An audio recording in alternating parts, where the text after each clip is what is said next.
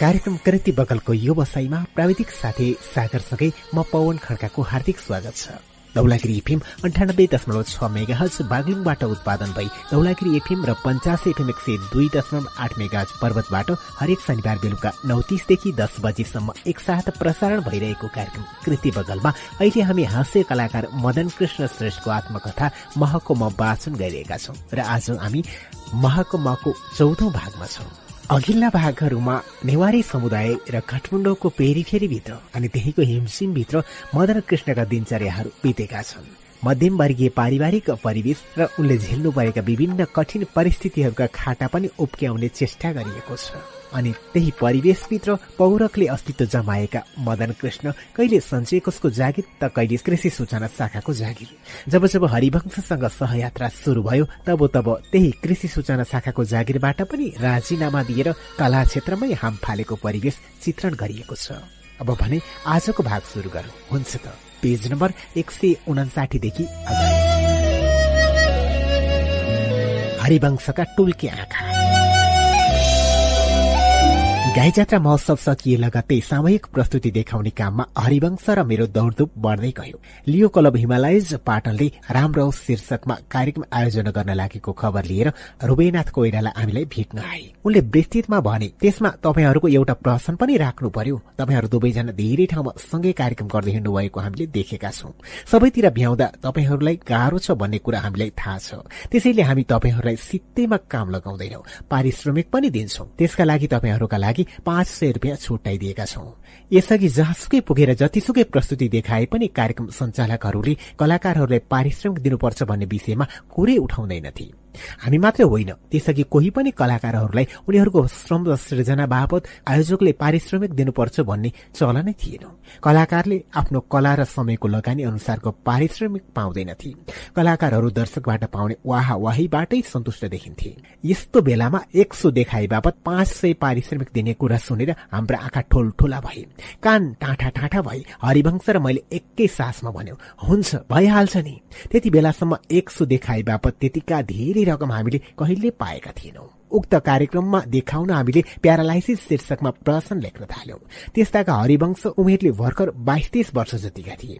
उनका दुईटै आँखा भित्र गढेका थिए। उनी दुब्ला पातला थिए र नाकको डाँडीमा टुस्क चस्मा लगाउँथे।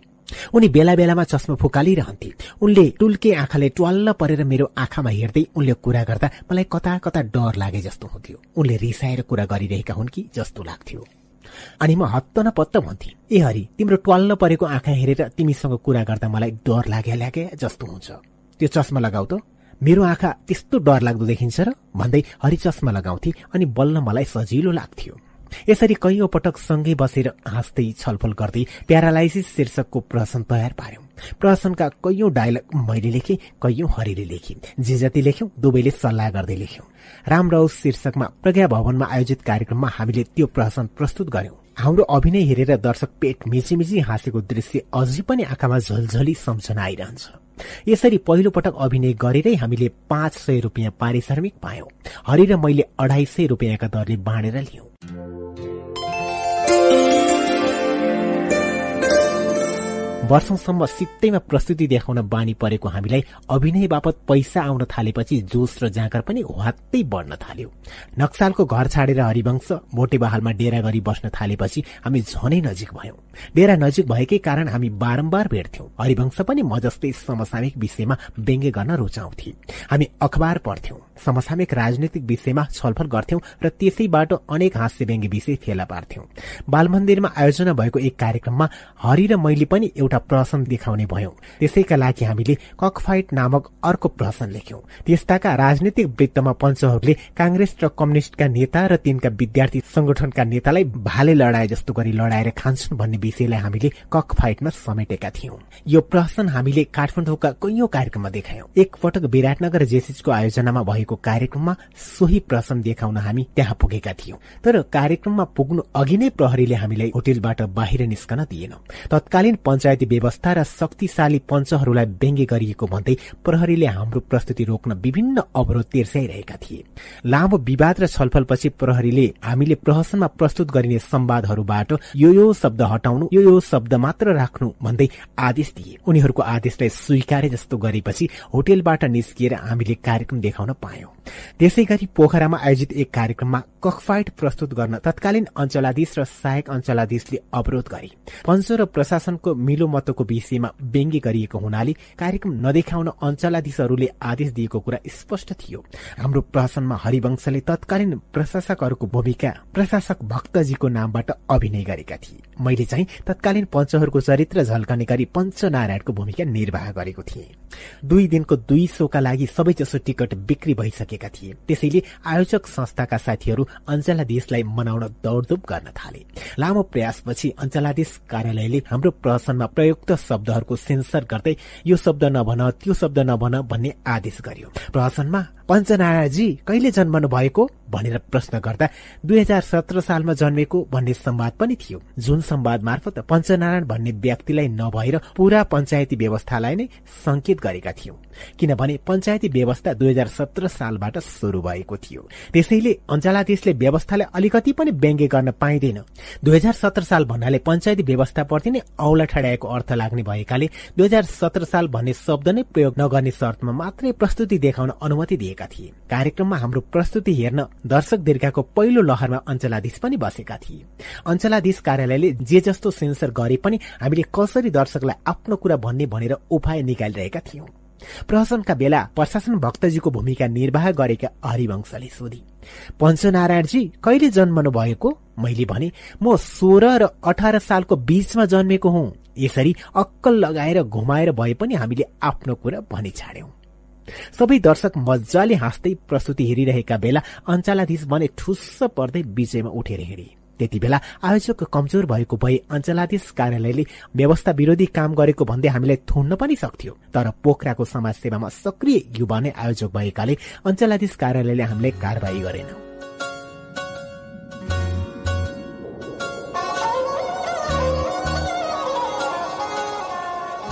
एक दिन मानभवन स्थित आदर्श विद्या मन्दिर एबीएम स्कूलको रजत जयन्ती समारोहमा सोही प्रश्न देखाउन अनुरोध आयो। रुबैनाथले जस्तै आयोजक प्रतिनिधिले भने तपाईँहरू सबैतिर कार्यक्रम देखाउन जानुहुन्छ। तपाईँहरूलाई गाह्रो छ। त्यसैले हामी तपाईँहरूलाई सित्तैमा कार्यक्रम गराएर दुःख दिन्नौ। तपाईँहरूलाई हामीले एक शोका लागि एक हजार रुपियाँ छुट्याएका छौँ। के गर्ने? हरिवंश र मैले तुरुन्तै हुन्छ भनिदियौं। सुरुमा अढाई अढाई सय बाँडेर लिएका हामीले एबिएममा प्रहसन देखाए बापत पाँच पाँच सय लिन सक्ने भयौं। यसरी अनेक कार्यक्रममा आफ्नो अभिनय क्षमता देखाएर नाम र दाम पनि आउने भएपछि हामी हास्य व्यङ्ग्य क्षेत्रमा झन्डै हौसिएर सक्रिय हुन थाल्यौं। पाँच हजार र अंशबण्डा यसो उसो गर्दा गर्दै फेरि अर्को वैशाख चौध गतेको नेपाल राष्ट्र ब्याङ्कको छब्बीसौं वार्षिक उत्सव पनि नजिकिँदै थियो। रोबी दाईले फेरि बोलाएर भने ल अब यसपालिको वार्षिक उत्सवमा पनि तिमीहरूको एउटा प्रहसन राख्ने बारे गभर्नर साहबसँग कुरा छ। एउटा राम्रो प्रहसन तयार पार है। हरिवंशले राष्ट्रिय नाचघर र प्रज्ञा प्रतिष्ठानको जागिर छाडेर नेपाल राष्ट्र बैङ्कमा जागिर शुरू गरिसकेको थियो। त्यसैले मैले रोबी दाईलाई हामी दुवैको बाध्यता सुनाएँ। हरिवंश हरेक दिन राष्ट्र ब्याङ्कसम्म आइरहनुपर्छ। म पनि दिनका दिन पुलचोक स्थित कृषि सूचना शाखासम्म धाइरहनुपर्छ। ऊ यता म त्यता। रुबी दाईलाई मैले अनुरोध गरेँ। हरि म सँगै बसेर कमिक लेख्ने समय मिलाउन पाए सजिलो हुन्थ्यो। रुबी दाईले तुरुन्तै भने उसो भए मैले के गर्नुपर्छ? भन न त। हामीले एउटा उपाय सोचिसकेका थियौं। रोबिदाईलाई उपाय सुनाउँदै भने कृषि सूचना शाखाबाट राष्ट्र ब्याङ्कमा दुई तीन महिनाका लागि मलाई काज बोलाउनुहोस् अनि राष्ट्र ब्याङ्कबाट हरि र मलाई कुनै जिल्लामा फिल्ड भिजिटमा पठाइदिनुहोस्। त्यसो गर्न पाए त्यही भिजिटका बेला हामी अफिसमा काम पनि गर्ने थियौं फुर्सदमा प्रहसन पनि लेख्ने थियौं। हाम्रो उपाय रुबिदाईलाई मन परेछ क्यारे। उनले भोलिपल्टै राष्ट्र ब्याङ्कका तर्फबाट कृषि सूचना शाखामा चिठी पठाइदिए। म राष्ट्र ब्याङ्कमा कागजमा खटिएर पुगे। राष्ट्र ब्याङ्कले हरि र मलाई सिराहाको गोलबजार उदयपुरको कटारी इलाम सदरमुकाम पाँच थरको रविसम्म पुगेर डकुमेन्ट्री देखाउने काम सुम्पियो। हामी दुई प्राविधिक सहकर्मी श्याम श्रेष्ठ र अर्दली पाठक बाजेलाई लिएर जिल्ला हिँड्यौं। बैंकिङ प्रवर्धन सम्बन्धी बनाइएका विभिन्न डकुमेन्ट्रीका अलावा राजा वीरेन्द्रको जिल्ला भ्रमण र संयुक्त राष्ट्र संघमा राजाले दिएको मन्तव्य जस्ता विषय समेटिएको डकुमेन्ट्री गाउँ गाउँमा पुगेर स्थानीय बासिन्दालाई भेला गरेर देखाउने हाम्रो काम थियो। त्यसका निम्ति हामीले प्रोजेक्टर पेट्रोलबाट चल्ने ठूलो र गहरौं जेनेरेटर जर्किनभरि पेट्रोल र ठूला ठूला आकारका रेल सहितको भारी बोकेर लगेका थियौं। भ्रमण अघि नै हरि र मैले काठमाडौँमै बसेर प्रशासनका केही अंश लेख्न शुरू गरिसकेका थियौं। सरकार र जनतालाई जुम्लेहा दाजुभाइको बिम्ब बनाएर अंश बण्डा गर्न शक्तिशाली दाईले सुख मात्रै परेको र कमजोर भाइले दुःख मात्रै पाएको विषय समेटेका थियौं। खासमा त्यो नाटक सत्ता सम्हालेका दलका नेताले कसरी जनतालाई गुमराहमा पार्छन् भनेर देखाउन खोजेका थियौं। हरि र म सँगै बसेर सल्लाह गर्यौं अनि दुवैको मत मिलेपछि पालै पालो प्रश्नको संवाद काफीमा लेख्थ्यौं। यसुदाले यो प्रश्न लेख्न तपाईँहरूले कति दिन लगाउनु हुँदो रहेछ हेरौँ है भनेर कापीको गाता बाहिर मिति पनि लेखिदिएकी थिइन्। काठमाडौँ छाडेपछिको हाम्रो पहिलो गन्तव्य थियो सिराहाको गोल बजार गोल बजार पुगेकै साँझ प्राविधिक साथी श्यामले प्रोजेक्टर चलाएर विभिन्न विषयका डकुमेन्ट्री देखाए। जो कोहीले टिभीको अनुहारसम्म नदेखेको समयमा प्रोजेक्टरमा डकुमेन्ट्री हेर्न पाउनु धेरैका निम्ति उत्साहको विषय थियो। भोलिपल्ट हामी मालवाहक ट्रकमा बसेर घण्टौं लामो यात्रापछि उदयपुरको कटारी बजार पुग्यौं। झण्डै तीन दिन हामी त्यही बस्यौं। हरेक साँझ प्राविधिक श्याम मान्छेहरू भेला गरेर डकुमेन्ट्री देखाउँथे। दिउँसो र बिहानको फुर्सदमा म र हरि भने कहिले कोठा त कहिले खोला छेउमा पुगेर प्रसनका संवादहरूको अनेक सल्लाह गर्थ्यौं। सोच्दै सल्लाह गर्दै हाँस्दै संवादहरू कापीमा लेख्दै जान्थ्यौं। कटारी छेउको एउटा खोलाको बगरमा बसेर प्रहसन लेखिरहेका बेला कुरा अड्कियो। एक अक्षर पनि लेख्नै सकिएन। दुवैजनाको जति दिमाग चलाउँदा पनि एक अक्षर फुर्न सकिरहेको थिएन। के गर्ने? के लेख्ने? छटपटी भइरहेको बेला मेरो आँखा बगरमा पल्टिरहेको एउटा ढुङ्गामा पर्यो। त्यही ढुङ्गालाई देखाउँदै मैले भने ए हरि हामीले अहिले दिमागमा कुरा नआएको कारण त्यो ढुङ्गा हो बुझ्यौ? त्यो ढुङ्गालाई दुवैजना मिलेर अलिकति पल्टाइदिउँ अनि कुरा फ्याट्न आउँछ कि? दिमागमा आउनु पर्ने कुरा सबै यही ढुङ्गाले थिचिरहेको हुनुपर्छ। आऊ पल्टाउ।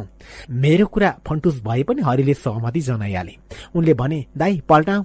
यति ढुङ्गा पल्टाएर कुरा आउँछ भने किन नपल्टाउनु? त्यसपछि हामी दुवै मिलेर खोला छेउको ढुङ्गा सकि नसकी पल्टाउन थाल्यौं। धेरै बेर लगाएर बल्ल बल्ल त्यो ढुङ्गा तिन चार पल्ट पल्टाएर अलि पर पुर्यायौं। त्यसपछि ल बसेर लेखौं। अब कुरा आउला कि? भन्दै दुवैजना नजिकैको अर्को ठूलो ढुङ्गामाथि बसेर सोच्न थाल्यौं। त्यति गर्दा पनि कुरा आउँदैन त। झन थकाइ पो लाग्यो। अनि त्यही भर्खर पल्टाएर पर पुर्याएको ढुङ्गालाई हेरेर हामी दुवैजना मरी मरी हाँस्यौं। त्यस्तो ढुङ्गा पल्टाएर पनि सृजनात्मक कुरा आउला त। त्यसरी आउने नै भएको भए त कथा कविता वा कुनै लेख लेख्न बस्दा कुरा आएन कि ढुङ्गा पल्टाउन गइन्थ्यो।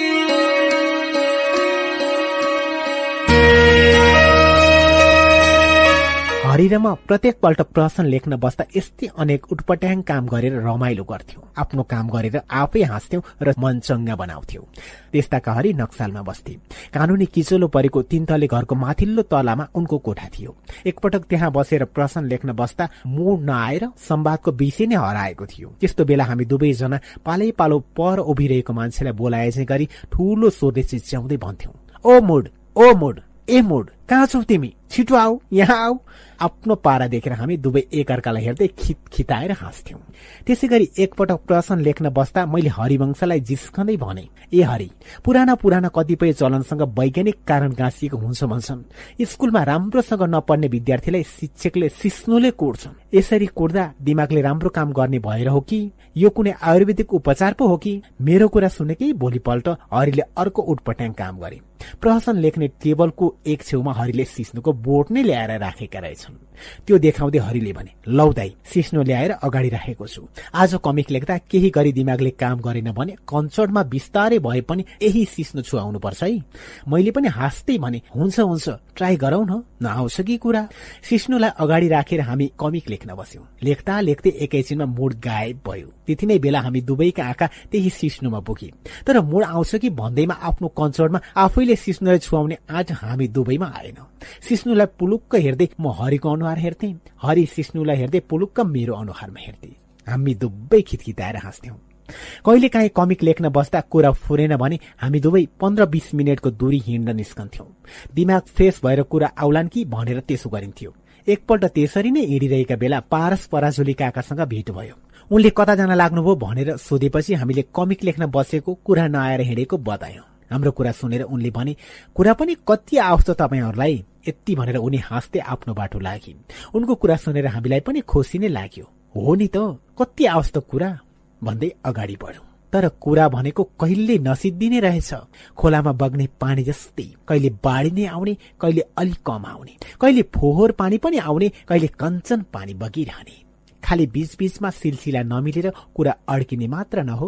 कहिलेकाहीँ जति सोच्दा पनि जस्तो सुकै उटपट्याङ गर्दा पनि कुरा आउँदैन थियो त्यस्तो बेला हामी लेख्न बन्द गर्थ्यौं तर भोलिपल्टै फेरि नयाँ कुरा जन्मिहाल्थ्यो आखिर व्यङ्ग्य गर्नुपर्ने कुरा समाजबाट कहिले सकिन्छ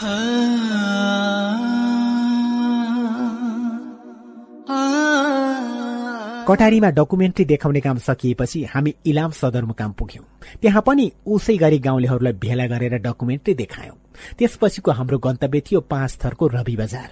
रवि पुग्नका निम्ति हिँड्नुको विकल्प थिएन। पहिलो रात हामीले बीच बाटोमै बास बस्यौं। बास बस्ने घरबेटीले हाम्रो साथमा भएका ठूला ठूला भारी देखेर सोधी के सामान बोकाएर ल्याउनु भएको? हाम्रो काम थाहा पाएर उनले आफ्नै आँगनमा डकुमेन्ट्री देखाइदिन हत्ते गरे पाँच सात जनालाई मात्रै डकुमेन्ट्री देखाउन मिल्दैन। कमसे कम एक डेढ सय मान्छे जम्मा पार्नुपर्छ। भनेपछि उनी मान्छे बटुल्न कसिए। उनको कुरा हामीलाई असम्भव लागिरहेको थियो। किनभने त्यहाँको बस्ती एकदमै पातलो थियो। एउटा घरबाट अर्को घर पुग्नै पन्ध्र बिस मिनटदेखि आधा एक घण्टासम्म हिँड्नु पर्थ्यो। न गाउँमा कुनै फोनको व्यवस्था थियो न आकाशवाणी नै। पुरै विकट गाउँ थियो। त्यसमाथि झमक्क साँझ परिसकेको थियो। तर अचम्मै भयो। ती घरबेटीले यसरी दौडधुप गरे कि एकाध घण्टामै उसले उसलाई उसले उसलाई खबर गर्न लगाएर आँगनभरि मान्छेको भीड़ जम्मा पारेरै छोडे। तिनको मिहिनेत देखेर हामी डकुमेन्ट्री देखाउन बाध्य भयौं।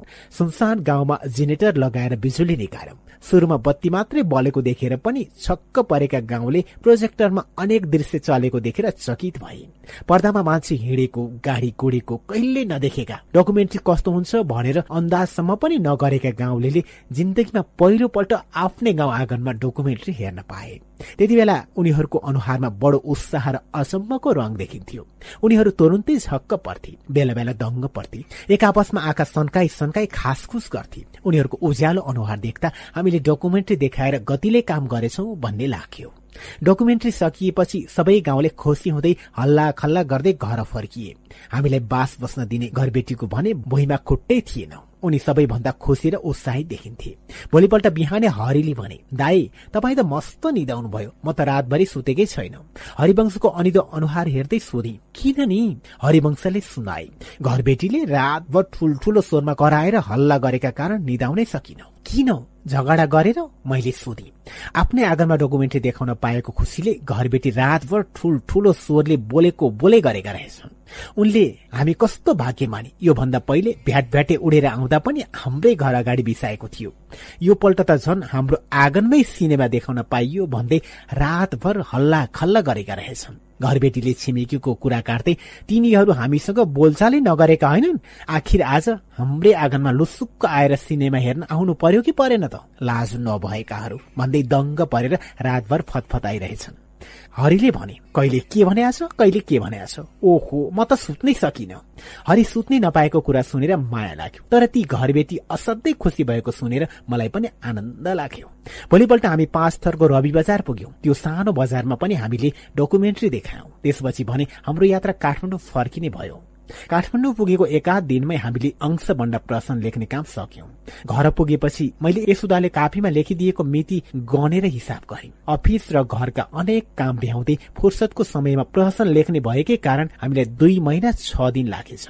भ्रमणमा नगई काठमाडौँमै बसेर ढुक्कले लेख्न पाएको भए हरि र मलाई त्यतिका समय लाग्दैनथ्यो प्रज्ञा प्रतिष्ठानमा भएको नेपाल राष्ट्र ब्याङ्कको वार्षिकोत्सवमा हामीले प्रश्न मञ्चन गर्यौं मैले वकिलको भूमिका निर्वाह गरेको थिएँ।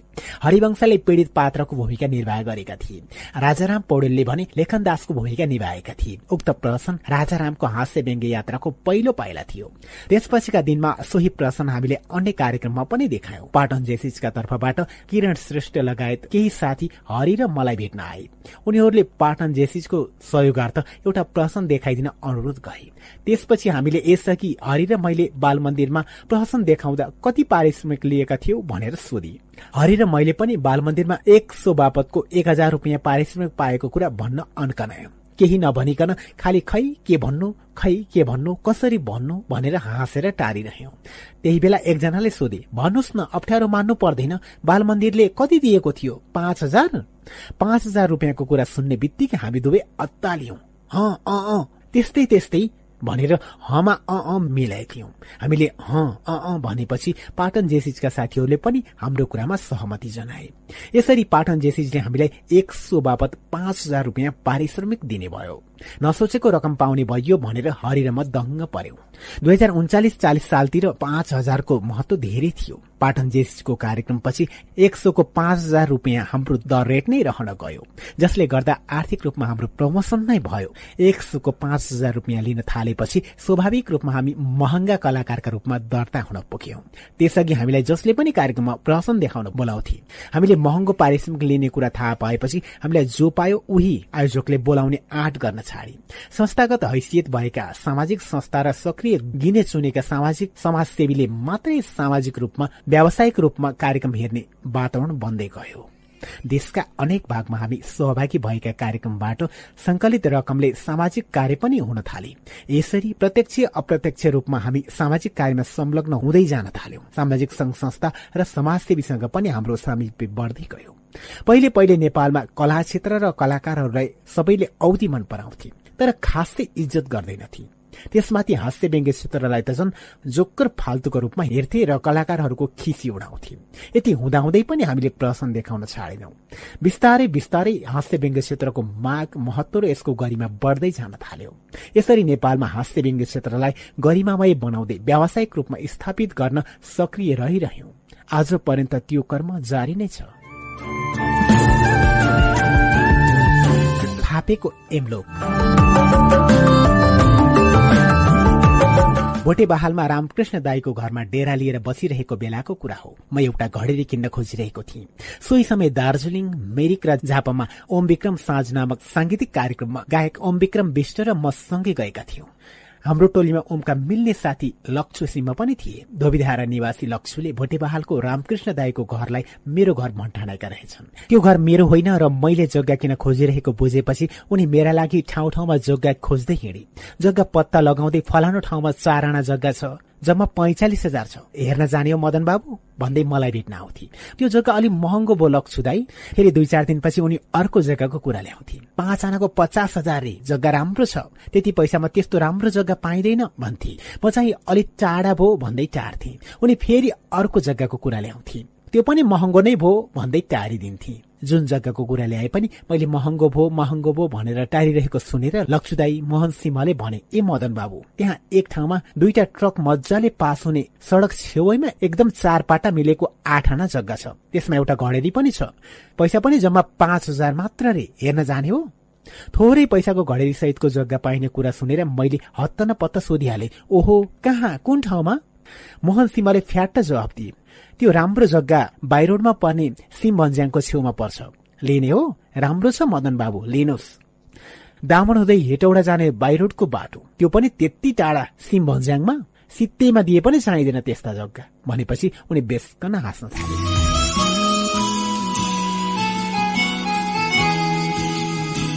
खोज्दै जाँदा पुतली सड़क छेउको धोबीधारामा तीस हजार रुपियाँ पर्ने चार आना जग्गा बेचियो। भएभरको पैसा निखनेर मैले त्यो जग्गा किनी छाडे। त्यसपछि मलाई घर बनाउने पैसाको खाँचो शुरू भयो। त्यही ताका हरिवंशले पनि बाणेश्वरमा एक टुक्रा घडेरी किनेका थिए। मलाई जस्तै उनलाई पनि घर बनाउन पैसाकै खाँचो थियो। हामी दुवै कसरी पैसा जुटाउने भन्ने सोचमा थियौं। एउटा नेपाल भाषाको गीत एल्बम र एउटा रेडियो नेपालबाट प्रसारण हुने रसरङ कार्यक्रमका विभिन्न श्रृंखलामा मैले दिएका हास्य प्रस्तुति समितिको मदन कृष्णको हास्य व्यङ्ग्य नामक एल्बम निकालिसकेको थिए। त्यसैले मलाई नयाँ एल्बम निकाल्न पाए केही पैसा कमाइन्थ्यो कि भन्ने लागिरहेको थियो। एक दिन हरिवंशलाई भने हामीले दिएका प्रश्नहरूको एल्बम निकालेर बेच्ने कि? नेताहरू जसको बोल्ने मुख मात्रै चल्छ काम गर्ने हात पटक्कै चल्दैन भन्ने विषय समेटेर हरिवंश र मैले प्यारालाइसिस नामक प्रश्न लेखेका थियौं। सोही प्रश्न देखाइरहँदा दर्शकको हाँसो सहितको आवाज रेकर्ड गरिराखेको एउटा क्यासेट म आफैसँग थियो। त्यसै गरी प्रज्ञा प्रतिष्ठानमा एमलोक नामक प्रश्न देखाउँदाको हाम्रो आवाज रेकर्डिस्ट यादवमणि खरेलले राम्रो क्वालिटीमा लाइभ रेकर्ड गरी राखिदिएका रहेछन्। त्यसको मास्टर टेप लिएर यादवले हामीलाई ठूलो गुण लगाएका थिए। हरि र मैले यी दुई प्रश्नलाई ए साइडमा ए साइडमा एम्लोक र बी साइडमा प्यारालाइसिस प्रश्न राखेर एउटा एल्बमको मास्टर टेप तयार पार्यौं। त्यसपछि रसरङ र गाई जात्रा कार्यक्रममा देखाएका गीत क्यारिकेचर र एकल प्रस्तुति राखेर हास्य व्यङ्ग्य मदन कृष्ण श्रेष्ठ शीर्षक दिएर अर्को मास्टर टेप पनि तयार थियो। यसअघि नेपाल भाषाको गीत समेत गरेर मेरा दुई एल्बम मास्टर टेप मसँगै सुरक्षित थियो। हरि र मैले दुईवटा पुराना र एउटा नयाँ गरेर तीनवटा एल्बम एकैसाथ बजारमा लैजाने सल्लाह गर्यौं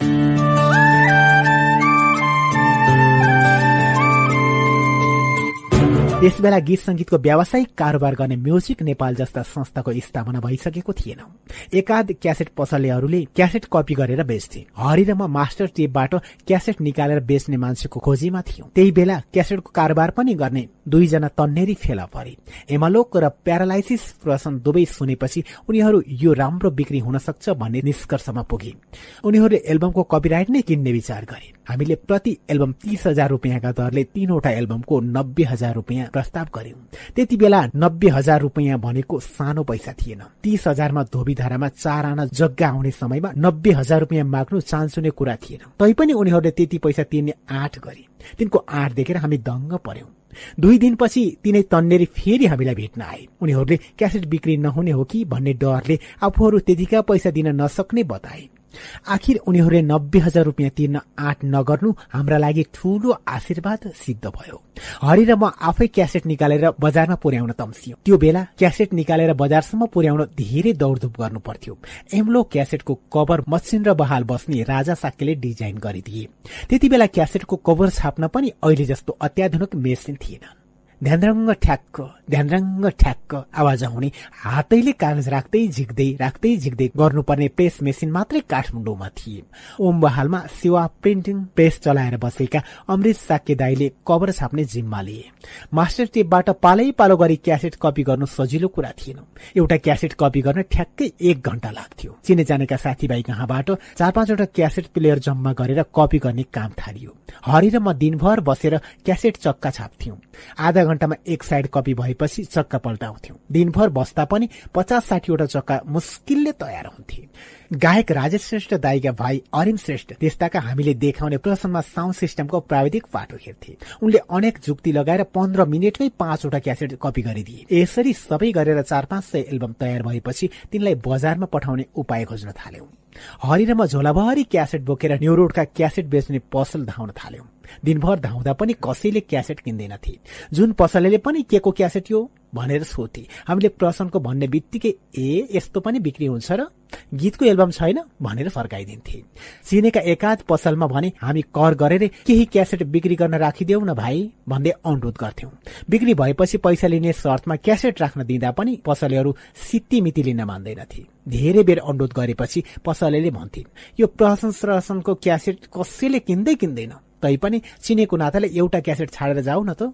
कैयौं दिन धाएर कुनै पसलमा तीन चार कुनै पसलमा नौ दसवटा गरेर क्यासेट छाड्दै गयो। हामीले पसलमा बेच्न छाडेका क्यासेट पसलेहरूले आफैले पनि सुनेछन्। त्यति बेलाको कडा पञ्चायती व्यवस्थालाई विरोध गरिएको क्यासेट सुन्दा बेसकन हाँसो उठे पनि त्यो सुनेकै कारण पुलिसले कठालो समातेर लैजान्छ कि भन्ने डर धेरैलाई थियो। यति हुँदा हुँदै पनि क्यासेट धमाधम बिक्री हुन थाल्यो। क्यासेट किन्नेहरू डराई डराई हाम्रो आवाज सुन्थे र पेट मिची मिची हाँस्थे।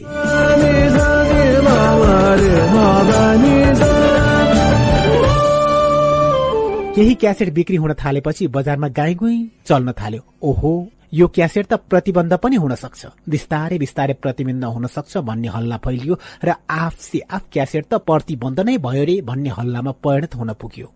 त्यसपछि त के चाहियो? हामीलाई पसल पसलमा क्यासेट पुर्याउन भ्याइ नभ्याइ भयो। नयाँ क्यासेट रेकर्ड गर्न खाली क्यासेट किन्नु पर्थ्यो। त्यति नै बेला बजारमा खाली क्यासेटको अभाव भइरहेको थियो। रञ्जना सिनेमा हल अगाडिको ऐना तथा क्यासेट पसलका साहु सुनिल स्थापितले एक दिन सुनाए कमलेश अग्रवाल भन्ने मान्छेले क्यासेट कपी गर्ने ओटारी कम्पनीको मेसिन किनेर ल्याएका छन्। बुझ्दै जाँदा कमलेश नक्साल नजिकै ज्ञानेश्वरको गल्लीमा बस्छन् भन्ने थाहा भयो। अनेक सोधी खोजीपछि ठेगाना पत्ता लगाएर हरि र म कमलेशको डेरामै पुग्यौं। कलबेल बजायौं कमलेशले ढोका खोलेर सोधे कसलाई भेट्न आउनु भएको हामीले कमलेश अग्रवाललाई भेट्न आएको बतायौं। उनले भने कमलेश त मै हुँ। के कामले आउनु भएको हामीले उनीसँग क्यासेट कपी गर्ने मेसिन छ अरे भन्ने सुनेको बतायौं। र भन्यौं हामीले पनि क्यासेट निकालिरहेका छौं। त्यसैले एकपल्ट कुरा गर्न आएको। हाम्रो कुरा सुनेर कमलेश अलि डराएर भने होइन त्यस्तो क्यासेट प्रिन्ट गर्ने मेसिन उसिन त छैन मसँग। कसले भन्यो तपाईँहरूलाई? रञ्जना हलगाडीको रञ्जना क्यासेटका साउ सुनिल स्थापितले हामीलाई बताएको भनेपछि उनले सजिलो महसुस गरे। ए त्यस्तो मेसिन त मसँग छैन। तैपनि भित्र आउनुहोस् भनेर उनले हामीलाई कोठाभित्र लगे। हाम्रो परिचय ठेगाना र कामको पूरा विवरण सोधेपछि मात्र उनले बिस्तारै अर्को कोठाभित्र लगे। त्यहाँ क्यासेट कपी गर्ने दुईवटा मेसिन रहेछ। खाली क्यासेटका चाङ पनि कोठाभरि थिए। हामीले कमलेशसँग क्यासेट कपी गर्ने विषयमा कुरा मिलायौं। त्यसपछि हरि र मैले नयाँ मेसिनमा राखी क्यासेट राख्दै क्यासेट राख्दै ए साइड पाक्यो। अब बी साइड पकाऊ भन्दै मालपुवा पल्टाए चाहिँ क्यासेट पल्टाउँदै तिनै थरी एल्बम कपी गर्यौं। यसरी सयौं एल्बम कपी गरेर बजार पुर्यायौं बिक्री बढ्दै गए त्यसपछि हामी पैसा उठाउन जान्थ्यौं। बजारमा क्यासेटको माग बढेको बढे थियो तर पसलबाट पैसा असुल्न भने बहुतै गाह्रो थियो। पैसा उठाउन जाँदा पसलेहरूले कसैले आइतबार आउनुहोस् भन्थे कसैले बिहिबार। तर उनीहरूले भनेकै दिन जाँदा पनि खाली हात फर्काउँथे। पैसा नउठे पनि बजारमा क्यासेट बिक्री भइरहेको थियो। गीत संगीत मात्रै सुनिरहेका श्रोताहरूका निम्ति विधि र व्यवस्थाप्रति तीखो व्यङ्ग्य गरिएका र हास्य रसले भरिएका त्यस्ता सामग्री नयाँ स्वादका थिए। त्यति बेला एमब्लोक मात्रै कम्तीमा पनि डेढ लाख प्रति बिक्री भयो। सबै खर्च कटाएर प्रति क्यासेट हामीलाई नौ रुपियाँ जति नाफा हुन्थ्यो। एमलोकबाट मात्रै झण्डै तेह्र चौध लाख रुपियाँ आमदानी भयो। हरि र म दुवैले यति धेरै पैसा कमाइएला भनेर सोचेका पनि थिएनौं। एउटै मास्टर टेपबाट हजारौं क्यासेट भटाभट कपी गर्दै बेच्दै गयौं। तर त्यसरी मास्टर टेपबाट हजारौं कपी गर्दा मास्टर टेप बेचकन खिएर कामै नलाग्ने हुन्छ भन्ने यादै थिएन। यसरी कामै नलाग्ने गरी मास्टर टेप खिएको भए तीनवटै क्यासेट कपी गर्ने काम विषयमा रोकिन्थ्यो र हामी आमदानीबाट वञ्चित हुनु पर्थ्यो त्यस्ताका सन्तोष शर्मा लगायतका साथीहरूले भर्खरै म्युजिक नेपाल नामक कम्पनी स्थापना गरेको हामीले थाहा पायौं। बजारबाट क्यासेटको माग भएपछि कहिले कहाँ गएर कहिले कसलाई भेटेर क्यासेट कपी गर्दा गर्दा हरिवंश र मेरो दौडधुप बढेको थियो। म्युजिक नेपालले हाम्रा तीनवटा क्यासेट कपी गरेर बिक्री वितरण गर्ने जिम्मा लियो। म्युजिक नेपालमा आबद्ध साउन्ड इन्जिनियर प्रदीप उपाध्यायले सबै मास्टर टेपबाट सब मास्टर टेप बनाइदिए। त्यसपछि मात्रै मास्टर टेप खिएला भन्ने हाम्रो डर हरायो।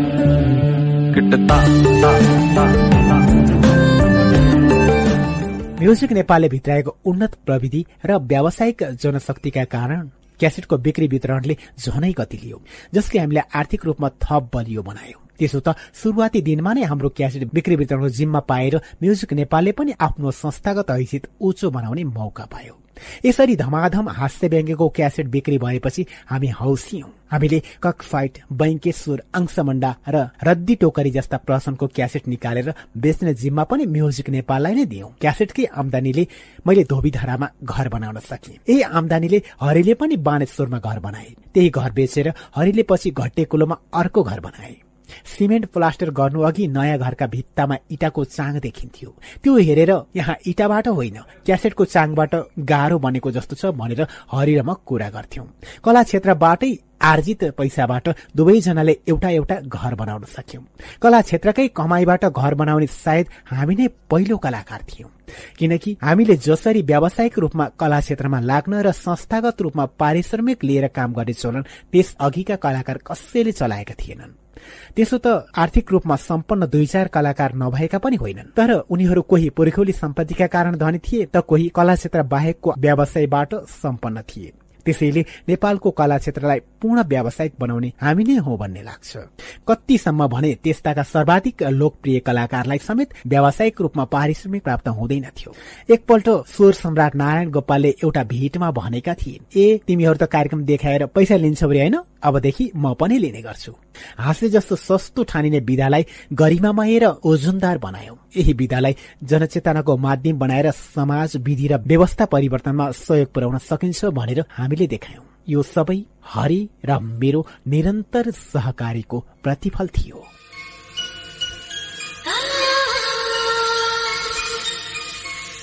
हजुर हामी कार्यक्रम कृति बगलको आजको भागको यानि कि चौधौं भागको अन्त्यमा छौं। आजको भागमा हामीले हरिवंश र मदन कृष्णको सहयात्राको सुरु र हरिवंशका टुल्के आँखा अनि कला क्षेत्रमा प्रवेश सँगसँगै लिने गरेको पारिश्रमिकको चर्चा पाँच हजार र अंशभन्डा अनि हरिवंश र मदन कृष्णले यानि कि महले देखाउने गरेको नाटकहरूमध्ये एमलोक नाटकको पनि चर्चा गरिएको छ। आजलाई भने कार्यक्रमबाट विधा माग्नुपर्ने बेला भइसकेको छ। धौलागिरी एफएम अन्ठानब्बे दशमलव छ मेगाहज बागलुङबाट उत्पादन भई धौलागिरी एफएम र पञ्चास एफएम एक सय दुई दशमलव आठ मेगाहज पर्वतबाट हरेक शनिबार बेलुका नौ तिसदेखि दस बजेसम्म एकसाथ प्रसारण भइरहेको कार्यक्रम कृति बगल तपाईँलाई कस्तो लाग्दैछ? प्रतिक्रिया दिन नछुट्नुहोला। यो कार्यक्रम युट्युब च्यानलमा समेत सर्च गरेर हेर्न सक्नुहुन्छ। कार्यक्रम कृति बकालको यो बसाईमा प्राविधिक साथी सागरसँगै म पवन खड्काको हार्दिक स्वागत छ। धौलागिरी एफएम अन्ठानब्बे दशमलव छ मेगा हज बागलुङबाट उत्पादन भई धौलागिरी एफएम र पञ्चासी एफएम एक सय दुई दशमलव आठ मेगा हज पर्वतबाट हरेक शनिबार बेलुका नौ तिसदेखि दस बजेसम्म एकसाथ प्रसारण भइरहेको कार्यक्रम कृति बगलमा अहिले हामी हास्य कलाकार मदन कृष्ण श्रेष्ठको आत्मकथा महकुमा वाचन गरिरहेका छौं र आज हामी महकुमाको पन्ध्रौं भागमा छौं। यसभन्दा अघिल्ला भागहरूको बारेमा धेरै जानकारी गराइरहनु नपर्ला किनकि तपाईँ सबैलाई अवगत भइसकेको छ। हरिवंशसँग सहयात्रा गरिसकेका छन् मदन कृष्णले नाटकीय क्षेत्रमा। मदन कृष्ण र हरिवंशको नाम जोडेर महजोडी बनाएर यात्रामा होमिएका छन्। हुन्छ त सुरु गरौँ आजको भाग। पेज नम्बर एक सय तिहत्तरदेखि अगाडि।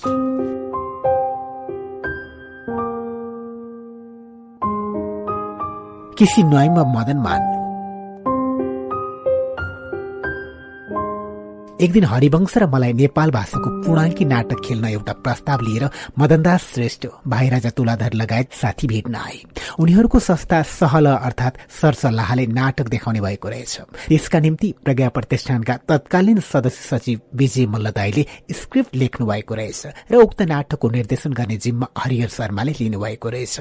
नाटकको कथावस्तु भने वरिष्ठ लोकप्रिय गायक फतेमान राज भण्डारीले बगेको एउटा घटनामा आधारित रहेछ। फतेमान दाईले एकजना काट्टो खाने बाहुनसँग राजा महेन्द्रको निधन हुँदा दान गरेको हात्ती किनेर ल्याएका रहेछन्। हात्तीलाई खुवाउँदा खुवाउँदा हैरान भएपछि उनले घाटै लागेर त्यो हात्ती बेचिदिएछन्। यही घटनालाई आधार बनाएर विजय दाईले नाटक लेखेका रहेछन्। उनले नाटकको प्रमुख भूमिकामा मलाई नै खेलाउने सोच राखेर मुख्य पात्रको नाम नै मदनमान राखेका थिए। मुख्य पात्रकै नामबाट नाटकको नाम किसी नुवाइमा मदनमान अर्थात हात्ती किन्ने मदनमान भनेर राखेका रहेछन्। उनले हात्तीको माउतेको भूमिकामा भने हरिभङ अंशलाई खेलाउने सोचेका रहेछन्। आयोजकले दिएको स्क्रिप्ट सरसर्ती पढे। नाटक एकदमै रोचक र रमाइलो लाग्यो। आयोजक साथीहरूको सबै कुरा सुनेपछि मलाई प्रस्ताव स्वीकार्य लाग्यो। समस्या एउटै थियो हरिवंश नाटक खेल्न तयार होलान् कि नहोलान्? किनभने नाटकको विषय जतिसुकै राम्रो भए पनि कथा नेपाल भाषामा लेखिएको थियो र नेपाल भाषामै नाटक देखाउनु पर्ने थियो। पूर्णाङ्की नाटक भएका कारण यो एकाङ्की नाटकभन्दा लामो हुन्थ्यो। पात्रले चार पाँच मिनट मात्रै बोले हुने भएको भए नि कण्ठ गरेर लठ्याक लुडुक काम चलाउनुहुन्थ्यो। तर नाटक थियो दुई अढाई घण्टा लामो। मुख्य भूमिका निर्वाह गर्नुपर्ने हरिवंशले नेपालीमा खर र अनेक संवाद बोलेको बोलै बोलेको बोलै गरिरहनु पर्थ्यो जुन हरिवंशलाई सजिलो थिएन त्यसैले सहलहका साथी पनि हरिवंशले सक्दिन भन्ने हुन् कि भनेर अन्कनाइरहेका थिए। नक्साल स्थित आफ्नो टोलमा केही नेवार साथीको संगतले हरिवंशले फाटफुट्ट नेपाल भाषा जानेका थिए। म मक्खु जानै धुनो मनाइनी छङ्गु नाछु जस्ता केही नेपाल भाषाका शब्द मात्रै उनलाई बोल्न आउँथ्यो। त्यत्तिकै भरमा कोसिस गरी हेरौँ न त हरिवंश जस्तो सुकै च्यालेन्ज पनि स्वीकार गर्ने खालका मान्छे त हुन् नि भनेर मैले त्यो प्रस्ताव उनलाई सुनाए। कुरा सुन्ने बित्तिकै हरिवंश एकदमै हस्किए। हुन्न हुन्न दाई कहाँ सकिन्छ र गाह्रो हुन्छ? नगरौँ नगरौँ नै भन्न थाले। मैले उनलाई सम्झाउँदै भने कोसिस गरी हेरौँ न। नसके नगरौँला। अलिअलि त नेपाली बोल्न सकिहाल्छौ क्यारे। तिमीले नेवारीमा नाटक खेल्यौ भने नेवार समुदायले तिमीलाई हेर्ने नजर नै फरक हुन्छ। कतिपय कलाकार अर्काको भाषालाई गिज्याएर होस्याएर कार्यक्रम देखाउँछन्। आफ्नो भाषा आफ्नो समुदाय आफ्नो शरीर आफ्नो धर्म र आफ्नो देशलाई गिज्याएको होस्याएको कसैले पनि मन पराउँदैन। त्यसैले तिमीले यो नेवारी नाटक खेल्यौ भने नेवार समुदायको मन जित्न सफल हुन्छौ। उनीहरूले तिमीलाई हेर्ने नजर र गर्ने व्यवहार नै फरक हुन्छ। मेरा सबै कुरा सुनेपछि हरिवंशले अन्कनाउँदै भने हुन त हुँदै तर त्यति लामो नाटक त्यही माथि नेपाल भाषामा। गाह्रो हुन्छ कि? हरिवंश भाषाकै कारण नाटक खेल्न आँट गरिरहेका थिएनन्। पछि मैले हरिवंशले बोल्नुपर्ने सबै संवादलाई नेपाली भाषामा उल्था गरे। त्यो पढेपछि हरिवंशले सबै संवाद बुझिहाले। अनि हरिवंशले मात्रै बोल्ने त्यही संवादलाई फेरि नेपाल भाषामा अनुवाद गरे। नेपाली भाषाबाट नेपाल भाषामा अनुवाद गर्दा प्रत्येक वाक्यमा हरिवंशलाई सोध्दै उनलाई बोल्न सजिलो पर्ने गरी उनले जे जे भन्छन् त्यसैलाई मिलाएर संवाद तयार पार्दै गए। जस्तै हात्तीले आज केही पनि खाएको छैन भन्ने वाक्यलाई नेपाल भाषामा कसरी भन्छौ त भनेर सोद्धा हरिवंशले किसी छु मन नि भन्छन् कि किसी यातन छु मनाइनी भन्छन् कि किसी मनैयानी भन्छन् कि उनलाई जे बोल्दा सजिलो हुन्छ उसै गरी अनुवाद गरे। मैले बुझेको थिएँ बोल्दा व्याकरण बिग्रिएर केही फरक पर्दैन। भन्न खोजेको कुराको भाव बुझे पुगिहाल्छ। हरिवंश नाटकमा खेल्न आँट गरेपछि रिहर्सलको काम सुरु भयो। हप्तौं रिहर्सल गरेर कण्ठ पारेका नेपाल भाषाका संवादहरू नाटक देखाउने एक दिन अघि हरिवंशले सबै भुसुक्क बिर्सिँदै एउटा लाइन पनि सम्झिन मैले त। अब के गर्ने होला भन्न थाले। हरिवंशको कुरा सुनेर मलाई पिर पनि पर्यो। मुख्य पात्रले नै संवाद सम्झिन नसकेपछि नाटक देखाउनुको अर्थ हुँदैन थियो। हामीले दिनदिनै नबोलेको भाषामा लेखिएको संवाद कण्ठ पार्नु त्यति सजिलो काम पनि थिएन। मेरै करले हरिवंशले आँट गरेका थिए। पछि फेरि रिहर्सल गर्दा हरिवंशले बिस्तारै घोगेका संवाद सम्झिँदै जान थाले। यसरी अन्तत हामीले नाटक देखाएरै छाड्यौं। कृषि नुहाइमा मदनमा नाटक प्रस्तुत गर्दा पञ्चायती शासन नै थियो। नेपाल भाषाको नाटक भएकै कारण रेडियो नेपालबाट प्रचार गर्न सम्भव थिएन। नेपाल भाषाको नाटक भएकै कारण प्रचार गर्न कपडामा बनाएका ठूला ठूला तोल टाङ्न प्रहरीले दिँदैनथ्यो। आयोजकहरूले असन र न्यू रोडमा टाँगेका केही तोल पनि प्रहरीले उठाएर लगेका थिए। प्रहरीहरू तोल टाङ्न सिडिओ कार्यालयबाट स्वीकृति लिनुपर्छ भन्थे तर सिडिओ अफिसले यस्तो विषयमा स्वीकृति दिने कुरै आउँदैनथ्यो।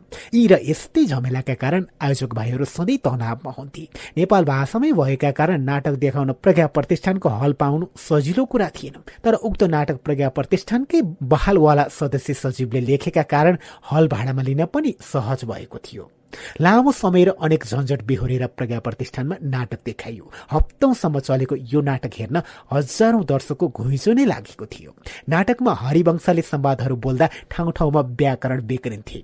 व्याकरण बिग्रेको संवाद सुन्दा पनि नेवार दर्शकहरू कुरा बुझेर मारी मारी हाँस्थे। हरिवंशले बोल्न नजानी नजानी कनी कुथी गरेर नेपाल भाषामा बोल्दा जति बिग्रिए पनि दर्शकले छोट दिन्थे। खसवासीले नेपाल भाषा बोल्ने प्रयास गरेकोमा नेवार दर्शक अत्यन्त खुसी भए। हरिवंश वंशले नेपाल भाषामा नाटक खेलेकै कारण पनि कतिपय नेपाल भाषा नबुझ्ने गैर नेवारी दर्शक पनि अनुवादक लिएर समेत नाटक हेर्न आएका थिए। त्यसरी अनुवादक लिएर आएका एकजना दर्शक नाटक सकिएपछि दिक्क मान्दै भन्दै थिए। एकदम हँसाउँछरी भनेको सुनेर एकजना नेवार साथीलाई इन्टरप्रेटर बनाएर दुईजनाको टिकट काटेर नाटक हेर्न आएको। मेरो त पैसै खेर गयो। उनको पैसा खेर जानुको कारण हाँसो उठ्दो थियो। किन भन्नु? अब तपाईँहरूले बोल्दा अरू दर्शकसँगै इन्टरप्रेटर साथी पनि हार हाँस्छ। मैले साथी हाँसेको कारण के भनेको भनेर सोध्छु। खालि आफू मात्रै हाँसेको हाँसै गर्छ। केही उल्टै गर्दैन। एउटा कुरामा हाँस्न भ्याइसकेको हुँदैन। अर्को कुरामा हाँस्न सुरु गरिसकेको हुन्छ। नाटकभरि हाँस्या छ हाँस्या छ। किन हाँस्यो? के कुराले हाँस्यो पत्तै छैन? तैपनि अरू हाँसेको देखेर म पनि हाँसे। यति भनेर ती दर्शक हाँस्दै बाटो लागे। नेपाल भाषामा देखाइएका यसअघिका नाटक मध्ये नेपाल भाषामा गीती नाटकलाई छाडेर सर्वाधिक चलेको नाटक यही थियो। पछि विजय मल्ल दाईले लेख्नु भएको र हरिहर शर्माले निर्देशन गर्नुभएको नेपाल भाषाको पूर्णाङ्की नाटक। किपालुम लिना चोमह मनु अर्थात् छायाले लखिटिएको मान्छे नाटकमा पनि हरिवंश र मैले अभिनय गर्यौं त्यो नाटक पनि उत्तिकै चलेको थियो। मैले आफ्नो कला यात्रामा थुप्रै प्रहसन थुप्रै टेलिचलचित्र केही सिनेमा र थुप्रै नाटकमा विभिन्न पात्रको अभिनय गरेको छु। तीमध्ये आफूलाई धित मर्ने गरी चित्त बुझ्ने गरी अभिनय गरेको नाटक किसी न्वाइममा मदनमा नै हो। यसमा मैले अभिनयको धेरै क्षमता देखाउन पाएको थिएँ। भीमसेन दास र कलावरदेव घायल। चालिसको दशकसम्म पनि काठमाडौँमा नाटक विधाले खासै गति लिइरहेको थिएन। राष्ट्रिय नाचगर र प्रज्ञा प्रतिष्ठानमा फाट्टफुट्ट नाटक देखाइन्थ्यो। त्यस्ता नाटकले व्यावसायिक उचाइ हासिल गरिसकेका थिएनन्। दुई हजार बत्तीस साल फागुनमा दार्जिलिङका साहित्यकार मनबहादुर मुखिया आफूले लेखेको पूर्णाङ्की नाटक अनि देउराली रुन्छ सहित कलाकारको हुल्ने लिएर काठमाडौँ आए। मुखिया आफैले निर्देशन गरेको यो नाटक प्रज्ञा प्रतिष्ठानमा धुमधामसँग चल्यो। कैयौं दर्शक त्यो नाटक दोहोऱ्याई तेहराई पनि हेरे। विषय स्टेज सजावट संगीत संयोजन र कलाकारको अभिनयका हिसाबले त्यो नाटक उत्कृष्ट र सशक्त थियो। त्यही भएर नाटक हेरेर फर्किँदा कैयौं दर्शकका आँखामा आँसुको डोप देखिन्थ्यो। यो नाटकपछि काठमाडौँमा पनि व्यावसायिक र व्यवस्थित नाटक देखाउने क्रमले गति लियो। यही मेसोमा हरिवंश र मलाई पनि एउटा पूर्णाङ्की नाटक लेखेर देखाउन मन लाग्यो। प्रहसन लेख्नुभन्दा पूर्णाङ्की नाटक लेख्नु गम्भीर र धेरै समय लाग्ने काम थियो।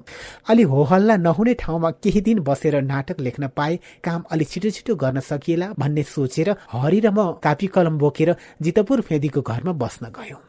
कहिले कोठामा बसेर कहिले खोलाको डिलमा बसेर दुईजना आलो पालो गर्दै हाँस्दै र गफ गर्दै नाटक लेख्यौं। उक्त नाटकको नाम विज्ञापन थियो। उक्त नाटकमा मैले भीमसेन दास नामक पात्रको अभिनय गरेको थिएँ। एक छोरीको बाबु भीमसेन दासले दुई वर्ष अघि श्रीमती गुमाएको हुन्छ। छोरा नभई स्वर्गको ढोका खुल्दैन भन्ने विश्वासमा भीमसेन दास अडेको हुन्छ। हरिवंशले भने कवि कलावर देव घायलको भूमिका निभाएका थिए। घायल आफ्नो महाकाव्य छाप्न पैसा जुटाउने उद्देश्यले भीमसेन दासको मन जित्ने प्रयत्नमा आउँछन् यिनै घायलले गोर्खापत्रमा भीमसेन दासलाई एउटी केटी चाहिएको छ भनेर विज्ञापन नै छपाइदिन्छन्। यो नाटक तत्कालीन नेपाली समाजको मनोविज्ञान छोरा प्राप्तिको चाहना र सम्पत्ति हत्याउन जे पनि गर्न पछि नपर्ने राजनीतिकै माथिको व्यङ्ग्य थियो। छोरीले पनि छोरा सरह जिम्मेवारी निर्वाह गर्न सक्छन् भन्ने नाटकको मूल सन्देश थियो। नाटक निर्देशन गर्ने जिम्मा हरिहर शर्मालाई दियो। त्यस बेला शर्माले विजय मल्लले लेखेका केही नाटकका अलावा प्रज्ञा प्रतिष्ठानमा देखाइने कैयौं नाटकका निर्देशन गरिसकेका थिए। नाटक देखाउन आयोजकको जरुरी पर्थ्यो। पञ्चायत कालमा सरकारले हामीलाई हेर्ने नजर ठिक थिएन। व्यवस्था र पद्धतिलाई व्यङ्ग्य गरेर प्रहसन देखाउने हुनाले सरकारले व्यवस्था विरोधीका रूपमा जहिले पनि शंकाका दृष्टिले मात्र हेरिरहेको हुन्थ्यो। हामीलाई वक्र दृष्टिले हेर्ने पञ्चहरू हाम्रो प्रहसन हेरेर बेसकन हाँस्थे तर शंका पनि त्यत्तिकै गर्थे। त्यसैले कार्यक्रम देखाउँदा पनि सरकारी बाधा नआओस् भनेर खेलकुद परिषद अन्तर्गतकै सितेरियो कराते डो नामक संस्थालाई आयोजक बनाउने निर्णय गर्यौं। सचिले मनज्ञ अर्थ संकलन हुने देखेर हाम्रो प्रस्ताव उनीहरूले सहजै स्वीकारे। त्यस लगत्तै काठमाडौँ लगायत उपत्यका बाहिरका सातवटा मुख्य मुख्य शहरमा विज्ञापन नाटक देखाइयो।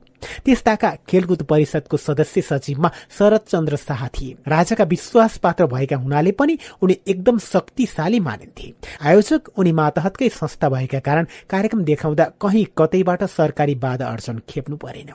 आयोजक संस्थाका साथी मनज्ञ अर्थ संकलन गरेर हामीसँग दङ्ग थिए। हामी भने हामीलाई नै देखि नसहने पञ्चायतसँग आबद्ध संस्था मार्फत नै कार्यक्रम आयोजना गराएर ढुक्कसँग आफ्नो कार्यक्रम गर्दैछौ भनेर मनमनै दङ्ग थियौं। यसरी सितेरियो कराते डोको आयोजनामा एकपटक नाटक देखाइसकेपछि त्यही नाटक दोहोऱ्याएर देखाउने बाटो खोल्यो। हरि र मैले यो नाटकलाई तराईका विभिन्न जिल्लामा पुनः देखाउने सोच बनायौं त्यसो त त्यसअघि पनि तराईमा पहाड़ी मोलका साथीभाइको आयोजनामा भएका दुई चार कार्यक्रम हामीले आफ्नो प्रस्तुति देखाइसकेका थियौं। तर हाम्रो इच्छा चाहिँ मधेसका स्थानीय दर्शकमाझ पहिचान बनाउने र उनीहरूको माया पाउनु थियो। त्यसैले पहाड़ी मूलका आयोजक भन्दा मधेसी मूलकै साथीहरू मार्फत कार्यक्रम आयोजना होस् भन्ने चाहना थियो। हाम्रो सोचाइ थियो कि मारवाडी तथा मधेसी मूलका अन्य साथीको आयोजनामा कार्यक्रम देखाउँदा उनीहरूका साथीभाइ परिवार र नातागोता कार्यक्रम हेर्न आउनेछन्। नाटकमा हाम्रो प्रस्तुति हेरेर उनीहरू पक्कै हाँसिहाल्छ हाँसेपछि त उनीहरूको मन जितिहालिन्छ मन जित्नु भनेको केही न केही माया पाउनु पनि हो। हरि र म मेचीदेखि महाकालीसम्म फैलिएका। तराईका जिल्ला घुम्न निस्कियौं। पहिलेदेखि नै चिनेका पहाड़ी मूलका आयोजक साथीहरूलाई थाहै नदिई। मारवाडी समुदाय र मधेसी समुदायका साथीसँग सम्पर्क बढाएर उनीहरूकै आयोजनामा नाटक देखाउने फरक फरक मिति तोक्यौं।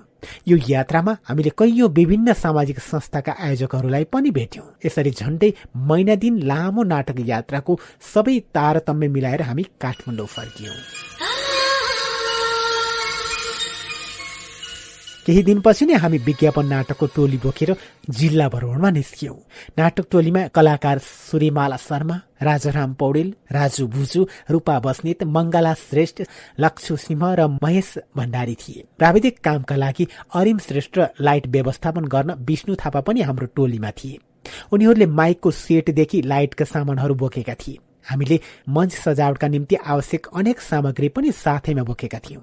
यसरी मेचीको दमकदेखि बिर्तामोड विराटनगर धरान धनकुटा सिराहा राजविराज जनकपुर हुँदै महाकाली अञ्चलको महेन्द्र नगरसम्म नाटक देखाउँदै हिँड्यौं।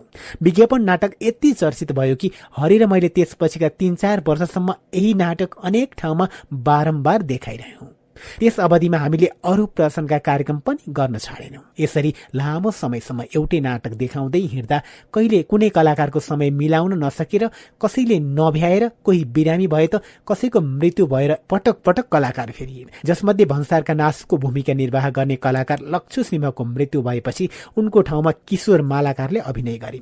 किशोरको पनि मृत्यु भएपछि पिबी राउतले उक्त अभिनय गरे। पिबीको मृत्युपछि सोही भूमिकामा रामशेखर नकर्मीले निभाए। धेरै पछि उनी पनि हामी माझ रहेनन्। त्यसो त यही भूमिका विभिन्न समयमा कहिले नरेन्द्र कमसाकार त कहिले किरण केसीले पनि अभिनय गरे।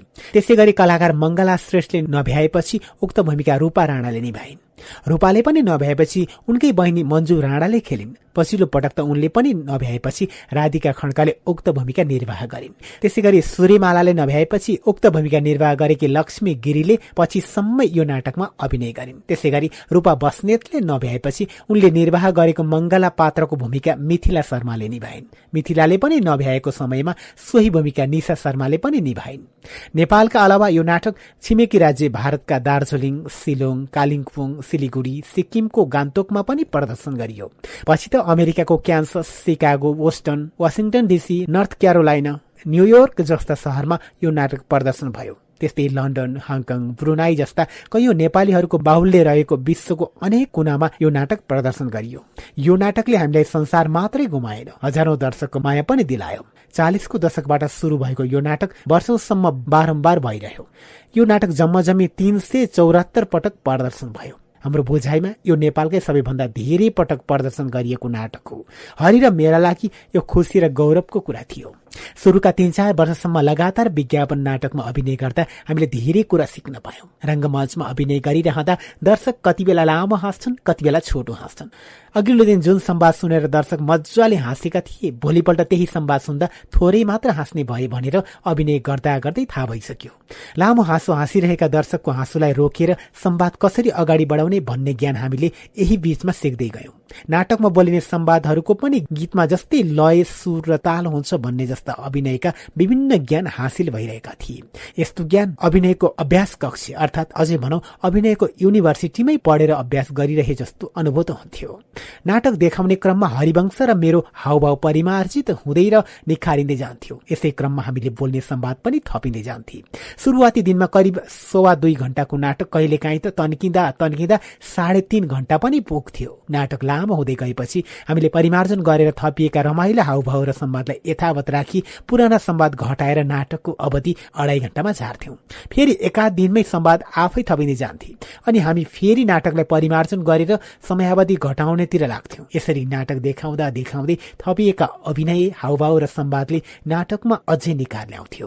यो नाटक बारम्बार देखाउँदै जाँदा कैयौं आयोजक संस्था फेरिए। तीमध्ये सबैभन्दा धेरै पटक त्रिपुरेश्वरको बोयज युनियन फुटबल क्लबको आयोजनामा प्रदर्शन भयो। त्यस्ताका राजधानीमा एनआरसिटी आरसिटी सङ्कटा फ्रेन्ड्स क्लब जस्ता नामी फुटबल क्लब चल्तीमा थिए। आयोजक संस्था बोइज युनियनका विज्ञान शर्मा पिबी राउत श्याम श्रेष्ठ अच्युत वैद्य लगायत क्लबका सदस्य साथी नाटक देखाउन अत्यन्तै खटिएका थिए। आयोजक साथीहरू र कलाकार सबै मिलेर कार्यक्रम धेरै दिनसम्म चलाउन विभिन्न रणनीति पनि अप्नाएका थियौं। राष्ट्रिय सभागृहमा नाटक हेर्न कतिपय दर्शक एक घण्टा अगावै आइपुग्थे। आयोजक भाइहरूले हलको मूल ढोकामा तोकिएको समयभन्दा अगाडि खोल्दैनथे बरु छिट्टी आएका दर्शकहरूलाई लाइनमा बस्न अनुरोध गर्थे। सधैँ जसो छिट्टी आएका कारण दर्शकको लामो लाइन सभागृहको प्रवेशद्वारदेखि सिँढी र मूल सड़कको गेट हुँदै पुलिस क्लबको गेटसम्मै तन्किन्थ्यो। झ्वाट्ट हेर्दा दर्शकको लाइन लामो रेल जस्तो देखिन्थ्यो। दर्शकको लामो लाइन देखेपछि अफिसबाट छुटेर घर हिँडिरहेका बटुवा अचम्म पर्दै ओहो नाटक हेर्न आउनेहरूको लाइन कति लामो? यो पक्कै रमाइलो हुनुपर्छ भन्दै आफू पनि कुनै दिन हेर्न आउने मन बनाएर बाटो लाग्थे। नाटक हेरेर फर्किएकाहरूले गर्ने मौखिक प्रसारका कारण पनि नयाँ नयाँ दर्शकको संख्या बढ्दै जान्थ्यो। लामो समयसम्म प्रत्येक दिन नाटक देखाउँदै जाँदा एउटा बिन्दुपछि दर्शकको संख्यामा केही कमी आउँथ्यो। त्यसपछि हामीले गोर्खापत्रमा आज र भोलि दुई दिन मात्र नाटक प्रदर्शन हुँदैछ भनेर विज्ञापन छपाउँथ्यौं। यस्तो विज्ञापन छापिए लगत्तै साँच्चीकै नाटक सकिने आँटेछ क्या र भन्ठानेर दर्शकको घुइँचो भर्थ्यो त्यसपछि हामीले दर्शकको अनुरोधमा भोलि एक दिन कार्यक्रम थपेका छौं भनेर सूचना सुनाउँथ्यौं। यस्तो जुक्ति बारम्बार चलिरह्यो। बेला बेलामा त हामीले टाढा टाढाबाट आउने दर्शकको अनुरोधमा भन्दै दिउँसै पनि नाटक देखाउँथ्यौँ। कहिले त फेरि नाटक हेरेर फर्किने टाढाका दर्शकका लागि बसको पनि व्यवस्था गरिएको छ भनेर विज्ञापन गर्थ्यौं। नाटक हेरेर फर्किने दर्शकलाई बनेपा कृतिपुर भक्तपुर पाटन थानकोटसम्म पुर्याउन बसको व्यवस्था पनि गरिदिएका थियौं। जसले गर्दा राति अबेरसम्म नाटक हेरेर फर्किन पनि दर्शकलाई समस्या हुँदैन थियो। आयोजक क्लबका सदस्य साथीहरू सिट खाली भए सिट र नभए दर्शकहरूको छेउछाउमा उभिएर जान्थे। उनीहरू नाटक चलिरहेका बेला संवाद र अभिनय हेरी त्यसै त्यसै जोडले ताली बजाइदिन्थे। उनीहरूले ताली बजाएपछि अरू दर्शकले पनि ताली बजाउँथे। त्यसपछि हलको माहौल नै फरक हुन्थ्यो। कतिपय गायक गायिकाले मञ्चमा गीत गाउँदा खै त ताली? ताली बजाउने होइन त? मलाई साथ दिने होइन त? भनेर दर्शकलाई अनुरोध गरेको देख्छु। तर हामी भने दर्शकलाई ताली माग्दैनथ्यौँ आयोजक क्लबका साथीभाइहरू कार्यक्रमको बीच बीचमा आफैले बजाएर ताली लगानी गरिदिन्थे। यसरी ताली लगानी गरेपछि दर्शकहरूले त्यसमा तुरुन्तै ब्याज सहित थपेर तालीको वर्षा गरिदिन्थे। वर्षसम्म एउटै नाटक देखाउँदै जाँदा अभिनयका कैयौं व्यावहारिक पक्ष मात्रै सिकिएन। दर्शकको मनोविज्ञान समेत राम्ररी बुझ्ने मौका पाइयो।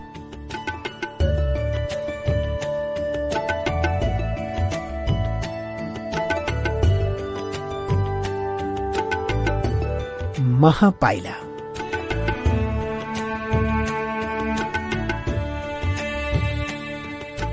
राष्ट्रिय सभागृहमा विज्ञापन नाटक अपार भेडका साथ चलिरहेको थियो। नाटक अघि सधैँ उद्घोषण गर्ने काम कलाकार राजाराम पौडेलको थियो। एक दिन यही क्रममा राजारामले कलाकारको नाम आयोजक संस्थाको नाम भनेर सकेपछि अन्त्यमा भने यस विज्ञापन नाटकका लेखक हुन् मह।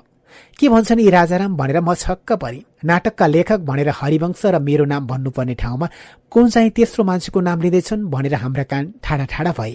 तर तुरुन्तै राजारामले स्पष्ट पार्दै भने हजुर यस नाटकका लेखक हुन् मह म भनेको मदन कृष्ण र ह भनेको हरिवंश। उनको ठट्यौली कुरा सुनेर दर्शक ए भन्दै मजाले हाँसे। प्रस्तुतिमा हाम्रो नयाँ न्वारण सुनेर हामीलाई पनि रमाइलो लाग्यो। भोलिपल्टको कार्यक्रममा पनि राजारामले उसै गरी भने यस नाटकका लेखक हुन् मह।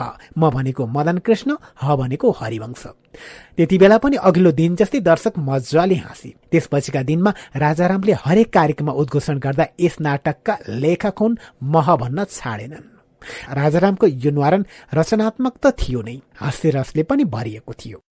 दर्शकहरू पनि मजाले ए भन्दै हाँस्थे। दुई चारजनाको नामको अघिल्लो एक एक अक्षर जोड्दा पञ्चामृत मध्येको एउटा पवित्र नाम मह बन्न गएकाले हामीलाई पनि विशेष स्वाद लागिरह्यो।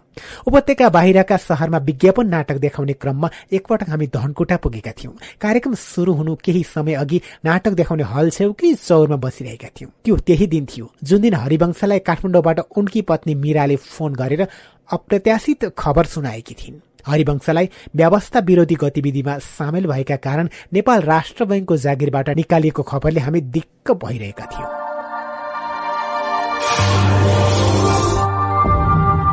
हरिवंशको जागिर गएको खबर सुनेर मलाई पनि मेरो कृषि सूचना शाखाको सरकारी जागिर छोडौं छोडौं लाग्यो। मनमा नै लाग्यो धनकुटाबाटै राजीनामा लेखेर पठाइदिन पाए पनि हुन्थ्यो। तर भने जस्तै फ्याट्ट जागिर छोड्न सोचे जस्तो सजिलो कुरा थिएन। कलाकारिताबाट हुने आमदानीको कुनै भर हुँदैन थियो। रङ्गमञ्चमा कार्यक्रम देखाउँदा कहिले दिनका दिनै आमदानी हुन्थ्यो भने कहिले महिनौसम्म एक सुको आमदानी हुँदैन थियो। जतिसुकै मन मरे पनि कृषि सूचना शाखाको जागिरबाट थोरै नै भए पनि नियमित रूपमा प्रत्येक महिना खुरुखुरु तलब आइरहन्थ्यो। यस्तो आमदानी घर चलाउन थोरै भए पनि भरोसा बनिरहेको थियो। जागिर छाडे भने खानै नपाएर मरिन्छ कि भन्ने सोचेर मन कमजोर भइरह्यो। एकैछिन त के गरौं कसो गरौं जस्तो भयो। एकपल्ट तलबको हिसाब किताब गर्न मन लाग्यो।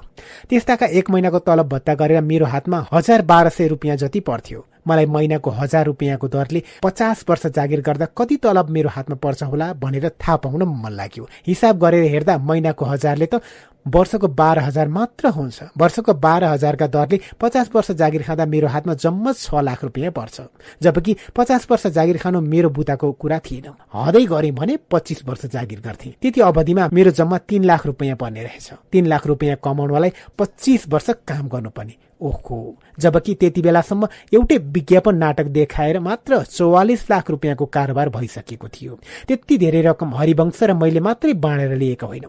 सब गरेर जम्मा जम्मै त्यतिका धेरै रकम उठेको थियो।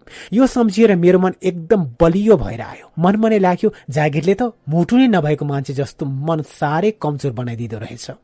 यसरी पनि जागिर खाइराख्नुहुन्छ भन्ने सोचे। अब काठमाडौँ पुग्ने बित्तिकै म राजीनामा दिन्छु भन्ने निर्णय गरे। छँदा खाँदाको जागिरबाट राजीनामा दिएपछि के काम गर्ने भन्ने प्रश्न मनमा उब्जियो। कसरी काम गर्ने कहाँ गएर काम गर्ने भन्ने पिर पर्यो। म कार्यरत अफिसले कृषि सम्बन्धी रेडियो कार्यक्रम बनाउने सेमिनारहरूको आयोजना गर्ने कृषि सम्बन्धी विज्ञापन बनाउने कृषि सम्बन्धी क्यालेन्डर कृषि diary poster pamphlet booklet leaflet निकाल्ने काम गर्थ्यो। यस्तै काम त आफैले अफिस खोलेर पनि गर्न सकिन्छ भन्ने मनमा लागिरह्यो। मैले यही कुरा हरिवंशलाई सुनाएँ।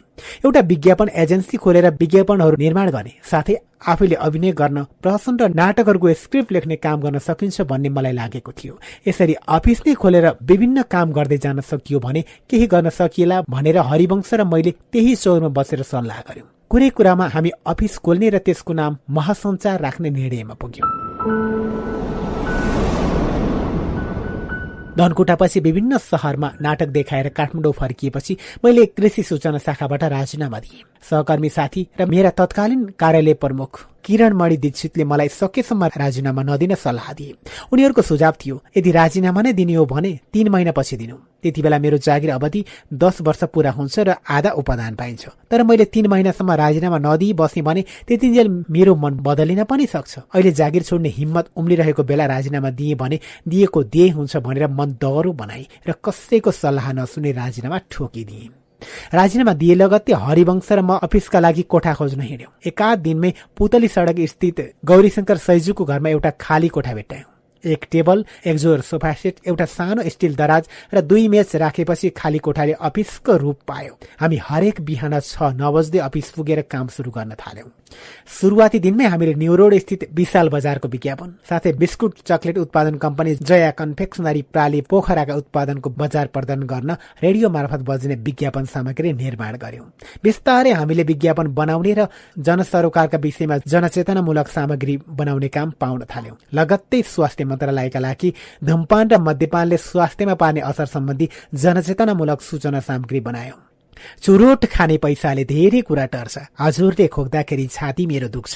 रक्सी खाने पैसाले भातै खान पुग्छ। रक्सी चुरोटको बानीले ज्यानै जान सक्छ। हरिवंश र मैले लेखेको यो गीती लयको प्रचार सामग्रीमा पवित्र सुब्बाले स्वर बारेकी थिइन्। उनको सुमधुर स्वर र हाम्रो शब्द त्यस्ताका रेडियो नेपालमा खुबै बस्थ्यो। विज्ञापनमा रचनाकार र संगीतकारको नाम आउने कुरै भएन। त्यसैले श्रोताहरूलाई यो प्रचार सामग्री हामीले बनाएको भन्ने थाहै थिएन। हामीले सिआरएस परियोजनाका लागि परिवार नियोजन सम्बन्धी टेलिभिजन विज्ञापन सामग्री बनाउने काम पनि थाल्यौं। यसरी हामीले रेडियो र टेलिभिजनमा बज्ने कैयौं विज्ञापन र जनचेतनामूलक सामग्रीको उत्पादन गर्ने कामलाई अगाडि बढायौं। हामीसँगै आफ्नै स्टुडियो थिएन। त्यसैले कहिले म्युजिक नेपाल त कहिले रेडियो नेपालको स्टुडियोमा पुगेर रेकर्ड गर्थ्यौं। दृश्य सामग्री सम्बन्धी काम भने गौरीशंकर दोजु पुरन जोशीहरू मिलेर न्यू रोडमा खोलेको ए वान सेन्टर नामक स्टुडियोमा गर्थ्यौं। बिहान अफिस पुगेर एकछिन केही कुरा नगरुन्जेल घरधनी गौरीशंकर दाईले तपाईँहरूले मेरो घरमा अफिस खोल्नु भएर मलाई असाध्यै खुसी लागेको छ। भन्दै कहिले अण्डा चिया त कहिले जेरी सुवारी र कहिले जेरी सुवारी र चिया। लखानुस मदन भाइ हरिभाइ भन्दै ल्याउँथे। घरबेटी यस्तो रसिक व्यक्ति परे कि हामीले तिरेको घर भाडाको आधा जति पैसा त हामीलाई नै खुवाएर सिद्ध्याउँथे।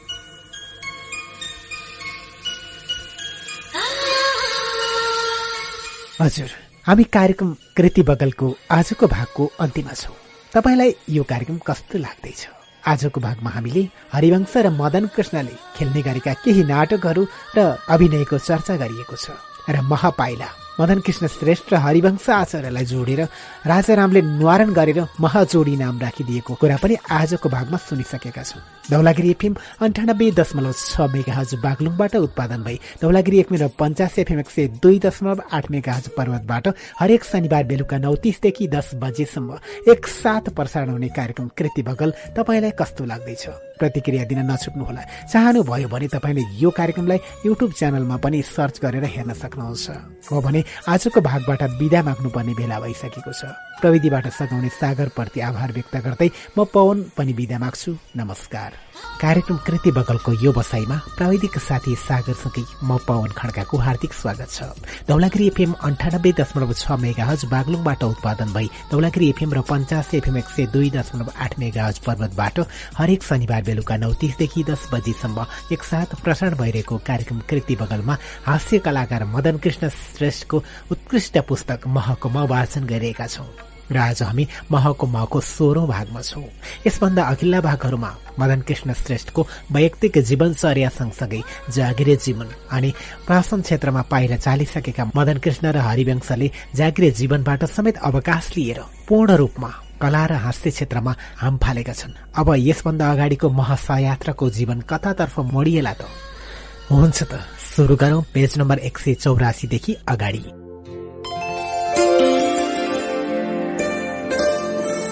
खाने होइन? हाँस्ने मह।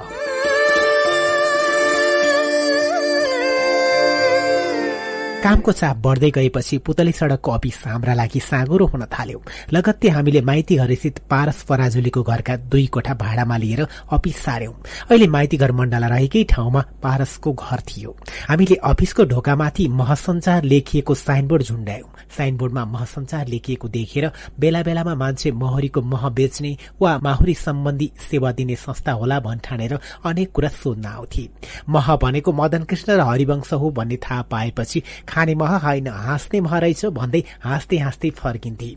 त्यस्तै दुई हजार बयालिस सालमा अफिस खोले लगत्तै घरेलु उद्योगमा दर्ता गर्न जाँदा पनि त्यहाँका एक कर्मचारीले हामीसँग मह उत्पादन सम्बन्धी संस्था भन्ठानेर एउटा माहौरीको घार माग्न खोजेका थिए।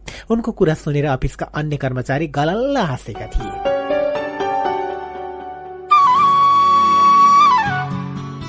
आफ्नै अफिस भएपछि हामीलाई धेरै कुरामा सजिलो भयो। कसैले कहाँ काम गर्छौ? कुन अफिसमा काम गर्छौ भनेर सोद्धा अफिस छैन भनेर लुरुक्क पर्नु परेन।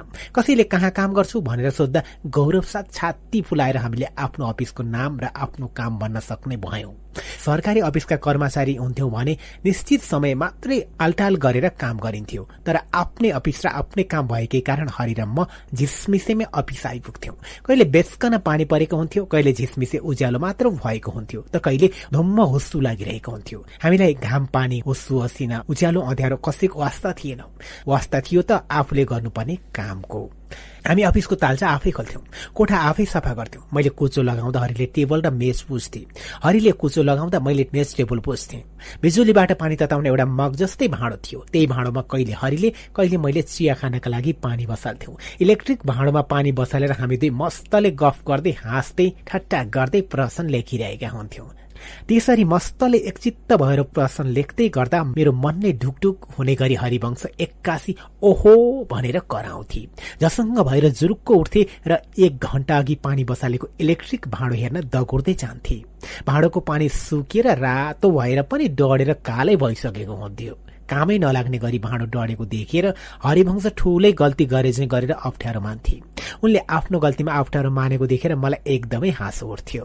त्यस्तै गल्ती बारम्बार मबाट पनि हुन्थे। त्यस्तो बेला म पनि हरिले जस्तै ओहो भनेर कराउँथे। जसँग भएर जुरुक्क उठ्थे र एक घण्टा अघि पानी बसालेको इलेक्ट्रिक भाँडो हेर्न दगुर्दै जान्थे।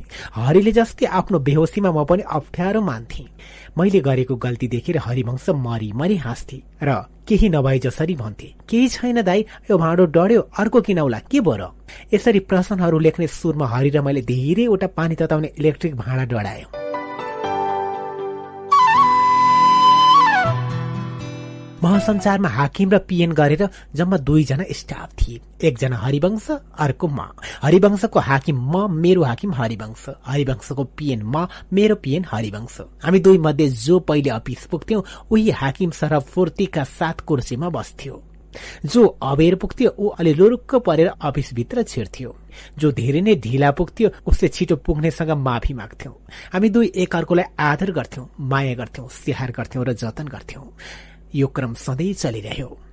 यही अफिसमा बसेर हरिवंश र मैले थुप्रै प्रहसन लेख्यौं त्यो देखाउने सिलसिलामा कैयौं देश पनि घुम्यौं। हाम्रो कामको दायरा बिस्तारै फराकिलो बन्दै गएको थियो।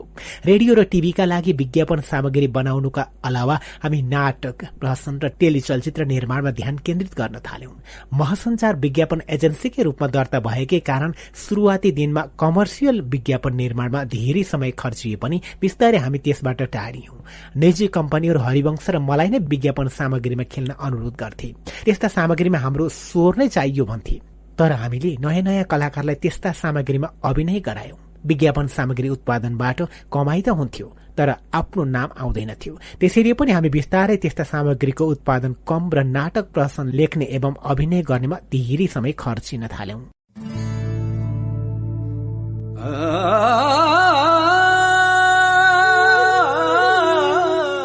खुत्रुकै खुत्रुके।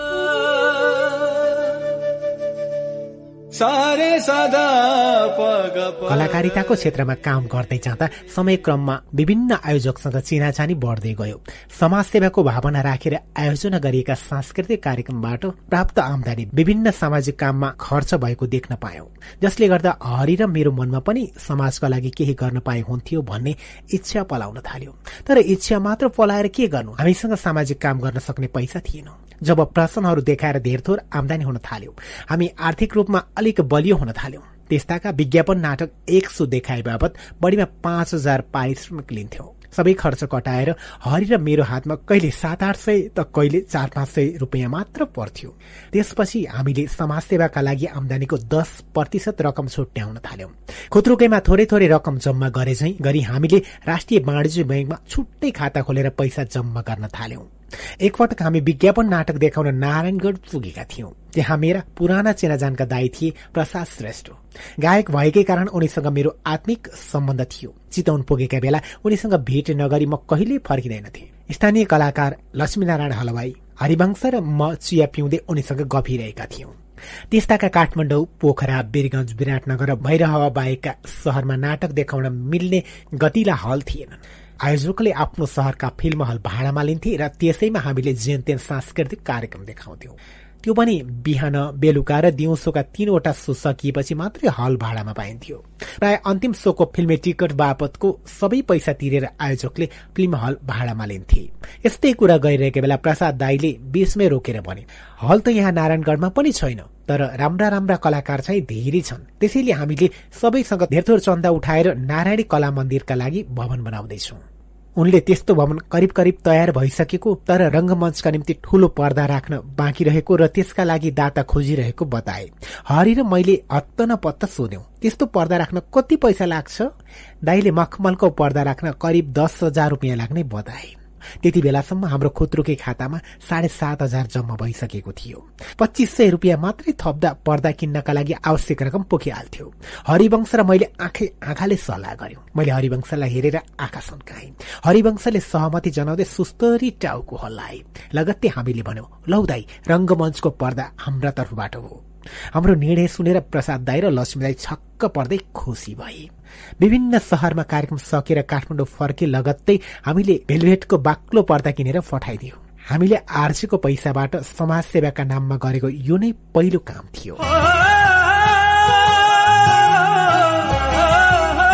नारायणी कला मन्दिरमा कुनै पनि कार्यक्रम वा समारोह हुँदा रंगमञ्चको पर्दा खोल्दा र बन्द गर्दा दर्शकले हामीलाई एकदमै सम्झिन्छन् भनेर नारायणगढ़का साथीहरूले कैयौं वर्षसम्म सुनाइरहन्थे। त्यस्तो खबर सुन्दा हामीलाई साह्रै आनन्द लाग्थ्यो।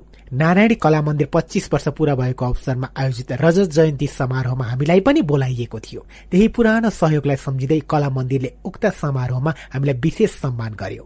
नारायणी कला मन्दिरलाई पर्दा दिएको केही महिना लगत्तै साप्ताहिक विमर्शका प्रधान सम्पादक पदम ठकुराठीलाई घरमै अज्ञात बन्दुकधारीले टाउकोमा गोली प्रहार गरे।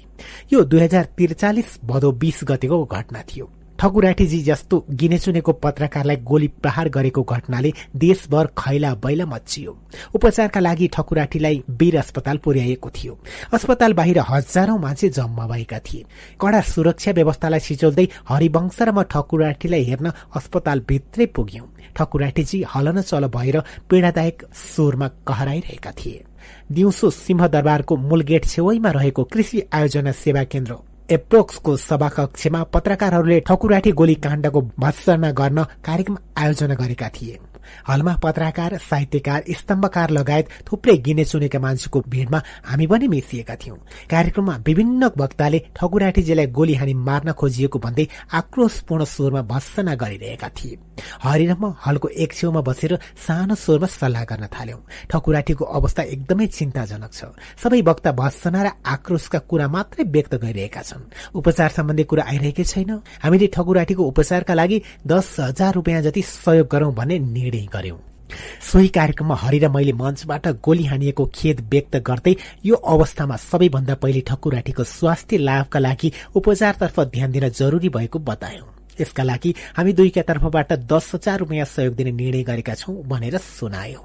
कसैको अनुरोध बिना हामीले दस हजार रुपियाँ दिने खबर सुनाउँदा त्यहाँ भेला भएका सबैजना खुशी भएर धेरै बेरसम्म ताली बजाइरहे। त्यो लामो ताली हाम्रा जीवनका लागि ठूलो प्रेरणा र स्याबासी बनिरह्यो।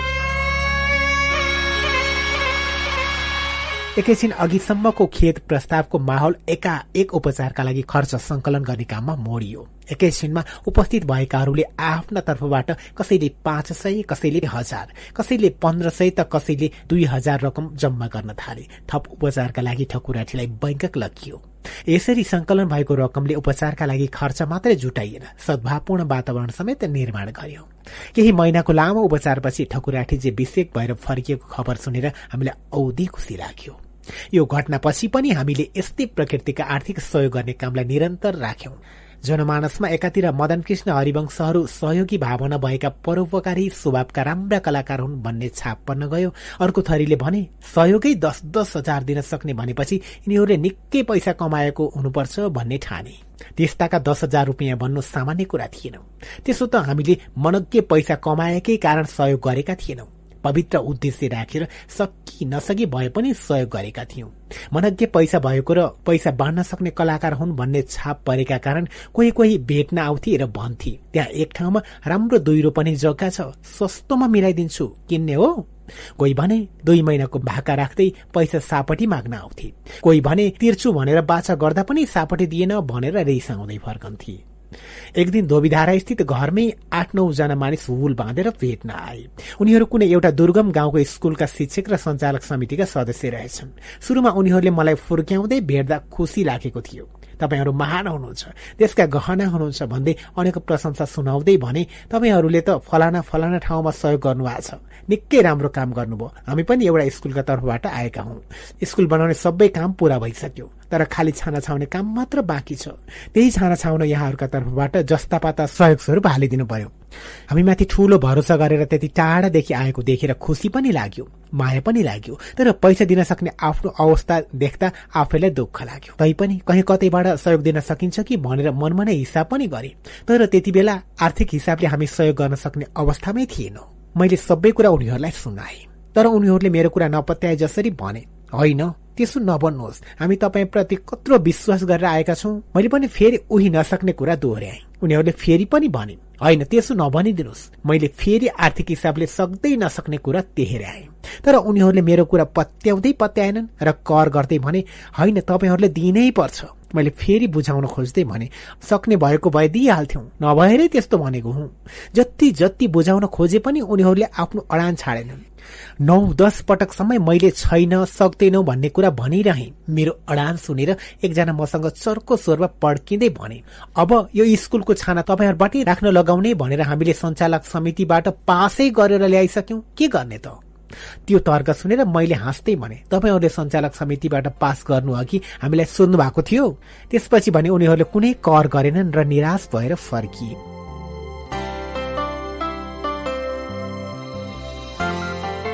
यो घटनाले मलाई नमजा लागिरह्यो। यो कुरा मैले हरिवंशलाई पनि सुनाएँ। हरिले भने दिन सक्ने भए दिन हुन्थ्यो दाई। नसकेपछि के गर्नु त? हामीले आर्थिक रूपमा सक्ने भएपछि दिउँला भनेर कुरा गर्यौं। यस्तै प्रसंग पटक पटक दोहोरियो। पटक पटक नै हामीलाई नमजा लागिरह्यो। त्यसपछि हरि र म पटकै रूपमा पैसा बाँड्ने काम ठिक होइन भन्ने निष्कर्षमा पुग्यौं र खुत्रुके बचत भनेर पैसा छुट्याउने कामै रोकिदियौं। एक दिन हरि र म संसारको अफिसमा बसेर नयाँ प्रश्नको स्क्रिप्ट लेखिरहेका थियौँ। कसैले बाहिरबाट ढोका ढकढक्यायो हामीले को हो बाहिर? ढोका खोलेर आउनुहोस् भने लगत्तै एकजना व्यक्ति दुई हातले बैशाखी टेकेर नमस्कार गर्दै भित्र छिरी। एउटा खुट्टा नभएका ती व्यक्तिलाई देखेर हाम्रो हेराइ केही फरक भयो। विनम्र भएर सोध्यौं कसलाई भेट्न आउनुभयो? हो ती व्यक्तिले हामीलाई नै भेट्न आएको बताएर नम्र स्वरमा भने तपाईँहरू काम गरिरहेको ठाउँमा म यसरी आउँदा डिस्टर्ब भयो होला। त्यसमा क्षमा चाहन्छु। ती मान्छेले ढोकामै उभिएर आफू माग्न नआएको प्रश्न पार्दै भने बैशाखी टेकेको मलाई देखेर मान्छेहरू माग्न आएको भन्ठानेर एक मोहर एक रुपियाँ फ्याँकिदिन्छन्। त्यस बेला मलाई एकदमै अपमान महसुस हुन्छ। असाध्यै दुःख लाग्छ। उनले कसैसँग कहिले पैसा नमागेको र आफूसँग लुगा सिउने सिप रहेको बताउँदै भने एउटा खुट्टा नभएका कारण म भुइँमा बसेर लुगा सिउन सक्दिन। तर कुर्सीमा बसेर एउटा खुट्टाले मेसिन चलाएर लुगा सिउन पनि सक्छु उनले नम्र स्वरमा थपे। तपाईँहरूले ठाउँ ठाउँमा सहयोग गर्नुभएको कुरा मैले अखबारमा पढेको छु। त्यसैले तपाईँहरूलाई गाह्रो हुँदैन भने मलाई खुट्टाले चलाउन मिल्ने लुगा सिउने एउटा मेसिन किनिदिनुहोस्। त्यसका लागि मेरो हातमा पैसा होइन मेसिन नै किनेर दिनुहोस्। म त्यो मेसिनमा तपाईँहरूबाट सहयोग प्राप्त भएको भनेर लेखेरै राख्छु। ती व्यक्तिको काम गरेर खाने र आफूले जानेको सिपको सदुपयोग गरेर बाँच्ने इच्छा देखेर हामीले तुरुन्तै उनको आग्रह स्वीकार गर्यौं। तर हाम्रो शर्त थियो हामीले किनिदिएको मेसिनमा हाम्रो नाम नलेख्ने। एक दुई दिनमै हामीले न्यू रोडबाट लुगा सिउने मेसिन किनेर तिनलाई दियौं। एक दिन कसैले सुनाएको थियो ती व्यक्ति ललितपुरतिर लुगा सिउने काम गर्छन् रे। ती व्यक्तिको माया लाग्दो अनुहार आफ्नो सिपप्रतिको आत्मविश्वास सकारात्मक सोच र इमान्दारी देखेर त्यो क्षण मेरो मनमा बसिरह्यो बसिरह्यो।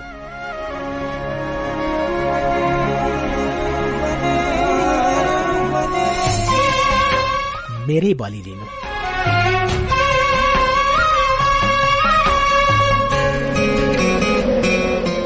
जितपुर फेदी गाउँमा हरेक वर्ष मङ्सिरमा पर्ने योमरी पुनिका दिन भीमसेनको मूर्तिलाई पूजा गरेर गुठी मनाउने चलन छ। त्यस गुठीका गुठियारहरू मध्येकै थकारी मानिन्छ हाम्रो परिवार। नेवारी भाषामा मोली अथवा जेठोलाई थकाली भनिन्छ। गुठी मनाउनु एक दुई हप्ता अघि सबै गुठियार बसेर यसपालि गुठी कसरी मनाउने कति कति खर्च गर्ने बलि दिनलाई के गर्ने रागा बोका र कुखुरा कुन चाहिँ बलि दिने भनेर छलफल हुन्थ्यो। एउटा कुखुराको भाले दस बाह्र रुपियाँ पर्छ। बोका रागाको बलि कसरी दिन सकिएला र कुखुरा नै बलि दिउँ भनेर कसैले प्रस्ताव गर्थ्यो। सुरुमा त सबै गुठियारले एक मत जनाउँथे तर बीचमा एउटा गुठियारले बुद्धि लडाउँदै प्वाक्क बोल्थ्यो। तपाईँहरूले भन्नुभएको कुरा त ठिक हो तर यसमा अलिअलि पैसा थप्यौं भने त बोका नै आउँछ नि। बलि दिने कुरामा किन कन्जुसाई गर्ने? त्यसपछि अर्को विद्वान गुठियारले सही थप्दै फेरि आफ्नो तर्क पेश गर्थ्यो। हेर्नुहोस्। उहाँले भन्नुभएको कुरा पनि सही हो। तर मेरो विचारमा त्यो बोका किन्ने पैसामा सबैले यति यति पैसा थप्यो भने त रागा नै आउँछ नि। देउतालाई बलि चढाउने कुरामा किन कन्जुसाइ गर्ने? अन्तिममा उसको कुरामा सबैले हो हो ठिक ठिक भनेर थपडी बजाउँदै सहमति जनाउँथे र आखिरमा रागाकै बलि दिइन्थ्यो। म सानो छँदा कुखुरा बोका र रागालाई रेटेर बलि दिएको देख्दा रमाइलो लाग्थ्यो। अझ रगत थाप्नलाई म घरबाट खुसी हुँदै बाटा बोकेर जान्थे। आफूलाई सानो घाउचोट लाग्दा पनि दुखे पनि बोका कुखुरा र राँकालाई चाहिँ घाँटीले रेड्दा पनि खास दुख्दैन होला जस्तो लाग्थ्यो। बाल्यकालदेखि नै घरमा पुराण सुनेको प्रभावले हो या बिस बाइस वर्षको उमेरदेखि नै आध्यात्मिक कुरा गर्ने खालका साथीको संगतले हो। कलेजको पढाइ सुरु गरेदेखि नै देवताको थानमा बलिदिएको सधैँ मलाई कस्तो कस्तो लागिरहन्थ्यो। त्यसो त जागिर सुरु गरेपछि वर्षौंसम्म म आफ्नो कार्य व्यस्तताले गर्दा गुठीमा जान भ्याइन। एक दिन गुठियारका एक सदस्य इन्द्रभक्त श्रेष्ठले मलाई बाटोमै भेटेर सुनाए। आउने शनिबार गुठीको छलफल छ। मदन भाइ तिमी पनि आऊ। गुठीमा नआएको कति भइसक्यो? उनको कुरा सुनेर मैले भने हेर भाइ मलाई त्यो गुठीको पूजामा बलि दिएको हेर्न मन लाग्दैन। त्यसैले गुठी पूजामा बलि नदिने हो भने म आउँछु। बलि नै दिने हो भने म आउँदिन भनेको छु भनेर अरूलाई भनिदेऊ जाऊ। मेरो कुरा सुनेर साथी इन्द्रभक्त पनि दङ्ग परेर ल ल उसो भए म गुठियारहरूको छलफलमा त्यसै भनिदिन्छु है त भनेर आफ्नो बाटो लागे। इन्द्रभक्तलाई भेटेको केही दिन पछिको शनिबार गुठियारका सदस्य मिटिङ बसेछन्। मिटिङ सकिएपछि मलाई इन्द्रभक्तले खबर पठाए ल गुठीको पूजामा मदन कृष्ण आउने हो भने बलि नदिने भनेर मिटिङमा निर्णय भएको छ। यसपालि त जसरी पनि आउने पर्छ है मेरो कुरालाई गुठीका सदस्यहरूले मानिदिएकोमा खुसी लाग्यो। मैले पनि ल ठिक छ। उसो भए यसपालि म जसरी भए पनि आउँछु भनेर खबर पठाए मैले फेरि बिर्सिएला भनेर गोठी पूजा हुने मिति कागजमा टिपेर पनि राखे। कुनै घरायसी वा व्यक्तिगत काममा जानुपर्ने दिनमा सुटिङका कारणले जान नपाइने हाम्रो एउटा नियमित समस्या नै थियो। गोठी पूजाको दिन पनि मह चौतारी टेली श्रृङ्खलाको एउटा भागको छायाङ्कन चलिरहेको थियो। तैपनि हरिवंशलाई भने हेर हरि आज गुठीमा जसरी भए पनि आउँछु भनेर वचन दिएको थिएँ। तर सुटिङ छाड्न मिलिरहेको छैन त्यसैले आज मेरो रोल नभएको अर्कै सिन सुटिङ गर म चाहिँ गोठीमा जान्छु है। हरिवंशले मेरो कुरा बुझेर त्यो दिन मैले अभिनय गर्ने सिनको छायाङ्कन अर्को दिनलाई सारे। त्यसरी म छायाङ्कन छाडेर फेदीमा हुने गोठी पूजामा सहभागी हुन गए। मलाई देखेर सबै गोठियार दाजुभाइ खुसी भए। केही छिनपछि परम्परा तोड्दै बलि बिना पूजा सम्पन्न भयो। सबै गुटियारले यसपालि बलि बिना नै पूजा गरेकाले झन छिटो छरितो र रमाइलो भयो। खर्च पनि कम भयो। बोकाको आन्द्रामुणी सफा गर्ने झन्झटिलो काम पनि गर्नु परेन भन्दै हाँसो ठट्टा भयो। गुठियारबीच अबदेखि कहिले पनि बलि पूजा नदिने भन्ने सल्लाह भयो। राम्रै भयो। बलि नदिएकै कारण कसैलाई केही विघ्न बाधा भएन।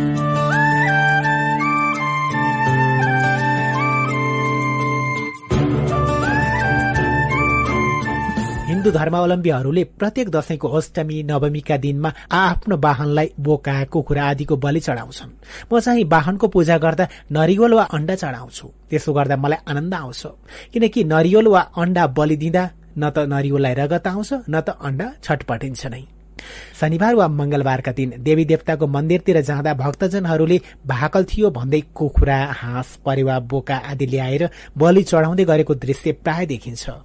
यस्तो काम मेरै परिवारका सदस्यले पनि बेला बेला गर्छन्। तर बलि चढाउँदा देवी देवता भयंकर खुसी हुन्छन् भन्ने कुरामा मलाई पटक्कै विश्वास लाग्दैन। एकपल्ट राष्ट्रिय खेलकुद परिषदले साफ गेम हुँदा फुटबलको फाइनल गेम जितिन्छ भनेर पञ्चबली दिएको थियो। तर फाइनलमा पुग्नु त परै जाओस् सेमी फाइनलमै हार्यो। बलि दिएर पनि गेम जितिन्छ कहीँ? बलि दिएर गेम जितिने भए संसारमा यस्ता महँगा महँगा परीक्षकको खाँचै पर्ने थिएन।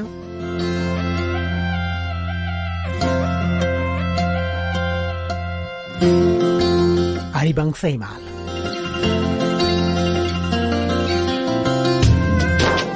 दुई हजार चालिस साल अघि पत्र पत्रिकाको संख्या अत्यन्त न्यून थियो। नियमित छापिने पत्रिकाले पनि कला क्षेत्रका विषयलाई खासै महत्व दिँदैनथे जब नेपालमा पुष्करलाल श्रेष्ठ अशोक मनासिंहको सक्रियतामा दुई हजार एकचालिस मंगिर पन्ध्र गतेबाट कामना पत्रिकाको आगमन भयो। त्यसपछि रंगमञ्च गीत संगीत चलचित्र क्षेत्रका कलाकारका तस्विर तथा गतिविधिले पनि पत्र पत्रिकामा स्थान पाउन थाले। पुष्करलालले मलाई कामना पत्रिकामा एउटा स्तम्भको जिम्मेवारी सुम्पिएका थिए। प्रश्नोत्तर शीर्षकको स्तम्भका निम्ति पाठकले मलाई सम्बोधन गर्दै अनेक हस्यौली र छट्यौली प्रश्न पठाउँथे। ती प्रश्नमा मैले पनि हस्यौली पारेका उत्तर लेख्थे जुन प्रत्येक अंकमा छापिन्थे। त्यस स्तम्भका लागि देशका विभिन्न भागबाट हुलाक मार्फत संयोग चिठी आउँथे। पुष्करलाल भन्थे पत्रिकामा आउने चिठीमा अस्सी प्रतिशत तपाईँकै स्तम्भका निम्ति हुन्थ्यो। पत्रिकाको कार्यालयमा आउने चिठी जम्मा पारेर मलाई पठाइन्थ्यो। मेरो कोठामा प्रश्नले भरिएका चिठीको यति चाङ हुन्थ्यो कि हुलाक सेवा विभागको फिलाटेलिक ब्युरोमा काम गर्ने जयहरि झा खाम लिन मेरो घरमा बेला बेलामा आइरहन्थे। उनी खाममा टाँसिएका हुलाक टिकट झेक्थे। अनि मेरो त छोराछोरीको स्कुलको फी नै तिर्न पुग्ने भो अरू पनि जम्मा गरेर राख्नुहोस् है दाई भनेर खोस हिउँदै हुलाक टिकट झोलाभरि बनाएर फर्किन्थे। त्यसरी जम्मा पारिएका टिकट कहाँ बेच्ने कसलाई बेच्ने कसरी पैसा आउँछ मलाई केही अन्दाज नै हुँदैन थियो। कला क्षेत्रलाई महत्व दिएर प्रकाशित भएको कामना पत्रिका लोकप्रिय भएपछि यस्तै प्रकारका अन्य पत्रिका पनि बजारमा देखा पर्न थाले। सबैजसो त्यस्ता पत्रिकाले हरि र मलाई महत्व दिएर हाम्रो अन्तर्वार्ता पहिलो अङ्कमै छाप्न खोज्थे। यस्ता अन्तर्वार्ताहरूमा पत्रकारहरूले के के सोधे मैले के के जवाब दिए ती सबै कुरा सम्झना हुने त कोरै भएन। तर एउटा पत्रिकाले गरेको प्रश्नमा हरिवंश र मैले दिएको उत्तर भने बेला बेलामा सम्झना भइरहन्छ। कामनामा प्रकाशित भएको केही वर्षपछि कला संस्कृति र चलचित्र क्षेत्रका कलाकार तथा प्राविधिकहरूलाई महत्व दिँदै पर्दा नामक पत्रिका पनि बजारमा आयो। उक्त पत्रिकामा छाप्न चलचित्र निर्देशक तथा कलाकार समेत रहेका शैलेश आचार्य माइतीगर स्थित महसञ्चारको अफिसमा हामीलाई भेट्न आए। लौ मदन भाइ र हरिजी तपाईँहरूको अन्तर्वार्ता हाम्रो पत्रिकामा पनि छाप्नु पर्यो। तर यो अन्तर्वार्ताका लागि प्रश्न चाहिँ मैले सोध्ने होइन। तपाईँहरू एकले अर्कोलाई प्रश्न सोधेर जवाफ लेखिदिनु पर्यो भनेर गए। शैलेशको कुरा सुनेर हामी एकछिन वाल्न पर्यो। उनको प्रस्ताव त ठिकै थियो।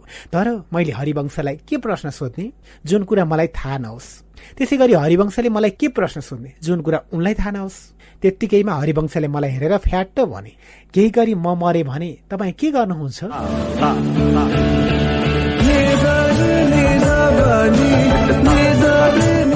प्रश्न सुनेर एकैछिन स्तब्ध भए। हरिवंशले मैले कहिले कल्पनै नगरेको प्रश्न सोधेका थिए। मैले एकैछिन सोचेर जवाब दिएँ। हेर हरि तिमी भन्दा म सात साढे सात वर्षले जेठो छु। उमेरका हिसाबले पहिला माथि जाने पालो मेरै हो। तर कालगतिको कुरा अघिपछि जो पनि हुन सक्छ। केही गरी म भन्दा पहिले तिमी नै गयो भने म सरकारलाई अनुरोध गरेर एउटा हिमाल माग्छु। सरकारले मेरो अनुरोध व्यवस्था गर्यो भने नेपाली जनताहरूलाई अनुरोध गरेर कुनै एउटा हिमाल माग्छु र त्यो हिमालको नाम नै हरिवंश हिमाल राख्छु। केही गरी हिमाल पाइन भने एउटा सुन्दर पहाड माग्छु र त्यो पहाडको नाम हरिवंश पहाड राख्छु। पहाड पनि पाइएन भने घरको झ्यालबाट देखिने गरी एउटा ढिस्को बनाउँछु र त्यसको नाम हरिवंश ढिस्को राख्छु। हरेक दिन त्यो ढिस्कोलाई हेरेर तिमी सधैँ मेरो नजिक भएको महसुस गरेर बस्नेछु। केही गरी तिमी भन्दा पहिले म मरे भने तिमी के गर्छौ त? मैले त्यही प्रश्न हरिवंशलाई तेर्साएँ। आफ्नो प्रश्न आफैतिर फर्किएपछि हरिवंश एकैछिन मौन भए।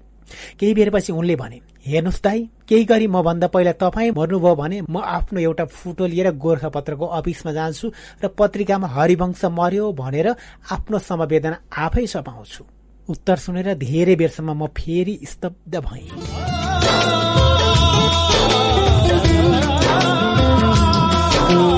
सब आपका है सिर्फ आप हमारा है।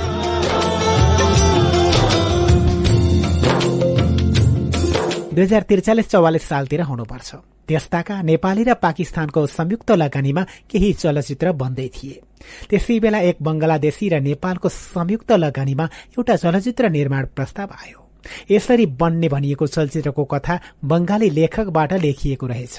र त्यसको नाम बंगाली भाषामा लक्ष्मी बधु राखिएको रहेछ। त्यही कथालाई नेपालीकरण गर्ने उद्देश्य राखेर प्रज्ञा प्रतिष्ठानका तत्कालीन सदस्य सचिव विजय मल्ल चलचित्र संस्थानका तीर्थलाल श्रेष्ठ हरि र म ढाकामा पुगेका थियौं। विजयदाई बंगाली भाषा मजाले बुझ्दा रहेछन्। उनले बंगाली भाषाको कथालाई नेपालीमा उल्था गर्थे। हरि र मैले चाहिँ पालै पालो नेपालीपन दिँदै नेपाली भाषामा कथा लेख्दै जान्थ्यौं। झण्डै दुई हप्ता लगाएर नेपालीकरण गर्ने काम सकियो र फिल्मको नाम राखियो माला। लेखन कार्य सकाएर हामीले घरका लागि जुटको कार्पेट केही सोपिस र अन्य खुद्रा सामान किनमेल गर्यौं। नेपाल फर्किनु एक दिन अगाडि उक्त फिल्मका निर्माता अब्दुल मोहितले हामीलाई आफ्नो घरमा खाना खाना बोलाए। उद्योगपति अब्दुल चौधवटा सिनेमा हल र केही औषधि फ्याक्ट्रीका मालिक थिए। त्यही भेटमा उनले अलिअलि भारतले आफ्नो देशलाई दुःख दिइरहेको सुनाए। अलिअलि बंगाली चलचित्रबारे कुरा गरे। हामीले पनि छिमेकी भारतले आफ्नो देशलाई बारम्बार दुःख दिइरहेका प्रसंग सुनायौं। कुरै कुरामा उनले आफ्नो देशको आत्मनिर्भरताको कुरा गर्वका साथ सुनाउन थाले। झ्यालको पर्दा र कोठामा भएका सबै सामान देखाउँदै भने देखो बेटा ए पर्दा हमारा है। ए कफ प्लेट हमारा है ए वाल का लैम्प सेट हमारा है ए कारपेट हमारा है ए फर्निचर हमारा है ए मेसिन हमारा है। उनले हमारा है भन्नुको अर्थ त्यति धनी व्यक्तिले आफ्नो कोठामा प्रयोग गरेका सजाइएका सबै सामान आफ्नो देशमा बनेका सरसामान रहेछन्। उनका कुरा हामीले लुरुक्कै परेर सुनिरह्यौं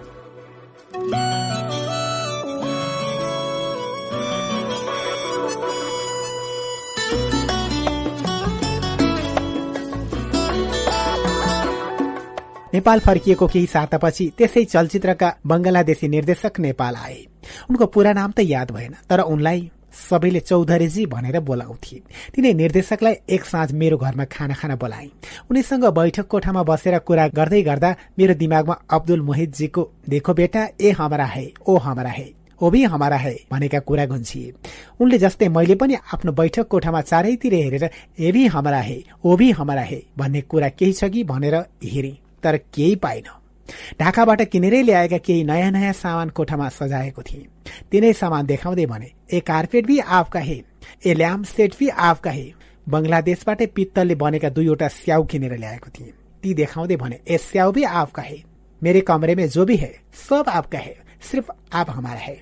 भन्नु पर्यो यस्तो भनिरहँदा मलाई लाजै मर्नुभयो। बंगाली र नेपाली निर्माताहरूबीच कुरा नमिलेपछि उक्त चलचित्र बंगाली भाषामा मात्रै प्रदर्शित भयो। नेपाली भाषामा भने सुटिङ पुरै सकिएर डबिङको काम समेत सकिए पनि उक्त चलचित्र प्रदर्शनमा भने आउन सकेन। नेपालमा चलचित्र निर्माणको क्रम त्यस्ताका वात्तै बढेको थियो।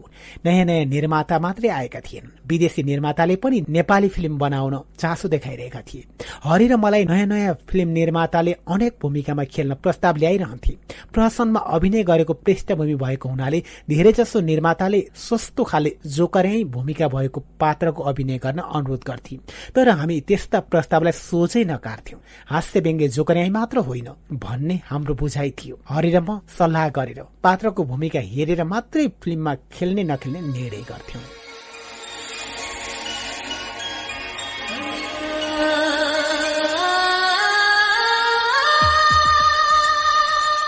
हामी कार्यक्रम कृति बगलको आजको भागको अन्त्यमा छौं। यानि कि सोह्रौं भागको अन्त्यमा छौं। धौलागिरी एफएम अन्ठानब्बे दशमलव छ मेगा हज बागलुङबाट उत्पादन भई धौलागिरी एफएम र पञ्चास एफएम से दुई दशमलव आठ मेगा हज पर्वतबाट हरेक शनिबार बेलुका नौ तीसदेखि दस बजेसम्म एकसाथ प्रसारण भइरहेको कार्यक्रम कृति बगलमा हामी अहिले मदन कृष्ण श्रेष्ठको आत्मकथा महकोमा वाचन गरिरहेका छौं। तपाईँलाई कार्यक्रम कस्तो लाग्दैछ? प्रतिक्रिया दिन नछुट्नुहोला तपाईँले यो कार्यक्रम युट्युब च्यानलमा सर्च गरेर पनि हेर्न सक्नुहुन्छ। सक्नुहुन्छ। अब भने कार्यक्रमबाट छुट्ने बेला भइसकेको छ। यसभन्दा अगाडिको महासञ्चारको यात्रा कतातर्फ मोडिएला त। अघिल्लो भाग सुन्न नछुट्नुहोला। आजलाई भने प्रविधिबाट सघाउने सागरप्रति आभार व्यक्त गर्दै म पवन पनि विदा लाग्छु। नमस्कार।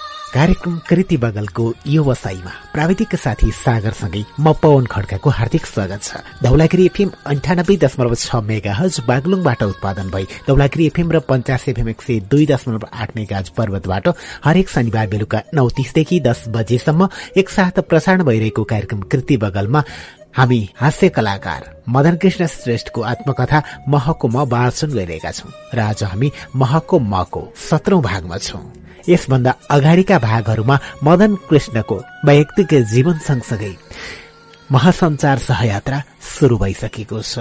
अब यसभन्दा अगाडि के होला त? हुन्छ त आउनु सुरु गरौं।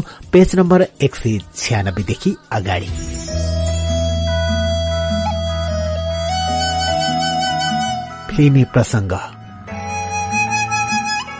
के घर के डेरा? महजोडीका रूपमा सहकारी गर्नु अघि नै हरिवंश कुमारी सिन्दूर जीवन रेखा जस्ता फिल्ममा ससानो भूमिकामा खेलिसकेका थिए। फिल्ममा खेल्ने मेरो पनि रहर त थियो। तर त्यसैका निम्ति मैले कहीँ कतै दौडधुप गरेको थिइनँ। भारतीय चलचित्रहरूको जगजगी चलेको त्यो समयमा नेपाली फिल्मी क्षेत्र उद्योगका रूपमा विकसित भइसकेको थिएन। सरकारी स्तरमै स्थापना भएको राष्ट्रिय चलचित्र संस्थानले दुई तीन वर्ष लगाएर एउटा चलचित्र बनाउँथ्यो। एक दिन तत्कालीन चलचित्र संस्थानका सहायक महाप्रबन्धक निर शाहले एसएमजीलाई बोलाएर फिचर फिल्म बनाउन आग्रह गरे। एसएमजी भन्नाले हिज म्याजेस्टी गभर्मेन्ट होइन। हरिवंश मदन कृष्ण र गोपालराज मैनाली हो। कैयौं वर्षसम्म रंगमञ्चमा अभिनय गरेका गोपालराज मैनाली केही फिल्ममा गतिलो अभिनय गरेका कारण लोकप्रिय कलाकार थिए। त्यति बेलासम्म मलाई फिचर फिल्मको स्क्रिप्ट कस्तो हुन्छ र कसरी लेखिन्छ भन्ने अन्दाजै थिएन। शाहले नै हामी तिनलाई स्क्रिप्ट लेख्ने आधारभूत तौर तरिका सिकाए। चलचित्र संस्थानले यो फिल्म निर्देशन गर्ने जिम्मा प्रदीप रिमाललाई दिएको थियो। धोबीधाराको मेरो घरमा हामी चारैजना बसेर गफ गर्दै स्क्रिप्ट लेख्न थाल्यौं। गायनबाट कला क्षेत्रमा प्रवेश गरेको हुनाले मलाई फिल्म खेल्ने जति रहर थियो त्यति नै फिल्ममा गीत गाउने पनि। फिल्ममा हिरोइन बनेकी शर्मिला मल्लका बाबु अर्थात घरबेटीको भूमिकामा मैले अभिनय गर्नुपर्ने थियो। तर अभिनयमा मात्र मेरो चित्त अडिएको थिएन। यही फिल्मका लागि एउटा गीत गाउन पाए हुन्थ्यो भन्ने लागिरहेको थियो। स्क्रिप्ट लेखनमा चारैजना संलग्न भएको हुनाले गीत राख्नकै लागि आफू खुसी कथालाई तोडमोड गर्न पनि मिल्दैनथ्यो तर मैले आफूले निर्वाह गर्ने कन्जुस घरबेटी पात्रले गाउन मिल्ने किसिमको कुनै गीत लेख्न पाए हुन्थ्यो भन्ने सोचिरहेको थिएँ।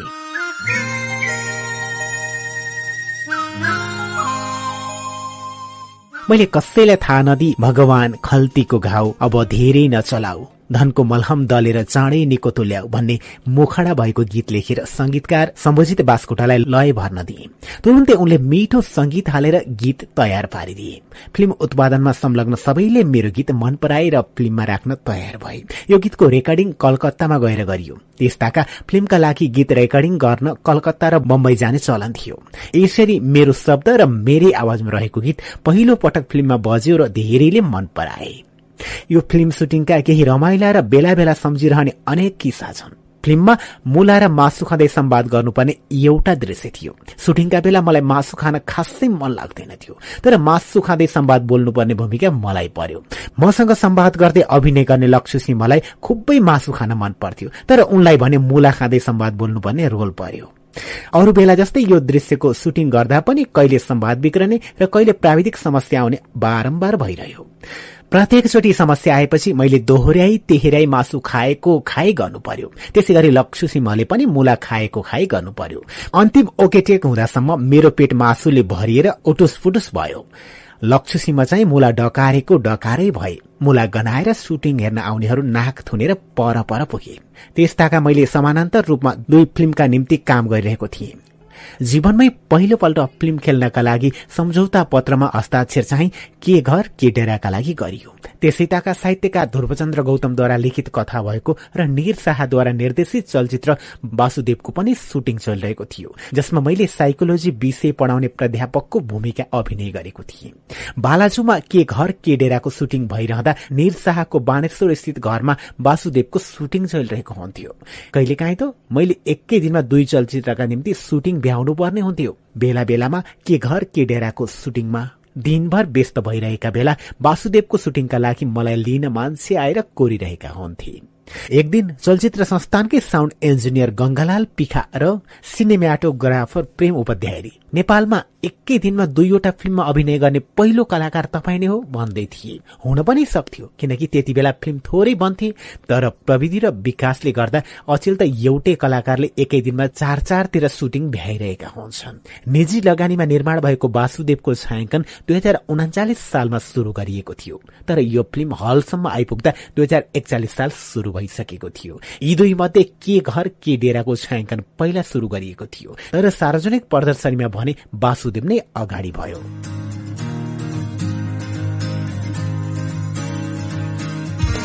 लोभी पापी। फिल्म निर्माणका कैयौं रमाइला र मिठा मिठा प्रसंग छन्। एकपटक हरिवंश र म लोभी पापी फिल्मको छायाङ्कनमा लगन खेलमा घिउ साहु सुन्दर नारायण जोशीको घरमा थियौं।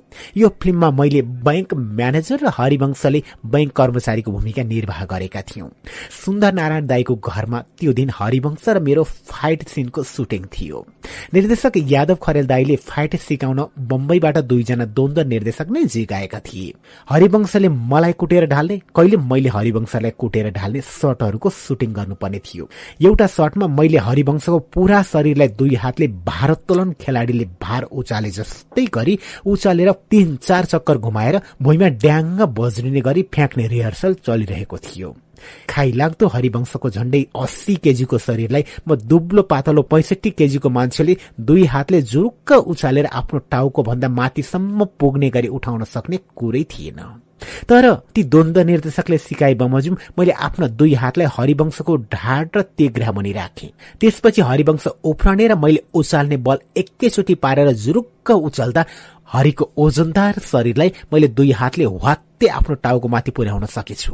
हरिवंशलाई टाउको माथि पुर्याएर दुई तिनपल्ट फनफनी घुमाएर फ्याँके जस्तो मात्र गर्नुपर्ने थियो। तर मैले त कुन सुरमा हो? भिलेनले जस्तै या भनेर चिच्याउँदै हरिवंशलाई भुइँमा बज्रिने गरी साँच्चीकै फ्याँकिदिएछु। सबैजना ए ए भनेर कराए। आमै मैले के गरेछु? भनेर म पनि झसङ्ग भएँ। अरू बेलामा मलाई सधैँ मान राखेर बोल्ने मिठो बोल्ने हरिवंशले दुखेको तोरमा यत्रो गर्या थियो भनेर जङ्गिए। निर्देशक लगायत सुटिङका सबै सदस्य वाल्ल परे। म पनि स्तब्ध भएँ। खासमा गल्ती मेरो नै थियो। त्यति माथिबाट बज्रिँदा हरिवंशलाई साँच्चै चोट परेको थियो। हरिवंश बज्रिएको ठाउँ नजिकै चुच्चा परेका ससाना टेबल थिए। ती टेबलको चोसोमा हरिवंशको टाउको बजारिएको भए केही गरी टाउको फुटेको भए आमै भनेर सबैजना एकैछिन मौन भए। सम्भावित ठूलो दुर्घटना टरेकोमा सबैजनाले लामो सास फेरि। एकैछिनपछि वातावरण शान्त भयो। मैले आफ्नो गल्ती सम्झिँदै र हरिवंश ठुस्स पर्दै फेरि सुटिङका निम्ति जुट्यौं। त्यसपटक भने मैले द्वन्द निर्देशकले सिकाए जस्तै गरी हरिवंशलाई उचालेर फ्याँकेको जस्तो मात्र गरे। घरुङ्गो चिज बोकेर फनफनी घुमाउँदा दिमाग एकछिन नियन्त्रण बाहिर जाँदो रहेछ। मलाई त्यस्तै भएको थियो। सम्भावित ठूलो दुर्घटनाबाट जोगिएको हुनाले त्यो समय मैले कहिले बिर्सन सकिनँ।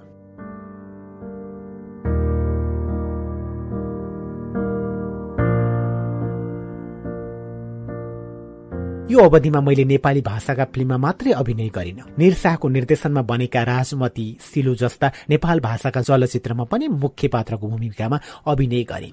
निरशाहका निम्ति नेपाल भाषा मातृभाषा थिएन। उनलाई नेपाल भाषाको राम्रो ज्ञान पनि थिएन। तर पनि उनले हिम्मत गरेर यी दुई चलचित्र निर्देशनको जिम्मेवारी सफलतापूर्वक निभाएका थिए।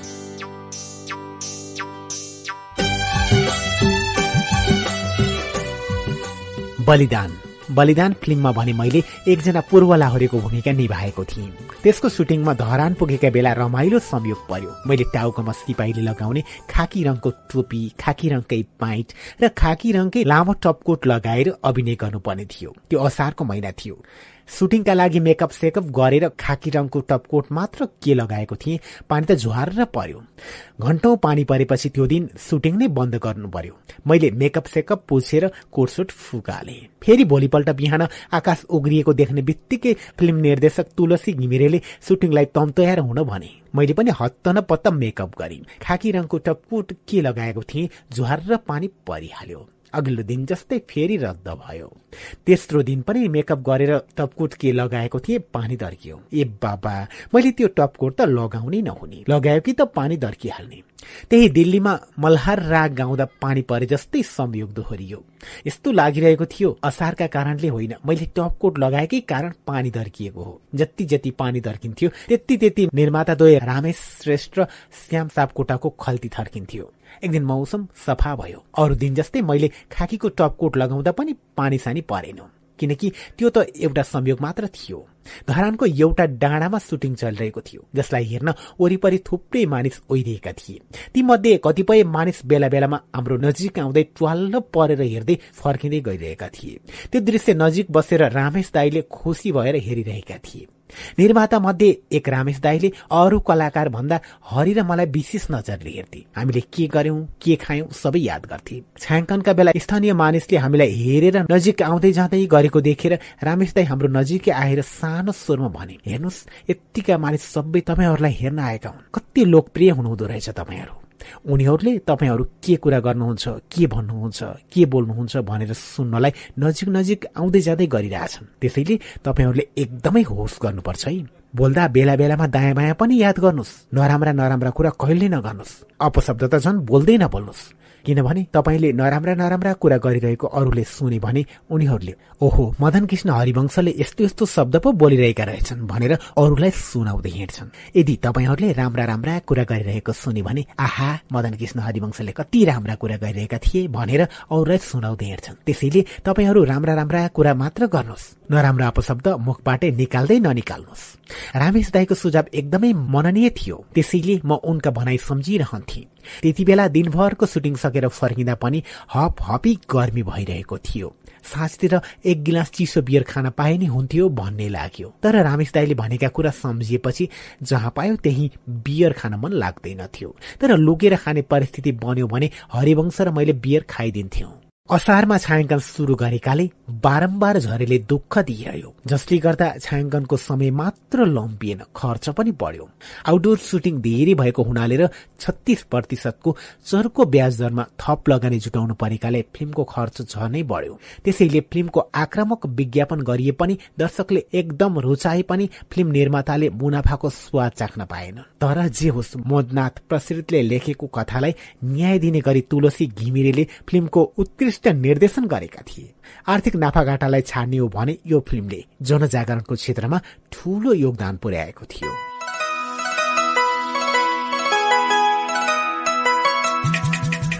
Hollywood movie sold. दुई हजार उनसत्तरी सालतिरको कुरा हो। हलिउडका ओस्कार अवार्ड विजेता फिल्म निर्देशक जेफ्री डी ब्राउन। चेलीबेटी बेचबिखनबारे लेखिएको सोल्ड नामक किताबमा आधारित फिल्म बनाउन ठूलो टोली लिएर नेपाल आएका थिए। नेपाल आएका जेफ्रीको सम्पर्क बालबालिकाको क्षेत्रमा काम गर्ने गैर सरकारी संस्था चाइल्ड केयरका निर्देशक डाक्टर छिरिङ लामासँग भयो। डाक्टर छेरिङ काभ्रेको सङ्कुमा सञ्चालित मिरा फाउन्डेशनका मुख्य सञ्चालक समेत हुन्। चेलीबेटी बेचबिखन सम्बन्धी विषयमा चलचित्र बनाउन लागेका निर्देशक जेफ्रीलाई उनले सोही क्षेत्रमा काम गरेको संस्था माइती नेपालकी अध्यक्ष अनुराधा कोइराला र हामीसँग सम्पर्क गराएथिए माइती नेपालका लागि महासञ्चार मार्फत हामीले छोरी नामक टेलिचलचित्र बनाइसकेका थियौं। उक्त टेलिचलचित्र चेलीबेटी बेचबिखन र एसआईबी एड्सको विषयमा आधारित थियो। त्यसैले डाक्टर छिरिङले निर्देशक जेफ्रीलाई हरिवंश र मेरो बारेमा बताएपछि जेफ्रीले हामीलाई उक्त चलचित्रमा सानो भूमिकामा अभिनय गर्न अनुरोध गरे। यो हाम्रा लागि पनि राम्रै अवसर मिल्यो जसमा मैले बेचिएकी चेलीको बाबुको भूमिका निभाएको थिएँ। उक्त फिल्मका लागि हरिवंशले देउसी बोलको गीत लेखेर आफ्नै स्वरमा गाए। उक्त फिल्मका केही दृश्यको छायाङ्कन पोखरामा भएको थियो भने बाँकी दृश्यको भारत र अमेरिकामा। नेपालकै स्टुडियोमा हरिवंशले गीत रेकर्ड गरेको हुनाले डबिङको काम गर्नु परेन। मैले बोल्ने संवादको डबिङ नेपालकै स्टुडियोमा गर्न सकिन्थ्यो। तर एसोसिएसन अफ नेप्लिज इन अमेरिकाजको आयोजनामा भएको कार्यक्रममा सहभागी हुन अमेरिका जानुपर्ने भएकाले त्यही मेसोमा न्यूयोर्कको सुविधा सम्पन्न स्टुडियोमै डबिङ गर्ने कुरा भयो। निर्देशक जियोफ्रीले मलाई बिहानको दस बजे स्टुडियोमा बोलाएका थिए। छोरी सरानाले अमेरिकनहरू समयमा एकदमै पक्का हुन्छन्। त्यसैले तोकिएको समयभन्दा एक घण्टा अघि नै पुग्ने गरी स्टुडियो जान सुझाइन्। उनको सल्लाह मानेर बाउ छोरी नै नौ बजे नै स्टुडियो पुग्यौं। तर निर्देशक जेफ्री त हामी भन्दा पनि अझै एक घण्टा अघि नै आइसकेका रहेछन्। तोकिएको समयभन्दा एक घण्टा अघि नै हामीलाई देखेर उनी दङ्ग परे। हामी भन्दा एक घण्टा अघि नै जेफ्री आएको थाहा पाएर हामी छक्क पर्यौं। यसरी बनेको फिल्म अमेरिकाका विभिन्न सिनेमा हलमा देखाइरहँदा हरिवंश र म विभिन्न कार्यक्रम देखाउँदै अस्ट्रेलिया र बेलायत घुमिरहेका थियौं। फिल्म बनेको एक वर्षपछि जेफ्री आफै नेपाल आएर फिल्म देखाएका थिए। तर त्यति बेला पनि हरिवंश र म अमेरिकामा महजात्रा देखाइरहेका थियौं। हलिउडमा प्रिमियर सो भएका दिन मैले फोन गरेर निर्देशक जेफ्रीलाई फिल्म कस्तो भयो? भनेर सोधे। उनले खुसी हुँदै फिल्म एकदम राम्रो भएको। फिल्म हेरेपछि निर्देशक निर्माता जेन चार्लिङ चलचित्रका केही कलाकार र प्राविधिक सदस्यलाई दर्शकले उठेर सम्मानपूर्वक ताली बजाएको खबर सुनाए। जेफ्रीको कुरा सुनेर सानो भूमिकामा अभिनय गरेको भए पनि विश्वव्यापी रूपमा प्रदर्शनमा आएको चलचित्रमा खेलेकोमा खुसी लाग्यो। त्यति बेला हरि र मैले सोल जस्तै विषयमा बनाएका रात छोरी राजमार्ग जस्ता टेलिफिल्म सम्झियौं। नेपाली भाषामा बनेका यस्ता टेलिफिल्म अंग्रेजी भाषामा बनाउन पाए कति राम्रो हुन्थ्यो होला भनेर कुरा गरिरहे।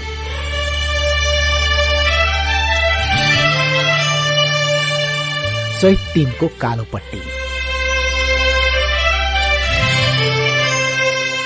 दुई हजार पैंचालिस छ्यालिस सालमा गणेशमान सिंह नेतृत्वमा प्रजातान्त्रिक जनआन्दोलन अगाडि बढ़िरहेको थियो। त्यसमा कहिले जुलुसमा सहभागी भएर त कहिले रंगमञ्च मार्फत प्रजातन्त्रको ओकालत गरेर सक्रिय रहे। लामो समयसम्म सड़क संघर्ष हुँदा पनि राजा टसको मस नभएपछि दुई हजार छ्यालिस साल फागुन अन्त्यतिर आन्दोलन अलि मत्थर हुँदै थियो। प्रजातन्त्र ल्याउन सक्रिय रहेका मध्ये आनन्ददेव भट्ट आशिष मल्ल रामेश श्रेष्ठ रायन श्रेष्ठ लगायत अन्य केही साहित्यकार बीच अनौपचारिक छलफल भयो जसमा हरिवंश र म पनि संलग्न थियौं। छलफलले चैत तीन गते मुखमा कालो पट्टी बाँधेर पञ्चायती व्यवस्थाको विरोध गर्ने निर्णय गर्यो। उक्त विरोध कार्यक्रममा वरिष्ठ वरिष्ठ साहित्यकारलाई सहभागी गराउन खबर गर्ने जिम्मा आनन्ददेव भट्ट अशेष मल्ल हरिवंश र मैले लियौं। फोन गरेर खबर गर्दा पञ्चायती प्रशासनले फोन ट्याप गर्न सक्ने भए थियो।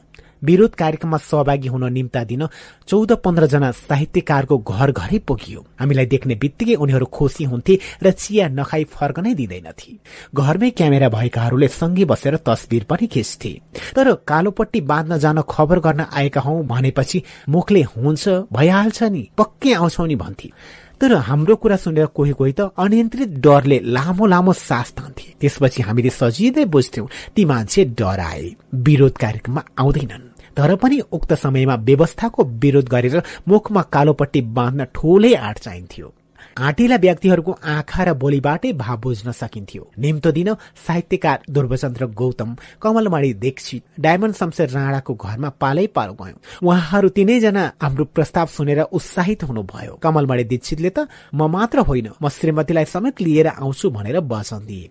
घरमा एक्लै बसिरहेका डायमण्ड शमशेर त हरिवंश र मलाई देखेर अत्यन्त खुसी भए। विशेष कार्यक्रममा सहभागी हुन अनुरोध गर्दा उत्साहित हुँदै उनले आउने वचन दिए। निम्तो दिएर फर्कन लाग्दा डायमन्ड शमशेरले हामीलाई पख्नुहोस् पख्नुहोस् तपाईँहरूलाई मेरा नाति नातिनाहरूले एकदम मन पराउँछन्। तपाईँहरू यहाँ आउनुभएको थियो भन्दा बच्चाहरूले मेरो कुरा नपत्याउलान्। प्रमाणका लागि एउटा फोटो खिचौँ है भनेर हामी सँगै बसेर फोटो पनि खिचे। हामी अन्य दुई चारजना साहित्यकारको घरमा पुग्यौं। सोही बेलुका हरिवंश र म महासञ्चारको अफिसमा बसेर विरोध कार्यक्रममा को को आउँछन् को को पक्का आउँदैनन् भनेर अड्कल काट्यौं। हामीले आउने भन्दा नआउनेको संख्या बढी नै हुने अन्दाज गर्यौं। थोरै मान्छेको उपस्थितिमा कालोपट्टि बाँधेर विरोध गर्दा कार्यक्रम नै फितलो हुन्छ। त्यसैले तोकिएको चैत तिनको मितिलाई दुई चार दिन पछाडि सारेर व्यापक तयारीका साथ गर्नुपर्छ भन्ठान्यौं यही कुरा सुनाउन हरिवंश र म कालिका स्थान स्थित आनन्ददेव भट्टको घरमै गयौं। हाम्रो कुरा सुनेर उनले केही बेर सोचेर सहमति जनाउँदै भने हुन त हो। तपाईँहरूले भने चाहिँ ध्रुवचन्द्रजी एकजना आउनुहुन्छ कमलमणिजी आउनुहुन्छ डायमन्ड शमशेर पनि पक्कै आउनुहुन्छ। कवि बासु शशीजी साहित्यकार प्रेमबहादुर कंसाकारजी आउनुहुन्छ। फलाना फलाना चाहिँ त आउलान जस्तो लाग्दैन मलाई पनि। कार्यक्रम कमजोरै हुन्छ जस्तो छ। यति भनिसकेपछि उनले एकैछिन सोचेर फेरि टाउको हल्लाउँदै भने तर होइन। चैत तीन गते गर्ने भनेर निर्णय गरिसक्यौं। गरेपछि गरेको गरे हुन्छ। जे जे पर्ला पर्ला। यति भनेर उनी कार्यक्रम गरी छाड्न तम्सिए। हामीभन्दा बुढो मान्छे नै यसरी तम्सिएपछि हामी पनि किन हस्किने भनेर हरि र म पनि कार्यक्रम गरी छाड्ने मनस्थितिमा पुग्यौं।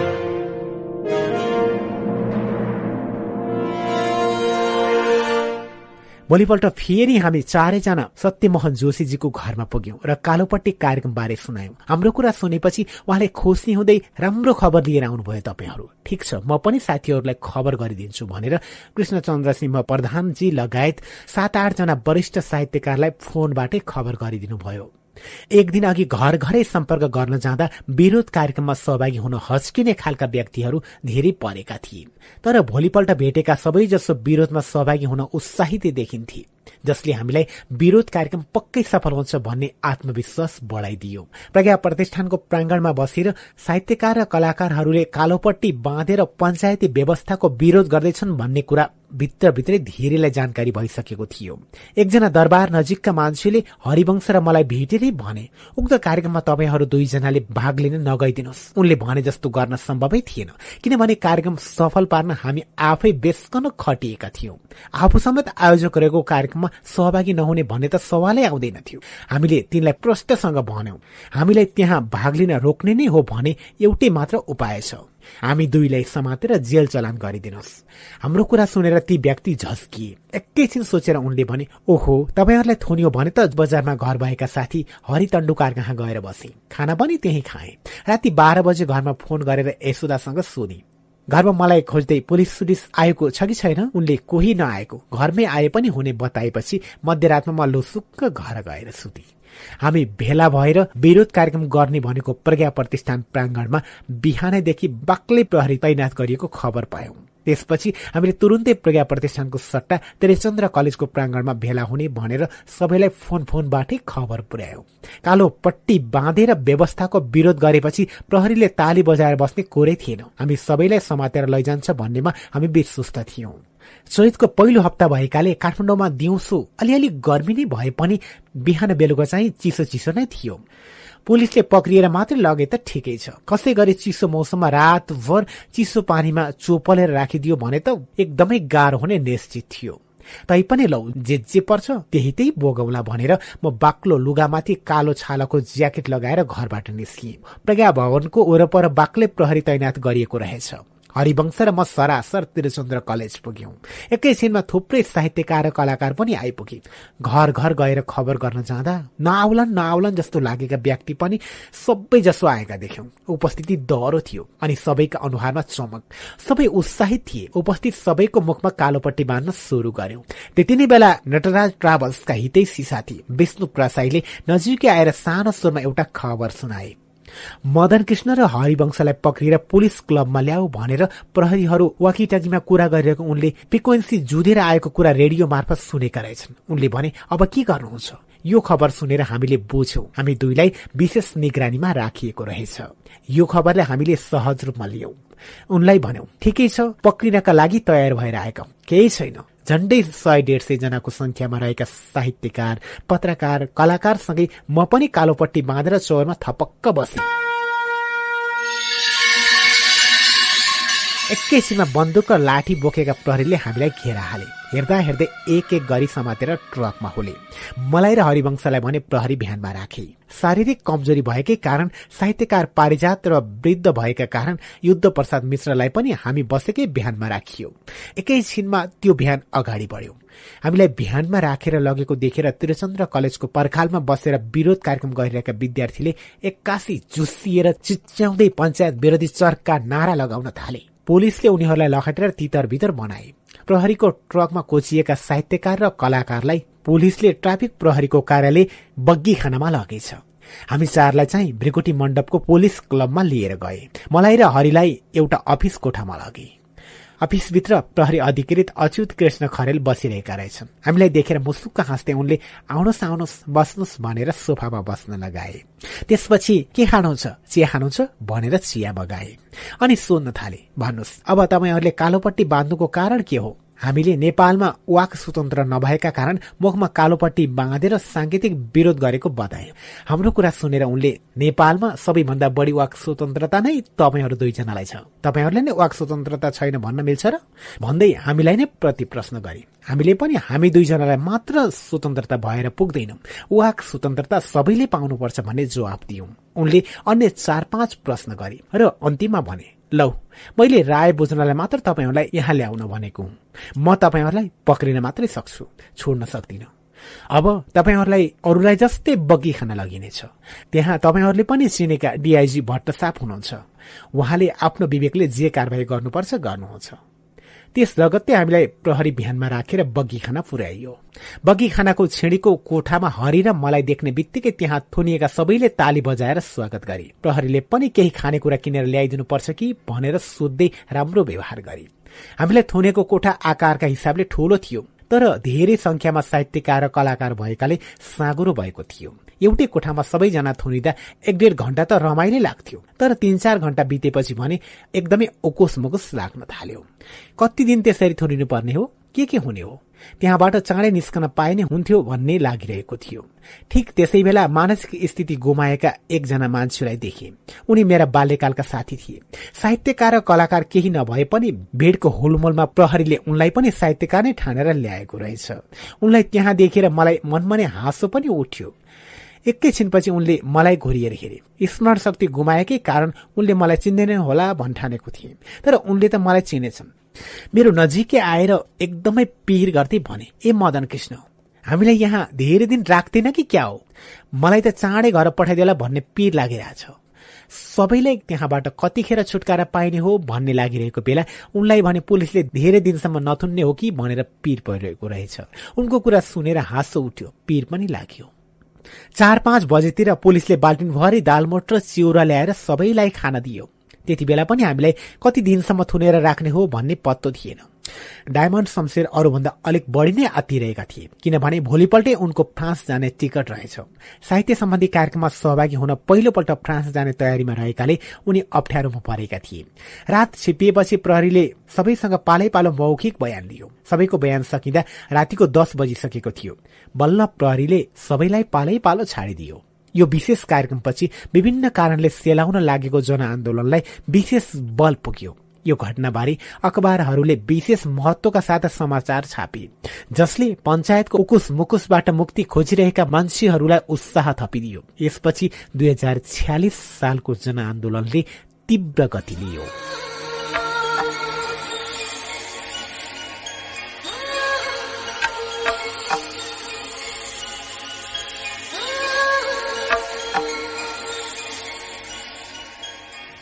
हामी कार्यक्रम कृति बगलको आजको भागको अन्त्यमा छौं यानि कि सत्रौं भागको अन्त्यमा छौं। आजको भागमा हामीले मदन कृष्ण र हरिवंशले चलचित्र क्षेत्रमा यानि कि फिल्मी क्षेत्रमा पहिला राखेका केही प्रसंगहरू उप्कायौं जसमध्ये के घर के डेरा लोभी पापी बलिदान अनि हलिउड मुभी सोल्डसम्म पुग्यौं। त्यसै गरी मदन कृष्ण र हरिवंशले नेपालमा गणतन्त्र ल्याउनका लागि उठाएका पहल कदमीहरूलाई पनि आजको कार्यक्रममा सुन्न पायौं। सिंहको नेपालमा आएको हामीले पाएको गणतन्त्रमा मदन कृष्ण र हरिवंशको त्यो योगदानलाई एकपटक हामी सलामी दिनै पर्छ। तपाईँलाई यो कार्यक्रम कस्तो लाग्दैछ? धौलागिरी एफएम अन्ठानब्बे दशमलव छ मेगा हज बागलुङबाट उत्पादन भई धौलागिरी एफएम र पञ्चास एफएम एक सय दुई दशमलव आठ मेगा हज पर्वतबाट हरेक शनिबार बेलुका नौ तिसदेखि दस बजेसम्म एकसाथ प्रसारण भइरहेको कार्यक्रम कृति बगलमा तपाईँको प्रतिक्रियाको अपेक्षा राख्छौ हामी। तपाईँले चाहनुभयो भने कार्यक्रमलाई युट्युब च्यानलमा समेत सर्च गरेर हेर्न सक्नुहुन्छ। हुन्छ त अब भने कार्यक्रमबाट छुट्नुपर्ने बेला भएको छ। अर्को बसाईमा महको महको बाँकी भाग लिएर आउनुपर्छ। प्रविधिबाट सघाउने सागरप्रति आभार व्यक्त गर्दै म पवन पनि यो भागबाट बिदा माग्छु। नमस्कार। कार्यक्रम कृत्य बकलको यो बसाईमा प्राविधिक साथी सागरसँगै म पवन खड्काको हार्दिक स्वागत छ। धौलागिरी एफएम अन्ठानब्बे दशमलव छ मेगा हज बागलुङबाट उत्पादन भई धौलागिरी एफएम र पञ्चास एफएम एक सय दुई दशमलव आठ मेगा हज पर्वतबाट हरेक शनिबार बेलुका नौ तिसदेखि दस बजेसम्म एकसाथ प्रसारण भइरहेको कार्यक्रम कृति बगलमा अहिले हामी हास्य कलाकार मदन कृष्ण श्रेष्ठको आत्मकथा महकोमा वाचन गरिरहेका छौं र आज हामी महको मको अठारौं भागमा छौं। यसभन्दा अघिल्ला भागहरूमा मदन कृष्ण श्रेष्ठले संघर्षशील वैयक्तिक जीवन यात्रा दाम्पत्य जीवनको शुरूआत अनि सञ्चयकोषदेखि कृषि सूचना शाखासम्मका सरकारी जागिर यात्रा अनि त्यस पछाडि जागिरमा अवकाश हास्य कला क्षेत्रमा अत्यधिक रुचि र लगावका कारण सरकारी जागिरबाट अवकाश लिएर थालनी भएको छ महासञ्चार सहयात्रा। महासञ्चार सहयात्रा सँगसँगै देशमा लोकतन्त्रको लोकार्पण भइसकेको छ। जसमा मदन कृष्ण श्रेष्ठको पनि उत्कृष्ट योगदान छ जसलाई हामी सलाम गर्नै पर्छ। अब यसभन्दा अगाडि के होला त? हुन्छ त सुरु गरौं। पेज नम्बर दुई सय छदेखि अगाडि।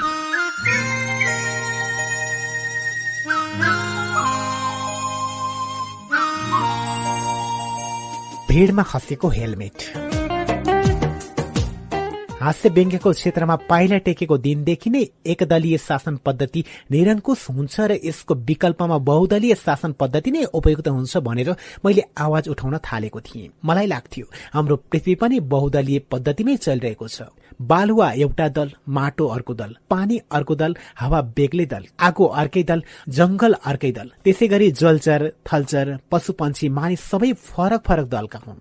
सिङ्गे पृथ्वीभरि बालुवै बालुवा भएको भए पृथ्वीको रूप बिल्कुलै राम्रो हुँदैन थियो। त्यसै गरी पृथ्वीभरि पानी नै पानी अथवा आगै आगो अथवा माटै माटो अथवा जंगलै जंगल भएको भए पनि राम्रो देखिँदैन थियो। त्यसै गरी पृथ्वीभरि मान्छे नै मान्छे अथवा बाघै बाघ मयुरै मयूर मात्र भएको भए पनि संसार के राम्रो देखिन्थ्यो र? यी सबै पृथ्वीमा छन् र त पृथ्वी सुन्दर छ। त्यसैले एकदलीय होइन बहुदलीय लोकतान्त्रिक शासन पद्धतिमा मात्र सबैको विचार सबैको बुद्धि अटाउन सक्छ। तर नेपाली भएपछि सबै नेता प्रशासक र आम जनताको हृदयमा मेरो देश नेपाल हो म नेपाली हुँ भन्ने भावना हुनुपर्छ। पद र पैसाका लागि आफ्नो माटो बेर्सने नेताहरूबाट देश अगाडि बढ्न सक्दैन भन्ने मलाई लागिरहन्थ्यो। यस्तै विचारले प्रेरित भएर बहुदलीय लोकतन्त्रको पक्षमा जनचेतना जगाउने खालका हाँस्य व्यङ्ग्य कार्यक्रम देखाउँदै हिँड्न थालिन्। त्यही बेला जनताको असन्तुष्टि सड़कमै पोखिन थाल्यो र आन्दोलनको स्वरूपले व्यापकता पाउँदै गयो। सरकारी कर्मचारी पनि सड़कमा ओर्लन खोजिरहेका थिए तर सरकारको नुन खाएका कारण मिलिरहेको थिएन। सरकारको अर्ध स्वामित्वमा रहेका संस्थाका कर्मचारी पनि सड़कमा उत्रन नपाएर उकुस मुकुस भइरहेका थिए। तर आम जनता भने खुला रूपमा पञ्चायत विरोधी असन्तुष्टि पोख्न सड़कमा उत्रिरहेका थिए। त्यो विशाल जुलुसमा हामी पनि सम्मिलित थियौं। पञ्चायती व्यवस्थाका अन्तिम दिनमा भएको विशाल जुलुसमा पनि पुतली सड़क ब्रिकुटी मण्डप टुडी खेल शहीद गेट हुँदै तत्कालीन शाही नेपाल वायु सेवा निगमको कार्यालय अघि पुगेका थियौं। निगमका कर्मचारी पनि कर्मचारीका हैसियतले जुलुसमा भाग लिन अप्ठ्यारो परेर उकुस मुकुस भइरहेका थिए। हरि र म जुलुसबाट फुत निस्केर निगमको प्राङ्गणनिर गएर जोसिँदै चर्को स्वरमा निरङ्कुश व्यवस्था भनेर नारा लगाउँदा त्यहाँका कर्मचारीले जोसिलो स्वरमा मुर्दाबाद भनेर एकै स्वरमा कराए। हेर्दा हेर्दै एकैछिनमा सबै कर्मचारी स्वतस्फूर्त जुलुसमा सामेल हुन आए। मैले देखे अनुसार जनआन्दोलनमा सबैभन्दा पहिलो नारा लगाउँदै होमिने संस्थानका कर्मचारी मध्ये सम्भवतः वायु सेवा निगमका कर्मचारी नै पहिलो थिए। हेर्दा हेर्दै जनआन्दोलन उत्कर्षमा पुग्यो। राजा वीरेन्द्रले पञ्चायती व्यवस्था छाडेर बहुदलीय प्रजातान्त्रिक व्यवस्था स्वीकारेपछि मात्रै आन्दोलनले विश्राम लियो।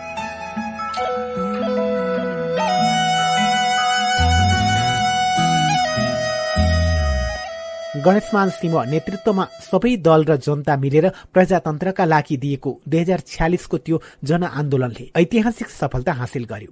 प्रजातन्त्र घोषणाको दिन सर्वमान्य नेता गणेशमान सिंह वीर अस्पताल उपचाररत थिए। हरि र म अस्पतालमै गएर उनलाई बधाई दियौं। बधाई दिएर निस्कँदा अस्पतालको प्राङ्गण र सड़कभरि उपस्थित हजारौं जनताले हरि र मलाई काँधमा बोके। हामीलाई अघि अघि लगाएर प्रजातन्त्र जिन्दाबाद जनताको जित जिन्दाबाद भन्ने नारा लगाउँदै विशाल जुलुस अगाडि बढ्न थाल्यो। वीर अस्पतालबाट निस्किएको विजय जुलुस भोटाइटी असन न्यू रोड मरुटुल जैसी देवल टेकु त्रिपुरेश्वर हुँदै पाटनतिर अगाडि बढ्यो। त्यस दिन गणेश मान्जीलाई बधाई दिन हरि र म मोटरसाइकलमा अस्पताल गएका थियौं। मैले मोटरसाइकललाई अस्पतालमै थन्क्याएको थिएँ तर पन्जा र हेलमेट भने हातैमा बोकेको थिएँ। हामीलाई काँध काँधमा बोकेर खुसीले उफ्रदै चिच्याउँदै नारा लगाउँदै हिँड्दा मेरो हातबाट हेलमेट र पन्जा कतिखेर कहाँ खस्यो बेउ पाइन। जुलुसमा हिँडेको धेरै बेरपछि पो म झसङ्ग भए। मेरो हातबाट हेलमेट र पन्जा मान्छेहरूको विशाल सागरमा कतिखेर कहाँ खसिसकेको रहेछ? हेलमेट र पन्जा फेरि किन्नु पर्ने भयो भनेर मनमा नै सोचे। तर पनि खुसीको उन्मादले पीर गौड बनेको थियो। हरि र मलाई कहिले कसको काँधमा कहिले कसको काँधमा चढाइन्थ्यो। त्यसरी काँधमा बोक्नेहरू कोही होचा हुन्थे कोही अग्ला हुन्थे। त्रिपुरेश्वर नेर त एकजना अग्ला न अग्ला विदेशी नागरिकले पनि मलाई काँधमा बगी ती अग्ला विदेशीको काँधमा बस्दा मलाई रोखमाथि बसे जस्तै भयो। माथिबाट भुइँमा खसिएला जस्तो लागेर ती विदेशीको टाउको बच्चाले जस्तो च्याप्प समाति राखे। त्रिपुरेश्वर पुगेपछि हामी दुवैलाई रिक्सामा राखियो। जुलुससँगै हामी चढेको रिक्सा पाटनका विभिन्न ठाउँमा पुग्यो। बाटोमा उभिएर हेरिरहेका मानिसले गालाभरि र टाउकोभरि अभिर दलिदिएर खुसी व्यक्त गरे। ठाउँ ठाउँमा भने कोही कोहीले फूलमाला जुसहरू हातैमा थम्याउन ल्याउँथे। जुलुसमा हिँडेकाहरूलाई गर्मी नहोस् भनेर स्थानीय बासिन्दाले झ्याल झ्यालबाट पानी छर्किदिन्थे। त्यति विशाल जुलुसमा हामीलाई सबैले सम्मान र माया गरेको देखेर कति न हामी दुईजनाले मात्रै देशमा गणतन्त्र ल्याइदिएको जस्तो पनि देखिरहेको थियो। दिनभरि काँध काँधमा र रिक्सामा चढेर विजय जुलुसमा भाग लिएर घर फर्कँदा टाङ फाटिएर हिँड्नै गाह्रो भयो। बल्ल तल्ल घर पुगे। घर पुग्ने बित्तिकै फेरि त्यही हजारौंको भिडमा खसेको पन्जा र हेलमेटको सम्झना भयो। त्यत्रो विशाल जनसागरमा खसेको हेलमेट र पन्जा कुल्सिएर धुलो पिठो भयो होला भनेर थकथकी मान्दै थाकेको सुरमा गोप्लुक्क सुती। विजय जुलुसको तीन चार दिनपछि एकजना अपरिचित व्यक्तिको फोन आयो। उनले भने हेलो मदन कृष्णजी हो? तपाईँको हेलमेट र पन्जा जुलुसको भिडमा खसेको रहेछ। एकजना मान्छेले तपाईँको हातबाट खसेको रे भन्दै मेरो पसलमा छाडेर गएका छन्। बल्ल तल्ल तपाईँको नम्बर पत्ता लगाएर अहिले फोन गरेको। लिन आउनुहोस् है। यति भनेर ती व्यक्तिले पसलको ठेगाना दिए। उनको कुरा सुनेपछि हराएको हेलमेट र पन्जा पाइयो भनेर मलाई औधी खुसी लाग्यो। त्यत्रो भिडमा खसेको सामान समेत नहराउँदा म दङ्ग परिरहेँ।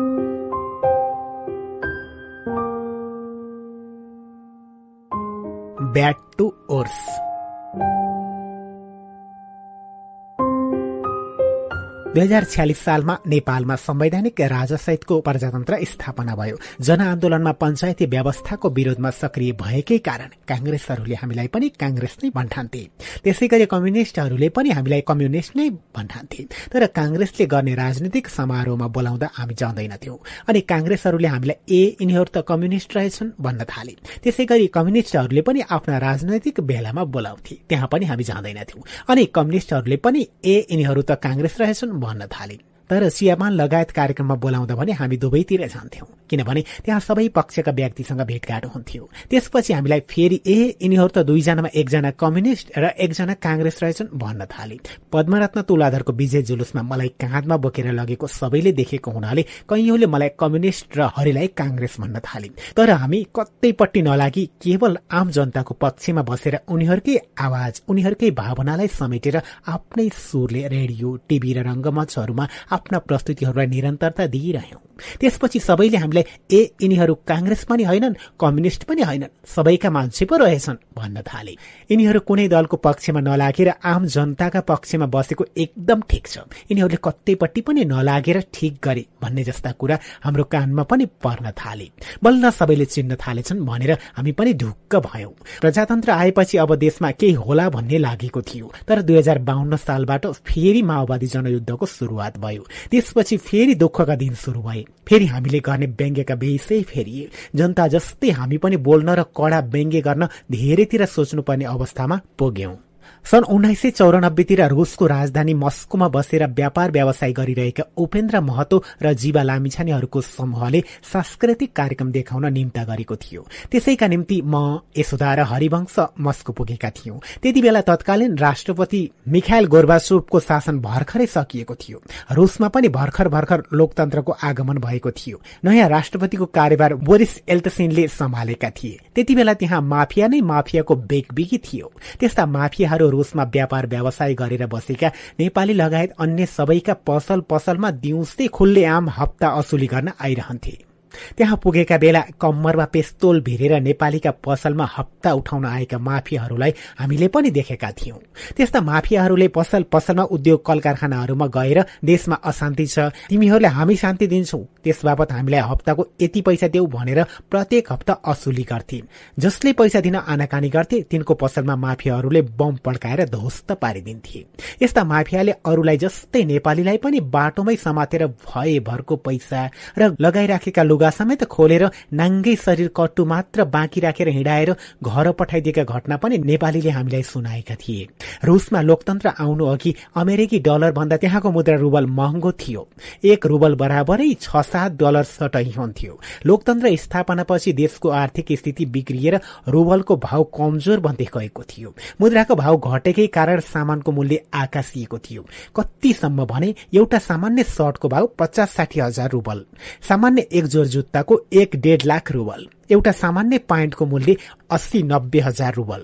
रुबलको भाव त मकैको खोस्टा जस्तै भइरहेको थियो। जताततै अराजकै अराजक र डरै डर थियो। त्यस्तो समयमा मस्कोमा हाम्रो कार्यक्रम भएको थियो। उक्त कार्यक्रममा प्रमुख अतिथिका रूपमा रहेका तत्कालीन रूसका लागि नेपाली राजदूत कुमार गेवालीले भने हामी नेपालीहरू विदेशमा बसिरहँदा सधैँ नेपालमा के भइरहेछ कस्तो भइरहेछ भनेर चिन्तित भइरहन्छौ। नेपालबाट कोही आउने थाहा भयो कि हामी गुन्द्रुकमा गाउँछौ म सेउरामा गाउँछौ त्यसै गरी महजोडीको हास्य व्यङ्ग्य क्यासेट पनि मगाउँछौ। उनका यस्ता कुरा सुनेर हामीलाई अत्यन्त खुसी र थप हौसला मिलेको थियो। कार्यक्रम देखाएको भोलिपल्ट हामी मस्कोबाट रातभर ट्रेन चढेर लेनिनग्राद सहर पुग्यौं जसलाई सेन्ट पिटरबर्ग सिटी पनि भनिन्छ। भोलिपल्ट बिहानैदेखि हामी उक्त सहरमा घुम्दै थियौं। सहर अति नै सुन्दर थियो। कला कौशलले भरिपूर्ण दरबार र चर्च सुन्दर बगैँचा र पार्क फराकिला र व्यवस्थित सड़क आदिले उक्त सहर अत्यन्तै सुन्दर देखिन्थ्यो। हरिवंश म र यशोदा एउटा स्टिमर चढेर ठूलो नदीमा घुम्दै थियौं। एक रसियन र एकजना नेपाली साथी पनि हामीसँगै थिए।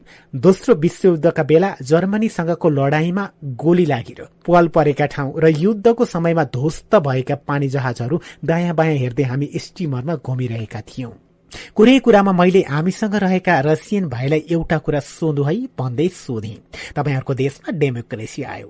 अहिले तपाईँलाई कस्तो लागिरहेछ? मेरो प्रश्नको जवाफमा उनले भने हेर्नुहोस् यो लेनग्राज सहरमा रहेका जति पनि राम्रा राम्रा दरबार छन् जति पनि राम्रा राम्रा पार्क छन् स्ट्रिट ल्याम्प छन् ती सबै यसअघिका जार शासकको पालामा बनेका हुन्। यति भनेर उनले नजिकै रहेको सुन्दर चर्चतिर देखाउँदै भने दोस्रो विश्वयुद्धताका हिटलर जस्ता क्रूर शासकले समेत आफ्ना सिपाहीहरूलाई बम हान्ने बेला त्यो सुन्दर चर्चमा बम नहान्नु है भनेका थिए। रे यिनै चर्च पार्क र सुन्दर दरबार हेर्न वर्षेनी लाखौं पर्यटक संसारबाट यहाँ आइरहन्छन्। ती संरचना पहिले अझ राम्रा थिए। पछि कम्युनिष्टहरूको शासन शुरू भएपछि उनीहरूले ती सबै संरचना ध्वस्त पारे। अब अहिले डेमोक्रेसी आएपछि त्योभन्दा पनि ध्वस्त भयो। राम्रो बाटो अझै राम्रो हुनु त कहाँ हो कहाँ? नराम्रो माथि झन नराम्रो भइरहेछ। अन्तर्राष्ट्रिय सम्मेलन केन्द्रमा भएको उक्त वार्ताको प्रत्यक्ष प्रसारण घरमै बसेर म टिभीमा हेर्दै थिएँ। वार्ता सफल भएर दुई नेताले हात मिलाएको दृश्य देखेर शान्तिको लामो सास फेर्दै खुसी भएर एक्लै ताली पनि बजाएको थिएँ। अब त ढुक्कले शान्तिको सास फेर्न पाइने भयो। कुनै संकोच नमानी प्रहसन देखाउन पाइने भयो भनेर हर्षित भएको थिएँ। तर मेरो खुसी धेरै दिन टिकेन किनकि शान्ति प्रक्रियापछि पनि भने जसरी देश अघि बढेन। शान्ति प्रक्रियापछि पनि हत्या हिंसाका श्रृङ्खला नरोकिएपछि सामाजिक अगुवाहरूले हत्या हिंसा विरूद्धको अभियान शीर्षकमा देशभर कार्यक्रमहरू आयोजना गरेका थिए। सोही अभियानले पोखरामा आयोजना गरेको कार्यक्रमका लागि केही पत्रकार बुद्धिजीवीहरू सहित हरिवंश र म पनि त्यहाँ पुगेका थियौं। समारोह भइरहँदा मेरो ध्यान माछापुछ्रे हिमालमा पुग्यो। त्यति बेला मैले माछापुछ्रे लगायत सगरमाथादेखि सबै हिमाल पालै पालो सम्झिए। ती हिमाल यति सुन्दर छन् जसको तस्विर नेपालीहरूको कोठा कोठामा गर्वका साथ टाँसेर सजाइराखेका छन्। कारण यी हिमाल मनमोहक भएर मात्र होइन यिनीहरूले पिउने र सिंचाईका लागि पानी दिएका छन् जलविद्युत निकाल्न नदीनाला दिएका छन्। त्यस्तै यिनै हिमाल हेर्न संसारभरका पर्यटक लोभिएका कारण पर्यटक उद्योगमा टेवा पुगेको छ। त्यसैले त सबैले हिमालको तस्विर कोठा कोठामा सजाउँछन्।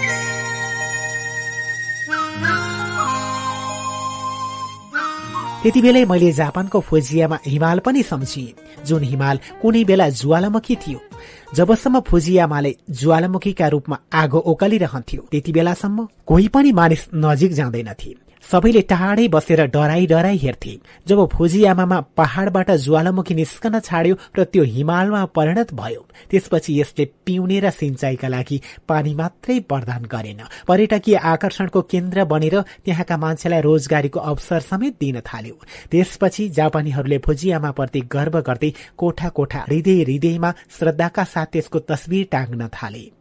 हाम्रा नेताले पनि आगो मात्रै ओकालेर नबसी देशका कल कारखानाको वृद्धि गर्ने वातावरण बनाएर बढ़ी भन्दा बढ़ी रोजगारीको अवसर सृजना गरे कति गजब हुन्थ्यो।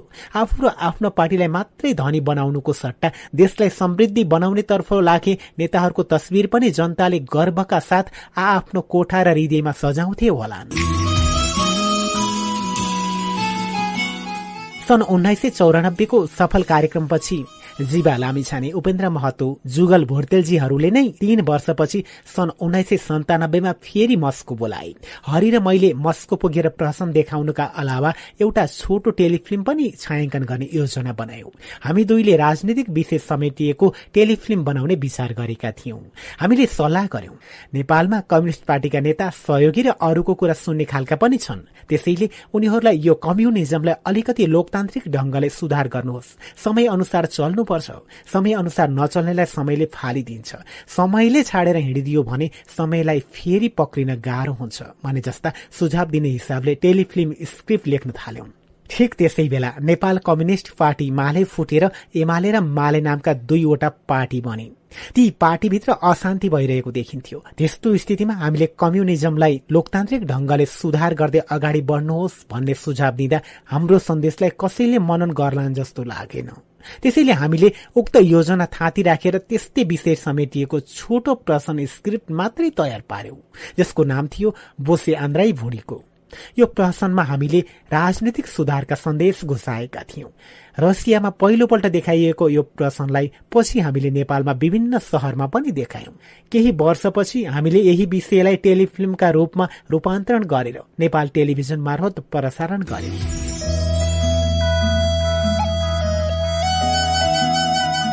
मस्को गएर सुटिङ गर्ने उद्देश्यले हामीले महासञ्चारका सिनेमाटोग्राफर गौरीशंकर धोजुका लागि पनि भिसा र प्लेन टिकट लिइसकेका थियौं। तर अन्तिममा आएर गर्ने भनिएको टेलिफिल्मको छायाङ्कन रद्द भएपछि हामीले आफ्नो योजना बदल्यौं। सिनेमाटोग्राफर गौरी पनि जाने भइसकेपछि कमसे कम एउटा एउटा गीत भए पनि छायाङ्कन गरौं भनेर हरि र मैले निर्णय गर्यौं। सोही निर्णय अनुसार हामीले रसियाको राजधानीमा दुईवटा फरक फरक गीतको छायाङ्कन गर्यौं। हरिले चाहिँ मायालु नहो सजो रेसानी लाउरेले गर्दैन हाई बेइमानी भन्ने गीतको सुटिङ गरे मैले चाहिँ एउटा गीत लेखेर गाइराखेको थिएँ। त्यसैलाई छायाङ्कन गरे मेरो गीतको शब्द थियो। अरबौं मान्छेहरूमा तिमी एक मन मिल्ने मान्छे म मन मिल्ने मान्छे भेट्दा संसार नै भुल्ने मान्छे। तराजुमा राखेर धेरैपल्ट यो दुनियाँलाई मैले जोखेको छु सहानुभूतिको आशा गरेर रुँदै व्यर्थै वेदना पोखेको छु।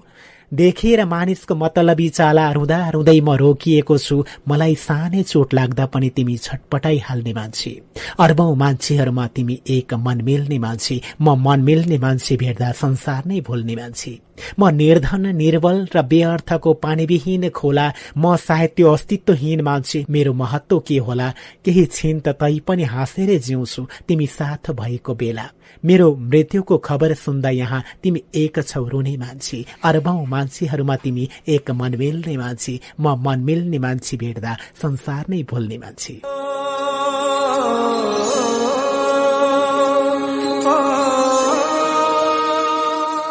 यस गीतको छायाङ्कन गर्दा मैले हरिवंशलाई पनि संसारको अरबौं मान्छेहरूमा मन मिल्ने मान्छेका रूपमा समावेश गरेको छु। छायाङ्कनका क्रममा गौरीले भावुक हुँदै भने मदन दाई तपाईँले यो अरबौं मान्छेहरूमा तिमी एक मन मिल्ने मान्छे भनेको सुन्दा मलाई नै भन्नुभएको हो कि जस्तो लाग्छ। उनको कुरा सुनेर मैले भने हो गौरी तिमीलाई भनेको हो। ज जसले यो मन मिल्ने मान्छे भनेर मलाई नै भनेको हो भनेर सोध्छन् उनीहरू सबैलाई मैले मन मिल्ने मान्छे भनेको हुँ। छायाङ्कन सकिएको केही दिनपछि हामी कम्युनिष्ट नेता लेनिनको सब हेर्न पुगेका थियौं। रसियाबाट फर्किए लगत्तै अर्को हप्ता उत्तर कोरिया जाने क्रममा हामी चीनको बेजिङ शहर पुगेका थियौं। सोही क्रममा हामीले चीनका कम्युनिष्ट नेता माओ सेतुङको सब हेर्न पुगेका थियौं। ठ्याक्कै त्यसको एक हप्तापछि हामी उत्तर कोरियाको प्योङयाङ शहर पुग्यौं। त्यहाँ पनि हामी उत्तर कोरियाली नेता किम इलसुङको सब हेर्न पुग्यौं। त्यसरी लगातार तीन हप्तामा तीनजना ठूल्ठूला कम्युनिष्ट नेताको सब हेर्ने संयोग मिलेको देखेर हामीलाई अचम्म लाग्यो।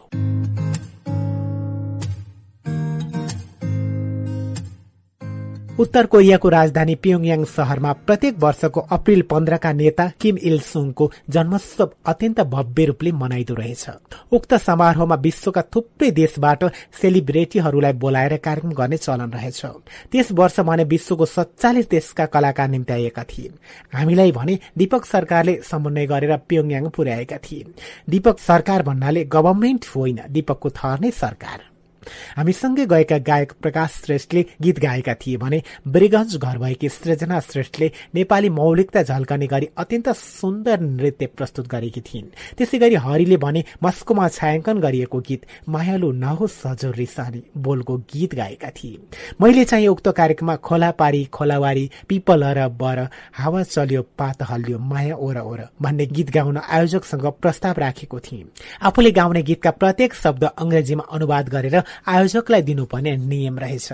हामी सबैले आफ्ना गीत अनुवाद गरेर दियौं। मैले दिएको गीतको अनुवाद हेरेर आयोजकले भने यो गीत गाउन मिल्दैन। अर्को गीत गाउनुहोस् मैले त्यो गीत गाउन नहुनुको कारण सोधे। कसैले केही जवाब दिएनन्। पछि बुझ्दा पो बल्ल थाहा भयो। त्यो गीतको शब्दमा खोलावारी खोलापारी पिपल र बर हावा चल्यो पात हल्यो माया ओरो ओरो भन्दा खोलावारी खोलापारीको अर्थ खोलावारी उत्तर कोरिया खोलापारी दक्षिण कोरिया भन्न खोजेको हो कि भन्ने शंका गरेका रहेछन्। निकै बेरसम्म अल्याङ मल्याङ गरेर तिनीहरूले मलाई अर्कै गीत गाउन जोड गरिरहे। मैले पनि यो सामान्य गीत हो भनेर भनेको भनै गरे। अर्को गीतको ट्र्याक आफूले नल्याएको कुरा गरेपछि उनीहरूले एकैछिन खासखुस गरे र बल्न गाह्रो मान्दै सोही गाउन अनुमति दिए। पञ्चायती व्यवस्थामा भन्दा पचास गुणा बढी शङ्कालु भएर सेन्सर गर्न खोजेको देखेर हामी नबोली चुपचाप बसिरह्यौं। छोराछोरीको अमेरिका यात्रा। सिद्धार्थ वनस्थली स्कूलबाट एसएलसी सकेपछि भारतको पुना स्थित सिम्बोसिस कलेजबाट आइकम सिद्धाएर नेपाल फर्किएपछि एमन शंकरदेव क्याम्पसमा विक्रम पढिरहेका थिए। अर्थशास्त्र पढे पनि उनको ध्यान गीत संगीत र अन्य सृजनशील काममा देखिन्थ्यो। महासञ्चारद्वारा निर्मित लक्ष्मी कान्तिपुर जस्ता टेलिचलचित्र फिल्म नायक कथानक चलचित्र लगायत थुप्रै टेलिभिजन विज्ञापनका लागि जिङ्गल रेकर्ड गर्ने काम उनले गरिसकेका थिए। हरिले पनि एमनको रुचि र खोबीलाई बुझेर उनलाई प्रोत्साहन दिइरहन्थे महासञ्चारद्वारा निर्मित टेलिफिल्मका लागि आवश्यक गीतमा संगीत भर्न रेडियो जिङ्गल जस्ता सानातिना काम हरिले सधैँ एमनलाई नै गराउँथे यस बापत हरिले पारिश्रमिक पनि राम्रै दिन्थे तीन हजार जति दिए पुग्ने कामलाई पाँच हजार दिन्थे पाँच हजार जति दिए पुग्ने काममा आठ हजार दिन्थे यसरी एउटै काममा बाबुले पनि छोराले पनि पैसा बुझ्दा मेरो भागमा अलि धेरै पैसा आउँथ्यो। यसरी हरिलाई भन्दा बढी पैसा मेरो भागमा पर्न आउँदा मलाई कसो कसो लाग्थ्यो। हरि मेरा छोराछोरीलाई अत्यन्त माया गर्छन्। उनीहरू पनि हरि अङ्कल भनेपछि हुरुक्कै हुन्छन्। छोरी सरानालाई सानै छँदा केही गरी हामी मम्मी र ड्याडी दुवैजना मर्यौं भने के गर्छौ छोरी? भनेर सोद्धा उनले ढुक्क हुँदै भनेकी थिइन्। हरि अङ्कल छँदैछ नि? त्यस्ताका पढ्न र कामको खोजीमा अमेरिका जाने फेसन नै चलेको थियो। एमन पनि बेला बेला जिस्किएरै भन्थे म पनि जाउँ कि क्या हो अमेरिका? तर मलाई भने उसलाई अमेरिका पठाउन मनै थिएन। एक दिन मैले एमनलाई पर्यटन उद्यमी कर्ण साक्य दाईसँग भेटाएँ। उनले एमनको अमेरिका जाने सपना सुनेर धेरै गहकिला कुरा गरे। अमेरिका भनेको एकपटक घुम्न मात्रै जाने ठाउँ हो। त्यही बस्ने गरी जानु ठिक छैन। हाम्रो शरीर भनेको अन्न पानीको हो। कहिलेकाहीँ बिरामी भइयो भने त्यहाँ राम्रो अस्पताल राम्रा डाक्टर र प्रविधि छन्। तर बिरामी परेका बेला नजिक आएर न्यानो हातले सुमसुम्याउँदै तिमीलाई कस्तो छ बा अहिले? भनेर सोध्ने मायालो स्वर छैन। माया भनेको अमूल्य कुरा हो जुन तिमीले आफ्नै देशमा पाउँछौ।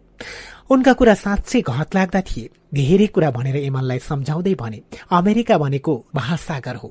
त्यहाँ तिमी हराउन पनि सक्छौ। ठूलो समुद्रको सानो माछा भएर बाँच्नु भन्दा नेपालमै सानो पोखरीको ठूलो माछा भएर बाँच्नु उत्तम हुन्छ। उनको कुरा सुनेपछि एमनले विदेश जाने विचार तत्कालका लागि त्यागेका थिए। तर एमनको नजिकका साथी तपन प्याकुरेलले एक दिन उनको मन फेरिदिए। अमेरिकाको डालसमा बसेर पढिरहेका तपनले एमनलाई भनेछन् एमन यहाँ म पनि एक्लै भइरहेछु। तिमी आयो भने मलाई साथी पनि हुन्छ। तिमी यही मास्टर्स पढ्ने गरी आऊ। म तिमीलाई टिकट पठाइदिन्छु। तपनको प्रस्तावले एमनको मन बदलियो। उनले धेरै पटक के गरौं ड्याडी? म अमेरिकामा पढ्न जाउँ भनेर सोधिरहे। पखेटा हालेको उनको रहरलाई मैले रोक्न चाहिन र भने जाने भए जाऊ न त। नभन्दै हप्ता दिनभित्रै तपनले टिकट पठाइदिए। एक वर्ष अघि सन् उन्नाइस सय उनासेमा हामीसँग कार्यक्रम देखाउन अमेरिका जाँदा एमनले पाएको पाँच वर्ष भिसाको म्याद बाँकी नै थियो। विश्वविद्यालयमा भर्ना हुने पक्का भएपछि दस बाह्र दिनमै सबै काम फटाफट सकेर छोरा त गए भर्र उडेर अमेरिका।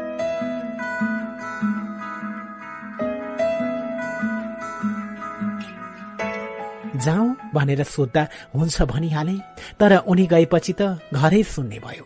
छोरी सराना यशोदा र म एकअर्काको मुख हेराहेर गरेर जिल्ल परिरह्यौं। दाजु अमेरिका गएपछि सरानालाई पनि अमेरिका जान सकसक लाग्न थाल्यो।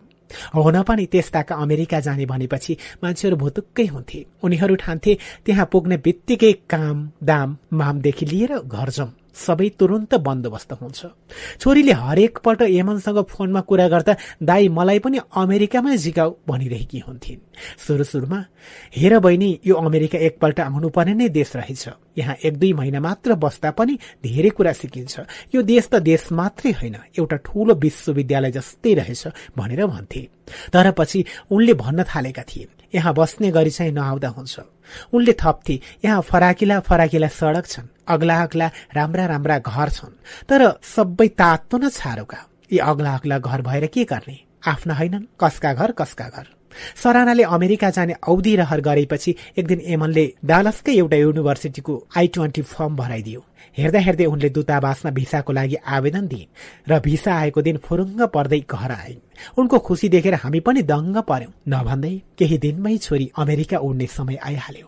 विमानस्थल जान घरको भर्याङबाट छोरी गीत गुनगुनाउँदै ओर्लिन् एकैछिन गीत रोकेर छोरीले बरबराउँदै भनिन् के गर्नु? आफ्नो स्वर यस्तो राम्रो छ? यति राम्रो स्वर अमेरिकामा गएर त्यस्तै हराउने भयो। उनले भने जस्तै मलाई छोरीको स्वर साँच्चीकै राम्रो लाग्छ। उनले गीत गाउँदा हिप्नोटाइज गरेको जस्तो लट्ठ पर्छु म। सानैदेखि उनको स्वरमा मिठो मोरसाना भरिएको हुन्थ्यो। सरानाले फिल्म नामक चलचित्रमा गीतकार दिनेश अधिकारीले लेखेको दैव हरे के गर्नु मैले? कहिलेसम्म ठग्ने हो कर मैले बोलको गीतमा स्वर भरेकी थिइन्। हामी आमा बाबु दुवैजना छोरी पुर्याउन दङदास सुँदै विमानस्थल पुग्यौं। हामीलाई हाँस्दै बाई बाई गर्दै छोरी विमानस्थल छिरेपछि पो हामी बुढाबुढीको मन एकदमै चिसो भए जस्तो भयो। नरमाइलो अनुभूति भयो। छोरीलाई बोकेर लैजाने जहाज उडेपछि त्यसलाई हेरेर दुवै हात हल्लाएर बाई बाई गर्यौं। घर फर्किएपछि हामी सरासर छोरीको कोठामा गयौं। एकदम सुन्ने लाग्यो। सरानालाई अमेरिका पठाएकोमा भित्ता भित्ताहरूले समेत नरमाइलो मानेर चित्त दुखाइरहेछै लागिरह्यो। पहिले छोरा मात्र अमेरिका जाँदा हामी बुढाबुढी छोरीसँग कुरा गरेर रमाउँथ्यौं। छोराछोरी दुवै अमेरिका गएपछि त हामी दुईजना भएर पनि एक्लो महसुस भइरह्यो। त्यसै त्यसै मन भरिएर रौँ रौँ लागेर आयो। छोराछोरीको सम्झनाले बेला बेलामा आँखाबाट थाहै नपाई बर्र आँसु झर्न थाले। केही दिनपछि शून्यतामै बानी पर्न थाल्यो।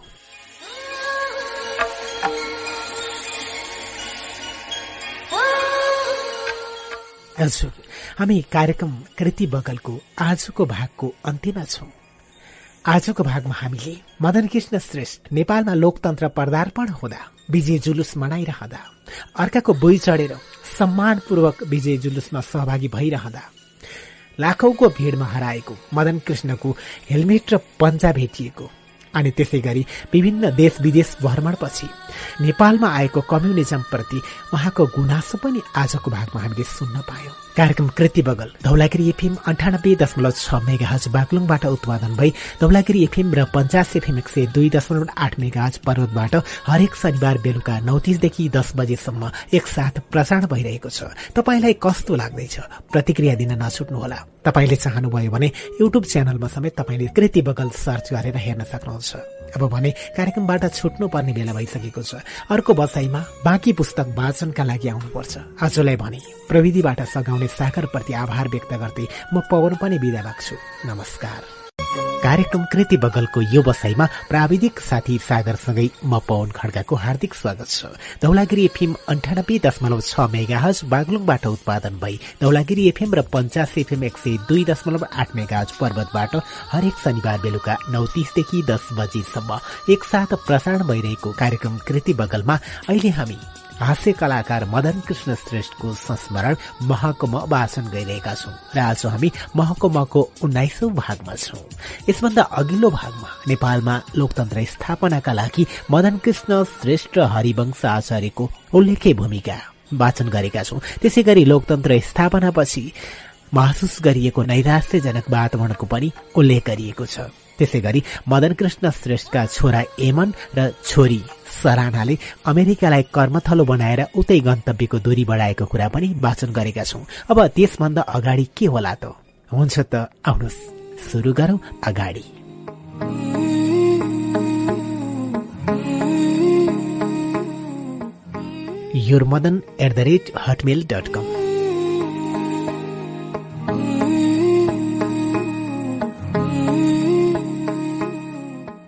मेरो पहिलो email address Your mother. At the rate Hotmail dot com थियो। मेरै सिको गरेर छोराले आफ्नो email address your Eman at the rate Hotmail dot com राखेका थिए। त्यो देखेर छोरीले पनि आफ्नो email address your Sarana at the rate Hotmail dot com राखिन्। Yashoda मात्रै किन बाँकी? उनले पनि आफ्नो email address your Yashoda at the rate Hotmail dot com राखिन्। मेरो परिवारका सबै सदस्यले इमेल एड्रेस एकै प्रकारको राखेका थियौं। मानव कुनै कम्पनीको स्लोगन जस्तो। एक दिन मेरो इमेल ठेगानामा आएको ग्रुप इमेलमा मेरा आँखा फ्याट्ट यो रिङको at the rate Hotmail dot com पर्यो। को होला यो मान्छे? हाम्रो परिवारको स्पेसल इमेल एड्रेस जस्तो गरी इमेल एड्रेस राख्ने। मलाई खोल्दुली लागिरह्यो। पछि बुझ्दै जाँदा त्यो इमेल एड्रेस त हुनेवाला बुहारीको पो रहेछ। सरानाले रिङ्कुका बारेमा सबै कुरा बताएपछि छोराको बिहेका लागि उत्साहित हुँदै हामी बुढाबुढी अमेरिका गयौं। अमेरिकाको डालसमा ठूलो मन्दिर रहेछ। छोरा र हुनेवाला बुहारीले आफ्नो बिहेको बन्दोबस्त आफैले गरेका थिए। भारतीय अभिनेता दिलीप कुमारको जस्तो अनुहार परेका हिमाञ्चल प्रदेशका पण्डितले अराए अनुसार विवाह सम्पन्न भयो। बा आमाको कर्तव्य निभाउन पाएको खुसीमा दङ्ग पर्दै हामी नेपाल फर्कियौं।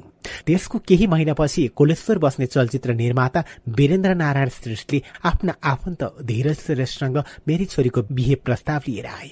श्रेष्ठ मेरो पुरानै चिनाजानीका मान्छे थिए। उनले दुई हजार पैंसठी सालमा बनाएको सुख दुःख नामक चलचित्रमा मैले विशेष भूमिका निभाएको थिएँ। जुन चलचित्र त्यो वर्ष चलेको चलचित्र मध्ये सबैभन्दा धेरै प्रदर्शित भएका मध्ये पर्थ्यो। उनको प्रस्ताव बुझ्दै जाँदा मलाई पनि चित्त बुझ्यो। पछि पो थाहा भए छोरी र हुनेवाला ज्वाइँ त पहिल्यै कुरा मिलिसकेको रहेछ। प्रस्ताव आएको केही महिनापछि नै म कार्यक्रम देखाउने सिलसिलामा अमेरिकाको डालस पुगेको थिएँ। डालसमा धेरै जनसंख्यामा नेपालीको बसोबास भएकाले अमेरिका पुगेका बेला त्यहाँ पनि एउटा न एउटा कार्यक्रम गरिएकै हुन्थ्यो।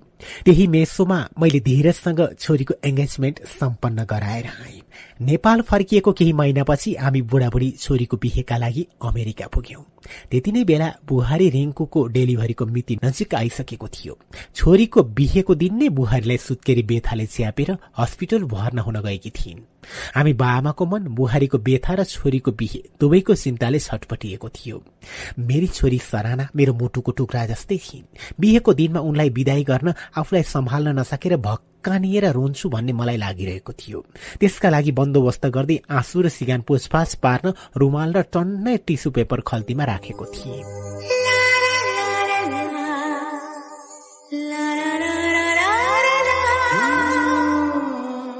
एमनको बिहे भएकै मन्दिरमा छोरीको बिहे सुरु भयो। स्वयंवर लगायत बिहेका सबै विधि सकेपछि छोरीलाई बोकेर तीनपल्ट कार घुमाएर त्यसभित्र राख्नै लाग्दा म भक्कनिएर रुन ठिक्क परेको थिएँ आफूलाई जेनतेन सम्हाल्दै छोरीको कुममा हात राखेर ल छोरी राम्रोसँग जाऊ है।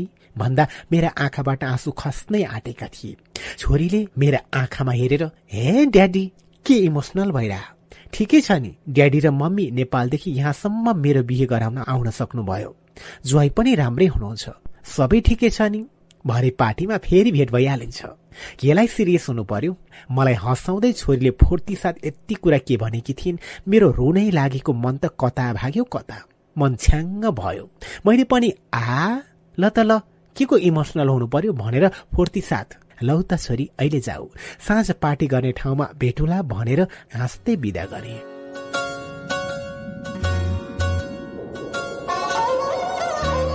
छोरी अन्माएको तीन दिनपछि नै बुहारीले हामीलाई नातिनी उपहार दिइन्। हामी हजुरबा हजुरआमा भयो। हजुरबा हजुरआमा बनेको र छोरीको बिहे कर्तव्य निर्वाह गरेको खुसी सम्हाल्दै हामी नेपाल फर्कियौं।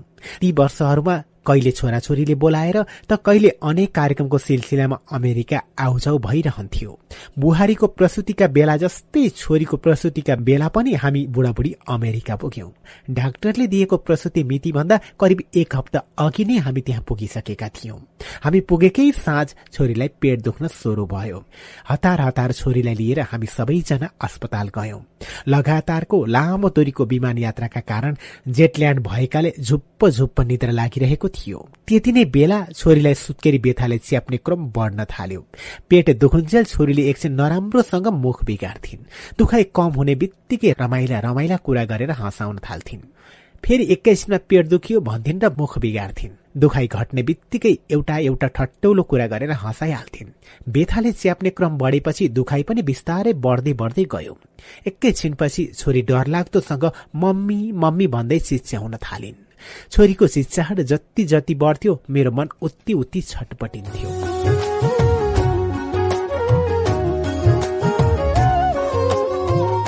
नानी फुपूका छोरा बुहारी प्रबोध र शिला पनि हामीसँगै रातभर अस्पतालमै रोगेर बसिरहे।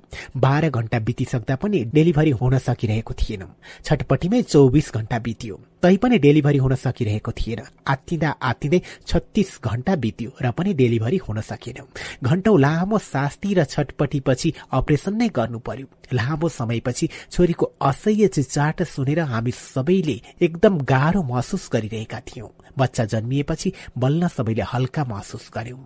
म र यशोदा जेटल्यान्डका कारण निद्राले ग्रस्त थियौं। नाति जन्मिएपछि र छोरीले आराम महसुस गरेर निधाएपछि बल्ल हामी सुत्न नानी फुपूको घर गयौं र खाटमा डङरङ्ग पल्टियौं। एकैछिनमा झ्याप्प निद्राले छोपियो। केही घण्टा निधाएपछि म बिस्तारै बिउजी। निद्राबाट बिउजने बित्तिकै छोरीलाई भएको असह्य पीडा सम्झेर ठूलै आवाज आउने गरी उहाँ उहाँ गर्दै रोएछु। म यसरी अनायासै रोइरहेको यशोदाले सुनिरहेकी थिइन्। तर पनि उनले मलाई फकाइनन्। मलाई धित मान्ने गरी रोन दिइन्। रुँदै गर्दा मेरो मनमा कुरा खेल्न थाले। बुहारी डेलिभरी हुँदा पनि हामी अमेरिका आएका थियौं। आफूले गर्नुपर्ने कर्तव्य निभाएका थियौं। व्यथा लाग्दा छोरीलाई जस्तै बुहारीलाई पनि उत्तिकै पीडा भएको थियो। तर त्यस बेला त म रोएको थिइनँ त किनभने उनी त अर्काकी छोरी। त्यसै गरी छोराछोरी जन्माउँदा यशोदाले पनि त्यत्तिकै व्यथा लागेको थियो। उनी पनि त्यत्तिकै छटपटाएकी थिइन्। श्रीमानको हैसियतले गर्नुपर्ने सबै कर्तव्य मैले निभाएको थिएँ। तर यशोदाको पीडामा पनि म रोएको त थिइनँ किनभने उनी पनि अर्काकी छोरी। मलाई यो याद थिएन कि अर्काकी छोरी र आफ्नै छोरीमा त्यसरी फरक हुँदो रहेछ भनेर आफ्ना सन्तान यसरी मोटुमै गढेका हुँदा रहेछन्। पहिले पहिले अरू महिलालाई प्रसुति व्यथा लाग्दा मलाई स्वाभाविक र सामान्य मात्र लाग्थ्यो तर यो सामान्य कुरा होइन रहेछ। छोरीलाई भएको प्रसुति पीडाले गर्दा श्रीमती बुहारी र सबै आमाप्रति मेरो श्रद्धा र आदर अझ प्रगाढ भयो। छोरा र छोरी नै उतै बस्ने भएपछि बारम्बार अमेरिका आउजाउ भइरहेको थियो। जति पटक भेटे पनि सन्तानको नियास्रो मेटिँदो रहेनछ। नेपाल आएका बेला बारम्बार सन्तानलाई कानले खोज्छ। धन्न टेलिफोन बनेको छ र फोनमै कुरा गर्न पाइन्छ। आँखाले खोज्छ इन्टरनेट मार्फत प्रत्यक्ष देख्न पाइन्छ। छातीले खोज्छ तर त्यति बेला केही उपाय भेटिँदैन। अमेरिका आउजाउका क्रममा छ पटकसम्म उस्तै खालको कथा दोहोरिरह्यो। पहिलो पल्ट अमेरिकाबाट फर्किँदा जहाजमा मेरो सिटको पछाडि झोक्राएर बसिरहेका एक नेपाली देखेपछि बोल्न मन लाग्यो। छेउमा गएर सुने भाइ सन्चय हुनुहुन्छ? नेपाल जान लाग्नु भा? किन? छुट्टी मनाउन? मेरो प्रश्नको उत्तरमा उनले हो हजुर जस्ता छोटकरी जवाब मात्र दिइरहे। लामो यात्रामा बिस्तारै नजिकिएपछि मात्र उनले मनका कुरा सुस्तरी खोल्न थाले। भने अस्ति नेपालमा बुवासँग कुरा गरिरहेको थिएँ। त्यति बेला उहाँलाई ठिकै थियो। हिजो एक्कासी नेपालबाट बा बित्नुभयो भनेर फोन आयो। अनि हत्त न पत्त टिकट किनेर छुट्टी मिलाएर नेपाल जान लागेको उनको कुरा सुनेर म स्तब्ध भएँ।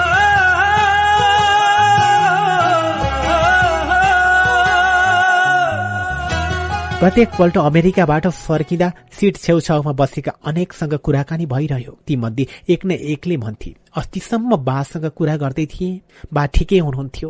हिजो एक्कासी बा बितेको खबर आयो अनि हत्त न पत्त छुट्टी लिएर बल्ल तल्ल प्लेनको टिकट किनेर नेपाल जान लागेको। के गर्नु? यस्ता कुरा सम्झेर बेला बेलामा म पनि झस्किन्छु। मेरा छोराछोरी पनि उतै छन्। कतै मेरा छोराछोरीले पनि त्यस्तै नियति भोग्नुपर्ने हो कि भनेर बेला बेलामा मनमा कुरा खेलिरहन्थे। तर छोरा एमन भने यसुदा बिरामी हुने बित्तिकै आमा ठुलो कि अमेरिका ठुलो? आमै ठुलो भन्ने निष्कर्षमा पुगे। तेह्र वर्षपछि अमेरिकामा सबै सुख सुविधा त्यागेर उनी सपरिवार नेपाल फर्किए। यसुदा बिरामी भएपछिका वर्ष छोरी पनि बारम्बार नेपाल आइरहन्। एमनले जस्तै उनले पनि हर तरहले आफ्नो कर्तव्य पूरा गरिरहे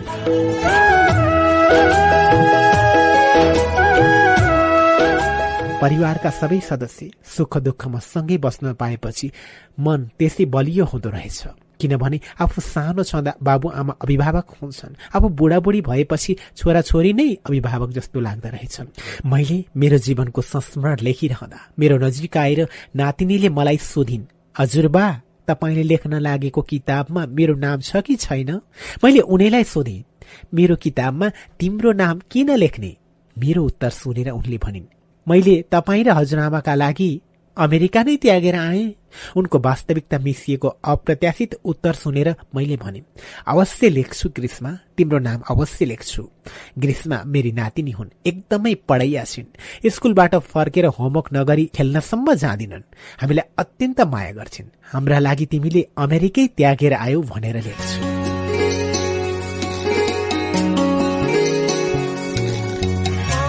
नगद पाँच लाख। हरिवंश त त साह्रै बिग्रिस्ने बद्री नामक चलचित्र बनाउनमा व्यस्त थिए। उता भारतमा अमिताभ बच्चनको कौन बनेका करोडपति नामक टेलिभिजन कार्यक्रम लोकप्रिय थियो। त्यति बेला म भने एक्लै घरमा चुपचाप बसिरहेको थिएँ।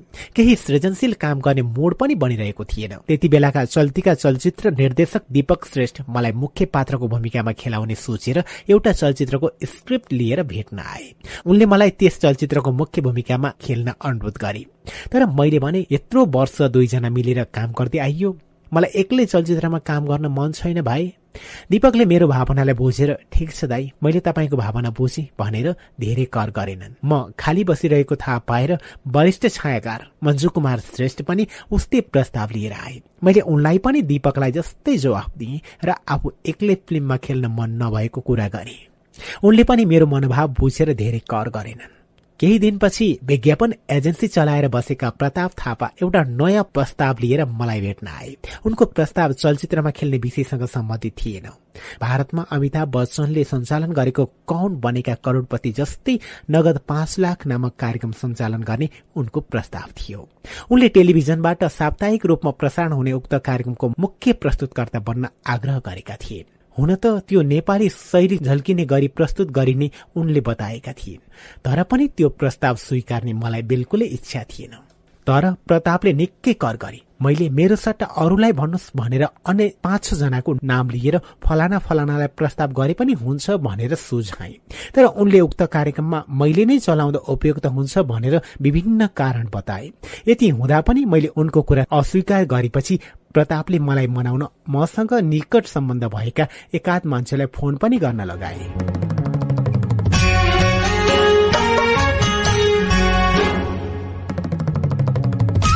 उक्त कार्यक्रम सञ्चालन गरिदिन प्रतापले धेरै कर गरेपछि मैले पनि फेरि एकपटक मनमा नै सोचे। कला क्षेत्रका कुनै काम नगरी त्यस्तै बसिरहेछु। नगद पाँच लाख कार्यक्रम सञ्चालनका लागि प्रतापले मलाई सबैभन्दा योग्य व्यक्ति देखिरहेका छन्। टिभीमा कार्यक्रम सञ्चालन गर्नु भनेको चलचित्र र रंगमञ्च भन्दा फरक खालको प्रस्तुति पनि हो। सामान्य ज्ञान विशेष ज्ञान सम्बन्धी प्रश्न सोधिने एक प्रकारको बौद्धिक तथा मनोरञ्जनात्मक कार्यक्रम सञ्चालन गर्नु राम्रै हो र उक्त काम गर्नलाई समयले पस्किएको जिम्मेवारी हो जस्तो लाग्यो। त्यसैमाथि प्रश्नपत्र तयार गर्ने समूहदेखि लिएर प्राविधिक टोलीसम्म गर्दा उक्त कार्यक्रम उत्पादनमा ठूलो समूहको सक्रिय सहभागिता हुन्थ्यो। धेरै सोचेर मैले प्रतापको प्रस्ताव मान्ने निर्णय गरे। कार्यक्रम सञ्चालनका निम्ति जावलाखेल मान भवन नजिकै ठूलो स्टुडियो तयार गरिसकिएको रहेछ। आर्ट डिजाइनर अनिल थमनले नेपाली पारको प्यागोडा शैलीको छानामा गजुर समेत भएको ढोका र त्यसको दायाँ बायाँ सिंह राखेर अत्यन्त आकर्षक सेट डिजाइन गरिदिए। कार्यक्रम निर्माता प्रतापले सेट डिजाइनमा आँखा चिम्लेर पैसा खर्च गरे। कार्यक्रम छायाङ्कनको जिम्मा गौरीशंकर दोजुले लिए। प्रतापकी श्रीमती निता थापा अत्यन्त जाँगरिली र उत्साही महिला थिइन्। कार्यक्रम उत्पादनको तारतम्य मिलाउन उनी दिन रात दौडधुप गरिरहन्थिन्। कार्यक्रम छायाङ्कनका बेला प्राविधिकदेखि कार्यक्रम उत्पादनमा खटिएका सबैले मलाई विशेष महत्वका साथ व्यवहार गरेको देखेर खुसी पनि लाग्यो। करिब तीन चार महिना लामो तयारीपछि आधा घण्टा अवधि लामो कार्यक्रमको पहिलो भाग नेपाल टेलिभिजनबाट प्रसारण भयो।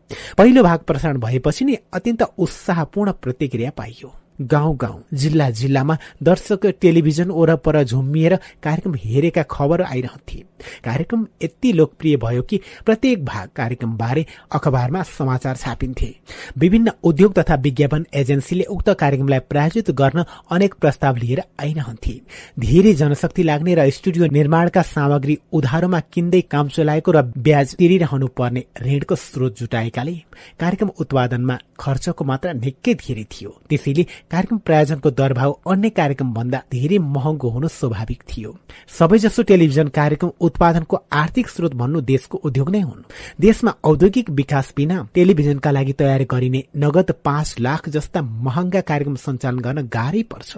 त्यति धेरै स्रोत साधन र जनशक्ति जुटाएर कार्यक्रम सञ्चालन गर्ने प्रताप र निताले देखाएको आँटलाई भने मान्नै पर्छ।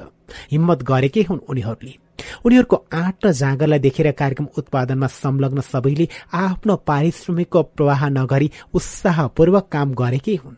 मैले पनि सम्झौता पत्र बमोजिम आफूले पाउनुपर्ने पारिश्रमिकको केही प्रवाह गरिन।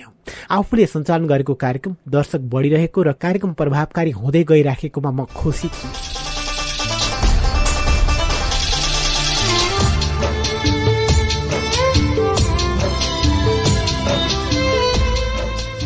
तर कार्यक्रममा विभिन्न राउण्ड पास भएर प्रश्नोत्तर श्रृङ्खलाको आठ सिटमा बसेर रकम जित्ने सहभागीले पैसा पायो कि पाएन भन्ने मात्र मेरो चासो थियो। त्यस विषयमा म विशेष सतर्क भइरहन्थे। कार्यक्रम उत्पादकले विजेताहरूलाई रकम दिइरहेको देखेको पनि थिए। कार्यक्रम सञ्चालन भएको करिब पाँच महिनापछि दुई चारजना विजेताले रकम नपाएको गुनासो गाईको मेरो कानमा पर्यो। मैले तुरुन्तै प्रतापलाई यसबारे जिज्ञासा राख्दै प्रष्टसँग भने यस्ता कुरा अरूले त्यस्तै सुनाएका पनि हुन सक्छन्। अरूले भन्नुन्जेल म कुनै वास्ता गर्दिन। तर विजेता आफैले पैसा नपाएको कुरा जुन दिन मलाई भन्छ म त्यसै दिनदेखि कार्यक्रम चलाउन छोडिदिन्छु। सर्वसाधारणलाई तपाईँले तिर्नुपर्ने रकमको जिम्मा मैले नै सक्दिन प्रतापले मलाई ढुक्क हुने गरी समयमै सबैको रकम तिरिरहेको जवाब दिए। छैठौं महिनाको अन्तिम साताको बेलुकी घरमा बसिरहेका बेला कान्तिपुरका पत्रकार गिरिश गिरीले फोन गरेर सोधे तपाईँले चलाइरहेको कार्यक्रम नगद पाँच लाखमा विजेताहरूले पैसा पाएको छैन भन्छन् नि? के हो दाई? मैले दुई चारजना विजेताले रकम नपाएको कुरा अलिअलि त मैले पनि सुनेको बताएँ। गिरिशलाई भने तर विजेता आफैले नै मैले पैसा पाइन? भनेको थाहा छैन। मेरो कुरा सुनेपछि उनले कार्यक्रमबाट पैसा नपाएका पीडितसँगै फोनमा कुरा गराइदिए। त्यसपछि मलाई विजेताले पैसा नपाएको कुरा पक्का भयो। मैले तुरुन्तै गिरिशलाई भने म आजदेखि त्यो कार्यक्रम चलाउन छाडिदिन्छु। पत्रिकामा छापिएको यही खबर भोलिपल्ट बिहानै एफएम रेडियोहरूले फोकिए त्यसपछि यसबारे अन्य समाचार कैयौं पत्र पत्रिकाहरूमा छापियो। खबर पढेर मलाई पनि नमजा लाग्यो। मैले प्रतापलाई भेटेर प्रष्टसँग भने अब म यो कार्यक्रम चलाउँदिन।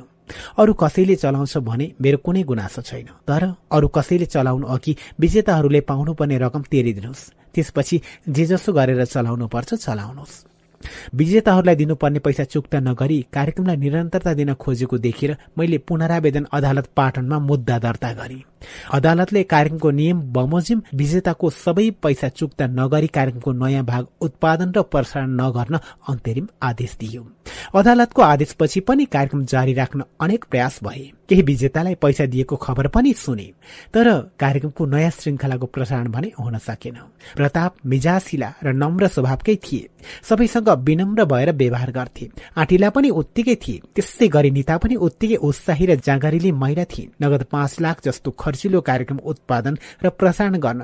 ठूला प्रायोजक चाहिन्थे। प्रताप र निताले भने जस्ता प्रायोजक भेट्टाउन सकेनन्। थोरै उद्योग र कल कारखानाबाट आउने थोरै विज्ञापनको भरमा टेलिभिजन कार्यक्रम प्रसारण गर्ने समयमा उनीहरूको आँट आफैमा ठूलो थियो। उनीहरूले कुनै बेइमानी र गलत नियत पनि राखेका थिएनन्। तर पनि खर्चिलो कार्यक्रम निरन्तर चलाइराख्न उनीहरूको आँट र हिम्मत मात्रै पर्याप्त भएन। त्यसरी प्रयास गर्दा गर्दै पनि परिस्थिति बिग्रन गएकोमा मलाई अत्यन्त दुःख लागिरहेको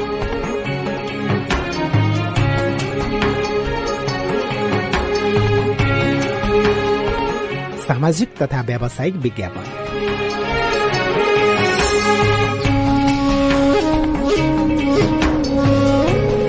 अमेरिकामा विद्यार्थी भइरहेका बेला पनि एमन बेला बखत नेपाल आइरहन्थे। एकपटक नेपाल आएका बेला उनले के हो ड्याडी? नेपालमा लोकप्रिय कलाकार नै छैनन् कि क्या हो? भनेर प्रश्न गरे। मैले किन? भनेर सोद्धा उनले भने। यहाँ जति पनि अखबारहरूमा छापिएका विज्ञापनमा सार्वजनिक स्थानमा ठडाइएका होर्डिङ बोर्डहरूमा पोस्टरहरूमा खालि अमिताभ बच्चन ऐश्वर्या राय शाहरुख खानहरू मात्र देखिन्छन्।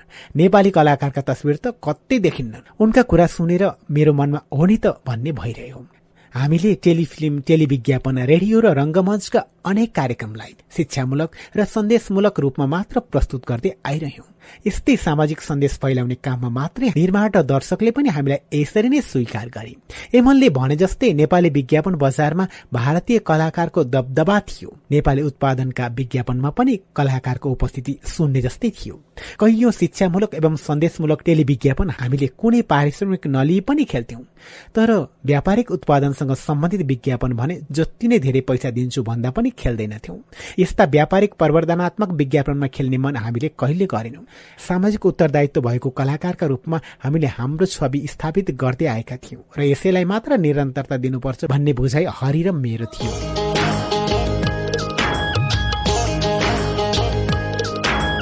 एकपल्ट विज्ञापन एजेन्सी संचालक विशाल ढकाल अम्बे स्टिलको विज्ञापनका निम्ति खेलिदिनु पर्यो भन्ने प्रस्ताव लिएर आए। हामीले उनलाई व्यापारिक विज्ञापनमा जति पैसा दिए पनि खेल्दैनौ तर शिक्षामूलक र सन्देशमूलक हो भने विषय हेरेर पैसै नलिई पनि खेल्न तयार छौं भनेर फर्काइदियौं। हाम्रो कुरा सुनेर फर्किएको केही दिनपछि अम्बे स्टिलका मालिक हरि नेउपानेलाई नै लिएर विशाल हामीलाई भेट्न आए। त्यति बेला पनि हामीले पुरानै अडान सुनायौं। हरि नेउपानेजीले हामीलाई तपाईँहरूले कमर्सियल विज्ञापन पनि खेल्नुपर्छ। यो खेलेर तपाईँहरूको सामाजिक छविमा कुनै नराम्रो असर पर्दैन भनेर कैयौं पटक कर गरिरहे। तैपनि हामीले उनको प्रस्ताव स्वीकारेनौं। एक दुई दिनपछि जवाब दिउँला भनेर टारिरह्यौं। उनीहरू फर्किएपछि हरि र मैले सल्लाह गर्यौं देशभित्रै उद्योग कल कारखाना र स्वदेशी उत्पादनको वृद्धि नभई देशमा आर्थिक उन्नति हुनै सक्दैन। स्वदेशी उद्योग र उत्पादन बारे जनतालाई जानकारी गराउनुमा नराम्रो मान्नुपर्ने कुरा नै के छ र? यो त राम्रै कुरा हो नि। देशमा उद्योग कल कारखानाको वृद्धि भएमा जनताले रोजगारी पाउँछन् र सरकारले कर। उद्योग धन्दा सप्रियमा पत्र पत्रिका रेडियो टेलिभिजन र कलाकर्मीहरूले राम्रा राम्रा प्रायोजक पाउँछन्। यसमा नराम्रो के छ त? देशको आर्थिक उत्थान हुने काममा सघाउनु राम्रै हुने लागेपछि हामीले व्यापारिक विज्ञापन पनि खेल्ने निर्णय गर्यौं र अम्बे स्टिलको विज्ञापनमा खेल्ने सम्झौतामा हस्ताक्षर गर्यौं। यो विज्ञापनको सुटिङ पनि शुरू नहुँदै तिनै विशाल दिस नेपाल नामक कम्पनीका निम्ति व्यापारिक विज्ञापन खेलिदिन अर्को प्रस्ताव लिएर आए। त्यसलाई पनि हामीले स्वीकार्यौं। अम्बे स्टिलका निम्ति विज्ञापन खेल्ने सम्झौता पहिला भए पनि डिस नेपालका निम्ति हामीले खेलेको विज्ञापन पहिला प्रसारण भयो जसमा हरिवंश कहिले जोगी कहिले फुटबल खेलाडी कहिले दुलही बनेर टिभीको स्क्रिनमा देखिने। मैले चाहिँ रिमोट थिच्दै विभिन्न च्यानल हेर्दै आहा! यो डिस नेपाल त क्या गजबको रहेछ बा भन्दै दङ्ग पर्ने भूमिका निर्वाह गरेको थिए। देशका विभिन्न टेलिभिजन मार्फत यो विज्ञापन बारम्बार प्रसारण भइरहँदा कुनै गतिलो टेलिफिल्ममा अभिनय गरेको भन्दा धेरै प्रतिक्रिया र प्रशंसा सुन्न पायौं।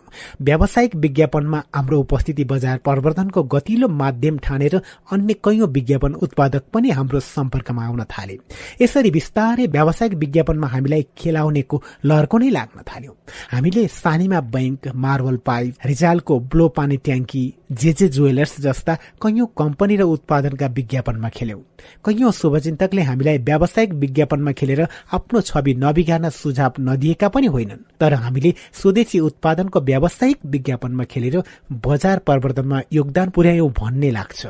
हाम्रो सानो उपस्थितिले विज्ञापन बजारमा भारतीय कलाकारको एक छत्र उपस्थितिलाई थोरै भए पनि कम गर्न मद्दत पुर्यायो भन्ने लाग्छ।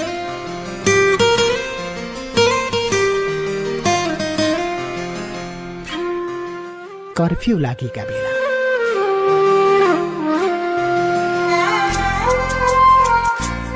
दुई हजार बैसठी त्रिसठी सालमा लोकतान्त्रिक गणतन्त्रका लागि फेरि जनआन्दोलन मचियो जनआन्दोलनकै क्रममा एक दिन साहित्यकारहरू पनि जुलुसमा निस्किएका थिए। उक्त जुलुस पुरानो बानेश्वर चोक पुगेपछि कविता वाचन कार्यक्रममा परिणत भयो। पुतरी सड़क डेल्ली बजार हुँदै पुरानो बानेश्वर पुगेको जुलुसमा हरि र म पनि सँगै थियौं। त्यहाँ पुगेर विभिन्न साहित्यकारले कविता वाचन शुरू गरे। त्यति नै बेला त्यहाँ तैनात प्रहरीले जुलुसलाई तितर बितर पार्न टियर ग्यास फाल्न शुरू गरे। प्रहरीले साहित्यकार कलाकार र अन्य सहभागीहरूलाई भट्टाभट पक्रिएर प्रहरीको ट्रकमा कोस्न थाले। केही प्रहरी चाहिँ टियर ग्यास हान्दै मान्छे लखेट्न थाले। जुलुसमा सामेल मानिस आफ्नो ज्यान जोगाउँदै तितर बितर भए। हाम्रो कानैबाट गए जस्तो गरी गोली पड्किरहेको आवाज सुनिएको थियो। हरि र म सड़क छेउको भित्तामा टाँसिँदै र दगुर्दै गुरूकुल पस्ने गल्लीभित्र छिर्यौं। हामी लोकेर बसिरहेको केही छिनपछि एकलुप प्रहरी त्यही गल्लीकै छेउबाट आएको आवाज हामीले सुन्यौं। गल्लीको पर्खालले प्रहरी र हामीलाई छुट्याएको थियो। पर्खाल अग्लो भएका कारण प्रहरीले हामीलाई देखेका थिएन। तर त्यही गल्लीकै एक घरको दुई तला माथिको झ्यालमा बसेर हेरिरहेका केही मानिसले प्रहरीलाई पनि देखिरहेका थिए हामीलाई पनि। झ्यालबाट हामीलाई हेरिरहेका मान्छेको आँखाको इसारा अनुसार कता जानुपर्छ भन्ने अन्दाज गर्न हामी चनाको भएर बसिरहेका थियौं। केही छिनपछि प्रहरी त्यहाँबाट फर्किए। झ्यालबाट हेरिरहेकाहरूले हामीलाई सुरक्षित स्थानतर्फ जान इसारा गरे। त्यसपछि हामी फटाफट त्यहाँबाट घरतिर लम्कियौं।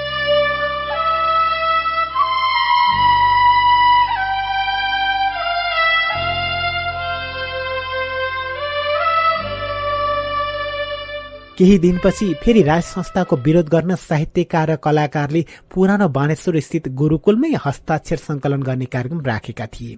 हस्ताक्षर गर्न म धोबीधारा स्थित घरबाट गुरूकुलतिर हिँड्दै गरेको थिएँ। मैतीदेवी चोकनेर पुगेपछि एकजना पैदल यात्रीले दस मिनट पछि नै कर्फ्यू लाग्दैछ भन्ने खबर सुनाए।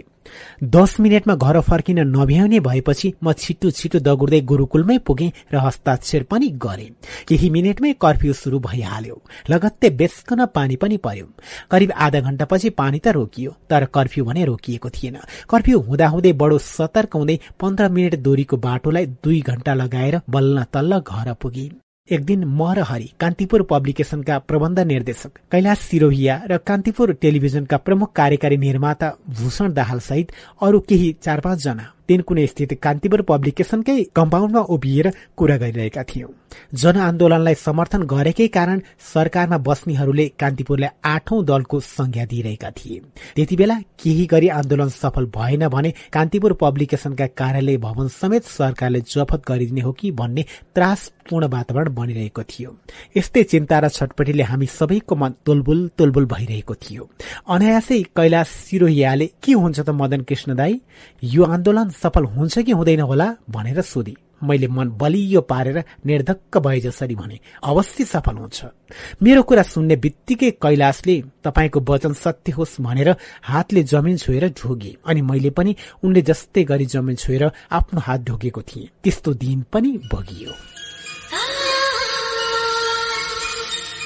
हजुर हामी कार्यक्रम कृति बगलको आजको भागको यानि कि उन्नाइसौं भागको अन्त्यमा छौं। धौलागिरी एफएम अन्ठानब्बे दशमलव छ मेगाहज बागलिङबाट उत्पादन भई धौलागिरी एफएम र पञ्चासे एफएम एक सय दुई दशमलव आठ मेगाहज पर्वतबाट हरेक शनिबार बेलुका नौ तिसदेखि दस बजेसम्म एकसाथ प्रसारण भइरहेको कार्यक्रम कृति बगल तपाईँलाई कस्तो लाग्दैछ?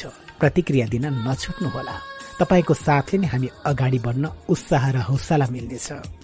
आजको भागमा हामीले मदन कृष्ण श्रेष्ठको परिवारकै email address your Madan at the rate Hotmail dot com का बारेमा छोरा छोरीको बिहे र हजुरबा हजुरआमा बन्दाको उत्साह पनि आजको भागमा वाचन गरिएको छ। त्यसै गरी भारतमा चलिरहेको कौन बनेका करोडपति जस्तै नेपालमा पनि नगद पाँच लाख भन्ने कार्यक्रमको बारेमा पनि चर्चा गरिएको छ। त्यसै गरी सामाजिक र व्यावसायिक विज्ञापनहरूमा पनि मदन कृष्ण र हरिवंशलाई देख्न पाएको र दर्शक श्रोताहरूलाई सुनाउन देखाउन पाएको अनुभव पनि आजको कार्यक्रममा वाचन गरेका छौँ। नयाँ संविधान स्थापनाका लागि उहाँहरूले कर्फ्यू लागेका बेला पनि विभिन्न कार्यक्रममा सहभागिता जनाएको कुरा पनि आजको कार्यक्रममा वाचन गरिरहेका छौँ। अब यसभन्दा अगाडिको बाँकी प्रसङ्ग अघिल्लो भागमा सुन्न पाउनुहुनेछ। आजलाई भने प्रविधिबाट सघाउने सागरप्रति आभार व्यक्त गर्दै म पवन पनि कार्यक्रम कृति बगलको महको मको उन्नाइसौं भागबाट विदा माग्छु। कार्यक्रम कृति बगलको व्यवसायमा प्राविधिक साथी सागरसँगै म पवन खड्काको हार्दिक स्वागत छ। दौलागिरी एफएम अन्ठानब्बे दशमलव छ मेगा हज बागलुङबाट उत्पादन भई दौलागिरी एफएम र पञ्चासे एफएम एक सय दुई दशमलव आठ मेगा हज पर्वतबाट हरेक शनिबार बेलुका नौ तिसदेखि दस बजेसम्म एकसाथ प्रसारण भइरहेको कार्यक्रम कृति बगलमा गायन तथा हास्य कलाकार मदन कृष्ण श्रेष्ठको आत्मकथा महको म वाचन गरिरहेका छौँ अहिले र आज हामी महको मको बिसौं भागमा छौँ। महको मत सुन्नुहुने सम्पूर्ण श्रोताहरूलाई अघिल्ला भागहरूको बारेमा धेरै भनिरहनु नपर्ला। किनकि मदन कृष्ण श्रेष्ठको जन्मदेखि यो अवस्थासम्म आइपुग्दाका विभिन्न चरणहरूलाई हामीले वाचन गरिसकेका छौँ। बाल्यावस्था युवावस्था प्रौढावस्थामा अहिले हामी विचरण गरिरहेका छौँ मदन कृष्णकै शब्दमा। र अहिले भने मदन कृष्णका छोरा र छोरी अमेरिका यात्रा र मदन कृष्णका छोरा एमनले आमा यशोदा बिरामी हुँदा अमेरिका नै त्यागेर सपरिवार नेपाल फिर्ता भएका छन् र सौभाग्य पाएका छन् मदन कृष्णले नाति नातिनासँग खुसीसँग खेल्न। आफ्नी प्यारी नातिनी ग्रीष्मालाई फुर्क्याउँदै तिम्रो नाम पनि मेरो पुस्तकमा लेख्छु नि मेरी प्यारी नातिनी होमवर्क गरिरहने मसँग खेल्न रुचाउने स्कुलबाट फर्केपछि अनुशासित हुने भनिएका कुराहरू पनि सुनिसकेका छौँ। अब यसभन्दा अगाडि के होला त? हुन्छ त सुरु गरौं। पेज नम्बर दुई सय तीसदेखि अगाडि।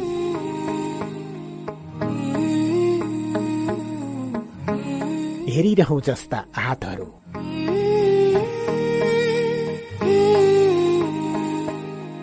लोकतान्त्रिक गणतन्त्र ल्याउन गरिएको दुई हजार बैसठी त्रिसठीको आन्दोलन सफल त भयो तर अझै पनि नेपाली जनताले समृद्धिको मुख त कता हो कता? शान्तिको मुखसम्म पनि हेर्न पाएनन्। हड़ताल र बन्दको श्रृंखला रोकिएन। कहिले कुन पार्टी त कहिले कुन पार्टीले बन्द गर्ने क्रम जारी रह्यो। अमेरिका जाँदा New York city the city that never sleeps भन्ने गीत सुनेको थिए।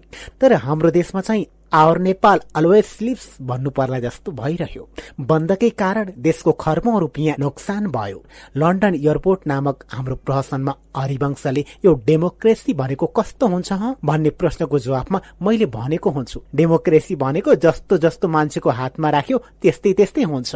बच्चाको हातमा राख्यो भने बच्चा जस्तै हुन्छ सिपाहीको हातमा राख्यो भने सिपाही जस्तै हुन्छ। बौलाहाको हातमा राख्यो भने बौलाहा जस्तै हुन्छ। बाँदरको हातमा राख्यो भने बाँदर जस्तै हुन्छ। आखिर नेपालमा ठ्याक्कै त्यस्तै भइरह्यो। जनताका लागि भनेर ल्याइएको डेमोक्रेसी त कसको हातमा पर्यो कसको हातमा? कुनै एउटा जरुरी कामका लागि बाहिर जान तयार भएर बस्यो। फ्याट्ट नेपाल बन्द भन्ने समाचार आउँछ। त्यति बेला मनै खिन्न भइरहन्छ। एकपल्ट त्यही खिन्न भएको मनले नेपाल बन्दकै दिनमा एउटा गीत पनि कोरे। ओर दुःख छ पर पुगाउन मनले भन्दछ के गर्नु मन तिमी नै भन नेपाल बन्दछ। मलाई नसाच चाँडै सकाऊ कामले भन्दछ के गर्नु काम हात खुट्टै जाम नेपाल बन्दछ। जबरजस्ती हिँडौ भने खुट्टा भाँचिदेलान् भन्ने डर घरमै बसिरहँ भने भन्छ पेटले भोक भोकै मर। काम दाम भड्कियो मेरो प्रगति नै पड्क्यो जिन्दगीको पाइला पाइला बन्दमा अड्क्यो। वारी दुःख छ पारी पुगाउन मनले भन्दछ। के गर्नु मन तिमी नै भन नेपाल बन्दछ। खुला बुद्धि खुला हावा खुला बाटो खुलै आकाश राम्रो बन्द बुद्धि बन्द हावा बन्द बाटो हुनुहुन्न हाम्रो। प्रगतिको आधार हो फराकिलो बाटो बाटो सधैँ खोला राखौं बन्दको साटो। साह्रै ढिलो भो दौड न दौड प्रगतिले भन्दछ। के गर्नु प्रगति? दुर्भाग्य मेरो नेपाल बन्दछ।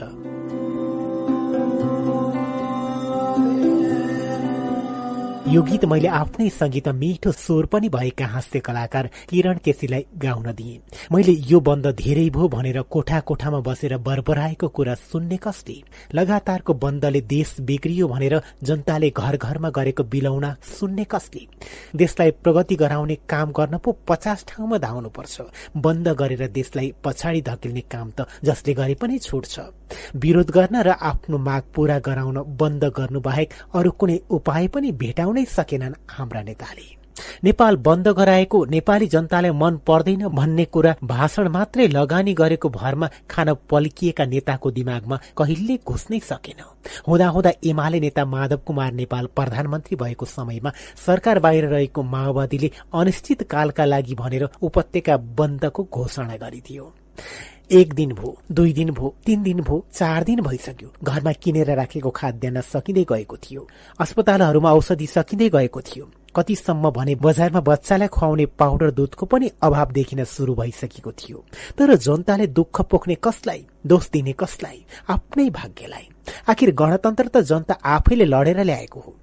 यसरी दिनका दिन बन्दै बन्द बन्दै बन्द गरेर नेताहरूले दुःख देलान् भन्ने विचार जनतालाई के थाहा? त्यस्तो थाहा पाएको भए गणतन्त्रका लागि कसैले साथ दिँदैनथ्यो होला। बन्द त एक वर्षसम्म लगातार हुने हो कि जस्तो भइरहेको थियो। दिक्क मानेर घरमै बसिरहेका बेला फोनको घण्टी बज्यो। उद्योगी तथा व्यवसायीहरूको छाता संगठन नेपाल उद्योग वाणिज्य महासंघबाट फोन आएको रहेछ। लगातारको बन्दले छटपटिएका व्यवसायीले केही उपाय निकाल्न सकिन्छ कि भनेर सरसल्लाह गर्न बैठक डाकेका रहेछन्। सड़कमा निजी र सार्वजनिक कुनै सवारी साधन गोडेका थिएन त्यति बेला मेरो कम्मरको दुखाइका कारण खुट्टा समेत कमजोर भएर टेक्नै गाह्रो भइरहेको थियो। हरिवंशलाई जाउन भनौ भने उनी झन टाढा बुढा नीलकण्ठ स्थित घरमा बस्ती त्यति टाढादेखि हिँडेर आउने झन् कुरै भएन। त्यसपछि म बाटोमा कसैले नचिनुन् भनेर मास्क लगाएर खोच्याउँदै खोच्याउँदै धोबीधारादेखि नेपाल उद्योग वाणिज्य महासंघको कार्यालय टेकुसम्म हिँडेरै पुगे। छलफलमा सबै उद्योगी र विभिन्न पेसागत संगठनका प्रतिनिधि भेला भएका थिए। सबैले बन्द फिर्ता गराउन शान्ति जुलुस गर्ने कुरामा सहमति जनाए। उद्योगी पद्म ज्योति दाईका छोरा सौरभ ज्योतिले शान्ति जुलुसमा सहभागी हुँदा शान्तिको रंग सेतो भएकाले सेतै रंगको टी सर्ट लगाएर जाँदा राम्रो सन्देश जाने बताए। उनको कुरामा सबैले सहमति जनाए।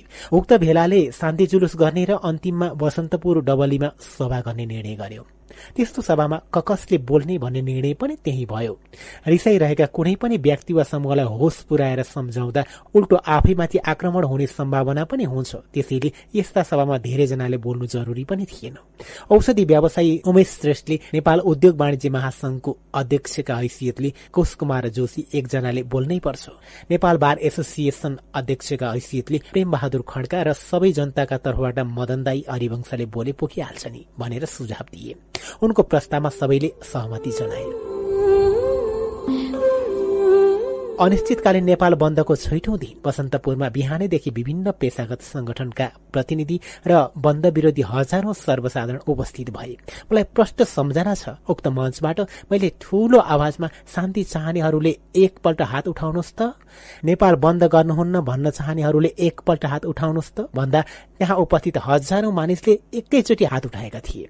मञ्चबाट त्यसरी एकैचोटि उठेका हजारौं हात देख्दा यति राम्रो लाग्यो कि ती पाँचौंलाई फैलिएका हत्केलाहरू यति सुन्दर देखिए कि त्यसलाई हेरिरहँ जस्तो लाग्यो। भगवानले बनाएको हत्केलाको डिजाइन यति राम्रो छ भनेर मैले कहिल्यै याद गरेको थिइनँ। एकपल्ट चन्द्रमामा पुगेकी एक महिला अन्तरिक्ष यात्रीसँग लिएको अन्तर्वार्तामा तपाईँलाई चन्द्रमामा पुग्दा कस्तो लाग्यो भन्ने प्रश्नको जवाफमा उनले भनेकी थिइन्। चन्द्रमाबाट ठूलो आकारको पृथ्वी देख्दा यति सुन्दर लाग्यो कि पृथ्वी त जति हेरे पनि नपुग्ने हेरिरहँ जस्तो लाग्यो। मलाई पनि त्यसरी नै त्यो मञ्चबाट हजारौंले एकैपल्ट एकै साथ उठाएका हात हेरिरहँ जस्तो लागिरहेको थियो। बसन्तपुर मञ्चबाट हामीले माओवादी पार्टीलाई यो बन्द तुरन्त फिर्ता लिनुहोला। अहिलेसम्म जनताले धैर्य गरेर बसिरहेका छन्। सबै घर घरमा बेहाल भइसक्यो। यदि त्यो धैर्यको बाँध फुट्यो भने घर घरबाट जनता सड़कमा ओर्लिन सक्छन्। त्यसरी सबै घर घरबाट ओर्लिए भने ककसले ककसलाई काट्छन् कसले कसलाई मार्छ भन्न सकिँदैन भनेका थियौं। बन्द लम्बिँदै गएको भए त्यस्तो दिन देख्नु नपर्ला भन्न सकिँदैन थियो। भनिन्छ अति गर्नु अति साह्रो नगर्नु। यो पनि भनिन्छ कि रिसको समयमा एकजना मान्छे दस दसजना मान्छे बराबर बलिया हुन्छन्। त्यस्तो बेलामा मर्न पनि तयार हुन्छन् मार्न पनि तयार हुन्छन्। आम जनता एकैचोटि रिसाएको अवस्थामा जे पनि हुन सक्थ्यो। तर खुसीको कुरा हाम्रो अनुरोधलाई माओवादी पार्टीले मनन गरिदियो। सोही दिन बेलुका माओवादीले बन्द फिर्ताको घोषणा गर्यो। ओकोस मुकुस भएका जनताले राहतको सास फेरे। बन्द खुलेपछि मेरो मोबाइलमा कैयौं दिनसम्म सयौं मानिसबाट धन्यवादका ट्याक्स म्यासेज आइरहे। विभिन्न दलका शीर्ष नेता सरकारी संगठनका उच्च पदस्थ पदाधिकारीदेखि आम जनताले समेत फोन गरेर बधाई दिए। यता धन्यवाद बर्सिरहेको बेला उता बानेश्वरमा भने हाम्रो पुत्ला जलाइयो भन्ने खबर पनि सुन्यौं। हाम्रो कामबाट माओवादीका शीर्ष नेताहरू हामीसँग धुन्धान रिसाएका होलान् भन्ने लागिरहेको थियो। तर त्यस्तो देखिएन। उनीहरूले हामीलाई सहज रूपमा लिएको र समझदारीपूर्ण व्यवहार गरेको भयौं। बन्द फिर्ता लिएको पर्सिपल्टै अर्थात तीस वैशाख दुई हजार सतहत्तरमा होटेल एक एन एटीमा कार्यक्रम गरेर माओवादीले उद्योगी व्यवसायी तथा बुद्धिजीवीहरूको राय लिने क्रममा हामीलाई पनि बोलायो। कार्यक्रममा मैले पनि केही कुरा राख्न पाएँ। उक्त कार्यक्रमभन्दा केही दिन अघि खुला मञ्चमा आयोजित एक सार्वजनिक समारोहमा माओवादी अध्यक्ष पुष्पकमल कुमाल दाहाल प्रचण्डले काठमाडौँका जनताप्रति लक्षित गर्दै सुकिला मुकिला भन्ने शब्द प्रयोग गरेका थिए। त्यही शब्दलाई सम्झिँदै मैले सम्बोधनका क्रममा यस पाँच तारे होटेलमा उपस्थित सम्पूर्ण आदरणीय सुकिला मुकिला महानुभावहरू भन्दै आफ्नो भनाइ शुरू गरे। मेरो कुरा सुनेर हलभरका सबैजना गलल्ला हाँसे तर एकाध माओवादी कार्यकर्ता भने मसँग औधी रिसाए। तर माओवादीका शीर्ष नेताले रिसाएका कार्यकर्तालाई सम्झाए र मलाई बोल्न दिए। पञ्चायतकालमा पञ्चायत व्यवस्था र पञ्चहरूलाई व्यङ्ग्य गरिरहँदा मानिसले हामीलाई बारम्बार एउटा कुरा सोधिरहन्थे। आन्दोलन सफल भएर देशमा केही गरी बौद्धलीय व्यवस्था आयो भने त्यसबेला तपाईँहरूको भूमिका कस्तो हुन्छ? त्यसबेला हामी भन्ने गर्थ्यौं जसरी अहिले पञ्चायत सत्तापक्ष भइरहँदा हामी प्रतिपक्ष भएर आम जनताका बोली बोलिरहेका छौं त्यसरी नै बौद्धली व्यवस्था आएपछि पनि सबै सरकार र सबै पार्टीको प्रतिपक्षमै रहेर उनीहरूका राम्रा कुरालाई राम्रो र गलत क्रियाकलापलाई गलत छ भनिरहनेछौं। सधैँ आम जनताकै पक्षमा उभिएर उनीहरूको आवाज बुलन्द गरिरहनेछौँ। त्यस बेला हामीले दिएको उत्तर आज पर्यन्त कायमै छ कायमै रहनेछ।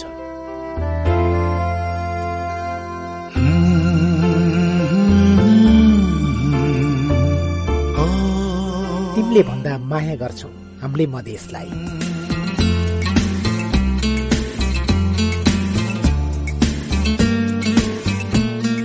दुई हजार चौसठी सालमा युरोपका विभिन्न देशमा महसञ्चारले कार्यक्रम देखाउने कुरा चलिरहेको थियो। त्यति नै बेला संविधान सभा चुनावको घोषणा भयो। हामीलाई लाग्यो इतिहासमा बिरलै हुने संविधान सभाको चुनावलाई जसरी भए पनि सफल पारेरै छाड्नुपर्छ। यस्तो अवस्थामा हामी विदेश सिदेश कतै पनि जानु ठिक छैन। संविधान सभाको चुनावबारे प्रचार प्रसार गरेर जनतालाई चुनावका लागि तयार गर्नेतिर लाग्नुपर्छ भन्ने निष्कर्षमा पुगेर। हामीले युरोपका विभिन्न शहरमा हुने भनिएका सबै कार्यक्रम रद्द गर्यौं। त्यसपछि निर्वाचन आयोगले हामीलाई बोलाएको होइन कि हामी आफै निर्वाचन आयोगमा पुग्यौं। प्रमुख निर्वाचन आयुक्त नीलकण्ठ उप्रेतीलाई भेटेर यो संविधान सभाको चुनाव सफल पार्नुपर्छ। त्यसका लागि हामीले के गर्नुपर्छ भनेर सोध्यौं। हाम्रो कुरा सुनेर उनले खुसी हुँदै भने ओहो निर्वाचन आयोगले पानी खान कुवा धाइरहनु परेको अवस्थामा तपाईँहरू आफै आएर सरोकार राखिदिँदा हामीलाई कुवा होइन समुद्रै आइदिए जस्तो हो। उनले समानुपातिक र प्रत्यक्ष मतदानका विषयमा धेरैजसो सर्वसाधारण कुरा नबुझिरहेको बताउँदै भने लौ ठिक छ। सबैभन्दा पहिले तपाईँहरूले यही कुरालाई टेलिभिजनहरू मार्फत जनतालाई छ्याङ्ग हुने गरी बुझाइदिनुहोस् उनकै आग्रहपछि हामीले त्यस विषयलाई नेपाली नेवारी तामाङ मैथली भोजपुरी अवधि लगायतका भाषाबाट एक मिनटको टेली सन्देश तयार गरी प्रचार प्रसार गर्न थाल्यौं। त्यसबेला हामीले महसञ्चार मार्फत आमा नामक टेलिचलचित्र निर्माण गरेर त्यस मार्फत पनि संविधान सभा निर्वाचन बारे आम जनतालाई बुझाउने प्रयत्न गर्यौं। सबै नेपालीको प्रयासबाट ऐतिहासिक भनिएको संविधान सभाको निर्वाचन पनि सफल भयो। दुई वर्षभित्र संविधान तयार हुन भनिएको हुनाले त्यो अवधिमा देश बाहिर गएर गर्ने सबै कार्यक्रम हामीले स्थगित गरेका थियौं। तर संविधान दुई वर्ष त के चार वर्षसम्म पनि बनेन। चौथो वर्षमा तत्कालीन एकीकृत नेकपा माओवादी नेतृत्वको बाबुराम भट्टराईको सरकारले संविधान सभा नै भंग गरेर अर्को चुनाव घोषणा गरिदियो दोस्रो संविधान सभाको निर्वाचनको पनि अर्को चार वर्षपछि अर्थात पहिलो संविधान सभा निर्वाचन भएको आठ वर्षपछि बल्ल तल्ल संविधान बन्यो। दुई हजार बहत्तर सालमा संविधान घोषणाको दिन सरकारले बानेश्वर स्थित संविधान सभा भवनमा हामीलाई पनि निम्तो दिएको थियो। उक्त भव्य समारोहमा राष्ट्रपति रामवरण यादवले लोकतान्त्रिक भावना अनुसार बहुमतले पारित गरेको संविधानलाई श्रद्धा र सम्मानपूर्वक शिरले ढोगेर नयाँ संविधानको घोषणा गरे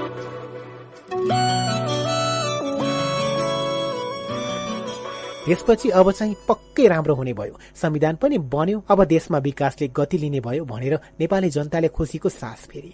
हामीले पनि ठिक त्यस्तै महसुस गरेका थियौं।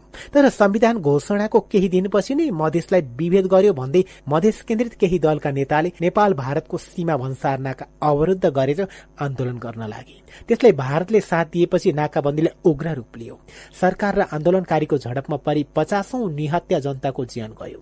महाभूकम्पले थिलथिलो भएका गाउँ सहर नाकाबन्दीको पीड़ाले झनै समस्यामा परे। राजनीतिको सकारात्मक शक्ति कहिले देख्न नपाएका नेपाली जनता राजनीति राजनीतिको नकारात्मक शक्तिको पराकाष्ठ भोग्न विवश भए माओवादीले अनिश्चितकालीन नेपाल बन्द गर्दा बसन्तपुर डबलीमा गएर उफ्रिने हामी भारतले साथ दिएको र मधेसवादी दलले गरेको नाकाबन्दी विरूद्ध केही नबोली मौन रह्यौं। कारण के भने माओवादीले नेपाल बन्द गर्दा माओवादी कुनै एउटा मात्र जातको एउटा मात्र वर्गको अथवा एउटै मात्र धर्मको पार्टी थिएन। माओवादीमा हिमाल पहाड़ तराई सबै क्षेत्रका सबै जात जातिका नागरिक जोडिएका थिए जसमा कुनै खास जाति र क्षेत्रीय रूप थिएन। त्यसैले माओवादी पार्टीलाई तिम्रो यो यो काम ठिक भएन भन्न हिचकिचाउनु परेन। तर मधेस आन्दोलनमा केही मधेसवादी दल मात्र सामेल भएर आन्दोलन गरिरहेकाले त्यस्तो अवस्थामा प्रतिक्रिया जनाउँदा कुनै विशेष समुदायलाई मात्र भने जस्तो पर्न सक्ने हुनाले हामीले फ्याट्ट केही बोल्ने वातावरण देखिएन। किनभने मधेस र मधेसी जनतालाई हामी अत्यन्त सम्मान र माया गर्छौं।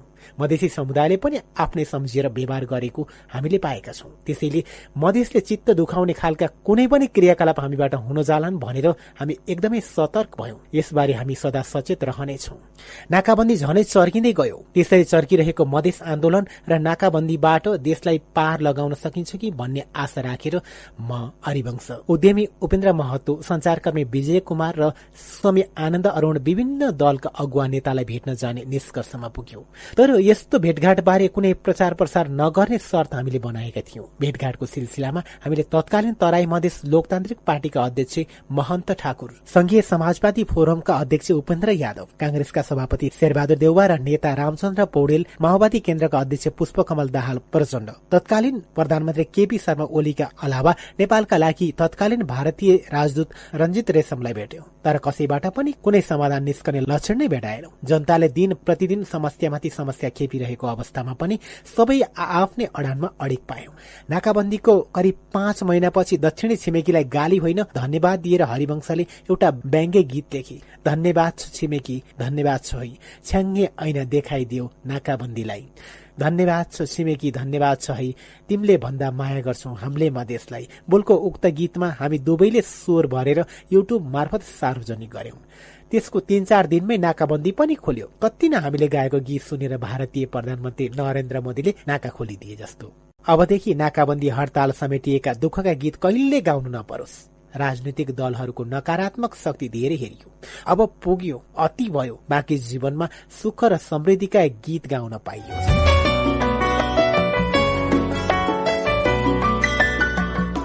दिन सधैँ एकनाश हुँदैन। दुई हजार अडसठी सालतिरको कुरा हो। एक दिन बुढा नीलकण्ठ स्थित महा स्टुडियोमा सुटिङका लागि तयारी हुँदै थियो। त्यति नै बेला सिनेमाटोग्राफर गौरीशंकर धोजुले भने दाई धुलीखेला अस्पतालका प्रमुख रामकण्ठ मकाजुले मदन कृष्ण र हरिवंशलाई एकपल्ट लिएर आउनु। म पूरा स्वास्थ्य जाँच गराइदिन्छु भन्नुभएको छ।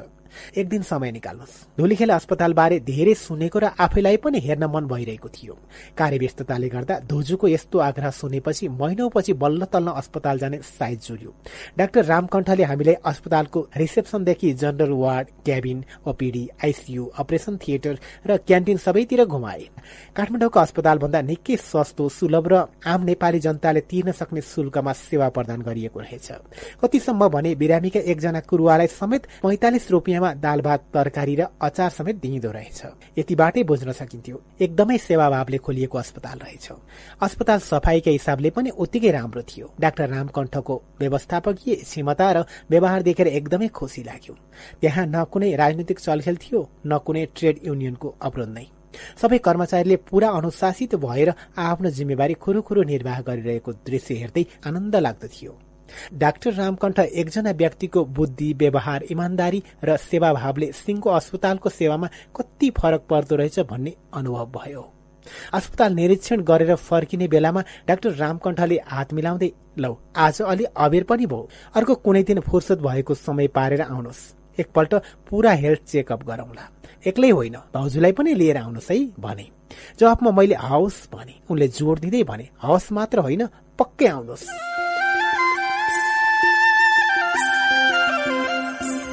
डाक्टर रामकण्ठले अस्पताल आउँदा भाउजू समेत ल्याउनु है भनेको डेढ दुई महिना बितिसकेको थियो।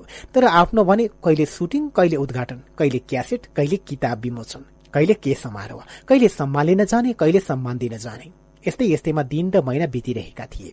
बेला बेलामा गौरीले धुली खेलमा हेल्थ चेकअप गर्न कहिले जाने भनेर सोधेको सोधे। आफूले चाहिँ नभ्याएको नभ्याए यसरी जान्छु भन्दा भन्दा पनि समय नमिलेको चार पाँच महिना नै भयो। झट्ट बाहिरबाट हेर्दा आफ्नो स्वास्थ्य र शरीर सबै ठिकै छ। के को हतार जाउँला नि एक दिन फुर्सद मिलाएर भन्ने लागिरह्यो। एक दिन एउटा कार्यक्रममा डाक्टर रामकण्ठसँग अचानक भेट भयो। भेट्ने बित्तिकै भने खै त मदनजी किन नआउनु भयो तपाईँहरू? हरिवंशजी तपाईँ र भाउजू तिनैजना आउनुहोस्। हेर्नुहोस् यो हेल्थ चेकअप भनेको बेला बेलामा गराइराख्नुपर्छ। आफूलाई केही भएको छैन। किन चेकअप गर्नु पर्यो भनेर व्यवस्था नगरोस्। बेला बेलामा चेकअप गराइराख्नु भनेको एकदमै ठुलो काम हो। बरु भोलि नै आउनुहोस्। आउनुहोस् है। उनले यसरी मनमा गढ्ने गरी भने कि हो बा डाक्टरले मलाई एकदमै राम्रो सम्झेर भनेका हुन्। मैले जानै पर्छ भन्ने लाग्यो। मैले भने हुन्छ डाक्टर साहब म भोलि चितवनमा एउटा उद्घाटन गर्ने कार्यक्रममा जानुपर्छ। चितवनमा उद्घाटन सकेर त्यतैबाट भोलि बेलुका नै पोखरा जान्छौ। पोखरामा पर्सि अर्को एउटा उद्घाटन कार्यक्रम सकाएर पर्सि नै पोखराबाट काठमाडौँ फर्काउँछौ। अनि निको पर्सि धुलीखेल अस्पताल आउला। मेरो कुरा सुनेर उनले पनि ल हुन्छ हुन्छ भने। उनले फेरि सम्झाउँदै भने निको पर्सि आउँदा भाउजूलाई ल्याउन नजुटाउनु होला बाचा गरेको निको पर्सीको दिन पनि नभ्याएर त्यसको भोलिपल्ट काने पर्सीको दिन यशोदा र म दुवैजना अस्पताल गयौं। त्यस दिन blood test ECG endoscopy X-ray आँखा लगायतका थुप्रै जाँच सकाएर अर्को दिन बिहान कोलोनोस्कोपी गर्ने समय मिलाएर आयौं। भोलिपल्ट डाक्टर राम गुरुङले पहिला यशोदाको कोलोनोस्कोपी टेस्ट गरे। उक्त टेस्ट सकिएपछि डाक्टर रामले मसँग अलि आतिएको स्वरमा भने दाई भाउजूलाई त ठूलै रोग लागेको रहेछ। उनको कुरा सुन्ने बित्तिकै मेरो छाती ढक्क भयो। सास अड्किए जस्तो भयो। मनमा शंका उब्जियो। कतै क्यान्सर स्यान्सर त भएन। एकैछिन डाक्टरलाई सोध्न पनि डर लाग्यो। मनभरि अनेक कुरा खेलाउँदै हिम्मत गरेर सोधे के भो डाक्टर साहब? मेरो प्रश्न भुइँमा खस्न नपाउँदै उनले भने भाउजूले त ठूलै रोग पालेर बस्नु भएको रहेछ। उहाँलाई क्यान्सर भएको छ। मैले तुरुन्तै सोधेँ कुन स्टेजको? उनले भने थर्ड स्टेजको। कुरा सुन्ने बित्तिकै मेरो छातीभित्र ठुलै पहिरो गए जस्तो। ठुलो आँधीबेहरी आए जस्तो महाभूकम्प गए जस्तो भयो। केही बेर मैले केही सोच्नै सकिनँ।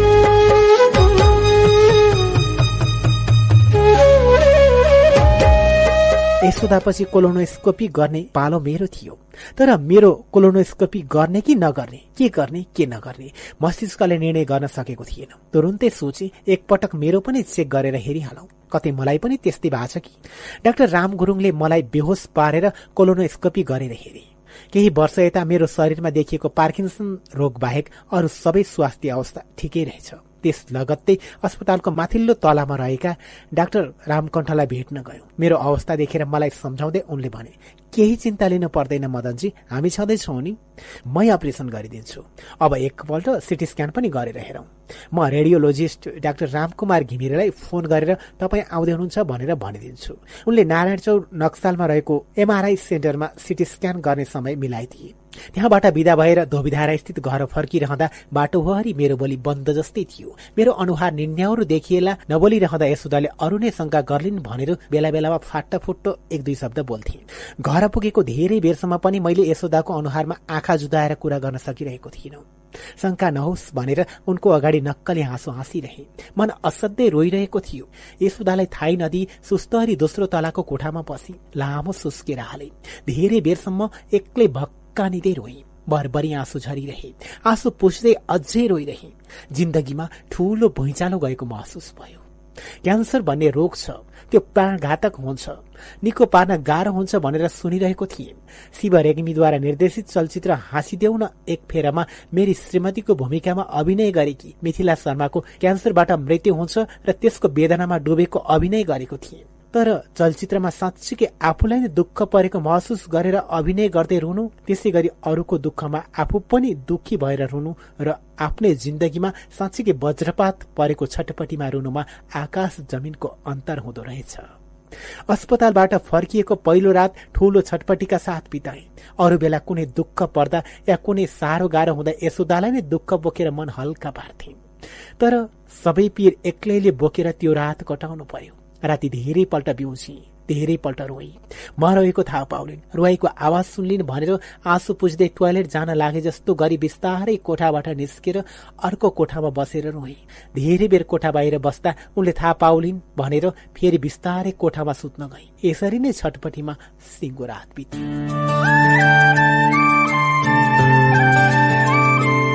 डाक्टर रामकण्ठको सल्लाह बमोजिम भोलिपल्टै नक्साल गएर सिटी स्क्यान गरायौं। रेडियोलोजिस्ट डाक्टर रामकुमार घिमिरेले कलेजोमा एउटा सानो दाग देखिएको तर त्यो क्यान्सर नै हो भनेर यकिन गर्न गाह्रो हुने बताए। उनले शरीरका अन्य भागमा पनि यस्तै दाग छ कि भनेर हेर्नका लागि पेट स्क्यान नै गरेर हेर्नुपर्ने बताए। तर पेट स्क्यान गर्ने त्यस्तो मेसिन नेपालमा नरहेको पनि उनले जानकारी दिए। भोलिपल्ट होटल शङ्करमा आयोजित एउटा समारोहमा डाक्टर रामकण्ठसँग भेट भयो। मैले कलेजोमा देखिएको दागबारे उनलाई बताए। मेरो पीर र छटपटी देखेर उनले सम्झाउँदै भने पेट नगर्नुहोस् मदनजी। हामी छँदैछौ नि। त्यस्तो लिभरमा देखेको स्क्रच के रहेछ म बुझ्छु। सिटी स्क्यानको प्लेट र रिपोर्ट म आफै लिएर धुलीखेल जान्छु। तपाईँ र भाउजू भोलि एकपल्ट धुलीखेल आउनुहोस् अनि उही सल्लाह गरौँला उनको कुरा सुनेपछि मैले भने उसो भए म एक्लै आउँछु। उनले एक्लै होइन यशोदा भाउजूलाई पनि लिएर आउनुहोस् भने। मैले सोधेँ दुवैजना आउँदा यशोदाको अगाडि फेरि कुरा गर्न अप्ठ्यारो पर्छ कि? उनले त्यसो होइन भाउजूलाई थाहा दिनुपर्छ। म मिलाएर सम्झाइ बुझाइ गरेर बिस्तारै भन्छु भने। उनका कुरा जति जति सुन्दै गए त्यति त्यति म शिथिल हुँदै गएको महसुस गर्दै थिएँ। मेरो त्यस्तो अवस्था देखेर उनले किन पिर गर्नुभयो तपाईँले? सबै ठिक हुन्छ भनेर सम्झाए। दोस्रो रात पनि मलाई निद्रा लागेन। नलागे पनि निद्रा लागे जस्तो गरी आँखा चिम्लिएर पल्टिरहे। मनमा अनेकौं कुरा खेलिरहेका थिए। मन्दिरका देवी देवता भनाउँदा सबैको अनुहार पनि सम्झे कालीप्रसाद रिजालले लेखेको सबको भगवान छ। भगवानले हेर्छन् भन्थ्यौ। तिम्रो भगवानले हेरेको पनि देखियो। भन्ने गीतको पंक्ति पनि सम्झिए। ती पंक्ति मैले नै भनिरहे जस्तो लागिरह्यो। जिन्दगी भरि अरूको चित्त नदुखोस् भनेर बरु आफ्नै चित्त दुखाएर अरूको खुसीमा रमाएर बसी। आफू कुल्चिएर रमाउन खोज्नेहरूलाई कुल्चिन दिएर बसे। हिंसामा होइन अहिंसामा विश्वास गरी। आफूलाई दुर्व्यवहार गर्नेहरूसँग बदला लिँदा दुई चार दिनभित्र आनन्द मिल्छ। तर तिनीहरूलाई क्षमा दिँदा जिन्दगीभर सुख मिल्छ भन्ने कुरालाई मनन गरेर आफूमाथि दुर्व्यवहार गर्नेहरूलाई क्षमा दिएर रमाए। कसैलाई रुवाइन? सारा जीवन नै अरूलाई हँसाएर खुसी बनाउनमा बिताए। के यी सबै गल्ती थिए? खै त भगवान? खै त भगवानको न्याय निसाफ पाप र पुण्यका सारा अर्थ असन्दर्भिक लागिरहेका थिए। रातभरि दुखेको चित्तले आफैलाई यस्तै यस्तै अनुत्तरित प्रश्न सोधिरहे। यसरी नै त्यो रात पनि बित्यो। भोलिपल्ट यसुदा म र बहिनी साधना फेरि धुलीखेल अस्पताल गयौं।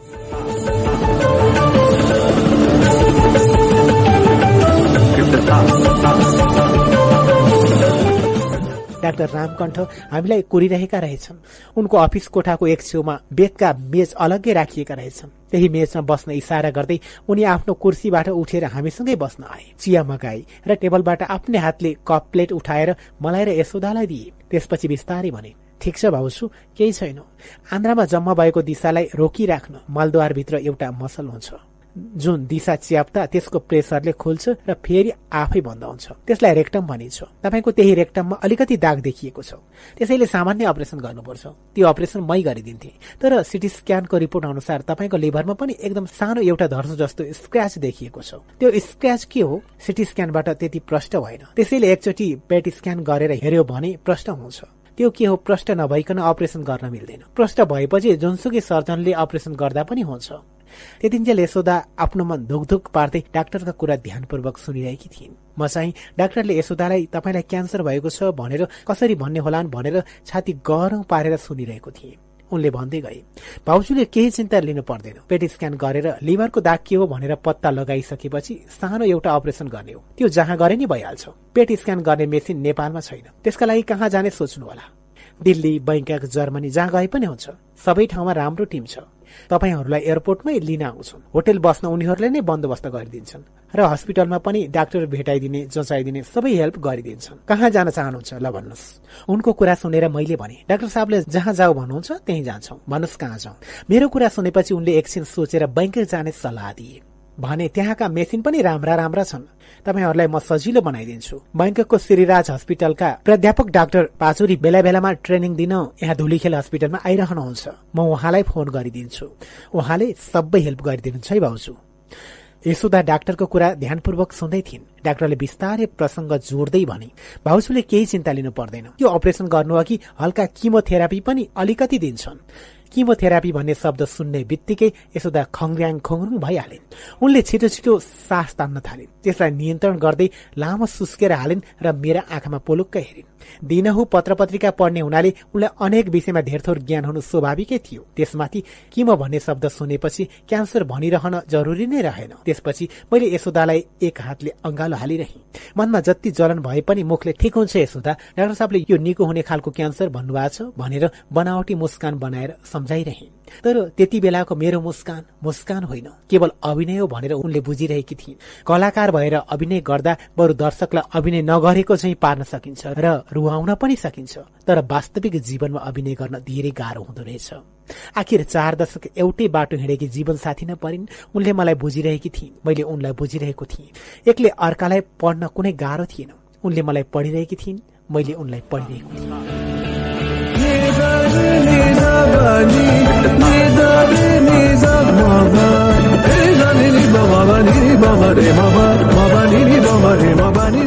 केही यसोदा अलि पर एक्लै बसेर मनमा कुरा खेलाउन थालिन्। उनी एक्लै बसेको देखेर मैले नजिकै पुगेर ठिक हुन्छ यसोदा पिर गर्नु पर्दैन भनेर सम्झाइरहे घर फर्किएको एक दुई दिनमै उसले उसलाई उसले उसलाई गर्दै नाता कुटुम्ब साथीभाइ धेरैले थाहा पाए। हितैषीहरू यशोदाको स्वास्थ्यबारे पिर गर्दै चासो राख्दै हामीलाई भेट्न घरमा ओहिरिए पाटनका घिउ साहु सुन्दर नारायण जोशी पनि हस्याङ फस्याङ गर्दै भेट्न आए। उनकी श्रीमती पनि क्यान्सरकै कारण बितेकी थिए। जलविद्युत उद्यमी ज्ञानेन्द्रलाल प्रधान र उनकी श्रीमती पनि हामीलाई भेट्न घरमै आए। त्यसै गरी बहिनी ज्वाई भान्जा भान्जी मामा माइजूहरू यशोदाका माइतीका सबैजसो आफन्त घरमा आत्मीयता र माया व्यक्त गर्न आइरहे। केही दिनमै हरिवंशले बैंकक जानका लागि यशोदा म र आफ्ना लागि समेत तीनवटा टिकट बुक गरे। अमेरिकामा रहेका छोरा एमन र छोरी सराना पनि उतैबाट बैङ्कक आउने भए। बैङ्कक एयरपोर्टमा लिन आउनेदेखि लिएर होटलमा बस्ने समेत सबै बन्दोबस्त डाक्टर रामकण्ठले मिलाइदिइसकेका थिए। रुसमा बसेर उद्यम गरिरहेका व्यवसायी जीवा लामिछाने बेला बेलामा मस्को बाटो बैङ्कक पुगिरहन्छन् भन्ने सुनेको थिए। उनले त्यहाँ कोही चिनेका मान्छे होलान् र तिनबाट केही मद्दत लिन सकिएला कि भन्ने लागेर मैले जीवाजीलाई फोनमा सबै कुरा बताएँ। जीवाले मेरो भ्रमणबारे सबै कुरा बताएर गैर आवासीय नेपाली संघ एनआरएनए बैङ्ककका अध्यक्ष विजय आचार्यलाई फोन गरिदिए। त्यसपछि म अझ ढुक्क भएँ। बैङ्कक जाने दिन घरमा थुप्रै हितेशी विदाई गर्न आए। यशोदाका बुबा पनि क्यान्सर नै भएर बित्नु भएको थियो। त्यसै गरी नेपाल राष्ट्र ब्याङ्कका अधिकृत भएर सेवानिवृत्त हुनुभएका यशोदाका दाजु पूर्ण प्रसाद सुवेदीलाई पनि क्यान्सर नै भएको थियो। यी सबै घटनाक्रमले यशोदालाई पनि बैङ्ककबाट फर्किएर घर आइएला भन्ने पटक्कै विश्वास थिएन। त्यसैले घरबाट निस्कन लाग्दा भाइ बहिनी भान्जा भान्जी भतिजा भतिजी सबैलाई एउटा एउटा हजार हजारको नोट बाँडेकी थिइन्। सबैलाई अङ्गालो मारेर बेस्कन रोएकी थिइन्। उनी रोएको देखेर घरमा जम्मा भएका सबै रोए। यो दृश्य देखेर म पनि रोएको थिएँ तर मेरो भित्री मनमा केही हदसम्म निको भएर घर फर्किन्छ भन्ने आत्मविश्वास थियो। तैपनि कमजोर मन लिएर हरिवंश यशोदा र म उपचारका लागि बैङ्कक प्रस्थान गर्यो कार्यक्रम कृति बकलको यो श्रृङ्खलामा प्राविधिक साथी सागरसँगै म पवन खड्काको हार्दिक स्वागत छ। धौलागिरी एफएम अन्ठानब्बे दशमलव छ मेगा हज बागलुङबाट उत्पादन भई धौलागिरी एफएम र पञ्चास एफएम एक सय दुई दशमलव आठ मेगा हज पर्वतबाट हरेक शनिबार बेलुका नौ तीसदेखि दस बजेसम्म एकसाथ प्रसारण भइरहेको कार्यक्रम कृति बगलमा अहिले हामी हास्य कलाकार मदन कृष्ण श्रेष्ठको महकुम वाचन गरिरहेका छौं। र आज हामी महकुमको एक्काइसौं भागमा छौं। हास्य व्यङ्ग्य अभिनय क्षेत्रमा एक छत्र राज गरिरहेका महजोडी सर्वाधिक रुचाइएका कलाकार हुन्। हामीले मदन कृष्णको संस्मरण महको म वाचन गर्दा एकातर्फ श्रोता शुभचिन्तकहरूले मदन कृष्णको वैयक्तिक एवं कलाकारिता क्षेत्रको अवगत हुने अवसर पाउँछन् भने अर्कोतर्फ जीवन सकारात्मक मोडतर्फ परिवर्तन गर्न त्यस्ता धेरै कुराहरू छन् जसलाई अनुसरण गर्न यो संस्मरणले सघाउँछ। हामी त्यही पुस्तक महाकुम खण्ड खण्ड गरेर सबै पढेर सुनाउने चेष्टा गरिरहेका छौँ र हामीलाई सुनेर साथ दिनुहोला। हुन्छ त सुरु गरौं। पेज नम्बर दुई सय चौवालिसदेखि अगाडि। संपत्ति बेच अस्पताल।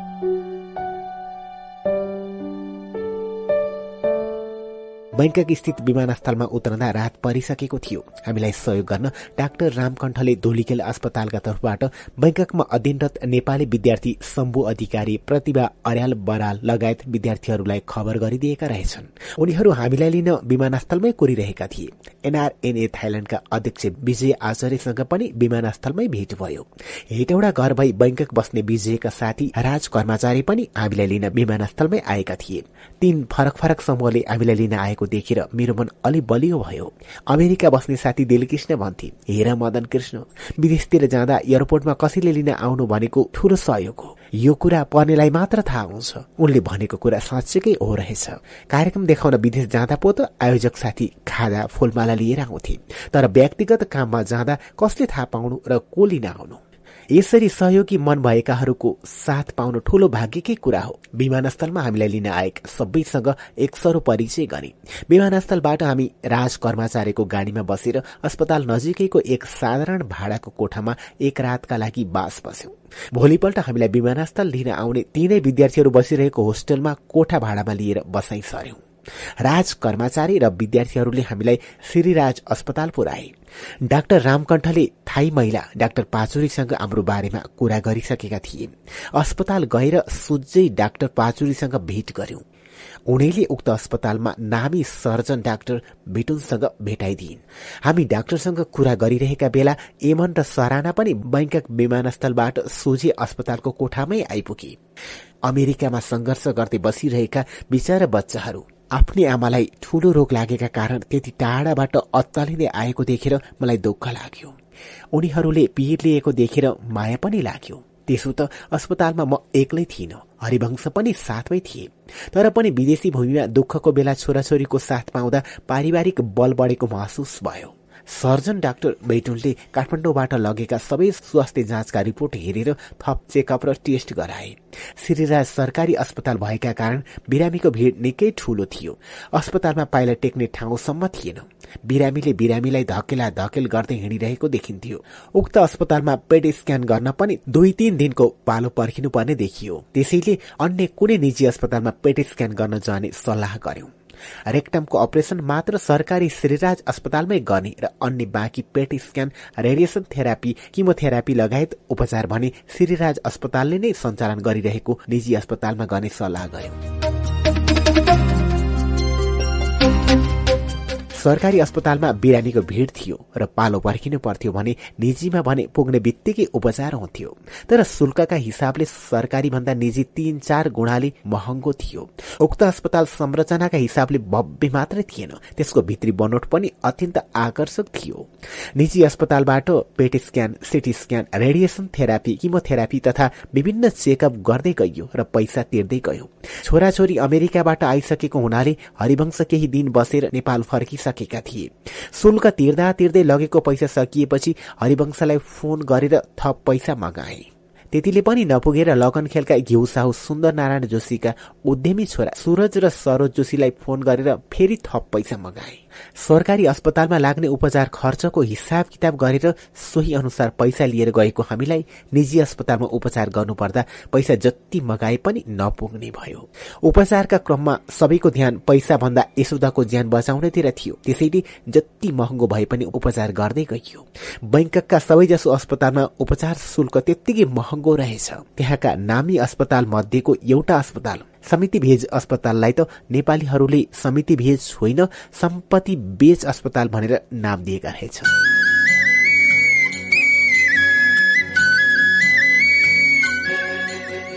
यसोताको पेट स्क्यान शुल्कमा अस्पतालले बाह्र हजार भाट डिस्काउन्ट गरिदियो। बाह्र हजार भाट भन्नाले त्यति बेला नेपाली पैसाको सटै दरका लागि तीनले गुन्नु पर्थ्यो। बाह्र हजारलाई तीनले गुन्दा छत्तीस हजार नेपाली रुपियाँ त डिस्काउन्ट नै गरिदियो। त्यसको कारण थियो पासपोर्टमा मेरो पेसा कलाकार लेखिनु। नेपालका कलाकार पनि अरू देशका चाहिँ एकदमै धनी हुन्छन् भन्ने थाईहरूलाई लाग्यो होला भन्दै राज कर्मचारी भाइले कुराकानी गर्न सके उपचारमा छुट हुन सक्ने बताए। उनले मलाई देखाउँदै डाक्टरहरूलाई उहाँ कलाकार हो तर कमर्सियल कलाकार होइन। कमर्सियल कलाकार होइन। पब्लिकलाई हेल्थ सम्बन्धी शिक्षा सम्बन्धी जनचेतना जगाउने सोसियल आर्टिस्ट हो भनेर सम्झाइदिए। त्यसैले अस्पतालले उपचारमा बाह्र हजार भाट छुट गरिदियो। तर त्यसरी छुट गर्दा पनि एक लाख अस्सी हजार रुपियाँ शुल्क तिर्नु पर्यो। तर यही पेट स्क्यान गर्दा दिल्लीको राजीव गान्धी अस्पतालमा जम्मा अठार हजार भारू तिर्दा पुगेको थियो। कहाँ अठार उन्नाइस हजार भारू कहाँ एक लाख अस्सी हजार नेहरू।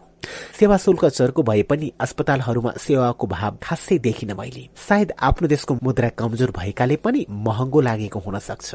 फेरि त्यत्रो विधि महँगो शुल्क तिर्ने अस्पतालले विदेशी बिरामीलाई आफ्ना देशका बिरामीलाई लिने शुल्क भन्दा थप पच्चिस प्रतिशत बढी शुल्क टोटी कसेर लिने निर्दयी नियम पनि रहेछ।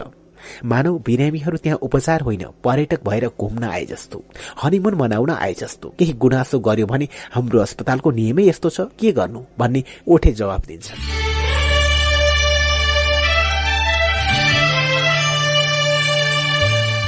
पाँचपल्ट थोरै डोजको किमोथेरापी र अठाइस साइकल रेडिएसन थेरापी दिने क्रम चलिरहेको थियो। एक दिन होस्टेलमा बसिरहेका बेला अचानक यसुदा एकदमै छटपटिन थालिन्। पसिना खलखल निकालिन्। हेर्दा हेर्दै लल्याक लुलुक भइन्। मलाई गाह्रो भयो एकदम गाह्रो भयो। अस्पताल जाउँ अस्पताल जाउँ भनेर इसारा गर्न थालिन्। छोरा इमलले होस्टेलको तेस्रो तलामा रहेको कोठादेखि आमालाई बोकेर भुइँ तलामा ल्याइ पुर्याए तत्कालै ट्याक्सी चढेर हामी सबै श्रीराजको प्राइभेट अस्पताल पुग्यौं। डाक्टर र नर्सहरूले भटाभट जाँच्न थाले। अनेक जाँच गरे के के हो के के। बिल नै एक लाख एक हजार रुपियाँको आयो। भने जति पैसा तिरे आखिर खासै केही भएको होइन रहेछ। खालि कब्जियत भएर त्यस्तो छटपटी भएको रहेछ। नेपालमा सबै औषधि पसलमा सजिलै पाइने सामान्य औषधिका भरमा निको हुने बिमार रहेछ त्यो। मलद्वारमा राख्ने सानो औषधि हुन्छ जुन राखेको बाह्र पन्ध्र मिनटमा दिशा पक्लेर आउँछ। त्यस्तो औषधि मैले पनि बेला बेलामा प्रयोग गरेको छु। जब पाँच दस रुपियाँको औषधिले निको पार्न सकिने बिमारको लागि एक लाख एक हजार रुपियाँ खर्च गराएको देखेर म जिल्ल पनि परे तर अस्पताल जाँदा त्यस्तरी अत्तालिएर गएका हामी सामान्य भएर फर्कन पाउँदा मन हल्का भएको थियो। रेडिएसन थेरापी हेर्दा साधारण लाग्छ। मेसिन अगाडि केवल दस बाह्र मिनट जति बस्ने मात्र हो। तर त्यसको साइड इफेक्ट सहन भने भयंकर गाह्रो हुँदो रहेछ। शरीरको जुन भागमा रेडिएसन दिइन्छ त्यो ठाउँ हेर्दा हेर्दै कालो कालो हुँदै जाँदो रहेछ। त्यसरी कालो भएको छाला असह्य हुने गरी चिलाउँदो रहेछ। त्यसरी चिलाएको ठाउँमा हातले छुन अथवा कन्याउन नहुने रहेछ। असह्य भएर हल्का मात्र कनाउँदा पनि कालो छाला चरक चरक फुटेर घाउ हुने रहेछ। त्यसमाथि एकै दिनमा एकपल्ट मात्र होइन सत्र अठार पल्टसम्म तारन्तार पातलो दिशा हुने रहेछ। एक त घाउ बेसकन चिलाउने त्यसमाथि त्यही घाउबाट दिशा गर्नुपर्दा के गति भयो होला? अझ त्यसमाथि भोलिपल्ट त्यो पीडा कम हुनुको सट्टा चर्को रेडिएसन थेरापी थप्न जानु पर्थ्यो यस्तो पीडा र ज्वलन यशोदाले लगातार अठाइस दिनसम्म कसरी सहिनु होला? यसुदाले यत्रो बिग्न पीडा सहन सक्नुको कारण एउटा बाध्यताले हो भने अर्को कारण क्यान्सरबाट पूर्ण स्वस्थ हुन नसकिएला तर त्यसको असर केही न केही हदसम्म कम गर्न सकिएला नि भन्ने आत्मबलले पनि हो। आत्मबल भनेको एउटा महत्वपूर्ण औषधि नै रहेछ जसबाट जस्तो सुकै पीडा जस्तो सुकै दुःखलाई पनि झेल्न सक्ने तागत मिल्दो रहेछ।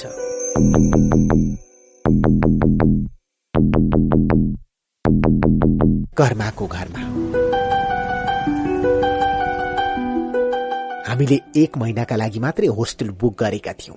महिना दिन काट्नै लाग्दा अस्पताल पाएक पर्ने गरी होटलहरू खोज्दै थियौं। मेरो समस्या देखेर राज कर्मचारी कर्मा भाइले भने होटल खोज्नु पर्दैन दाई मेरै घरमा बस्न आउनुहोस्। अठाइस दिनसम्म लिनुपर्ने रेडिएसन थेरापीको काम अझै सकिएको थिएन।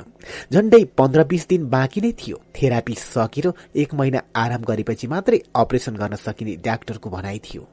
अपरेसन सकेपछि फेरि दस बाह्र दिन आराम गर्नु पर्थ्यो यसो उसो गर्दा अझै अर्को दुई महिना बस्नुपर्ने थियो। त्यतिका लामो समय कर्म भाइको घरमा बसेर उनलाई दुःख दिनु उचित थिएन। तर कर्म भाइले भने अप्ठ्यारो मान्नु पर्दैन दाई म कहाँ कोठा छँदैछ? भाउजू त्यसरी थेरापीले गर्नु भएको छ। बिरामीले जहाँ पायो त्यही खान मिल्दैन। घरमा भए बिरामीलाई चाहिए जस्तो बनाएर खुवाउन सकिन्छ। छोरी सरनाले आफू कार्यरत ओल्ड बैङ्कबाट एक महिनाका लागि मात्र छुट्टी लिएर आएकी थिइन्। उनलाई एक दुई दिनमै अमेरिका फर्किनै पर्ने थियो। उनी फर्किएपछि यशोदालाई हेरविचार गर्ने हामी बाउ छोरा मात्रै हुन्छौं। यो सबै परिस्थिति बुझेर सरनाले पनि मलाई कर्माकै घरमा बस्न सल्लाह दिँदै भनिन् जानुस् ड्याडी जानुस्। यो दुई महिना कर्मदाईकै घरमा बस्न जानुस्। अरू होइन खानाकै लागि जानुस्। ड्याडी र दाईले त जे जस्तो खाए नै हुन्छ तर मम्मीले जे पायो त्यही खान मिल्दैन। त्यसैले अप्ठ्यारै भए पनि जानुस्। कर्मदाईको यो गुण त तिर्न सकिँदैन। तर जिन्दगीमा केही न केही गर्ने प्रयास गरौँला। छोरीको कुरा सुनेपछि धेरै बेर विचार गरे। आखिर उनले ठिकै सल्लाह दिएकी हुन्। होस्टेल बसाईको अवधि सकिएपछि कर्माकै घरमा सर्यौं त्यति बेला कर्म भाइले बैङ्ककबाट तीनवटा सुट पसल सञ्चालन गरेका थिए। उनी अलि व्यवहारमा पाको र खुबै हाँस्नुपर्ने स्वभावका मान्छे थिए। पहिलो श्रीमतीको निधन भएपछि बैङ्कक आएर बर्मामा जन्मिएकी र बैङ्ककमा बसिरहेकी नेपाली मूलकी एमीसँग बिहे गरेका रहेछन्। उनी पनि अत्यन्त रमाइली खालकी बातै पछि हँसाइरहने। कसैले केही भन्दा फ्याटै जवाब दिन सक्ने र तुरुन्तै सबैको मन जित्न सक्ने खालकी थिए। व्यवसायमा सधैँ व्यस्त रहने कर्माले आफ्ना साना छोरीहरू प्रिमा र रुबीलाई आफ्नो कोठामा सुताएर दुई महिनासम्म उक्त कोठा हामीलाई दिए।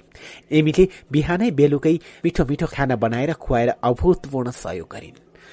कर्मा भाइको परिवारका सदस्यलाई मैले मेरो आफ्नै परिवारका सदस्य मानेको छु।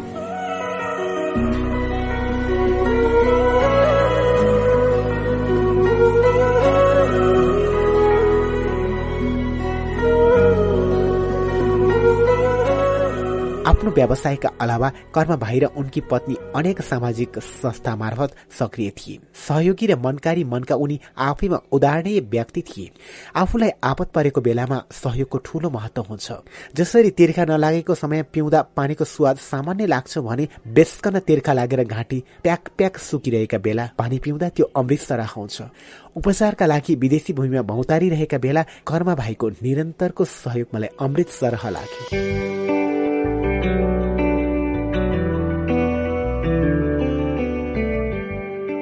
परदेशको त्यस्तो ठाउँमा आपतको घडीमा दुई दुई महिनासम्म आफ्नै घरमा खान बस्न दिनु सामान्य कुरा थिएन। त्यसमाथि दिनका दिन अस्पताल पुर्याउनु सम्बन्धित डाक्टर भेटाइदिनु। मैले बोलेका कुरालाई स्थानीय भाषामा उल्था गरेर डाक्टरलाई बुझाइदिनु।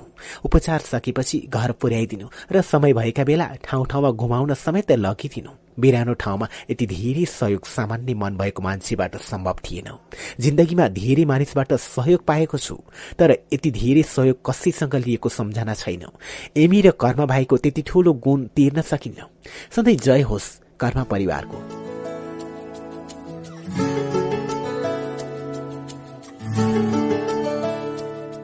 धेरै दुःख र अनेक कष्टका साथ बल्ल तल्ल अठाइस साइकल रेडिएसन थेरापी लिने काम पूरा भयो। अब रेक्टमको अपरेसन गर्न एक महिना पुरै आराम गर्नुपर्ने थियो। त्यो एक महिनाभर घरमा भाइ र एमीले हामीलाई कहिले कहाँ त कहिले कहाँ घुमाउन लगिरहे।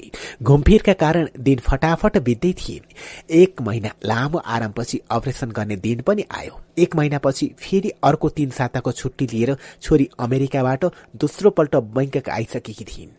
एमी कर्मा सराना र एमनसहित हामी बिहानै सरकारी श्रीराज अस्पताल पुग्यौं। अपरेसन थिएटरभित्र जानु अघि यशोदालाई सबैले शुभकामना दिए। उनले मेरो हात समातेर फुलुक्क हेरिन्। मैले पनि आत्मविश्वासका साथ अपरेसन सफल होस् भनेर मनमा नै कामना गरे। ट्रलीमा बसेकी उनले मलाई भित्र छेर्ने बेलासम्म हेरिरहेकी थिइन्। एकैछिनमा नर्सले ट्रली धकेलेर उनलाई अपरेसन थिएटरभित्र छिराइन्। हामी सबै थिएटर बाहिरको मेचमा बसिरह्यौं। अरू अपरेसन गर्दा निको हुन्छ राम्रो हुन्छ भनेर ढुक्क भइन्थ्यो क्यान्सरको अपरेसन भएकाले मन गलिरहेको थियो। नेपालका सबै देवी देवता सम्झेर यशोदाको जीवन रक्षाका लागि प्रार्थना गरिरहे। कर्म भाइ सबै काम छाडेर दिनभर अस्पतालमा हामीसँगै बसिरहे। करिब पाँच घण्टापछि अपरेसन सकियो। ट्रलीमा राखेर यशोदालाई नर्सहरूले बाहिर ल्याए। उनी बेहोस अवस्थामै थिइन्। अरू अस्पतालमा त अपरेसन गरेपछि सोझै पोस्ट अपरेटिभ वार्डमा लगिन्थ्यो। त्यहाँ त अपरेसन कक्षबाट बाहिर निकालेर लिफ्टबाट बिरामीलाई भुइँतलामा ल्याइयो। सामान्य बिरामीलाई जस्तै मोटर गुडिरहेको सड़कको छेउछाउ ट्रलीमा गुडाउँदै गुडाउँदै अस्पतालको अर्को भवनमा लगियो। यो सब देखेर हामी सबै छक्क पर्दै ट्रलीको पछि पछि फटाफट यसुदालाई लगिदिएर गयौं। त्यसरी हिँड्दै गर्दा बाटोका दायाँ बायाँ हेर्यौं अरू बिरामी पनि त्यसरी नै ल्याइरहेका थिए। मनमा नै सोचे सरकारी अस्पताल भनेको यस्तै होला। अर्को भवनमा रहेको आइसियू कोठा सरकारी अस्पताल भए पनि सुविधा सम्पन्न थियो। अपरेसन कक्षबाट निकालेर आइसियू कक्षमा पुर्याएको एक डेढ घण्टापछि यशोदालाई होस आयो। उनले आँखाभरि आँसु पर्दै मेरो हात समाइन् र मधुरो स्वरले मलाई बचाउनु भयो अघि तपाईँले भन्दै बर्र आँसु झारिन्। यशोदाको पेटमा ठूलो पुवाल पारिएको थियो। पुवाल पारिएको त्यो ठूलो घाउ देखेर आँगे सेरिङ्ग भयो। उनको क्यान्सर भएको रेक्टम अर्थात् दिशा रोक्ने मसलको भाग नै काटेर त्यसको ठाउँमा मोटो आन्द्रा लगेर जोडिदिएका रहेछन्। पेटको फोहोर संकलन गर्न कोलोस्टमी ब्याग झुन्ड्याउन पेटमा पुवाल पारिएको रहेछ। अपरेसन भएको तीन चार दिनपछि अस्पतालको बेडमा बसिरहेको समयमा यशोदालाई एकपल्ट मेडिटेसन गराउन मन लाग्यो। मैले उनलाई सोधेँ एकपल्ट मेडिटेसन गर्ने हो? उनले खै मलाई मेडिटेसन गर्न आउँदैन? भने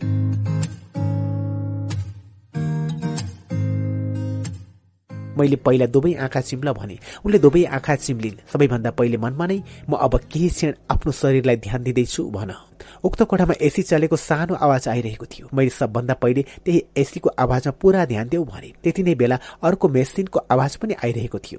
अब अर्को मेसिनको आवाज आइरहेको छ। त्यसमा पुरा ध्यान देऊ भने म जे जे गर भन्थे उनी त्यही त्यही गर्दै गइन्।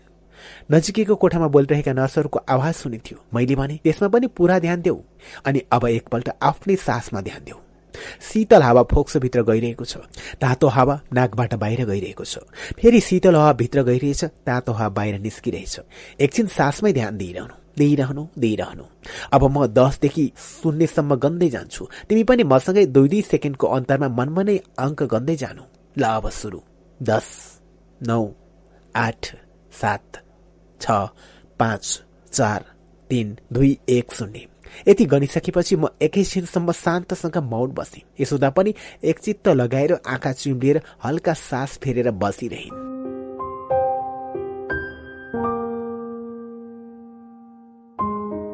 मैले फेरि बिस्तारै भने अब सबभन्दा पहिले यो ब्रह्माण्ड ईश्वरी चन्द्र तारा र यति सुन्दर पृथ्वी जसले बनायो ती भगवानलाई धन्यवाद दियो अब यति सुन्दर पृथ्वीमा जन्म दिने आफ्ना आमा बाबालाई धन्यवाद दियो अब तिम्रो जीवनसाथी अर्थात् मलाई जन्म दिने मेरा आमा बुबालाई पनि धन्यवाद दियो अब हामीले आफ्नो सम्झेर स्वास्थ्य जाँच गराउने डाक्टर रामकण्ठलाई धन्यवाद दियो। डाक्टर रामकण्ठका बाबुआमालाई पनि धन्यवाद दियो। क्यान्सर रोग पत्ता लगाइदिने डाक्टर राम गुरुङलाई पनि धन्यवाद दियो। धोलीखेल अस्पतालका निर्देशक डाक्टर राजेन्द्र कोजुलाई धन्यवाद दियो। जीवा लामी छने जसले फोन गरेर बैङ्क एयरपोर्टमा हामीलाई लिनका लागि बन्दोबस्त मिलाइदिए उनलाई पनि धन्यवाद दियो। विमानस्थलमा हामीलाई लिन आउने एनआरएनए बैङ्कका अध्यक्ष विजय आचार्यलाई धन्यवाद दियो जसले हामीलाई होस्टेलमा बस्ने बन्दोबस्त गरिदिए। ती डाक्टर पढ्न बसेका विद्यार्थीहरूलाई धन्यवाद दियो राज कर्मचारीलाई धन्यवाद दियो एमी कर्मचारीलाई धन्यवाद भन। डाक्टर भिट्युन जसले अपरेसन गरिदिए उनलाई हार्दिक धन्यवाद भन। अपरेसन गर्दा खटिने अरू सबै डाक्टर नर्सहरूलाई धन्यवाद भन। मैले भने जस्तै गरी यशोदाले मनमा नै सबैलाई धन्यवाद दिँदै गएकी थिए। नेपाल क्यान्सर सेन्टरका डाक्टर सुदीप श्रेष्ठ उनकी पत्नी स्वरूपा श्रेष्ठ जो बैङ्कक पुगेका बेला पनि हामी बसेको घर पत्ता लगाएर भेट्न आए। उनलाई धन्यवाद भनौ। अब कर्ण साक्य दाई जसले अमेरिकादेखि फोन गरेर तिम्रो बारे चिन्ता व्यक्त गरे। उनलाई धन्यवाद दियो। यादव खरेल दाई जसले काठमाडौँदेखि फोन गरेर तिम्रो स्वास्थ्यको कामना गरिन् उनलाई धन्यवाद देऊ त्यसै गरी प्राध्यापक प्रमोद बहादुर श्रेष्ठ उनकी श्रीमती जसले बैङ्कक आएका बेला अस्पतालमै आएर हामीलाई भेटी उनीहरूलाई धन्यवाद देऊ सुन्दर नारायण जोशी जसले पैसाको केही चिन्ता नलिनु। आवश्यक बारे भन्नु भनेर बारम्बार आड भरोसा दिइरहे। उनलाई धन्यवाद देऊ। बैङ्ककमा हामी बसेको घरमै भेट्न आएकी गायिका आनी छोइङ डोल्मालाई पनि धन्यवाद दिउ मैले धन्यवाद भन भन्दै जाँदा यशोदाका चिम्लिरहेका आँखाबाट आँसु बगिरहेका थिए।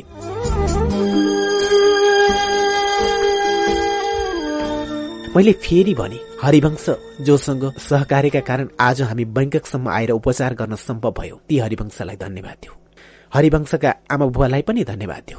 हाम्रा सबै दर्शक श्रोताहरू जसबाट हामीले निरन्तर आशीर्वाद र शुभकामना पाइरहेका छौं उनीहरू सबैलाई धन्यवाद देऊ यशोदाका आँखाबाट निरन्तर आँसु बगि नै रहेका थिए। मैले एकैछिनपछि भने अब म एकदेखि पाँचसम्म गन्दै जान्छु।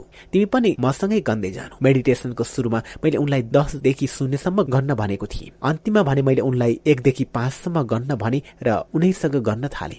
एक दुई तिन चार पाँच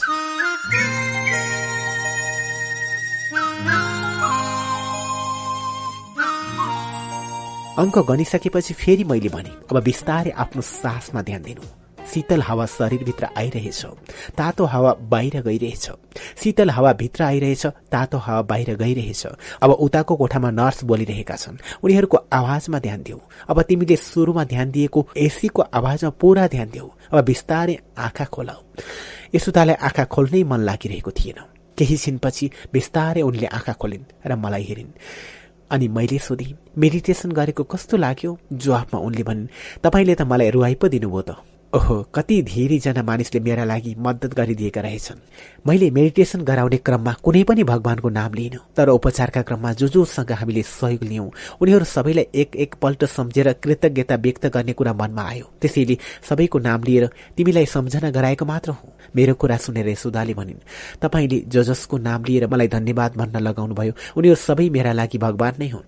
हुन पनि भगवानको नाम जति पुकारे पनि दुःखका बेला प्रत्यक्ष रूपमा मैले सधैँ मान्छेहरूबाटै सहयोग लिएको थिएँ त्यसैले मेडिटेसन गर्दा सबैको नाम लिएर कृतज्ञता व्यक्त गर्ने सोच मनमा आएको थियो। मैले यशोदालाई भने ध्यान गराउँदा देवताको नाम लिएको थाहा छ तर मान्छेलाई धन्यवाद दिएको मैले थाहा पाएको छैन। मेडिटेसन पनि हल्का महसुस गरेकी उनले भनिन् तपाईँले जे गर्नुभयो ठिक गर्नुभयो। तपाईँले आज जति पनि नाम सम्झाउनुभयो ती सबै मैले कहिले पनि भुल्न नसक्ने नाम हुन्। यति भनेर उनले फेरि एकपल्ट बाह्र आँसु छारे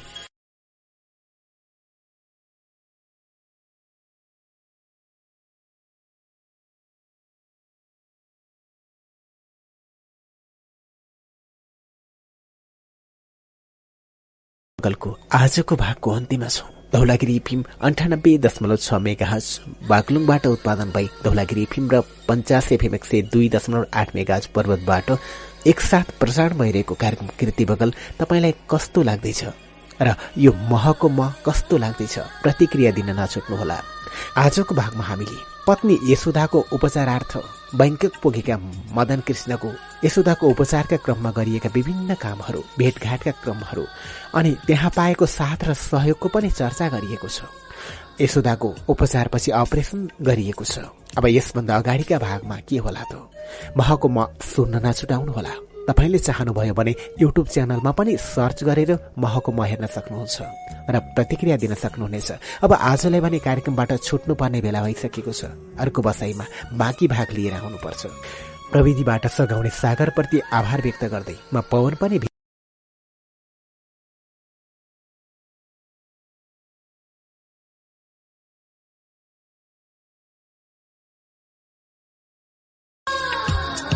कार्यक्रम कृति बगलको यो बसाईमा प्राविधिक साथी सागरसँगै म पवन खड्काको हार्दिक स्वागत छ। दौलागिरी एफएम अन्ठानब्बे दशमलव छ मेगाहज बागलुङबाट उत्पादन भई दौलागिरी एफएम र पञ्चास एफएम एक सय दुई दशमलव आठ मेगाज पर्वतबाट हरेक शनिबार बेलुका नौ तिसदेखि दस बजेसम्म एकसाथ प्रसारण भइरहेको कार्यक्रम कृति बगलमा अहिले हामी हास्य कलाकार मदन कृष्ण श्रेष्ठको आत्मकथा महकुमा वाचन गरिरहेका छौँ र आज हामी महकुमाको बाइसौं भागमा छौँ। अहिले मदन कृष्णको जीवनले अर्कै मोड लिएको छ। चार दशकी सहयात्री जीवन सङ्गिनी यशोदालाई क्यान्सर देखिएपछि तनावग्रस्त श्रेष्ठ परिवार बैङ्ककमा उपचारका लागि पुगेको छ। छोरी सराना र छोरा एमनसँगै बैङ्ककमा बसेर करिब दुई महिनाको उपचार पश्चात श्रेष्ठ पत्नी यशोदाको क्यान्सरको अपरेसन पनि भइसकेको छ। अब मदन कृष्ण श्रेष्ठको जीवन र यशोदाको क्यान्सर रोगले कोन मोड लिएला त? हुन्छ त सुरु गरौं आजको भाग अगाडि। खाउ फाटकाई। बैङ्ककमा सबै सुविधा भए पनि भाषाको समस्या थियो। थाईहरू न अङ्ग्रेजी राम्ररी बुझ्थे न हामी थाई भाषा नै बुझ्थ्यौँ। भाषाकै कारण अप्ठ्यारो पर्ला भनेर खासै सोचेको थिइन। तर प्रत्येक दिन भाषाकै कारण केही न केही अप्ठ्यारो परिरह्यो। हामी बसेको होटेलको भुइँतलाको क्यान्टिनमा बेला बेलामा खाजा खान पुग्थ्यौँ। एक दिन क्यान्टिनमा चिटिक्क परेको लुगा लगाएर बसेकी एउटी महिलालाई मैले हातले इसारा गर्दै hello please. Give two plate fry rice okay भन्दा ओके ओके भनेर भित्र गइन्। कतिखेर फ्राई राइस आउला भनेर झन्डै बिस पच्चिस मिनट कोरिरह्यौँ। ती महिलाले दुईटा प्लेटमा एक एक डल्लो भात त्यसमाथि एउटा एउटा अन्डा फ्यात्त राखेर ल्याइदिन्। फ्राई राइस भनेको कुरै बुझिनछन् भन्दै जे ल्याइदिन् त्यही खायौँ। अर्को दिन त्यही क्यान्टिनमा मैले मेनुमा औलाले देखाएर फ्राई राइस नै मगाएँ। मेनु हेरेर ओके ओके भन्दै खुसी हुँदै साउनी भित्र गइन्। त्यति बेला पनि अघिल्लो दिन जस्तै त्यही एक एक डल्लो भातमाथि एउटा एउटा अन्डा फ्यात्त राखेर ल्याइदिन्। ओहो उनीहरूकै मेनुमा देखाएर मगाउँदा नि उस्तै खाना ल्याइदिन् भन्दै खाइयो। यस्तो समस्या बारम्बार भोगेपछि छोरा एमनले अङ्ग्रेजीमा बोलेको थाई भाषामा उल्था गरिदिने सफ्टवेयर आइप्याडमा डाउनलोड गरिन् त्यस दिन एमनले दङ्ग पर्दै भने आज म अरू खानेकुरा मगाउँदिन। त्यही चिकन फ्राई राइस नै मगाएर खान्छु। क्यान्टिनकै तिनै साउनी अर्डर लिन आइन् साउनी आएपछि एमनले आइप्याडको छेउमा मुख लागेर चिकन फ्राई राइस भनेर बोले। आइप्याडबाट थाई भाषामा अनुवाद भएर खाउ फाटकाई हो कि के हो? भन्ने आवाज आयो। अरू बेला चाहिँ साउनी हाँस्दै ओके ओके भन्दै भित्र गइन्। आइप्याडमा डाउनलोड भएको अनुवाद गर्ने सफ्टवेयरले काम गर्न सुरु गर्न थालेको खुसीमा दङ्ग पर्दै एमलले भने ड्याडी अब थाई नागरिकसँग कुरा गर्न सजिलो हुने भयो आफूले जे भन्नुपर्ने हो अङ्ग्रेजीमा बोलिदियो। आइप्याडले थाई भाषामा ठ्याक्कै बोलिदिन्छ। समस्या नै खत्तम। अब हस्पिटलमा डाक्टरसँग कुरा गर्दा पनि यही आइप्याड लिएर जान्छु। एकैछिनपछि साउनी भित्रबाट हाँस्दै आइन्। टेबलमा काँटा चम्चा ल्याएर राखिदिइन् र फेरि भित्र गइन्। फेरि एकछिनपछि मुसु हाँस्दै दङ्ग पर्दै प्लेट ल्याएर हाम्रो अगाडि ढ्याक्क राखिदिन्। चिकन फ्राई राइस खाने कल्पना गरेर ढुक्क भएका एमलले वाल्ल परेर प्लेटमा हेरे प्लेटमा त त्यही एक डल्लो भातमाथि एउटा अन्डा फ्यात्त राखिएको थियो। भन्दै त्यो पल्ट पनि मन नलगाइकन त्यही डल्लो भात र अन्डा निल्नु पर्यो।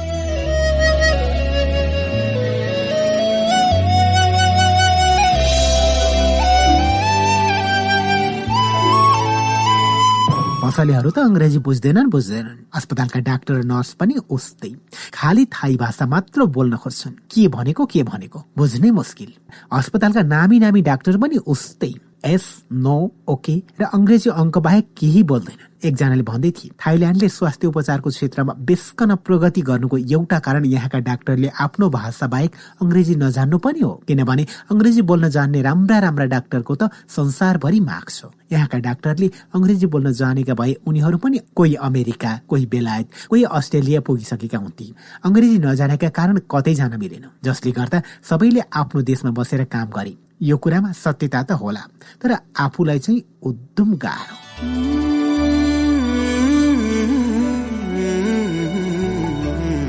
पहाड जस्तो आत्मबल यशोदाको रेक्टमको अपरेसन गरेको भोलिपल्ट रुम भिजिट गर्ने क्रममा सर्जन डाक्टर भितुनले हामीलाई बोझाउँदै भने मैले रेक्टमको अपरेसन गर्दा क्यान्सर भएको भागलाई राम्रोसँग काटेर निकालिदिएको छु। अब त्यहाँ क्यान्सर फेरि दोहोरिँदैन। बिरामीलाई धेरै बेरसम्म बेहोस गराइराख्न मिल्दैन। त्यसैले रेक्टम काटे लगत्तै लिभरमा सरेको क्यान्सर हटाउन लिभर काट्न मिल्दैन थियो। लिभरमा देखिएको क्यान्सर हटाउन छ महिनासम्म बाह्र पटक किमोथेरापी लिनुपर्छ। त्यति गर्दा पनि क्यान्सरको संक्रमण हटिन भने एकपटक बैङ्कका आउनुहोस्। अनि म क्यान्सर संक्रमित लिभरको भाग काटिदिउँला। तर एउटा कुरा याद गर्नु किमोथेरापीले शरीरलाई एकदमै गलाउँछ रगतमा प्लेटलेट्स पनि निकै कम हुन्छ जसले गर्दा रोगसँग लड्न सक्ने क्षमता एकदमै कमजोर हुन्छ। त्यसैले रुगाखोकी या अरू कुनै सरुवा रोग लागेका व्यक्तिलाई नजिक आउन नदिनु धुलो धुवा जस्तो प्रदूषणबाट पनि बच्नु। डाक्टरले यस्तो कुरा सुनाइरहँदा मैले काठमाडौँको धुलो धुवा जन्ने प्रदूषण सम्झिरहेको थिएँ। बैङ्ककमै रहँदा मैले धोबीधाराको घर जाने बाटोमा ठाउँ ठाउँमा ढल राख्न ठुल्ठुला खाडल खनिराखेको छ भनेर खबर पाएको थिएँ। आफ्नै घर जाँदा पनि धुलो धुवाको सामना गर्नु पर्ला र यस्तोताको स्वास्थ्यमा असर पर्ला भनेर मैले बसाइ सर्ने विकल्प सोचिरहेको थिएँ। लगन खेलका सुरज जोशीले त्यस्तो समस्याबाट बच्ने हो भने ललितपुर सुनाकोठी स्थित भ्याली होम्स कोलोनीमा सर्नुहोस् भनेर सल्लाह दिए। केही वर्ष अघि नै मैले भ्याली होम्समा बन्दै गरेको घर किन्न केही किस्ता रकम बुझाइसकेको थिएँ। तर बैङ्ककबाट फर्किने बेलासम्म पनि उक्त घर बस्न लायक बनिसकेको थिएन। संरचना बने पनि बस्न तयार पार्न थुप्रै काम गर्न बाँकी नै थियो। मेरो यो समस्या बुझेर सुरजले घरको फर्निसिङदेखि लिएर बाँकी सबै काम मेरो भो भनेर जिम्मा लिइदिए। सत्र साउन दुई हजार उनासत्तरीका दिन छोरी सराना बैङ्ककबाट अमेरिका फर्किए यसोद्वारा म पनि त्यही दिन काठमाडौँ फर्कियो। विमानस्थलबाट हामीलाई लिन हरिवंश रमिला र बहिनी साधना आएका थिए। उनीहरू लिन आएको देख्दा भावुकताले यसुदाका आँखा रसाए विमानस्थलबाट वर्षौंदेखि बसिरहेको धोबीधारा स्थित घरमा नगई सोझै सुनाकोटी स्थित भ्याली होम्स कोलोनीमा गयौं। म बस्ने भनिएको घरमा आवश्यक सरसामानको बन्दोबस्त भइसकेको रहेछ। आमा बहिनीहरू र महासञ्चार परिवार नरेन्द्र कम्साकार गणेश कणेल सिङ्गे लामा प्रदीप भट्टराई गौरीशंकर दोजु लगायत थुप्रै शुभेच्छुक र आफन्त उपस्थित भइसकेका रहेछन्। सुरजका कान्छा भाइ सुदर्शन जोशीले घरभरि दिउँसै बत्ती बालेर उज्यालोमाथि उज्यालो थपिदिएका रहेछन्। कोलोनी भित्रको एकदम व्यवस्थित उज्यालो र राम्रो घरमा सर्दा आफ्नो मन पनि पाँच छ प्रतिशत भए पनि उज्यालै भयो। तर यसुदाको उपचारको क्रम अझै पुरा नभएकाले बाँकी पञ्चानब्बे प्रतिशत मन मधुरो र झिपझिप्याउँदो नै रह्यो। बैङ्ककमा अपरेसन गरेको एक महिना पुगेपछि कोपण्डोलो स्थित सर्वाङ्ग अस्पतालका डाक्टर सुदीप श्रेष्ठको रेखदेखमा छ महिनासम्म किमोथेरापी लिइयो। पहिलो पल्टको छ महिना लामो उक्त किमोथेरापी लिँदाको समय यसुदाका निम्ति अति नै कष्टकर समय थियो। उक्त अवधिमा डाक्टर सुदीप डाक्टर सचिन साकी तथा अन्य सिस्टरहरूले धेरै नै सहयोग गरे। बैङ्ककबाट फर्केकै दिनदेखि दिनहु जसो धेरै शुभचिन्तक यसुदालाई भेट्न घरमै आए। भेट्न आएका सबै जसोले यसुदाको मन बलियो बनाउन भन्थे। केही चिन्ता लिनु पर्दैन। ठिक हुन्छ राम्रो हुन्छ। हाम्रा आफ्नै एकजना मान्छेलाई पनि तपाईँलाई जस्तै भएको थियो उहाँ अहिले निको भएर पनि अफिस जान थालिसक्नु भएको छ। भेट्न आउने अनेकले अनेक सन्दर्भ र घटना सुनाएर यसोदालाई मन बलियो बनाउन सुझाव दिन्थे। त्यसै गरी वीरगंजबाट क्यान्सर रोग लागेका बाबुको उपचारका निम्ति सर्वाङ्ग अस्पताल आएका एकजनाले ढुक्क भए जसरी सुनाए। मेरा बालाई क्यान्सर भएको अठार वर्ष भइसक्यो। बेला बेलामा किमोथेरापी दिन हस्पिटल ल्याउँछौ। दुई तिन दिन थेरापी लिनुहुन्छ। डाक्टरले भने बमोजिमको औषधि खानुहुन्छ हेर्नुहुन्छ। मलाई त यो क्यान्सर भनेको रुगाखोगी जस्तै सामान्य लागिसक्यो। यस्ता कुरा सुन्दा यसुदाको आत्मबल अझ बलियो हुन्थ्यो।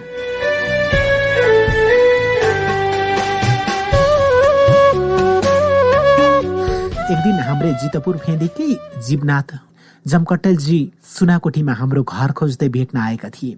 घरभित्र छिर्दै भने मैले तपाईँकी जहानलाई क्यान्सर भो भन्ने कुरा पत्र पत्रिकाहरूमा पढेर थाहा पाएँ। त्यसैले उहाँलाई एकपल्ट हौसला दिनु पर्यो भनेर तपाईँको घर पत्ता लगाएर आएको। जीवनाथजीको आत्मीयता देखेर मलाई औधी खुसी लाग्यो। कतिपय मानिस अति नै सहयोगी स्वभावका हुन्छन्। मैले यशोदालाई बैठक कोठामा बोलाएँ र उनीसित चिनापर्ची गराइदिएँ। जीवनाथले ढुक्क हुँदै यशोदालाई सम्झाउन थाले। हेर्नुहोस् यो क्यान्सर रोग लाग्यो भनेर केही डराउनु पर्दैन। नयाँ नयाँ औषधि र प्रविधि आइसकेका छन् र आउँदैछन् पनि। के को डर? मलाई पनि तपाईँलाई जस्तै रेक्टममा क्यान्सर भएको दुई हजार सत्तालिस सालमा पत्ता लागेको थियो। तपाईँहरू त अझ बैङ्क गएर अपरेसन गराएर आउनुभयो। मेरो त यही नेपालकै वीर अस्पतालमा डाक्टर ध्रुव मुडभरीले अपरेसन गरिदिनु भएको थियो। अहिले तेइस वर्ष भयो। लौ हेर्नुहोस् त मलाई। सब ठिक छ। तपाईँलाई पनि सब ठिक हुन्छ। केही चिन्ता लिनु पर्दैन। त्यसैले तपाईँलाई पनि हौसला मिलोस् भनेर घरसम्म भेट्न आएको। जीवनाथका कुरा साँच्चै घत लाग्दा थिए। उनले आफ्नै अनुभव सुनाउँदै भने तपाईँलाई पनि सुगर रहेछ। मलाई पनि सुगर छ। अब हामी सबै तत्त्व मिलाएर ब्यालेन्स डाइट खान ध्यान पुर्याउन सक्दैनौँ। के खाने के नखाने। दाल भात तरकारी अचारमा सबै तत्त्व पुगेको हुन्छ। त्यसैले म त बरु थोरै थोरै खान्छु। दाल भात तरकारी अचार दिनको तिनपल्ट खाइदिन्छु। तपाईँ पनि के खाऊ के नखाऊ भनेर अल्मा लिनु पर्दैन। तिनपल्ट भातै खाइदिनुहोस्। धेरै खानु पो हुँदैन। थोरै थोरै खाना त भइहाल्छ नि। केही फरक पर्दैन। त्यसैले क्यान्सर लाग्यो भनेर केही चिन्ता लिनु पर्दैन। निको हुन्छ। तपाईँलाई राम्रो हुन्छ। हेर्नुहोस् जसले तपाईँलाई क्यान्सर निको हुँदैन भन्छ त्यसको गालामा एक झापड दिएर पठाइदिनुहोस्।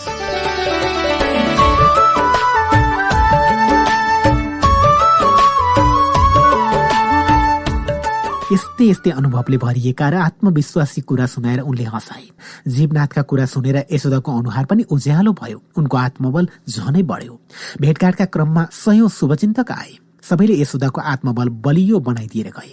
केवल एकजनाले मात्र यशोदाको मन खिस्रिक्क बनाइदियो। एकजना उपबुजुर्ग महिलाले भनिन् हेर यशोदा केही पेर नगर्नु। एक दिन सबैले मर्नु परिहाल्छ।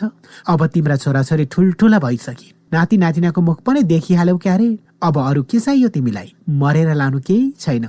सबै छोडेर जाने हो केही पिर नगर। ती महिलाले यस्तै अन्टसन्ट कुरा प्यार प्यार बोलेर के के भनिन् भनिन्। उनको कुराले बलियो हुँदै गरेको यशोदाको आत्मविश्वासलाई खङ्राङ खङ्रुङ बनाइदियो। यस्तो कुराले तीन चार दिनसम्म यशोदाको मन खस्किरह्यो। ती महिलाका कुरा सुन्नुभन्दा केही दिन अघि मात्र यसुदाले डाक्टर सुदीप श्रेष्ठले क्यान्सरका रोगीले ध्यान दिनुपर्ने विषय समेटेर लेखेको सानो पुस्तिका पढेकी थिइन्। उक्त पुस्तिकामा बिरामीलाई विभिन्न खाले मान्छे भेट्न आउँछन्। उनीहरूले गरेका राम्रा राम्रा कुरालाई मनमा लिनु र नकारात्मक कुराहरूलाई वास्ता नगर्नु जस्ता कुरा पनि लेखिएका थिए। यस्तै यस्तै कुराबाट यसुदाले आफ्नो आत्मबललाई डगमगाउन बाटो बचाइराखिन्। एकपटक अचानक भेट भएका डाक्टर चित्रलाल भट्टचुनले यसुदाको स्वास्थ्य बारे चासो राख्दै सोधी कस्तो छ भाउजूलाई? मैले भने ठिकै छ भन्नु पर्यो अब। उनले फेरि सोधी आत्मबल चाहिँ कस्तो छ भाउजूको? मैले यशोदाको आत्मबल एकदम बलियो छ डाक्टर साहेब भनेर बताएँ। जहिले पनि यशोदा मैले बढी भन्दा बढी बाँच्नुपर्छ। मलाई निको हुन्छ। मैले जसरी भए पनि निको पार्नुपर्छ। म निको हुन सक्छु भन्छन्। मेरो उत्तर सुनेर डाक्टर भट्टचनले भने उसो भए ठिक हुन्छ हेर्नुहोस्। यो आत्मविश्वास र क्यान्सरको के सम्बन्ध हो म भन्न सक्दिनँ। तर मैले देखेको छु कि जसको आत्मविश्वास बलियो छ उनीहरू राम्रोसँग सर्भाइभ भइरहेका छन्। जसको आत्मविश्वास कमजोर छ उनीहरू चाहिँ डिप्रेसनबाटै जान्छन्। डाक्टरले भनेको यही कुरा मैले यशोदालाई पनि सुनाए। उनी यो कुरासँग पूर्ण सहमत हुँदै खुसी भएर भने उसो भए मलाई पक्कै ठिक हुन्छ। क्यान्सरसँगको लडाईँ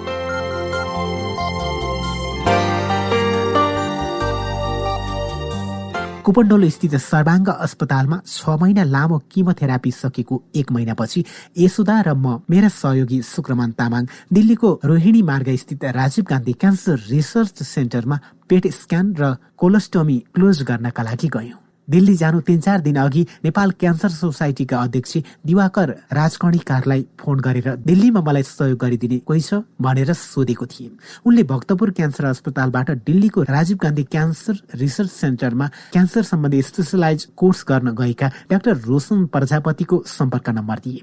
मैले फोन गरेर डाक्टर प्रजापतिलाई आफू आउन लागेको बारे बताए। उनले आफू बस्दै गरेको होटेलमा एउटा कोठा बुक गरिदिएका रहेछन्। हामी त्यही गएर बस्यौं। त्यस होटेलबाट अस्पताल केही मिनटको पैदल दूरीमा थियो।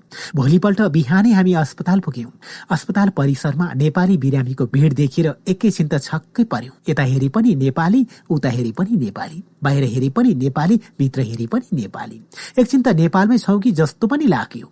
कति नेपाली क्यान्सरबाट पीडित रहेछन्। राजीव गान्धी अस्पतालमा A block B block C block नामका तीनवटा ठुल्ठुला भवन छन् जसमध्ये सी ब्लक अर्थात् तेस्रो ठुलो भवन त नेपालबाट आएका बिरामीले तिरेको पैसाले मात्र निर्माण गरिएको हो पनि भन्दा रहेछन्। उक्त कुरा हुन पनि सक्छ किनकि अस्पतालमा नेपाली बिरामीको त्यत्रो घुइँचो छ। डाक्टर रोशनले राजीव गान्धी अस्पतालका सर्जन डाक्टर शिवेन्द्र सिंहसँग चिनाभर्जी गराइदिए। पेट स्क्यान र अरू आवश्यक स्वास्थ्य जाँचपछि थाहा भयो। यशोदाको कलेजोमा पहिला देखिएको क्यान्सरको दाग भेटिएन। संक्रमण शरीरको एक भागबाट अर्को भागमा सरिरहने सम्भावना हुनाले मैले डाक्टर शिवेन्द्रलाई पहिले क्यान्सर देखिएको तर अहिले नदेखिएको कलेजोको भाग काटेर फ्याँक्न हुन्छ कि हुँदैन भनेर सोधे। मेरो उद्देश्य काटेर फ्याँक्न सके उक्त भागमा क्यान्सरको संक्रमण फेरि देखिँदैन कि भन्ने थियो। मेरो कुरामा डाक्टरले सहमति जनाए। रेक्टम काटेर फ्याँकेको ठाउँ निको भएपछि डाक्टरले कोलोस्टोमी क्लोज गरिदिए। त्यस लगत्तै शल्यक्रिया मार्फत कलेजोको भाग काटेर फ्याँकिदिए। शल्यक्रिया हुँदै गर्दा अपरेसन थिएटरको ढोकामा उभिएर डाक्टर शिवेन्द्रले भने पेटी स्क्यान गर्दा लिभरमा क्यान्सर जिरो देखिएको थियो। तर त्यही ठाउँमा बाहिर छालामा अल्ट्रासाउन्ड गरे जस्तै भित्र लिभरमै छुवाएर अल्ट्रासाउन्ड गरेर हेर्दा शून्य दशमलव पाँच साइजको क्यान्सर देखियो। त्यसैले लिभर काटेको राम्रै भयो। उक्त शल्यक्रिया सकेर काठमाडौँ फर्किएको छ महिनापछि फेरि थप स्वास्थ्य जाँचका निम्ति दिल्ली पुग्यौं।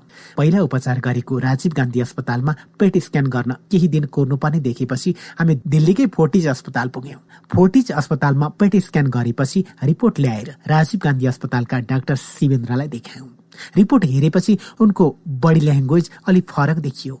छ महिना अघि जुन भाग्नेर काटेर फालिएको थियो ठिक त्यसै ठाउँमा पहिले देखिए भन्दा ठूलो आकारमा क्यान्सरको दाग देखियो। डाक्टरले भने अनुसार फेरि दोस्रो पटक शल्यक्रिया गरेर कलेजोमा क्यान्सरको दाग देखिएको भाग काटेर फालियो। दोस्रो शल्यक्रियापछि पनि छ महिनाभर बाह्र पटक केमोथेरापी लिनुपर्ने थियो। दुई हप्ता राजीव गान्धी अस्पतालमा बिताएर काठमाडौँ फर्किएपछि। दिल्ली स्थित बिएल कपुर अस्पताल र काठमाडौँको बिएन्ड बी अस्पताल मिलेर काठमाडौँमा क्यान्सर सेन्टर स्थापना गरेका रहेछन्। त्यही सेन्टरमा यशोदाको छ महिना लामो किमोथेरापीको क्रम सुरु भयो। बैङ्ककमा उपचारका क्रममा रहँदा श्रीराज अस्पताल परिसरमा किमोथेरापी लिइरहेका क्यान्सरका बिरामी टाउको कपाल पुरै झरेका कारण कोही स्काप बाँधेर त कोही मुडुलै हिँडिरहेको देखेको थिए त्यो देख्दा किमोथेरापी पछि यशोदाको पनि कपाल त्यस्तै भएर झर्ने हो कि भन्ने लागिरहेको थियो। श्रीराज अस्पतालका डाक्टर भिजुनलाई मैले डाक्टर साहब यशोदाको सेतो कपाल सबै झरेर कालो कपाल मात्र बाँकी भइदिए नि हुन्थ्यो नि अघि भन्दै ठट्टा गरेको थिए। मेरो कुरा सुनेर डाक्टरले हाँस्दै त्यस्तो त होइन। कपाल झर्छ नै तर कालो कपाल जति पोरे झर्छ। जरा मरिसकेको हुनाले सेतो कपाल भने झर्दैन भनेका थिए। नभन्दै त्यस्तै भयो। यसुदाको टाउको कालो कपाल जति सबै झरेर गयो। सेता कपाल भने झरेन। जसले गर्दा किमोथेरापी सकेको एक महिनापछि उनी सेतो कपालमा कालो रङ लगाएर बुढेसकालमा पनि तरुणी भएर हिँड्न पाइन्। निरन्तरको उपचारबाट विश्राम पाएपछि यशोदाको अनुहार बिस्तारै उज्यालिँदै आयो। त्यति नै बेला औनी र म बनेपाको सागा डाँडामा उभिएको अग्लो महादेव मूर्ति हेर्न वरिपरिका ठाउँ घुम्न गयौं। आमा घर मामा घर हरिवंशको घर र अनेक ठाउँमा हामी बुढाबुढी डुल्न निस्कियौं। त्यसको केही समयपछि यशोदालाई बुहारीको जिम्मा लगाएर मह टिमसँग कार्यक्रम देखाउनका निम्ति तीन महिना लामो अमेरिका र क्यानाडा भ्रमणमा निस्किए। दुई हजार एकात्तर असोजको पहिलो साताबाट सुरु भएको उक्त भ्रमणमा मसँगै एमन हरिवंश र रमिला हरिवंश र रमिला छोरा महित किरण केसी शिवहरि पौड्याल वसुन्धरा भूषाल र गौरीशङ्कर धोजो पनि थिए। उक्त भ्रमणमा अमेरिकाका अठाइस र क्यानाडाका छवटा राज्यमा विभिन्न प्रहसन प्रस्तुत गरियो। अमेरिकाबाट फर्किएपछि यसुदालाई स्वास्थ्य देखेर मनमा आनन्द लागिरहेको थियो। तर एक महिनापछि नै एक दिन घाँटी हल्का फुलेको हो कि जस्तो लाग्यो। मोडेल अस्पतालको सञ्चालक समितिको बैठक सकेर फर्किँदै गर्दा डाक्टर सरोज धिताललाई मैले यसुदाको घाँटी हल्का सुनिएको कुरा सुनाए। उनले यस्तो समस्या थाइराइडको कारण हुन सक्छ भनेर अनुमान गर्दै एकपल्ट अल्ट्रासाउन्ड गरेर हेर्न र अल्ट्रासाउन्डमा केही नदेखिए बायोस्पी नै गरेर पनि हेर्न सल्लाह दिए। भोलिपल्टै मैले मोडेल अस्पतालमा लगेर यसुदाको घाँटीको अल्ट्रासाउन्ड र बायोस्पी जाँच गराएर हेर्दा घाँटीमा पनि क्यान्सर देखियो। यसुदालाई सन्चो भएको खुसीमा आनन्द मानेर रमाइरहेको मेरो मन एकैछिनमा अध्यारो भयो। भोलिपल्टै हामी फेरि डाक्टर रामकण्ठ मकाजुलाई सम्पर्क गरेर धोलीखेल अस्पताल पुग्यौं। डाक्टर मकाजुकै सल्लाहमा सिटी स्क्यान गरेर हेर्दा थाहा भयो घाँटी र फोक्सोमा पनि क्यान्सर भइसकेको रहेछ। तीन वर्ष अघि बैङ्ककको श्रीराज अस्पतालमा पेटी स्क्यान गर्दा पनि फोक्सोमा दाग देखिएकै थियो। तर त्यति बेला डाक्टरहरूले उक्त दागलाई क्यान्सर होइन भनेका थिए। दिल्ली स्थित राजीव गान्धी अस्पताल र फोर्टिज हस्पिटलमा फरक फरक समयमा गरिएको पेट स्क्यानमा पनि फोक्सोमा दाग देखिएको थियो। ती दुवै अस्पतालका डाक्टरले पनि उक्त दागलाई क्यान्सर होइन नै भनेका थिए। तर धुलीखेल अस्पतालका डाक्टरले उक्त दाग क्यान्सर नै हो भनेर ठुकुवा गरे।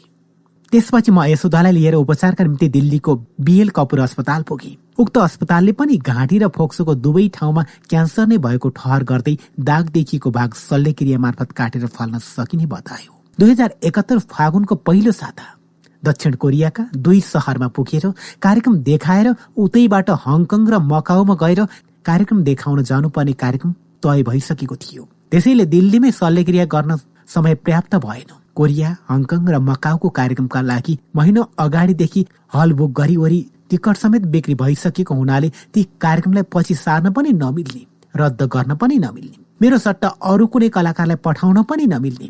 फोक्सो र घाँटीको शल्यक्रिया दुई तिन हप्तापछि सार्न पनि नमिल्ने। बडो अप्ठ्यारो अवस्थामा थिएँ म। त्यसैले डाक्टरहरूको सल्लाहमा दिल्लीको सट्टा काठमाडौँकै बिएनबी अस्पतालमा शल्यक्रिया गर्ने निर्णय गरे। फोक्सोको अपरेसन गर्दा करङको बीच भाग चिरेर त्यहाँको हड्डी फट्याएर त्यस बीचबाट उपकरणहरू छिराएर फोक्सोको क्यान्सर भएको भाग काटेर निकाल्नु पर्थ्यो। त्यस लगत्तै घाँटीको अपरेसन पनि गर्नुपर्ने। त्यस्ती बिरामी श्रीमतीलाई छाडेर आफू विदेश पनि जानै पर्ने। छोरा एमन र बुहारी रिङकु त अमेरिका छोडेर नेपालमा आमा स्याहार्न आएका छँदै थिए। तैपनि मेरो अनुपस्थिति बिरामीलाई खड्किन सक्थ्यो र दुःख लाग्न सक्थ्यो।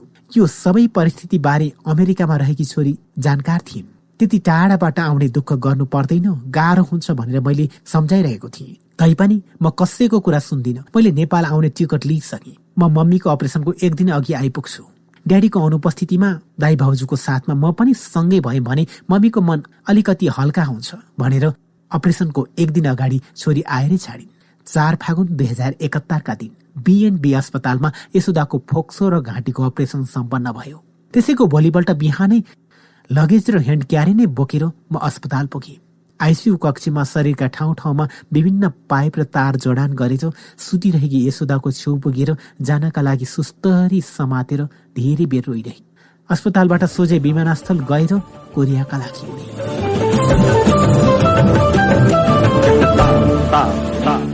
कोरियाको सोल स्थित रङ्गमञ्चमा कार्यक्रम गरिरहँदा आइसियुमा छाडेर आएकी यशोदाको अनुहार र उनको पीडादायी अवस्थाको दृश्य छिनछिनमा सम्झना भइरह्यो। नेवार बहादुर बाहुन बहादुर नामक प्रहसन देखाइरहँदा दर्शक मजाले हाँसिरहेका थिए। प्रहसनको मध्यतिर एक ठाउँमा मलाई लाग्यो हरिवंशले बोलेपछि मात्र मैले बोल्ने पालो आउँछ। म धेरै बेर हरिवंशको संवाद कोरिरहेको थिएँ। तर हरिवंश भने केही नबोली मलाई हेरिरहे। मैले ठाने हरिवंशले डायलग बिर्सेछन् क्यारे। एकैछिनमा म झसङ्ग परे। बोल्ने पालो त हरिको होइन मेरै पो रहेछ। रङ्गमञ्चमा प्रहसन देखाइरहँदा पनि मेरो ध्यान भने आइसियुमा छटपटाइरहेकी यशोदामै पोकिरहेको थियो। फोक्सो र घाँटीको शल्यक्रियाको एक वर्षपछि ललितपुरको हरिसिद्धिमा रहेको नेपाल क्यान्सर अस्पतालमा सिटी स्क्यान गरेर हेर्दा यशोदाका फोक्सोमा फेरि सोह्र सत्रवटा क्यान्सरका ससाना छिटा जस्ता थोप्ला देखिए। मैले फेरि लामो सास तानेर सुस्किएर हालेँ। बिएन्ड बी अस्पतालमा कार्यरत डाक्टर पङ्कज कुमार बर्मनले यशोदाको पछिल्लो समयको उपचार गर्दै आएका हुनाले मैले यसबारे उनलाई नै बताएँ। उनले फेरि किमोथेरापी लिनुपर्ने सल्लाह दिँदै भने पहिले जस्तो साधारण किमो होइन। हाइडोजको टार्गेटेड किमो दिनुपर्छ। उक्त किमो बाबत शुल्क बुझ्दा म एकैछिन आतिएँ त्यति बेला साहित्यकार जगदीश घिमिरे दाईले भनेका कुरा सम्झे। उनी क्यान्सर उपचारमा लाग्ने पैसाबारे कुरा गर्यो भने धाक लगाएको जस्तो हुन्छ भन्थे। नभन्दै त्यस्तै पो रहेछ। महिने पछि लाखौं लाख खर्च भइरहने। मैले यो कुरा एउटा समारोहमा भेटिएका गीतकार यादव खरेल दाईलाई पनि सुनाए। के गर्नु दाई? डर लाग्दो खर्च लागिरहेछ। कहिले काहीँ त राति निद्रा नै लाग्दैन। भन्दा यादव दाईले केही चिन्ता नगर। भगवानले हेर्छन् तिमीलाई। भगवान छन्। मलाई अचेल यस्ता कुरामा विश्वास लाग्छ भनेर मेरो मन बलियो बनाइदिए। मैले भने हुन त हो दाई। पुराणहरूका अनुसार यो संसार कहिले देवताले सञ्चालन गर्छन् त कहिले राक्षसहरूले। सायद मैले बाँचेको समय चाहिँ राक्षसहरूले सञ्चालन गरेका बेलामा पर्यो होला। मेरो कुरा सुनेर यादव दाईले अनुभवी स्वरमा त्यस्तो अवस्था अस्थायी हुन्छ। केही पिर गर्नु पर्दैन भनेर मलाई हौसला दिइरहे। यस्ता शब्दलाई केही हदसम्म भए पनि मन गल्नबाट बचाउँदो रहेछ। एकपल्ट गायिका आनी छोइङ डोल्माले होटेल द्वारिकाजमा आयोजना गरेको सानो डिनर कार्यक्रममा दुई चारजना साथीहरू तीजको व्रतको महत्वबारे कुरा गर्दै थिए। श्रीमानको आयु बढ्छ भन्ने जनविश्वासका आधारमा श्रीमतीहरूले पानीसम्म पनि नखाई तीजको व्रत बस्छन्। उनीहरूको कुरा सुनेर मैले भनेको थिएँ म त श्रीमतीको आयु बढाउन पाँच वर्षदेखि लगातार व्रत बस्दै आएको छु। मेरो कुरा सुनेर आनीले भने हो दाई तपाईँ जस्तो श्रीमान पाइने हो भने कसैले पनि यहाँ आनी बन्नु पर्दैन।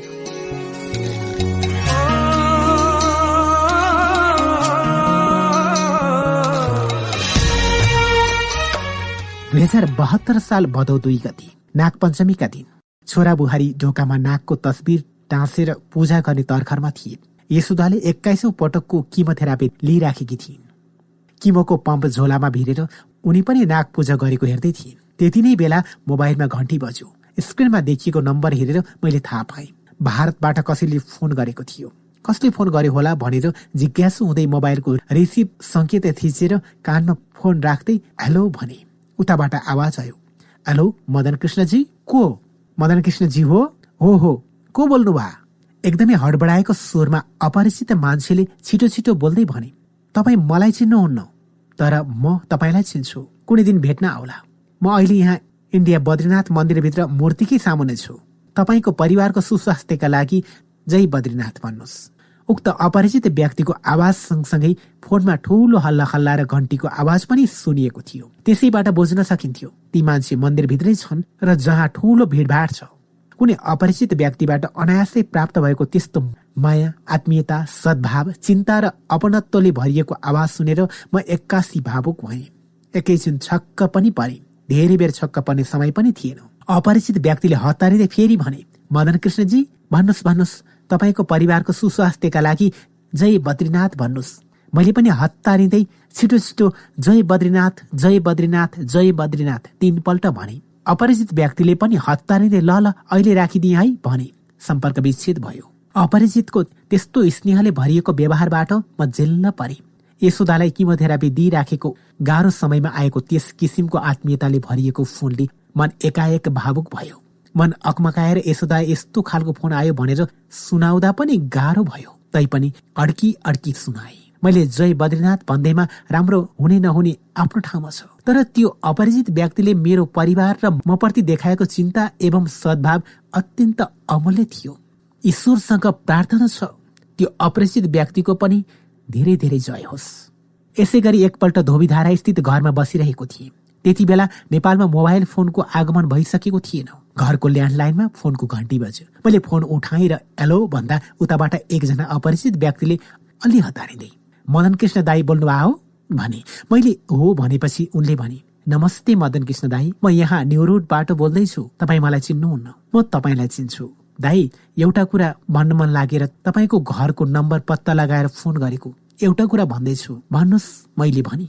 भनु है भन्नुहोस् न ती अपरिचित भाइले देशप्रति बडो चिन्तित हुँदै भन्न थाले। दाई तपाईँहरू दुवैजना पोलिटिक्समा आउनु पर्यो देश खत्तम हुने भो झन्झन बिग्रदैछ। ती अपरिचित व्यक्तिले हामीमाथि गरेको विश्वासप्रति एकदम खुसी लाग्यो। तर राजनीतिमै लाग्नु पर्यो भनेको सुन्दा आँसो उठ्यो। म हाँसे पनि। म हाँसेको सुनेर उनले फेरि भने होइन दाई तपाईँ नहाँस्नुहोस् मैले तपाईँलाई साँच्चुकै भनेको हाम्रो देश बिग्रियो। एकदमै बिग्रियो अझ बिग्रदैछ। देश तपाईँहरू जस्ताले चलाउनु पर्छ मलाई फेरि पनि हाँसो उठ्यो र हाँस्दै भने होइन भाइ देश हामी जस्ताले चलाएर चल्दैन। हामीले चलाउन सक्ने भए किन चुप लागेर बस्ने होला र? देश भनेको राजनीतिज्ञहरूले नै चलाउनु पर्छ हाम्रो काम भनेको सबै राजनीतिक पार्टीहरूको प्रतिपक्षमा बसेर पत्र पत्रिकाहरूले जस्तै राम्रोलाई राम्रो र नराम्रोलाई नराम्रो भन्ने हो। आफूले जुन काम जसरी गर्दै आएका छौँ त्यसैलाई निरन्तरता दिँदै जाने हो। देश चलाउनलाई न हामीसँग अनुभव छ न कुनै राजनीतिक पार्टीको सदस्यता नै न म कुनै प्रखर वक्ता नै हुँ न हाम्रो कुनै संगठन छ। केही छ त इमान्दारिता छ जसमा कुनै आँच आउन दिन्न भन्ने प्रतिबद्धता छ। मेरो कुरालाई बिचमै काटेर ती अपरिचित भाइले कड्किएर भने हो दाई त्यही हो। मैले भन्न खोजेको त्यही हो। देशका लागि चाहिएको पनि त्यही हो। इमान्दारी जुन हाम्रा नेता बनाउँदाहरूमा देखिएन। जता हेऱ्यो उतै बेइमानी नै बेइमानी धेरै बेइमानी भयो देशमा। मैले भने होइन भाइ इमान्दारिता मात्रले देश चलाउन पुग्दैन। चाहिन त इमान्दारी पनि चाहिन्छ। दूरदर्शी सोच पनि चाहिन्छ। कूटनीति पनि चाहिन्छ। नैतिकता पनि चाहिन्छ। आत्मीयता आध्यात्मिकता पनि चाहिन्छ।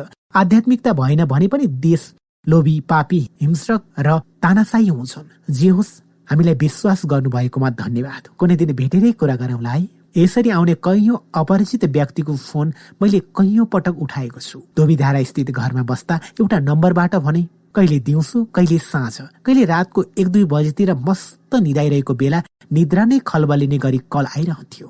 तर तर त्यो एउटा रङ नम्बर तर तर त्यो एउटा रङ नम्बर जुन मेरै घरमा बारम्बार आइरहेकोमा मलाई खुसी लाग्थ्यो। किनभने त्यो रङ्ग त्यो रङ नम्बरबाट आउने फोन उठाउँदा सधैँ मलाई एउटै प्रश्न सोधिन्थ्यो। यो यो कान्ति बाल अस्पताल हो? यो कान्ति बाल अस्पताल हो? यो रङ नम्बर मेरोमा आइरहने हुनाले मैले इन्क्वायरीबाट अस्पतालको सही टेलिफोन नम्बर नै टिपेर राखेको थिएँ। त्यसबेला मेरो घरको नम्बर एकचालिस चौध चालिस थियो। कान्ति बाल अस्पतालको नम्बर चाहिँ एकचालिस चौबिस चालिस रहेछ। नम्बर उस्तै उस्तै भएका कारण मान्छेहरूले झुकिएर मेरो घरमा फोन गर्थे। त्यस्तो आपदमा परेकाले कान्ति बाल अस्पताल हो भनेर सोद्धा यो रङ नम्बर पर्यो हजुर। अस्पतालको नम्बर यो हो भनेर बताइदिएर सहयोग गर्न पाउनु पनि राम्रै हो। घरमै बसी बसी सानै भए पनि समाज सेवा गर्न पाइयो। यस्तो मौका दिएकोमा ईश्वरलाई धन्यवाद। होइन त? यसो भन्दा यशोदाले पनि हो नि भनेर सहमति जनाइन्। तर कहिलेकाहीँ कसै कसैले जाँड खाएको सुरमा जिस्क्याउन फोन गर्दा चाहिँ दिक्क लाग्छ। नेपाल टेलिभिजनबाट प्रसारण भएको दुई लाख सोह्र हजार सात सय सतहत्तर नामक टेलिफिल्ममा बुद्धिकृष्ण लामिछानेले गाएको घाँस काट्ने खुर्किएर आयो जोबन हुर्किएर कल्लाई दिउ यो जोबन बोलको गीत भूतको अभिनय गरेका हरिवंशले गाएका थिए। त्यति बेला धेरैको मुखमा यो गीत झुन्डिएको थियो। टेलिफिल्म प्रसारण भएको वर्ष महिनौसम्म राति मस्त सुतिरहेको समयमा पनि फोनको घन्टी बस्थ्यो बिचरा त्यही यो कान्तिबाल अस्पताल हो भनेर सोध्न आपत परेका व्यक्तिहरूको फोन होला भनेर फोन उठाउँदै नरम स्वरमा हेलो भन्थे तर उताबाट आवाज आउँथ्यो गीत सुन्ने? घाँस काट्ने खुर्किएर आयो जोबन हुर्किएर कल्लाई दिउ यो जोबन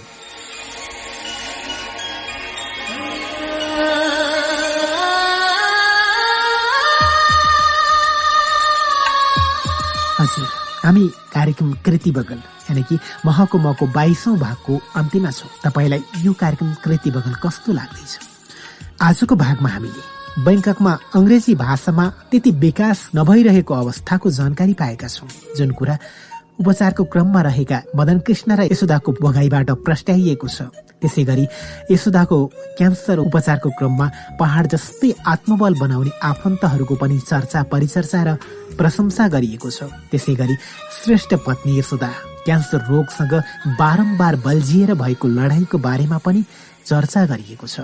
आफन्त र शुभेच्छुकहरूले श्रेष्ठ परिवारको स्वास्थ्य स्थिति बारे बद्रीनाथ मन्दिरमा समेत आवाज गुन्जाइदिएको मदन कृष्णलाई राजनीतिमा आउनका लागि गर्ने विभिन्न आवाजहरू र शुभेच्छुकहरूको वर्णन गरिएको छ।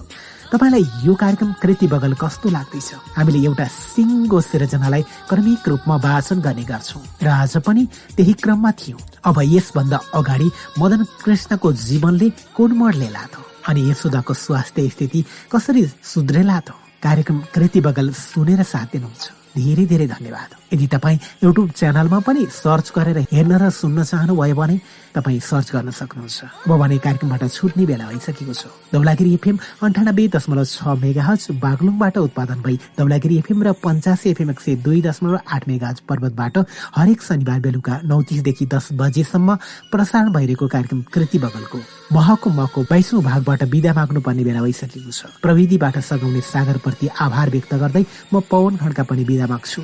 नमस्कार। कार्यक्रम कृति बगलको यो बसाइमा प्राविधिक साथी सागरसँगै म पवन खड्काको हार्दिक स्वागत छ। धौलागिरी एफएम अन्ठानब्बे दशमलव छ मेगा हज बागलुङबाट उत्पादन भई धौलागिरी एफएम र पञ्चासी एफएम एक सय दुई दशमलव आठ मेगा पर्वतबाट हरेक शनिबार बेलुका नौ तिसदेखि दस बजेसम्म एकसाथ प्रसारण भइरहेको कार्यक्रम कृति बगलमा। हामी एउटा सिङ्गो पुस्तकलाई क्रमिक रूपमा वाचन गर्ने गर्छौँ। त्यही क्रममा अहिले हामी हास्य कलाकार मदन कृष्ण श्रेष्ठको आत्मकथा महको म वाचन गरिरहेका छौँ। र आज हामी महको मको तेइसौँ भागमा छौँ।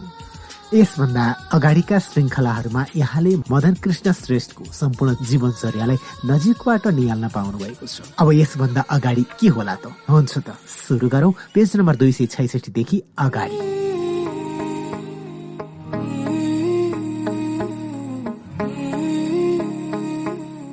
रिमोटले धानेको जीवन।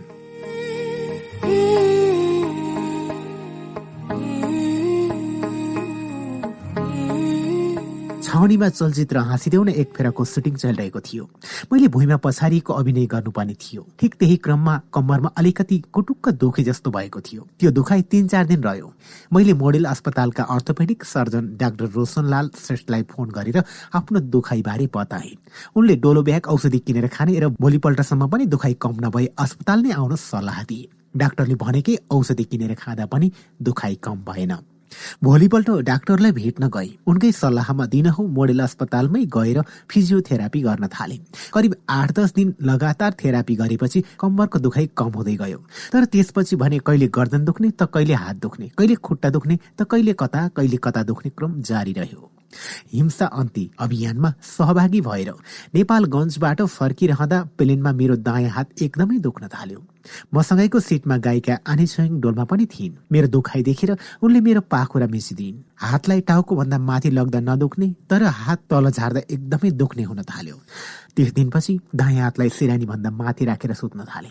पुसमाघको जाडमा पनि पुरै जिउ सिरकले ढाकेर दायाँ हात मात्र बाहिर निकालेर सुत्न थाले। दुखाइ भन्दा मलाई जाडो सहन सजिलो हुन्थ्यो। एक दिन न्युरो सर्जन डाक्टर बसन्त पन्तसँग भेट भयो। कुराकानीको सिलसिलामा मैले मेरो हात दुखाएको कुरा सुनाए। त्यही दिनै उनले मलाई अन्नपूर्ण अस्पताल लिएर गए। सिटी स्क्यान गरेर हेर्दा थाहा भयो गर्दनको हाडमा नसा च्यापिएको रहेछ। उनले शल्यक्रिया गरेर उपचार गर्नुपर्ने बताए। त्यसको केही दिनमै डाक्टर पन्तले नगन्ने पैसा लिएर भारी छुट दिएर अस्पतालको सबभन्दा राम्रो कोठामा निशुल्क भर्ना गरेर अपरेसन गरिदिए। त्यति बेला थुप्रै साथीभाइ एवं शुभचिन्तक दिन नबिराई अस्पतालमा मलाई भेट्न आए। उक्त अपरेसनपछि गर्दन हातखुट्टा सबै दुख्न छाडे तर त्यसको करिब डेढ वर्षपछि फेरि कम्मर दुख्न थाल्यो। कालीमाटी स्थित स्पार्क अस्पतालमा झण्डै एक महिना जति खोच्याउँदै खोच्याउँदै पुगेर झण्डै दुई घण्टा लामो मसाज र विभिन्न थेरापी गराइरहे। एक एक महिनासम्म उपचार गर्दा पनि स्पार्कले एक पैसा पनि लिन मानेन। त्यसपछिका झण्डै छ सात महिना सन्चो भयो। शरीरमा कहीँ कतै दुखाइको महसुस भएन। छ सात महिनापछि फेरि दुखाइ महसुस हुन थाल्यो। फेरि जावलाखेल स्थित डाक्टर सुशीला वैद्यको क्लिनिकमा लेजर थेरापी गर्न गए। डाक्टर सुशीलाले एक महिनासम्म दैनिक एक एक घण्टासम्म लेजर थेरापी गराएको सेवा शुल्क एक पैसा लिइनन्। त्यो उपचारले पनि पाँच छ महिनासम्म सन्चो भयो।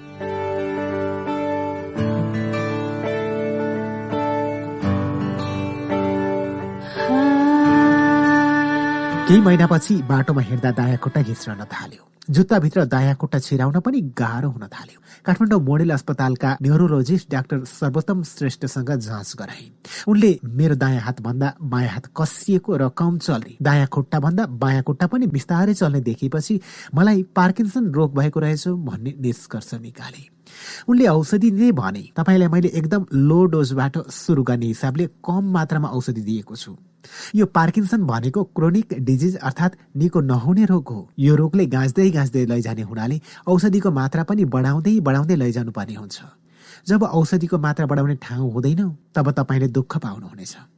उनले कुनै पनि डाक्टरले दिएको औषधि खानु अघि मलाई एकपल्ट सोध्नुहोस् है भनेर सुझाव पनि दिए। त्यसपछि मैले पार्किङसनको औषधि खान सुरु गरेँ। यो रोगबारे सुनेको त थिएँ तर म आफै यो रोगको शिकार हुन्छु भन्ने कल्पना पनि गरेको थिइनँ। एकपल्ट पार्किन्सन रोग झेलिरहेकी बबिता खनालले यो रोगबारे आम मान्छेलाई बुझाउने उद्देश्यले वाकाथन कार्यक्रम आयोजना गरेकी थिइन्। त्यसै क्रममा बबिताले एक ट्राफिक जवानलाई आफूले पार्किन्सन बारे जनचेतना जगाउने उद्देश्यले भ्रिकुटी मण्डपदेखि बानेश्वरसम्म वाकाथन गराउन लागेको बताइन्। तर ट्राफिकले उनको कुरै नसुनी भन्यो। पार्किङ? पार्किङको केही समस्या छैन। आज शनिबार जहाँ पनि पार्किङ गर्न पाइन्छ।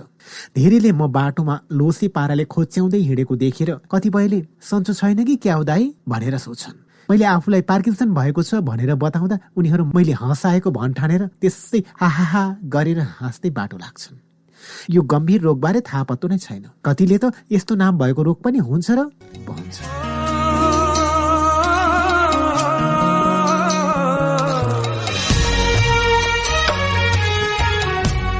वरिष्ठ गायिका तारादेवी पनि पार्किन्सन रोगबाटै बितेकी रहेछन्। सङ्गीतकार नातिकाजी र गीतकार डाक्टर राम मान्त्रेसित पनि पार्किन्सनबाटै बितेका रहेछन्। यो पार्किन्सन रोगबाट हुने अप्ठ्यारा जसलाई पर्यो उसलाई र डाक्टरलाई मात्र थाहा हुन्छ। यो रोग अक्सर गरी पाको उमेरका मानिसमा देखिन्छ भने कोही कोही सानो उमेरकालाई पनि लागेको देखिन्छ। भनिन्छ पार्किन्सनका बिरामीको दिमाग बाहेक शरीरका अन्य कुनै पनि भाग चल्दैन। जस्तै हिँड्दा पाइला नचल्ने काम गर्न खोज्दा हात नचल्ने अथवा चले पनि बिस्तारै मात्र चल्ने कुरा गर्दा जिब्रो लरबरिने स्वर सानो हुँदै जाने। कापीमा लेख्दा सुरुमा अक्षरहरू एउटै आकारका भए पनि बिस्तारै अक्षरहरू कमिला जस्तै साना साना हुँदै जाने। अनुहार झोक्राइरहेको जस्तो देखिने हाँस्दा मात्र अनुहारमा चमक आउने। नहाँसी बस्दा अनुहार एकदमै बिरामी र पीर परेको मान्छेको जस्तो देखिने जस्ता अनेक समस्या हुन्छन्। एक दिन मलाई डाक्टर बसन्त पन्तले जापानबाट डाक्टर ताकोमी ताएर आउँदैछन् भन्ने खबर सुनाए। डाक्टर ताकोमीसँग भेटका निम्ति समय मिलाएर खबर गर्ने पनि उनले बताए। यो खबर पाएको केही दिनपछि नै मैले डाक्टर ताइरालाई भेट्ने मौका पाएँ। डाक्टर ताइराले मलाई पुरै जाँचेर हेरेपछि अपरेसन गर्नुपर्ने बताए। खर्च कति लाग्छ भनेर हिसाब गर्दा साढे सत्र लाख रुपियाँमा अपरेसन सम्पन्न हुने रहेछ। डाक्टर पन्तले शुल्क घटाउन सक्ने अनेक उपाय निकालेर चौध लाख रुपियाँसम्ममा अपरेसन गर्न सकिने बताए। यता यशोदाको क्यान्सर उपचारमा निरन्तर खर्च भइरहेको छ। त्यसमाथि अर्को चौध लाख यो सम्झेर म अलिक हस्किएँ। अपरेसनका लागि एकपल्ट घरमा सल्लाह गर्छु भनेर डाक्टर पन्तसँग बिदा मागेर फर्किए। सोही दिन बेलुका एउटा भोजमा सम्पूर्ण अस्पतालकै न्युरोलोजिस्ट डाक्टर सीमा राज भण्डारीसँग भेट भयो। उनले डाक्टर ताइराले के भन्नुभयो दाई भनेर सोधिन्। मैले सबै कुरा बताएपछि डाक्टर सीमाले भनिन् उसो भए गर्नुहोस् दाई अपरेसन गर्नुहोस् नत्र पछि गएर यो पार्किन्सनले तपाईँलाई एकदमै गाह्रो पार्छ। अहिले पैसाको मुख नहेर्नुहोस्। उनले मेरो स्वास्थ्यबारे आत्मादेखि नै पिर गरेरै भनेकी थिइन् जस्तो लाग्यो। घरमा आएर छोरा एमनसँग सल्लाह गरे। उनले गुगलमा यसबारे लेखिएका अनेक सामग्री पढेर अपरेसन गर्नै पर्ने बताए। अमेरिकामा रहेकी छोरीलाई पनि यसबारे सबै कुरा बताए। उनले पनि डिप ब्रेन स्टुमुलेसन नामक उक्त अपरेसन गर्दा राम्रो हुने सल्लाह दिइन्। सबैको कुरा सुनेको भोलिपल्टै अर्थात् दुई हजार त्रिहत्तर असार पन्ध्र गति म अपरेसन गर्न तयार भएर माइती घर स्थित अन्नपूर्ण हस्पिटलमा भर्ना हुन गए। भर्ना भएको भोलिपल्ट अपरेसन थिएटर भित्र लगेर पुरा बेहोस नगराई टाउकामा मात्र लोकल एनेस्थेसिया दिएर अपरेसन गर्ने कुरा सुने मैले सोधेँ टाउकामा मात्र लोकल एनेस्थेसिया दुख्दैन। डाक्टरले भने शरीरका कुनै पनि अङ्गमा घाउ चोट लाग्दा दिमागले चाल पाउँछ तर दिमागलाई नै चोट पार्दा उसले केही थाहा पाउँदैन। त्यसो भए जति फोर्नुपर्छ फोर्नुहोस् मेरो टाउको भनेर म अपरेसन थिएटरको बेडमा लमतन्न परेर पल्टिएँ मेरो टाउकालाई धारा कस्ने रेन्जले कसे जस्तै गरेर मेसिनमा फिक्स गरे। त्यसपछि सिकर्मीले काठमा बर्माले पुवाल पारे जस्तै गरी मेरो टाउकामा पुवाल पारे।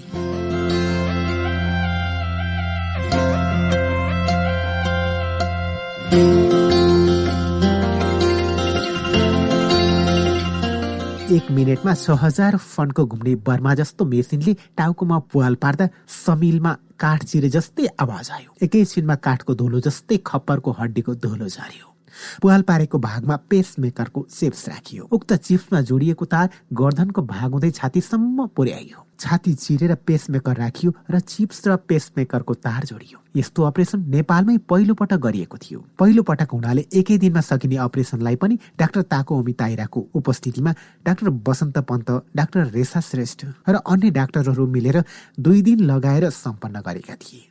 मेरो छातीभित्र राखिएको पेसमेकरको ब्याट्रीलाई प्रत्येक दुई दुई हप्तामा रिमोटको सहयोगमा रिचार्ज गरिराख्नुपर्छ। डाक्टर ताइराले पेसमेकरले दस वर्षसम्म काम गर्ने बताएका छन्। दस वर्षसम्ममा त अर्को प्रविधि आइसकेको हुन्छ। जे होस् यो पेसमेकर नराखेको भए अहिलेसम्म सायद म काम गर्न असमर्थ भइसकेको हुन्थ्यो होला। समयमै उपचार पाउने भाग्य जुरेकाले अर्को एक दशकसम्म सक्रिय हुने अवसर पाइयो। जय होस् टेक्नोलोजीको।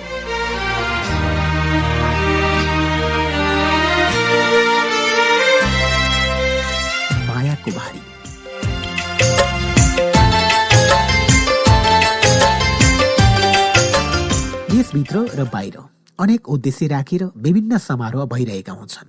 कतिपय आयोजकले समारोहमा हामीलाई प्रमुख अतिथिका रूपमा निम्त्याएका हुन्छन्। मुख्य आकर्षणका रूपमा रहने प्रमुख अतिथि बनेर बस्दा सुरु सुरुमा त रमाइलै लाग्थ्यो। त्यति बेला आफू खुबै ठुलो मान्छे भइए जस्तो पनि भान हुन्थ्यो। पछि पछि भएपछि मुख्य अतिथि बन्न पनि अलिअलि गाह्रो लाग्न थाल्यो। महासञ्चारको र व्यक्तिगत कामले भ्याइ नभ्याइ भइरहेको हुन्छ। त्यस्तो बेलामा पनि आयोजकले दस मिनटका लागि मात्र आधा घण्टाका लागि मात्र जम्मा एक घण्टा जति मात्र सबै कार्यक्रम टाकटुक सकिन्छ भनेर प्रमुख अतिथि बनिदिन कर गर्छ ल हुन्छ नि त आउँछौ भनेर बाचा गरिन्छ। कार्यक्रम हुने दिन बिहानैदेखि ओहो आज फलानु ठाउँमा प्रमुख अतिथि बन्न जानुपर्छ भनेर दिमागमा कुरा घुमिरहेको हुन्छ। कार्यक्रममा पुग्नलाई एक घण्टा अगाडिदेखि नै तयार भयो तयार हुनै पर्यो। आधा घण्टाका लागि मात्र भनिएको कार्यक्रम सकिन कम्तीमा पनि दुई तिन घण्टा लगाइहाल्छन्। जानलाई एक घन्टा कार्यक्रममा बस्न डेढ दुई घन्टा फर्किनलाई अर्को एक घन्टा गरेर तिन चार घन्टा त्यसै बित्छ त्यस्तो दिन बाँकी केही घन्टामा ससाना खुद्रा काम त गर्न सकिन्छ तर सृजनात्मक रूपमा एकाग्र भएर गरिने कामको समय चाहिँ भड्किसकेको हुन्छ। फेरि प्रमुख अतिथि बनेर मञ्चमा बस्दा घाँटीमा टन्न खादा र फुलमाला पनि लगाइदिएका हुन्छन्। डेढ दुई घन्टासम्म घाँटीमा टन्न फुलमाला लगाएर बसिरहेको समयमा बेला बेलामा टोयलेट पनि जानुपर्ने हुन्छ। टोयलेट जानलाई मञ्चबाट उठ्दा दर्शक दीर्घमा रहेका सबैले आफूलाई ट्वाल ट्वाल्ती हेरिरहेका हुन्छन्। त्यसरी उठेर जाँदा लौ प्रमुख अतिथिलाई पिसाब च्यापेर उठेर गयो। भन्ने हुन् कि भनेर आफूलाई अलिकति अप्ठ्यारो लागिरहेको हुन्छ। त्यसो भन्दैमा पिसाब रोकेर बस्न पनि सकिन्न आखिर जानै पर्छ। त्यस्तो बेला गर्नै नहुने काम गर्न गए जस्तो गरी बिस्तारै लोरुक्क परेर मुसु मुसु हाँस्दै मञ्चबाट उठेर टोयलेट गइन्छ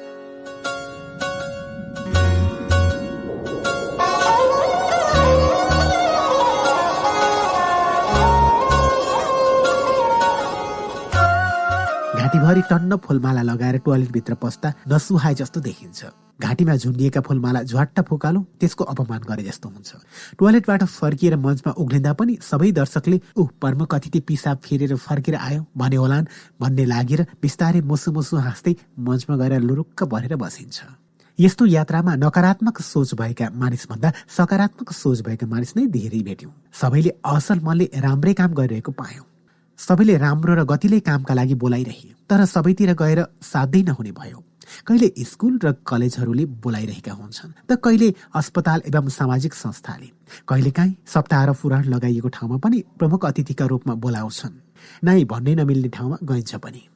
धार्मिक कार्यक्रममा प्रमुख अतिथिका रूपमा माला लगाएर मञ्चमा बसिरहँदा मेरा आँखा प्राय दर्शक दीर्घामा डुलिरहेका हुन्छन्। त्यहाँ अक्सर वृद्ध आमाहरू दिदी बहिनीहरू ईश्वरप्रति प्रगाढ आस्था राखेर धर्ममा चोर्लुम्मै डुबेर पण्डितका कुरामा मन्त्रमुग्ध भएर बसिरहेका हुन्छन्। त्यो देखेर म आफ्ना स्वभावलाई पनि मिहिन ढङ्गले निहालेर समीक्षा गर्ने प्रयत्न गर्छु। आफूले आफैलाई निहाल्दा मलाई लाग्छ म दुःख र आपत परेका बेलामा मात्र हे भगवान हे प्रभु हे परमात्मा भनेर देवतालाई सम्झिने गर्छु। सुखका बेला देवतालाई केही वास्तै गर्दिन रिस उठेका बेला त धत। यी देवता सेवता भनेका केही पनि होइन ढुङ्गालाई देवता सम्झेर पूजा गरेको मात्र हो। देवी देवताका मूर्ति पनि आफसे आफ बनेका होइनन् क्यार। मान्छेले कल्पना गरेर कुदेका त हुन् भन्छु। कहिले नास्तिक नास्तिक त कहिले आस्तिक आस्तिक जस्तो हुन्छु।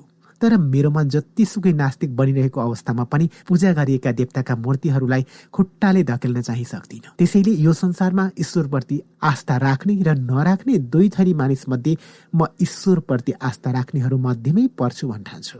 त्यसो भन्दैमा दिनहु पूजापाठ गरेर पनि हिँड्दिन। दिनका दिन पूजापाठ गर्दैमा देवता भयङ्कर खुसी हुन्छन् भन्ने पनि लाग्दैन। वास्तै नगर्दैमा देवता बेसकन रिसाउँछन् भन्ने पनि कहिले लाग्दैन। कहिलेकाहीँ पूजामा बस्दा मन शान्त भएको महसुस चाहिँ हुन्छ। त्यसैले चाडबाडको समयमा विशेष गरी दसैँ तिहारमा मन्दिर घुम्न पनि जान्छु। कहिलेकाहीँ बाटोमा हिँड्दा सडक छेउमा देवताका मन्दिर परे भने यसो फर्किएर नमस्कार गर्दै आफ्नो हातले आफैले ढोगेर पनि अगाडि बढ्छु। त्यसैले म धर्मप्रति खासै ध्यान दिइरहन्न।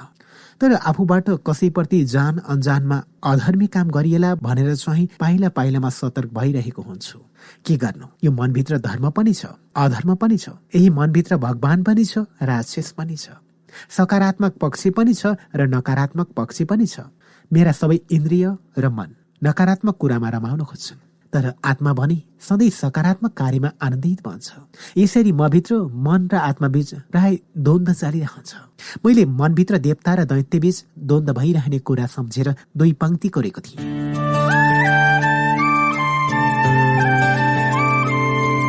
यही मनभित्र बस्दछ ईश्वर यही मनभित्र छ राक्षस। मनको राक्षस शान्त गर न गर। जोगाऊ मनको ईश्वर र जगाऊ मनको ईश्वर। सक्दैन मानिस ईश्वरले झैँ लासमा सास भर्न। सक्दैन मानिस ईश्वरले झैँ लासमा सास भर्न।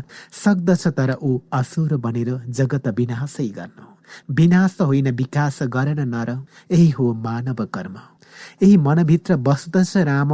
यही मनभित्र छ रावण। मनको रावण शान्त गरेन नर। जगाऊ मनको राम हिँड र जगाऊ मनको राम। अर्कालाई मर्का पारी आफ्नो सुख नरच्नु आफूलाई झै घाउ सबैलाई दुख्छ भनेर बुझ्नु। सुख दुःख बाँडी शान्त छरन नर युद्धमा कहिल्यै नफस्नु। यही मनभित्र बस्दछ बुद्ध यही मनभित्र छ युद्ध। मनको युद्ध शान्त गरन नर जगाऊ मनको बुद्ध हे नर। जगाऊ मनको बुद्ध।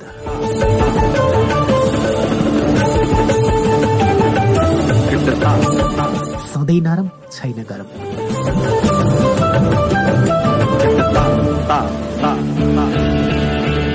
महजोडीका शुभचिन्तकमा एउटा भ्रम बेला बेला फैलिरहन्छ। त्यो हो म र हरिबीच भएको काल्पनिक मनमुटाव जहाँ जाँदा पनि हामीलाई प्राय शुभचिन्तकहरूले सोधिरहेका हुन्छन्। महजोडी एकपल्ट झन्डै फुटारे अघि यस्तो जिज्ञासा राख्नेले अक्सर भन्ने गर्छन् फुट्न हुन्न है फुट्न हुन्न। तपाईँहरू कहिले पनि फुट्नुहुन्न तपाईँहरू पनि फुट्नुभयो रे भनेको सुन्दा कस्तो दिक्क लागेको थियो यस्तो प्रश्न जिज्ञासा राख्नेहरूलाई हामीले आश्वस्त पार्दै छैनौ फुटेका छैनौ किन फुट्ने हामी हामी भर्खर भर्खर जोडिएका हौ र उहिले मास्टर रत्नदास प्रकाशका पालादेखि टाँसिएका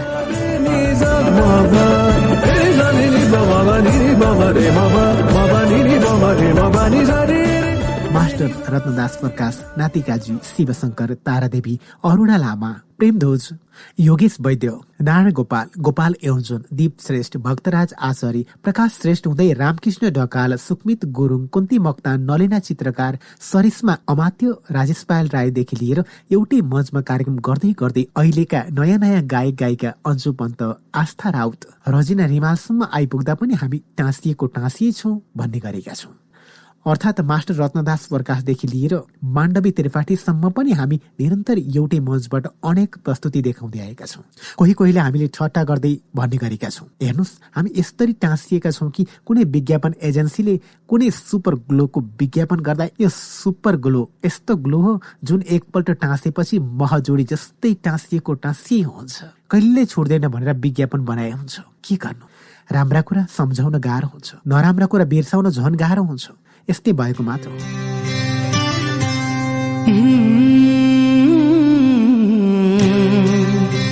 चार चार दशक भइसक्यो। हामीले सँगै टाँसिएर काम गरेको। यति लामो अवधिमा एक दुईपल्ट ठस्का ठस्की कसको नहोला त चार दशकमा कमसे कम एकचोटि पनि ठस्का ठस्की भएन भने त छ महिनामा मरिन्छ बाबै।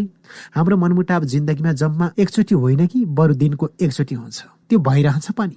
रिसाउँदै नरिसाउन। कहिले पनि ठुस्स नपर्न हामी देवता पनि त होइनौ। मन नमिल्नेहरू त मिलेर काम गरिरहेका हुन्छन्। हाम्रो त झन् कामै एउटै उद्देश्य एउटै अनि हामी किन फुट्नु? जस्तो कि यो पृथ्वीमा अर्बौँ मानिस छन्। तिनीहरू कोही कसैसँग मिल्दैनन्। तर सबै सबैसँग मिलेरै काम गरिरहेका हुन्छन्। जस्तै यो संसारमा सातवटा महादेश छन्। एउटा महादेशका मान्छेले अर्को महादेशका मान्छेलाई खिल्ली उडाएर कुरा गरिरहेका हुन्छन्। उनीहरू एसियन। उनीहरूको स्वभाव ठिक छैन। फलाना अफ्रिकन उनीहरू यस्ता हुन्छन् उस्ता हुन्छन्। उनीहरू अमेरिकनहरू पैसा छ भनेर खुब फुर्ती लगाएर हिँड्नुपर्छ। त्यसै गरी एसियन एसियन माझ पनि जापानीहरू महिला यस्ता थिए। उस्ता थिए भन्ने कुरा चल्छ। उनीहरू इन्डियन उनीहरू पाकिस्तानी उनीहरू बङ्गलादेशी भनेर एउटा देशका मानिसले अर्को देशका मानिसलाई गिज्याइरहेका हुन्छन्। अझ एउटा देश र अर्को देशबीच कतिपय ठाउँमा लडाइँ नै पनि भइरहेका छौँ आफ्नो एउटै देशबीच पनि त्यो मधेसी त्यो पहाडी भनेर कुरा काटिरहेका हुन्छन्। पहाडी पहाडी बीच पनि त्यो बाहुन त्यो नेवार भनेर एक्लै अर्कोलाई गिज्याएर होस्याएर कुरा गरिरहेका हुन्छन्। त्यसै गरी नेवार नेवार बीच पनि त्यो प्रधान तिनीहरू बरे तिनीहरू उराए तिनीहरू यस्ता हुन्छन् उस्ता हुन्छन् तिनीहरू ज्यापुहरू तिनीहरू तिनीहरू सियो सियो अर्थात् श्रेष्ठहरू तिनीहरू यस्ता उस्ता त्यही श्रेष्ठ श्रेष्ठमा पनि तिनीहरू पाँच थरी हामी छ थरी। ऊ माथि ऊ तल भनेर कुरा काटिरहेका हुन्छन्। हुँदा हुँदा एउटै परिवारमा पनि ऊ ठोली भाउजूको पक्षमा लागेर कुरा गर्ने मान्छे ऊ कान्छी भाउजूपट्टिको मान्छे। ऊ सासूको कुरा मात्र सुन्ने ऊ बुहारीले भनेको कुरा मात्र पत्याउने भनेर मनमुटा भइरहेको हुन्छ। यस्तै हो संसारमा। कोही कसैसँग मिल्दैन। मै राम्रो मनै ठिक ऊ बेठिक कुण्ड कुण्ड पानी मुण्ड मुण्ड विचार। अलग अलग बुद्धि अलग अलग बुझाइ। सबैमा राम्रा पक्ष पनि हुन्छन् नराम्रा पक्ष पनि हुन्छन्। नराम्रा नराम्रा सोचाइलाई मिलेसम्म सच्याइदिने सच्याउन खोज्दा पनि रिसाउन खोज्छ भने आँखा चिम्लिदिने राम्रा राम्रा पक्षलाई आत्मसात गर्दै जाने। यसरी नै चलिरहेको छ यो दुनियाँ। मेरा नराम्रा बानी बेहोरालाई हरिवंशले सहिदिएका हुन्छन्।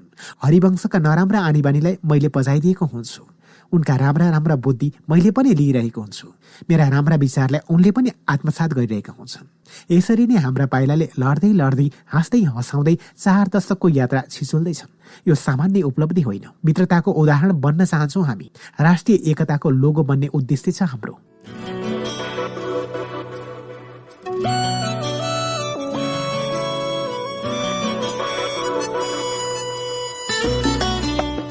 मानिसहरूमा कोही आगो जस्तो हुन्छन् कोही पानी जस्ता। कोही करेन्ट जस्ता हुन्छन् कोही चुलेसी जस्ता।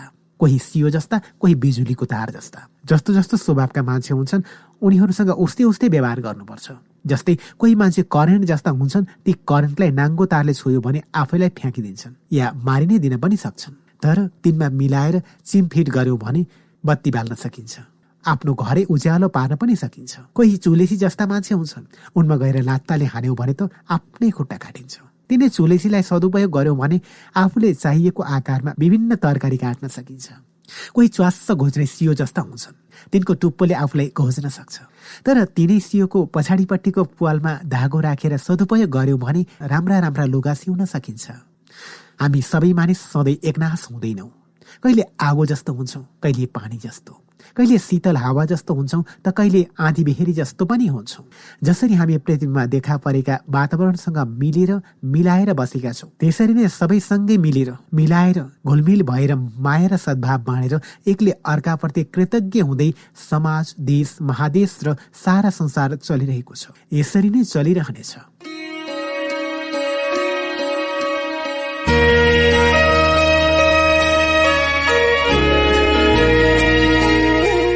यसरी नै हरिवंश पनि कहिले करेन्ट जस्तो कहिले आगो जस्तो कहिले पानी जस्तो कहिले शीतल हावा जस्तो कहिले बच्चा जस्तो त कहिले पाको न पाको बुढो जस्तो भइरहेका हुन्छन्।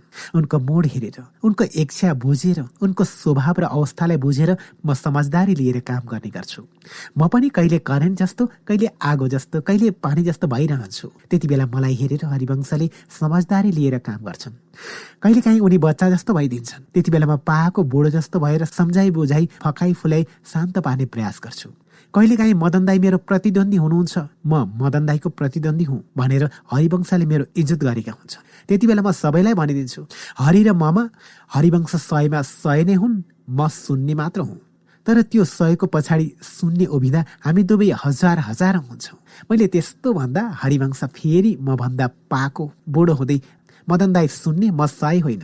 मदन दाई उनान्से म एक मात्र हुँ भन्छन् मैले हरिवंशलाई प्रतिद्वन्दी होइन। सधैँ एउटा अद्वितीय सहयात्रीका रूपमा लिएको छु। वास्तवमा यसरी नै हाम्रो सहयात्रा अगाडि बढिरहेको छ। दुई घोडे बगीका घोडाहरू जस्तै एउटै चालमा जसरी बगीका दुई घोडाले आफ्नो एउटै गन्तव्यलाई ताकेर अगाडि बढ्नु राम्रो हुन्छ।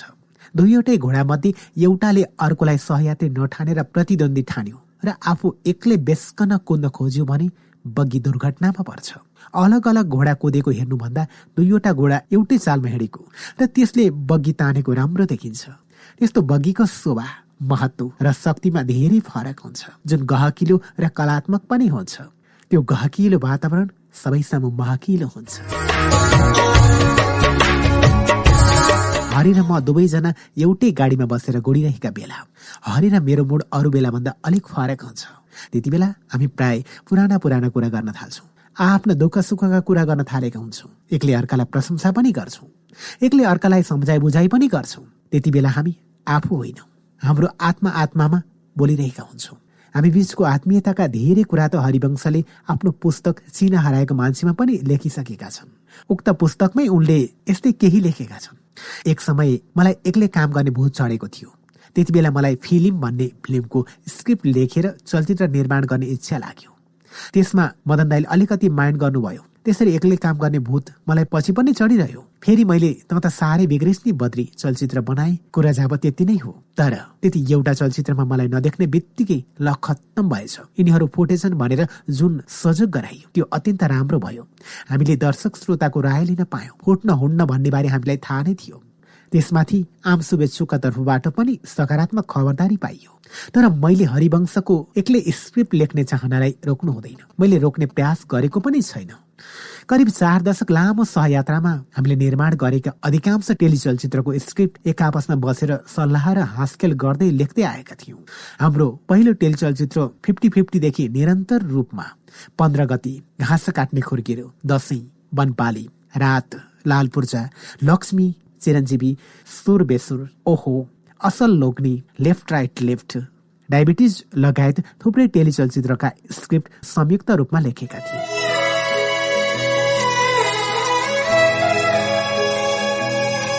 त्यसपछि महचौतारीको अन्तिमतिरका दुई तीन भागदेखि निरन्तर चौवन्न श्रृङ्खलाको मदन बहादुर हरिबहादुर आमा छोरी गुड मर्निङ स्याबास धुवा र बिस टेलिचलचित्रका स्क्रिप्ट हरिवंश एक्लैले लेखेका थिए। हामी दुईको घरको दूरी बेला बेलामा आइपर्ने परिवारको स्वास्थ्य स्थिति मलाई लागेको पार्किन्सन रोगको उतार चढाव जस्ता अनेक परिस्थितिले गर्दा हामीले कहिले सँगै त कहिले हरिवंशले एक्लै काम गर्ने परिस्थिति निर्माण भयो। काम भनेको समय अनुसार र परिस्थिति अनुसार नै गरिन्छ। यस्तो परिस्थितिलाई बुझ्ने स्वभावले गर्दा नै हामी यति लामो समयसम्म सहयात्रा गर्न सफल भएका छौँ। यिनै सहयात्रीको जीवनमा हामी कसैले नसोचेको घटना भयो। पत्नी वियोगको ठूलो वज्रपात खेप्नु पर्यो। मीरा आचार्यसँग मेरो र परिवारको पनि आत्मीय सम्बन्ध गाँसिएको थियो। त्यो सम्बन्धको आत्मीयताले गर्दा हरिवंशलाई चोट पर्दा मेरा आँखा धेरै पल्ट रसाएका थिए। अझ पनि मीरालाई सम्झँदा एक सेकेन्ड मात्रै किन नहोस्। मेरो मन स्तब्ध भएकै हुन्छ। यो कुरा हरिवंशले मात्र बुझेका छन्। मीराको सम्झना हाम्रो हृदयमा सदा रहिरहनेछ। श्रद्धाका साथ चलिरहनेछ।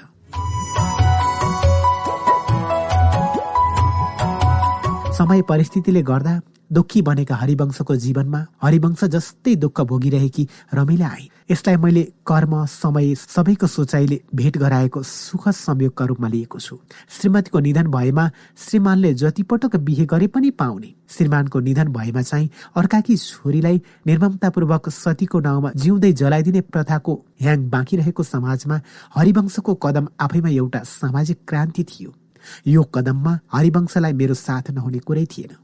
हरिवंशलाई बिहे गराइदिएर मीरालाई मैले चटक्कै बिर्सिएको भने होइन। मैले त बिर्सिन सकेको छैन। हरिले बिर्सने त झन् सम्भवै छैन। मैले कैयौँ पटक झुक्किएर रमिलालाई ए मीरा भनेर बोलाइरहेको हुन्छु। हरिको त कुरै नगरौँ। हरिको जीवनमा रमिलाको आगमन पश्चात महसञ्चारका गतिविधिले कस्तो गति लिने हुन्? मसँग कस्तो व्यवहार हुने हो भन्ने हल्का खोलदुली भइरहेको थियो। तर रमिलालाई पहिलोपल्ट भेटेको दिनबाटै थाहा पाए। उनीबाट हाम्रो सहयात्रालाई सधैँ सकारात्मक बल मात्रै मिल्नेछ। रमिला मात्र होइन। उनका बुबा श्याम पाठक छु जसले मलाई हरिवंशको सहयात्री मात्र होइन हरिवंशको साक्कै दाजु सम्झिएर मलाई ठुलो जोइसा भनेर सम्बोधन गर्नुहुन्छ। म पनि उहाँलाई रमिलाको बुबा हरिवंशको पनि बुबा हरिवंशको बुबा मेरो पनि बुबा समान सम्झिएर श्याम बुबा भनेर सम्बोधन गर्ने गर्छु। उहाँहरूको परिवारै मलाई राम्रो रमाइलो र उद्यमी लाग्छ।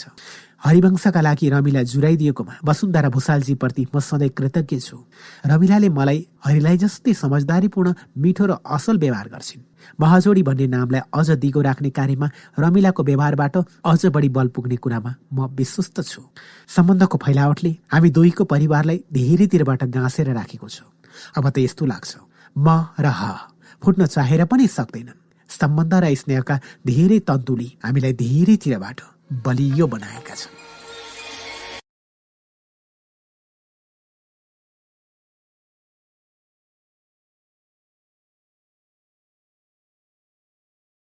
हामी कार्यक्रम कृति बगल र महको महको यो तेइसौँ भागको अन्त्यमा छौँ। आजको भागमा हामीले मदन कृष्णलाई लागेको पार्किन्सन रोग र त्यस उपचार पद्धतिको बारेमा त्यसै गरी मदन कृष्ण र हरिवंशको जीवनमा आइपरेका पत्नी वियोगका कारुणिक घटनाहरू अनि महाजोडीको रूपमा काम गर्दा आफूहरूप्रति आम जनसमुदायले देखाएका माया आफूहरू एकअर्कामै भएको अगाध माया र विश्वासको पनि चर्चा गरिएको छ। हरिवंशको जीवनमा पत्नी मीराको वियोगपछि रमिलाको आगमनले महासञ्चारलाई अझ दरिलो बनाउनमा मद्दत पुगेको पुष्टि गरिएको छ। धौलागिरी एफएम अन्ठानब्बे दशमलव छ मेगा हज बागलुङबाट उत्पादन भई धौलागिरी एफएम र पञ्चास एफएम एक सय दुई दशमलव आठ मेगा हज पर्वतबाट हरेक शनिबार बेलुका नौ तिसदेखि दस बजेसम्म प्रसारण हुँदै आएको कार्यक्रम कृति बगल तपाईँलाई कस्तो लाग्दैछ? सुझाव र प्रतिक्रियाको अपेक्षामा छौँ हामी। तपाईँले यो कार्यक्रमलाई युट्युब च्यानलमा पनि सर्च गरेर हेर्न सक्नुहुन्छ। अब भने कार्यक्रमबाट छुट्नुपर्ने बेला भइसकेको छ। अर्को बसाइमा बाँकी भाग लिएर आउनुपर्छ। प्रविधिबाट सघाउने सागरप्रति आभार व्यक्त गर्दै म पवन पनि आजलाई ओछेलिन्छु हुन्छ त नमस्कार। कार्यक्रम कृति बगलको व्यवसायमा प्राविधिक साथी सागरसँगै म पवन खड्काको हार्दिक स्वागत छ। धौलागिरी एफएम अन्ठानब्बे दशमलव छ मेगा हज बागलुङबाट उत्पादन भई धौलागिरी एफएम र पञ्चासी एफएम एक सय दुई दशमलव आठ मेगा पर्वतबाट हरेक शनिबार बेलुका नौ तिसदेखि दस बजेसम्म एकसाथ प्रसारण भइरहेको कार्यक्रम कृति बगलमा हामी महको म वाचन गरिरहेका छौँ र अहिले हामी महको मको चौबिसौँ भागमा छौँ। यसभन्दा अघिल्ला भागहरू सुनिरहनु भएका तपाईँहरूलाई हामी यो अन्तिम अन्तिममा आइपुग्दा पुस्तकका बारेमा धेरै बखान गरिरहनु नपर्ला। सम्पूर्ण त दर्शक श्रोताहरूको मन मस्तिष्कमा रहेका जिज्ञासाका हर बिन्दुहरूलाई हर बिम्बहरूलाई मेट्ने प्रयासमा पुस्तकको प्रयास छ। मदर कृष्णका बारेमा उत्सुक जो कोहीका लागि पनि यो पुस्तकले उहाँको वैयक्तिक जीवनदेखि कला यात्राका जीवन भोगाइका सम्पूर्ण पक्षीहरूलाई यथाशक्य सरल र सठिक रूपमा प्रस्ट्याउने चेष्टा गरिएको छ। आजको भाग सुरु गरौँ। हुन्छ त पेज नम्बर दुई सय अठहत्तरदेखि अगाडि।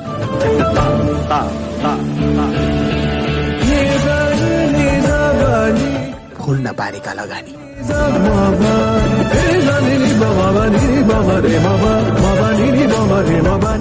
दुईजना मिलेर साझेदारीका रूपमा काम गर्नेहरू संसारमा धेरै छन्। तर अधिकांश साझेदार समयक्रममा छुट्न फुट्न अझै भनौ कुटाकुट गरेर झगडै गरेका र वर्षौसम्म मुद्दा मामिलामा अल्झिएर बोलचाल नै बन्द भएको पनि हामीले प्रशस्तै सुनेका छौँ। त्यसमाथि पनि कला क्षेत्रमा दुईजना मिलेर काम गर्नेहरू त अझ थोरै छन्। भारतमा संगीतकारहरू शङ्कर र जयकिशन लक्ष्मीकान्त र प्यारेलाल कल्याणजी र आनन्दजीहरू जस्ता चार पाँच जोडा छन्। अन्तर्राष्ट्रिय स्तरमा ख्याति कमाएका लरेल एन्ड हार्डीको हास्य जोडीलाई धेरैले देखेका छन्। तर कैयौं देशमा मिलेर वर्षौंसम्म काम गरेका जोडीको उदाहरण बिरलै पाइन्छ। मैले बाँचेको समयमा हरिवंश र मनै यस्तो अववाद जोडी हुँ जसले करिब चार दशकदेखि निरन्तर सहयात्रा गरिरहेको छ। सहयात्राको यति लामो समय सम्झिँदा पनि मलाई गर्व लाग्छ। यस्तो लाग्छ भगवानले नै हामी दुईलाई मिलेरै काम गरेर खाऊ भनेर पठाएको हुनुपर्छ। भनिन्छ माया सुन हो भने मित्रता हिरा। माया रूपी सुनलाई टुक्र्याउन सकिन्छ र यसलाई फेरि जोड्न पनि तर मित्रता रूपी हिरा टुक्रियो भने त्यसलाई फेरि जोड्न सकिँदैन। तर हरिवंश र मेरो मित्रता जोड्न मिल्ने माया लिन मिल्ने समझदारी एकले अर्कोलाई गर्नुपर्ने सद्भाव पालना गर्नुपर्ने अनुशासन मिलेर गरेका सङ्घर्ष भोगाई र अनुभवहरू तथा दर्शक श्रोताको माया सुझाव जस्ता विभिन्न विषय मिलेर बनेको बलियो सम्मिश्रण हो। यो सम्बन्ध छुट्न फुट्न र टुट्न सजिलो छैन। हाम्रो शरीर र स्वास्थ्यका कारणले कुनै दिन म अथवा हामी कुनै पनि काम गर्न नसक्ने भयौँ भने पनि महाजोडी भन्ने नाम मित्रता ध्वजाका रूपमा सदा फहराइरहनेछ।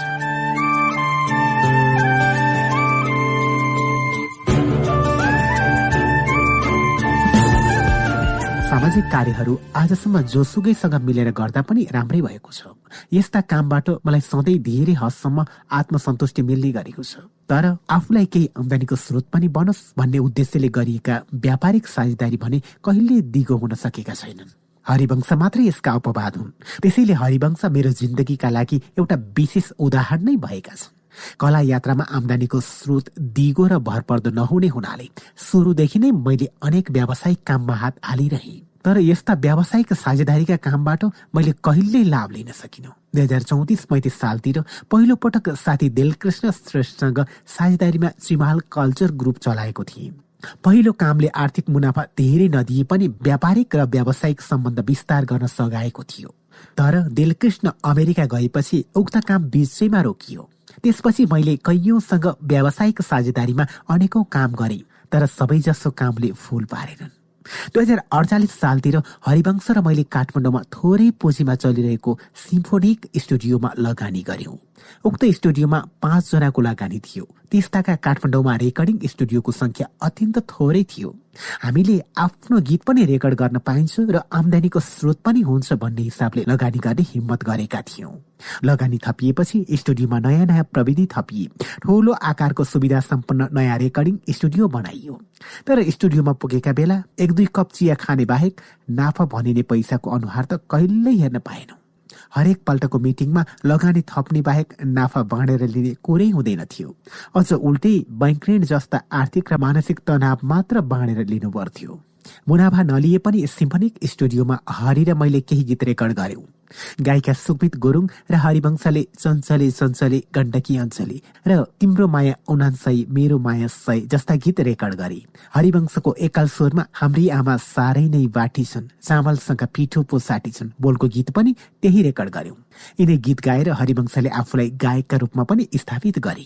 त्यसै ताका मैले पनि खोलावारी खोलापारी पिपल र बर हावा चल्यो पात हल्यो माया ओर ओर र अर्बौं मान्छेहरूमा तिमी एक मन मिल्ने मान्छे। बोलको गीत गाएर दर्शक श्रोतालाई सुनाउने मौका पाए।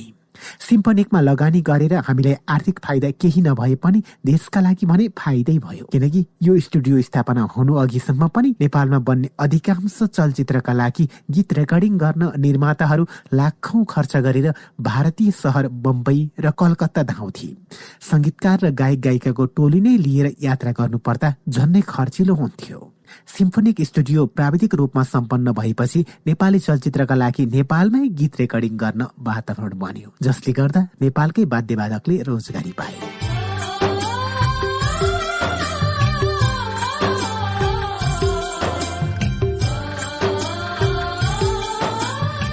सिम्फोनिकमा भएका अत्याधुनिक रेकर्डिङ मेसिन र ती चलाउने रेकर्डिस्ट देव तुलाधारका कारण यो सबै सम्भव भएको थियो।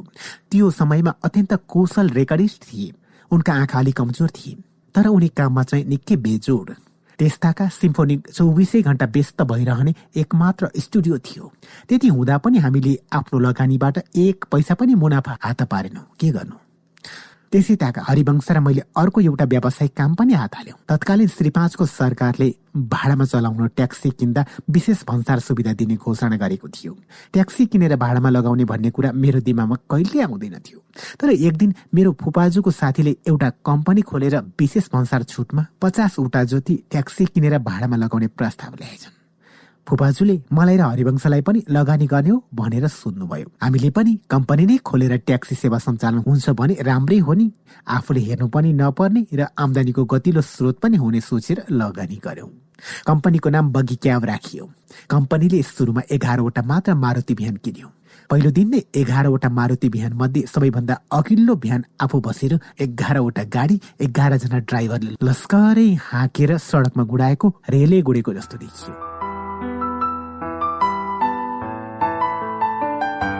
मैले आफूलाई ट्याक्सीको मालिक होइन रेलकै मालिक सम्झे रमाइलो पनि लाग्यो। तर ट्याक्सीले पनि फुल पारेन। करिब एक वर्ष चलाएर मुनाफा खासै नभएपछि कम्पनीले सबै पार्टनरलाई एउटा एउटा ट्याक्सी बाँडेर दियो र बाँकी ट्याक्सी बिक्री गर्यो। कम्पनी बन्द गर्ने बेलामा कर कार्यालयमा रहेको बाँकी करले उत्तिकै झमेला भयो। अनेक दौडधुप र झन्झटपछि बल्ल बल्ल कम्पनी विधिवत रूपमा बन्द गरियो।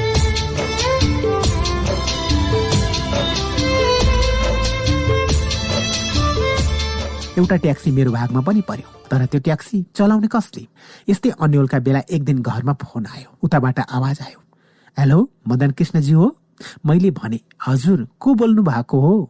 मलाई फोन गर्ने बहालवाला मन्त्री थिए। उनले भने तपाईँ कहाँ? चालक नभएर ट्याक्सी खाली छ अरे हो।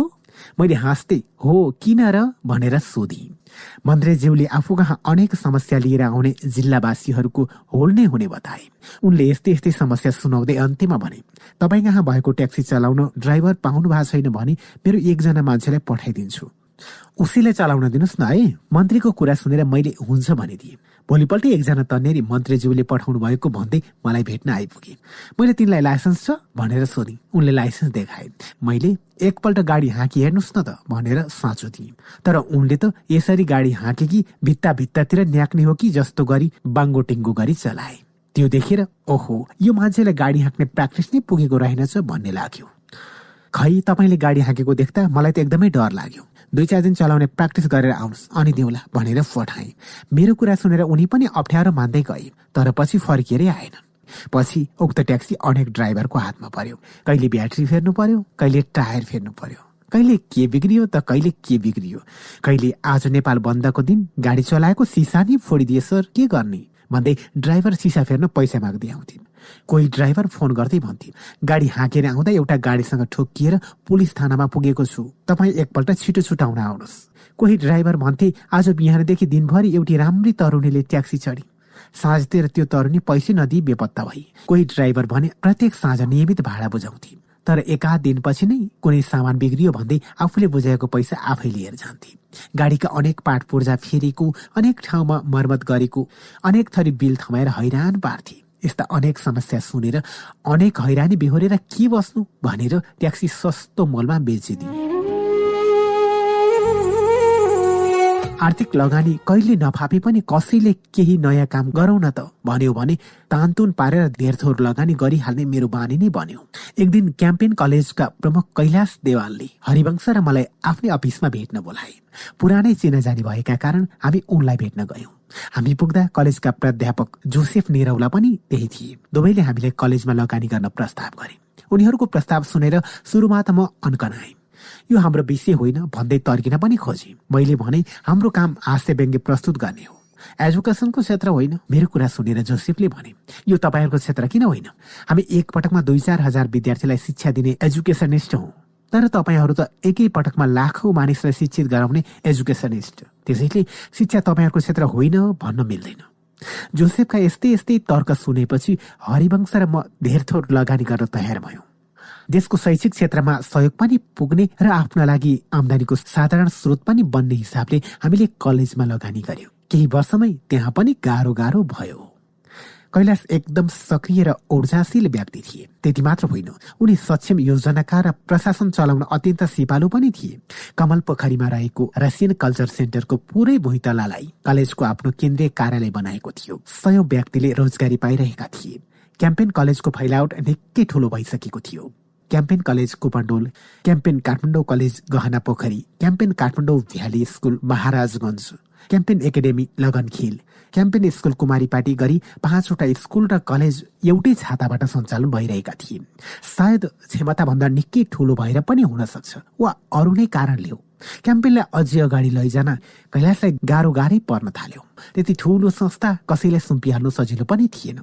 कलेज आर्थिक रूपमा पनि ओभो लाग्न नसकेपछि महाराजगञ्ज स्थित क्याम्पेन काठमाडौँ भ्याली स्कुल प्राध्यापक राजेन्द्र बहादुर श्रेष्ठलाई बेचियो। बाँकी सबै स्कुल तथा कलेज चौधरी ग्रुपलाई बेचेर कैलाश देवान आफ्नो जिम्मेवारीबाट मुक्त भए हामीले पनि आफ्नो लगानी फिर्ता लियौँ। लगानी झिक्यो वर्षौपछि पनि विभिन्न देशमा कार्यक्रम गर्न जाँदा बेला बेलामा लाठी लाठी मान्छे हामीसँग हात मिलाउँथे र भन्थे सर म क्याम्पेनको विद्यार्थी हुँ नि। सरहरू पनि त्यहाँ आइरहनुहुन्थ्यो। यस्तो सुन्दा आफूले पढाएको त केही होइन। तै पनि रमाइलो लाग्थ्यो। करिब पाँच वर्ष लामो यो साझेदारीको यात्राले पनि हामीलाई आर्थिक रूपमा सुखद अनुभूति दिएन। आखिर हामीलाई कलाकारिता बाहेक शैक्षिक क्षेत्र पनि दिगो रूपमा फाप्न सकेनौँ। कला क्षेत्रमा हामीले जे जति लगानी गर्थ्यौँ त्यसबाट कि त आर्थिक फाइदा हुन्थ्यो नभए पनि प्रशस्तै सन्तुष्टि मिल्थ्यो। तर कला बाहेकका क्षेत्रमा लगानी गर्यो कि हामी केही वर्षमै पछुताउने अवस्थामा पुगिहाल्थ्यौँ। तर पनि कसैले केही नवीन सोच र देशलाई नै फाइदा पुग्ने योजना सुनायो भने फाइदा लिन नसकिएका लगानीका पुराना कथा बिर्सिएर हामी सकारात्मक सोचका साथ धेरथोर लगानी गरिहाल्थ्यौँ।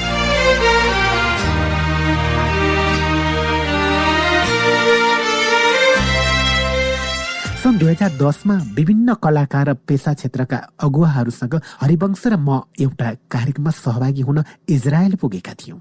कार्यक्रम सकेको केही दिनपछि हामी सबै कृषि फार्म घुम्न गयौँ। विशाल क्षेत्रफलमा फैलिएको र थोपा सिंचाई मार्फत तरकारी खेती गरिएको फार्म साँच्चुकै हेर्न लागेको थियो। नेपालमा एउटा बोटमा बिस पच्चिसवटा मात्रै गोलभेडा फलेको देखेको थिएँ।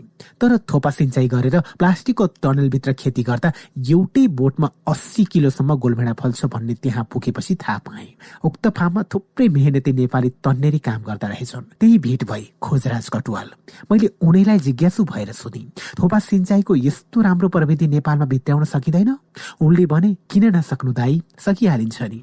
मैले फेरि सोधेँ अनि यस्तो काम नेपालमै गर्नुभयो भइहाल्छ नि। खोजराजले नेपालमा आफ्नो जग्गा नभएकै कारण विदेशी भूमिमा दुःख गर्न आएको बताए किन किन मलाई यस्तै प्रविधि नेपालमा लगेर तरकारी खेती गर्न पाए खोजराज जस्तै युवाले विदेशी भूमिमा पसिना बगाउनु पर्दैन थियो भन्ने लाग्यो। मैले उनलाई भने यस्तो राम्रो प्रविधि भएपछि त जग्गाका लागि सरकारसँग अनुरोध गरेर पनि त हुन्थ्यो नि। खोजराजले आफू जस्ता मान्छेको कुरा सरकारले नसुन्ने गुनासो गरे। उनको कुरा सुनेर मलाई लाग्यो ओहो यतिका धेरै नेपाली स्वदेशमै रोजगार नपाएर विदेशमा दुःख गर्न आइरहेका छन्। उता नेपालमा भने जग्गा त्यसै बाँझै छन्। मलाई लाग्यो थोपा सिंचाईबाट तरकारी खेती गर्न सके स्वदेशमै आम्दानीको वातावरण बन्न सक्छ। स्वदेशमा केही गर्न खोज्नेलाई सहयोग गर्नुपर्छ भन्ने सोचेर मैले खोजराजलाई नेपाल आउँदा भेट्न भने। मैले अझै अघि बढेर भने बरु सहयोगका लागि सरकारी अफिसहरूमा कहाँ कसलाई भेट्नुपर्छ भन्नुहोस्। हामी पनि कुरा गर्न गइदिउँला। मैले उनलाई आवश्यक परे जितपुर फेदीको मेरो पुर्ख्यौली अठार रोपनी जग्गा तरकारी खेतीका निम्ति दिन सक्ने कुरा पनि सुनाए। नेपाल फर्किएको केही महिनापछि खोजराज पनि नेपाल आए। त्यति बेला उनले मलाई फोन गरेर भने दाई जितपुर फेदीमा रहेको जग्गा एकपल्ट हेर्न जाउँ न म उनलाई जग्गा देखाउन जितपुर फेदी पुगेँ। कृषि फार्म मार्फत नमुना काम गरेर देखाउन सकियो भने रोजगारीको खोजीमा विदेशी नै लाखौँ नेपाली तन्नेरीलाई केही पाठ सिकाउन सकिन्थ्यो भन्ने लागिरहेको थियो। मैले सबै योजना बनाएर हरिवंशलाई पनि यो काममा सामेल गराएँ। जग्गा हेरेर फर्किएको केही दिनमै हरिवंश वैदेशिक रोजगार व्यवसायी प्रेम कटुवाल प्रकाश केसी अजय लामा कृषि विशेषज्ञ डाक्टर विष्णु चापागाई लगायत इजरायलमा कृषि काम गरेर फर्किएका राजन मैनाली ठाकुर केसी। रतिराम गौतम सुनिलनाथ योगी सरिता कटुवाल सहित बसेर छलफल गरियो। आफै कामदार आफै मालिकको नारामा तरकारी खेती अगाडि बढाउन सबै लगानी गर्न तयार भए। लामो छलफलपछि फार्मको नाम महा एग्रिकल्चर राखे कसो होला भनेर एकजनाले प्रस्ताव राखे। मैले केही बेर सोचेर भने महा एग्रिकल्चर नाम राख्दा सबैको ध्यान तानिन सक्छ। मदन कृष्ण र हरिवंशले के गर्न खोजेका रहेछन् भनेर धेरैले चासो राख्न सक्छन् भन्ने सोचेर हुन्छ भनिदियो। बाह्रजना लगानीकर्ताबाट जम्मा भएको पचपन्न लाख रुपियाँबाट तरकारी खेतीको काम अगाडि बढ्यो।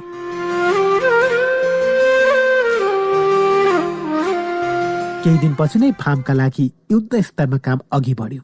हेर्दा हेर्दै अठाइसवटा ठुल्ठुला टनेल बने।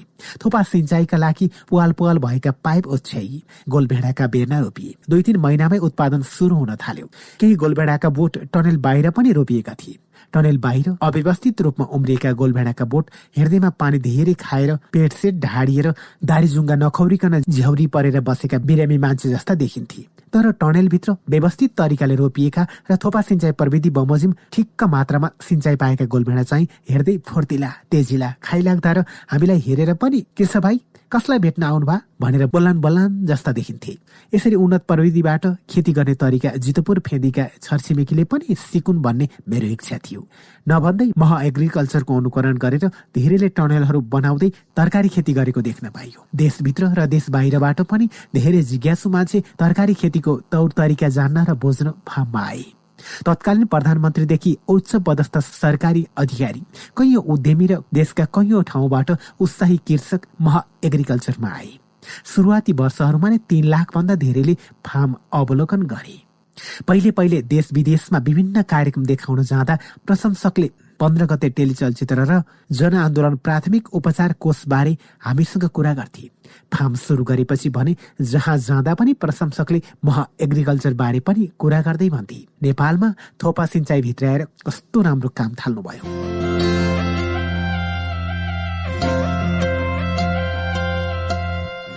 खोजराज राजुन ठाकुर र तिराम भाइहरू सबै मह एग्रिकल्चरकै काममा एकदमै व्यस्त थिए। साझेदार धेरै भएकाले अर्बौं रुपियाँ लगानी गरिएको ठुलै उद्योग चलाइराखे जस्तो हप्तै पछि मिटिङ भइरहन्थे। तर जति मिटिङ बसे पनि जो जतिसुकै व्यस्त भए पनि प्रतिफलको अनुहार कसैले देख्न पाएन। तरकारी बजारमा लगेर बेच्ने सबै कामको जिम्मा खोजराजले एक्लै गरेका थिए। त्यसैले उनी एकजनाले पैसा छुन पाए तर अरूले त सुग्नसम्म पनि पाएनन्। खोजराजले कति पैसा हेर्न र सुग्न पाए उनी आफै जान। तैपनि आज नभए भोलि केही होला नि त भनेर सबैजना काममा जोतिरहे। मह एग्रिकल्चरको अनुसरण गरेर तरकारी खेती गरेकाहरूले आमदानी गरेर हामीलाई देखाइसकेका थिए। तर सबैलाई बाटो देखाउने भइ खाएको बिचरा मह एग्रिकल्चर भने घाटे वैद्यले मरे समेत तोकिदिएको बिरामी चाहिँ दिन प्रतिदिन सुस्ताउँदै गएको थियो। व्यवसाय विस्तारका लागि अनेक अवसर आए पनि महा एग्रिकल्चरभित्र आर्थिक अपारदर्शिता मौलाइसकेको थियो। सबैका निम्ति उदाहरणीय काम भए पनि प्रतिफल पटक्कै आइरहेको थिएन। म आफै पनि उक्त कामबाट अलग किन खोजिरहेको थिएँ। तर आफ्नै जग्गामा खेती भइरहेकाले अरूलाई जस्तो मलाई भन्ने बित्तिकै निस्कन सजिलो थिएन। सृजना र कला क्षेत्रमा मग्न भएर काम गर्ने स्वभावको मलाई अनेक झन्झटमा फसिरहनु उचित लागेन। त्यही बिचमा प्रेम कटवाल र अरू केही भाइले पनि आफ्नो लगानी झिके। म भने आफ्नो जग्गा अड्किएको र तिसौँ लाख रुपियाँ फसिसकेको हुनाले बुताले भ्याएसम्म महा एग्रिकल्चर सपार्छु भनेर अन्तिमसम्म लागिरहे। कतैबाट पनि कुनै कुरा मिल्ने नदेखिएपछि अन्तत महा एग्रिकल्चर छिन्न भिन्न भयो। आर्थिक रूपमा मैले ठूलो नोक्सानी बेहोर्नु परे पनि देशभित्रै थोपा सिंचाइको सुरुवात भयो जसबाट धेरै किसान लाभान्वित भए।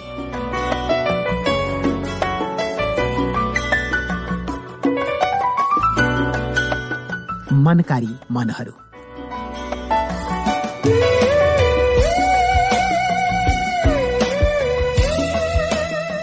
कलाकारिता क्षेत्रमा अगाडि बढ्दै जाँदा सबैजसो व्यक्ति र सङ्घ संस्थाले हामीलाई सामाजिक कार्यकै निम्ति सदुपयोग गर्न चाहे।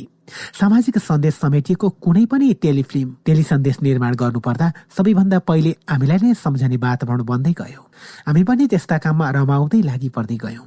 सामाजिक कामका लागि अर्थ सङ्कलन गर्ने उद्देश्यले आयोजना गरिएका कार्यक्रममा हामीले सक्रिय सहभागिता जनायौँ जसले गर्दा सामाजिक काममा प्रत्यक्ष परोक्ष भूमिका खेल्न पाइयो। दुई हजार अडचालिस सालमा सर्वसाधारणलाई सुलभ मूल्यमा स्वास्थ्य सेवा उपलब्ध गराउने उद्देश्य राखेर हामी लगायत डाक्टर भरत प्रधान डाक्टर सरोज दिताल गौरी प्रधान र सुमन श्रेष्ठको सक्रियतामा जनस्वास्थ्य सरोकार ट्रस्ट स्थापना गरियो। यही ट्रस्ट अन्तर्गत दुई हजार पचास सालमा काठमाडौँ मोडेल अस्पताल र दुई हजार बैसठी सालमा किर्तिपुर अस्पताल पनि सञ्चालनमा ल्याइयो। दुई बेडबाट सुरु भएको मोडेल अस्पताल र सोह्र बेडबाट सुरु भएको किर्तिपुर अस्पताल दुवै सय सय बेड क्षमतामा पोखिसके। स्थापना कालदेखि म ट्रस्टको अध्यक्ष र हरिवंश उपाध्यक्षको भूमिकामा छौँ। अस्पताल सञ्चालनकै क्रममा राम्रा राम्रा डाक्टरको साथ पाएका कारण दुई हजार बैसठी त्रिसठीको जनआन्दोलनमा जनआन्दोलन प्राथमिक उपचार कोष खडा गर्ने हिम्मत आयो। त्यसबाट पाँच हजार भन्दा बढी घाइतेले निशुल्क उपचार पाए। यो कामबाट अस्पताल र हामीले नेपाली जनताका तर्फबाट प्रशस्तै स्याबासी पायौँ।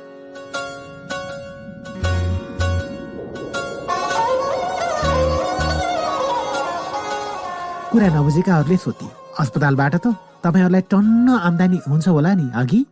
कतिलाई जवाब दिनु? यो संस्था नाफारहित उद्देश्यले खोलिएको गैर सरकारी अस्पताल मात्र हो। त्यसबाट हामीले तलब भत्ता र नाफाको त के कुरा? कुनै पनि बैठकबाट कसैले पनि एक पैसा भत्ता समेत लिँदैनौ। लिन पनि नपरोस्। दर्शकलाई हँसाएर गुजारा चलाइरहेको बानी। अस्पतालमा पिरै पिरले थलिएका बिरामीका आफन्तले जेनतेन तिरेको सेवा शुल्कबाट बसी बसी पैसा लिने कुरा कहिले मनमा आएन।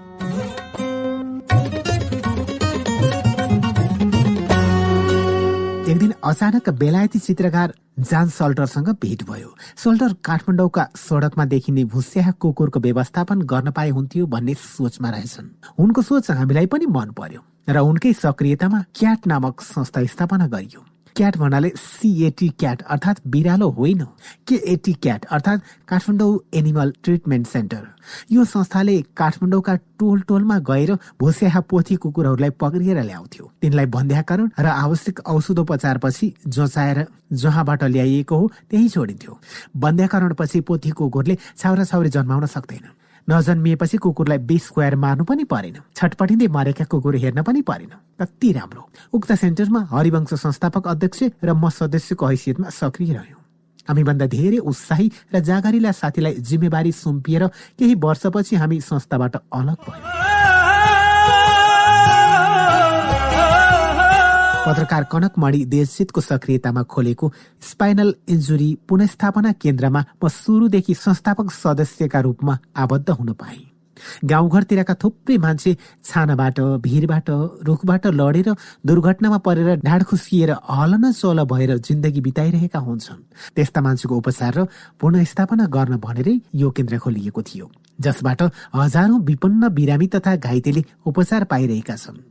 दुई हजार बहत्तरको महाभूकम्पमा परेर ढाड खुस्किएका सयौं घाइतेले यहाँबाट उपचार पाए अनेक सामाजिक भूमिकाका कारण नै होला। म कहाँ व्यक्तिगत रूपमा पनि सहयोगको आशा राखेर विभिन्न मान्छे भेट्न आइरहन्छन्। कोही क्यान्सर उपचारका लागि कोही मुटुको भल फेर्नका लागि त कोही मृगौला उपचारका लागि भन्दै समस्या सुनाउन आउँथे।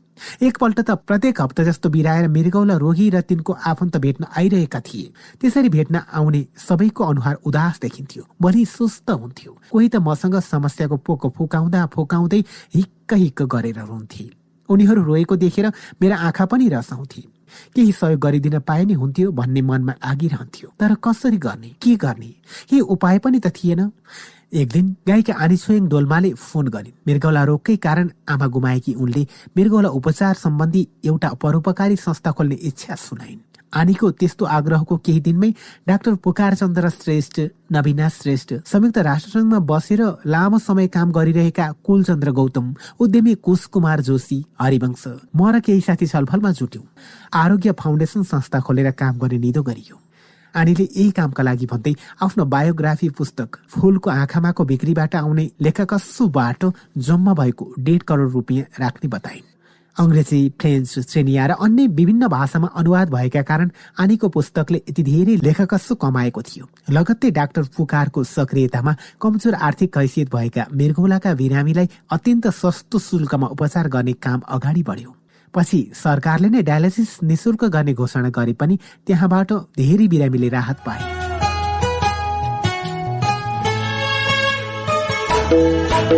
एक दिन अरुण पाउल र अमृता शर्मा हरिवंश र मलाई भेट्न आए। उनीहरूले पूर्व अमेरिकी राष्ट्रपति जिम्मी कार्टरले स्थापना गरेको हेबिटेट फर ह्युम्यानिटी नामक अन्तर्राष्ट्रिय संस्थाका लागि सद्भावना राजदूत बनिदिन अनुरोध गरे। श्रीलङ्कन नागरिक पाउल संस्थाको नेपाल प्रतिनिधि रहेछन् भने शर्मा कार्यक्रम निर्देशक। संस्थाले निम्न आयस्रोत भएका र घर परिवार विहीनलाई घर बनाएर सहयोग गर्दो रहेछ। यस्तो मानव कल्याणकारी काम सुनेर हरिवंश र मैले सद्भाव राजदूत बन्ने प्रस्ताव स्वीकार्यौं। विपन्नहरूको घर बनाउने काममा नेपाल घुम्न आएका विदेशी पर्यटक स्वयंसेवकका रूपमा खटिँदा रहेछन्। स्वयंसेवक पर्यटकलाई नेपालमा एक हप्ता बढी बस्ने गरी घुम्न आउन भनिन्थ्यो र बढी बसेको समयमा उनीहरू घर बनाउने काममा लागि पर्थे काम सकेपछि ती पर्यटक आफ्नो भ्रमण तालिका अनुसार नेपालमा विभिन्न ठाउँ घुम्न जान्थे।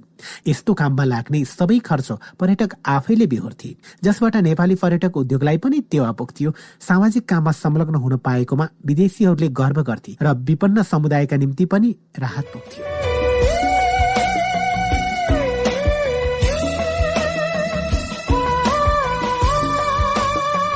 सद्भाव राजदूत भएका वर्षमा हामी संस्थाका अनेक काममा खटिएर कैयौं ठाउँ पुग्यौं। केही ठाउँमा स्वयंसेवक भएर घर बनाउने काममा पनि खटियौं। पोखराको बेगनाथ ताल नजिकै विपन्न समुदायका निम्ति निर्मित पचास घर हस्तान्तरण गर्ने कार्यक्रम साँच्चुकै यादगार थियो। घरको साँचो हस्तान्तरण गरिसकेपछि छाप्रोमा बस्ने एउटा बच्चाले आफ्नी आमासँग अब हाम्रो पनि घर भयो अघि आमा भनेको सुन्दा हामी सबै भावुक भएका थियौँ। सुनामीका कारण घरबार विहीन भएकाहरूका लागि थाइल्याण्डको चिङमै सहरमा घर बनाइदिने काममा पनि यो संस्था लागि परेको थियो। दुई हजार छेसठी मङ्सिरमा सोही काममा सहयोग गर्न नेपालबाट हरिवंश र म त्यहाँ पुगेका थियौँ। घर बनाउने काममा स्वयंसेवा गर्न विश्वभरबाट ख्यातिप्राप्त कलाकार र सेलिब्रेटी ओहिरिएका थिए। हलिउडका विश्व प्रसिद्ध चाइनिज कलाकार जेटली अमेरिकाका पूर्व राष्ट्रपति जिम्मी कार्टर विश्वभरका सयौं कलाकारसँगै हरि मैले पनि सिमेन्ट मोच्ने गाह्रो लगाउने काम एक साताभरि गर्यौं दुई हजार त्रिचालिस सालतिरको कुरा हो। माइती घरमा महासञ्चारको कार्यक्रम हुँदा एकजना अपरिचित युवा सिनेमा बनाउने भन्दै हामीलाई अभिनय गराउने उद्देश्य लिएर भेट्न आएका थिए। उनले सिनेमाको पटकथा सुनाउँदै भनेका थिए फिल्मको सुरुमै असनको व्यस्त बजारमा ढ्याङ्ग बम पड्किन्छ।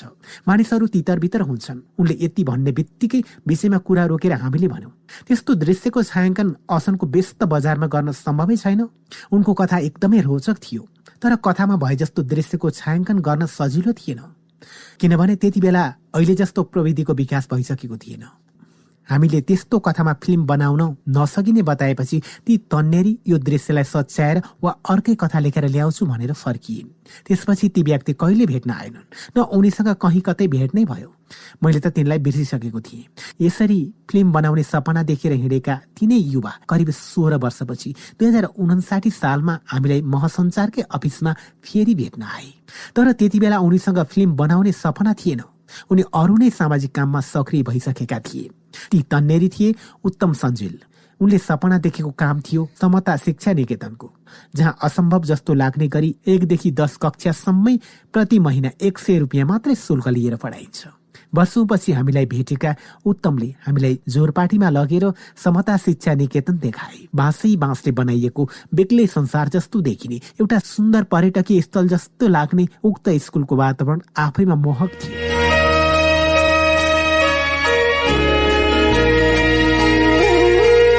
बालबालिकाहरूको मधुरो आवाजले हामीलाई त्यो ठाउँ कुनै तीर्थस्थल जस्तो लाग्यो। त्यही पुगेपछि हामीले थाहा पायौँ गायिका आनिस्विङ डोल्माले पनि स्कुल सञ्चालनका निम्ति सरसहयोग जुटाइदिएकी रहेछन्। सरकारी स्कुलहरूको पढाइ खस्किरहेको र निजी स्कुल सामान्य मान्छेको पहुँच बाहिर भइरहेको समयमा उत्तमको प्रयास आफैमा गतिलो उदाहरण थियो। न्यून शुल्कमा विपन्न र गरिब अभिभावकले आफ्ना छोराछोरी पढाउने अवसर पाइरहेका थिए। उत्तमको अनवरत प्रयास देखेर हामीलाई पनि केही सहयोग गर्न पाए हुन्थ्यो भन्ने लाग्यो। तर हामीले सोचे जस्तो सहयोग गर्ने अवस्था पनि थिएन। कुनै किसिमले सहयोग जुटाइदिन पाए पनि हुन्थ्यो भन्ने लागिरहेको थियो। हामीले कहिले कसलाई कहिले कसलाई लगेर उत्तमसँग जोडिदियौँ। हामीले जोडिदिएका मनकारीहरूले उत्तमलाई गाह्रो साह्रो पर्दा सहयोग गरिरहे। यस स्कुलसँग हाम्रो संलग्नता भन्नु नै स्कुलप्रति हाम्रो नैतिक समर्थन मात्रै हो। गाह्रो साह्रो पर्दा उपस्थित हुनु र सहयोग गर्ने कोही भेटिएमा स्कुलसम्म जोडिदिनु मात्रै हो। समताबाट भए गरेका उपलब्धिको जस्त उनी खटुवा उत्तमलाई नै जान्छ। दुई हजार सत्तरी सालमा संसारभर छरिएर रहेका रोटरी क्लबहरूले विश्वबाटै पोलियो उन्मूलनका निम्ति कार्यक्रम गरिरहेका थिए। रोटरी क्लब अफ त्रिपुरेश्वरमा आबद्ध भएका नाताले संस्थाका वरिष्ठ रोटेरियन रत्नमान साक्यले मलाई र हरिवंशलाई पोलियो उन्मूलनका लागि नेपालका तर्फबाट अन्तर्राष्ट्रिय सद्भाव राजदूत बन्न अनुरोध गर्नुभयो। जुन हाम्रा निम्ति एउटा विशेष सम्मान पनि थियो। पछि पो थाहा भयो पोलियो उन्मूलनका लागि विश्वभर नै विभिन्न अन्तर्राष्ट्रिय सद्भाव राजदूतहरू नियुक्त भएका रहेछन्। अमेरिकामा विश्वका सर्वाधिक धनी व्यक्ति बिल गेट्स हङकङमा सर्वाधिक लोक हलिउड कलाकार ज्याकी च्याङ र छिमेकी भारतका सर्वाधिक लोकप्रिय कलाकार अमिताभ बच्चन अन्तर्राष्ट्रिय सद्भाव राजदूतका रूपमा नियुक्त भएका रहेछन्। कुनै देशबाट सर्वाधिक लोकप्रिय खेलाडी त कुनै देशबाट त्यस देशका महारानी पनि राजदूत भएका रहेछन्। विश्वव्यापी अभियानकै रूपमा रहेको यस्तो सामाजिक काममा नेपालका तर्फबाट हामी छानिनु खुसीको कुरा थियो।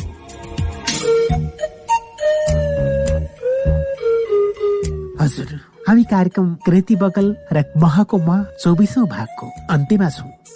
आजको भागमा हामीले महसञ्चारले र मदन कृष्णले व्यक्तिगत रूपमा अथवा महासञ्चारको तर्फबाट विभिन्न क्षेत्रमा गरेका आर्थिक लगानी र त्यसबाट प्राप्त गरेको प्रतिफलको बारेमा पनि थाहा पाएका छौँ। धेरै जसो त महासञ्चारले कला क्षेत्र बाहेक अन्य क्षेत्रमा गरेका लगानीबाट शून्य उपलब्धि मात्र हात परेको छ। त्यसै गरी विभिन्न क्षेत्रमा मनकारी भएर सहयोग गर्ने मन भएकाले धेरै ठाउँमा महासञ्चारको मनकारी हातहरू उठिरहेको। सेवा र सहयोग प्रदान गरिरहेको कुरा पनि आजको भागबाट जानकारी भएको छ।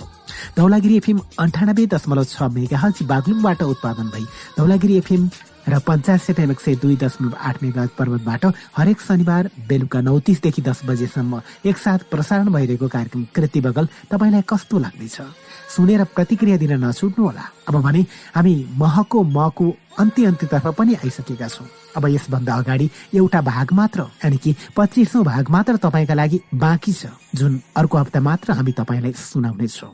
त्यस पछाडि पुनः अर्को पुस्तक वाचन हुनेछ।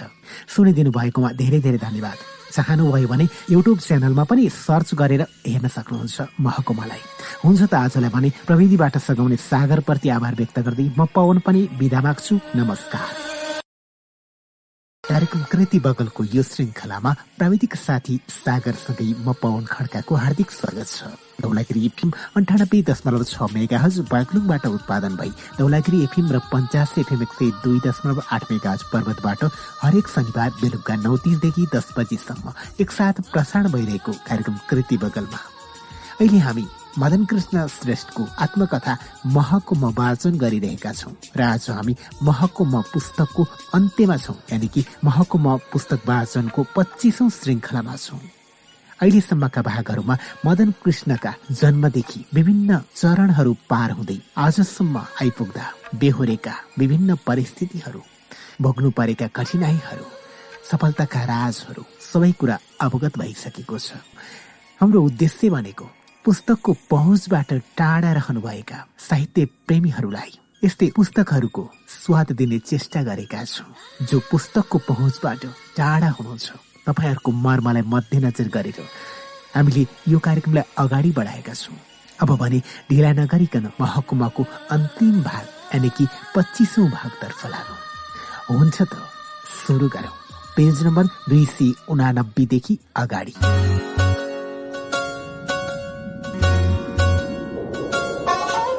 भुइँचालोको कम्पन दुई हजार बहत्तर साल वैशाख बाह्र गति बिहानको खाना खाइवरी बैठकमा बसेर बहिनी साधनासँग फोनमा कुरा गर्दै थिए बाह्र बज्नलाई केही मिनट बाँकी हुँदा एक्कासी डरलाग्दो आवाज आयो घरै हल्लिए जस्तो बहिनी साधनाले अत्तालिएको स्वरमा ए भुइँचालो गए जस्तो छ दाई ए हो हो दाई फोन राखौ है भनेर झुहाट फोन राखिन् छोरा इमन र यशोदा पनि ए ए ओहो ओहो आम्मै आम्मै ओ ग्रीष्मा भुइँचालो आयो भुइँचालो आयो। हिँड बाहिर हिँड भन्दै घरको मूल ढोकाबाट तिनैजना बाहिर निस्किए। म चाहिँ भुइँचालोसँग सम्बन्धित चेतनामूलक टेलिफिल्म बनाइरहेको हुनाले भुइँचालो जाँदा धेरै आत्तिनु हुन्न। ढोकाको चौकुस मुनि उभिनुपर्छ भन्ने बुझेको हुनाले दायाँ बायाँ गाह्रो साह्रो भत्किएला भनेर एकदम सतर्क हुँदै ढोकामा उभिराखे। आँगनमा उभिएकी यशोदा लड्ला लड्ला जस्तो भइरहेको देखे। नातिनी ग्रीष्मा डरले चिच्याउँदै रुँदै एमनसँग टाँसिन थालिन्। एमनले यशोदालाई भर दिएर अडाइराखे। तैपनि तिनैजना लडलान जस्तो देखिरहेको थियो। क्यान्सरकी बिरामी यशोदा किमोथेरापीकै अवस्थामा थिइन्। त्यसैले उनको शरीर निकै कमजोर थियो। तैपनि आँखा ठुल्ठुलो पारेर मलाई तपाईँ के त्यहाँ उभिराखेको? यता आउनुहोस् न भनेर चिच्याउन थालिन्। मलाई उभिराखेको ढोकाबाट दस बाह्र पाइला चालेर यशोदासम्म पुग्न पनि पहाडको गढल्याङ गुडलुङ परेको बाटोमा गुडिरहेको बसको छतमा उठी उठी हिँड्नु परे जस्तो भयो। कहिले भित्ता त कहिले भुइँमा चार हातको टाले टेकेर बल्ल तल्ल यसुदाको छेउसम्म पुगे। धरती धामी झाँक्री झै लगलगी काँपिरहेको थियो। हामी चारैजनालाई ठाडो भएर उभिन पनि गाह्रो भइरहेको थियो। भुइँचालो त अहिले रोकिएला कि भन्छु रोकिँदैन। अब त रोकिएला कि भन्छु रोकिँदैन। मनभित्र हाउसिङको घर हो। एकदम बलियो छ। केही हुँदैन होला भन्ने विश्वास पनि थियो। तैपनि धरती लगलगी काँपेको देखेर धेरै भर पनि गर्नुहुन्न भन्ने लाग्यो। एकैछिनमा घरको कम्पाउन्डबाट डराउँदै डराउँदै बाहिर सडकमा पुग्यौँ। त्यति बेला पनि जमिन हल्लिराखेको थियो। जिन्दगीको पैँसठी वर्ष लामो यात्रामा भुइँचालोले यति धेरै जमिन हल्लाएको कहिले अनुभव गरेको थिइन। हामी उभिरहेका बेला सडक त दायाँ बायाँ झोलुङ्गे पोल झैँ हल्लिएको थियो। ओहो हो के हुन लाग्यो हो? जमिनै भाँसिने हो कि जस्तो? घर सर जम्मै पल्टिने हो कि जस्तो लागिरह्यो? के हुन लागेको हो यो? के हुँदैछ यस्तो? साँच्चुकै पर्लयको अनुभव गरिरहेका थियौँ हामी।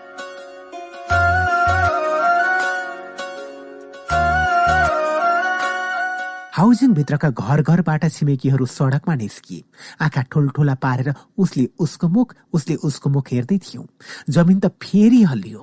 कसैले ठुलो मुङ्ग्रोले ढुवाक ढुवाक ढुवाक ढुवाक हिर्काए जस्तो गरी जमिन थर्कियो। सबैले भन्न थाले यो आफ्टर सक हो। आफ्टर सकलाई नेपालीमा परकम्प भनिदो रहेछ। त्यसअघि मैले परकम्प शब्द सुनेकै थिइनँ। त्यसपछि झ्वाट हरिवंशलाई सम्झिए बहिनी साधनालाई सम्झिए उनको घर अलि पुरानो थियो। हत्तपत्त साधनालाई फोन गरे तर उनको फोन लागेन। फेरि फोन गरे लागिन। फेरि गरे लागिन। सानी बहिनी साधनालाई फोन गरे लागिन। त्यसपछि हरिवंशलाई फेरि फोन गरे लागिन। फेरि गरे लागिन। नयाँ बजारको धाराधरमा रहेकी आमालाई फोन गरे उठेन। त्यसपछि सम्झिए नरेन्द्र कम्साकारको घर पनि पुरानो थियो। उनलाई पनि फोन गरे लागेन। फेरि गौरीशङ्कर धोजुलाई सम्झिए उनलाई फोन गरे लागेन। फेरि नयाँ बजार स्थित मामा घरमा फोन गरे उठेन।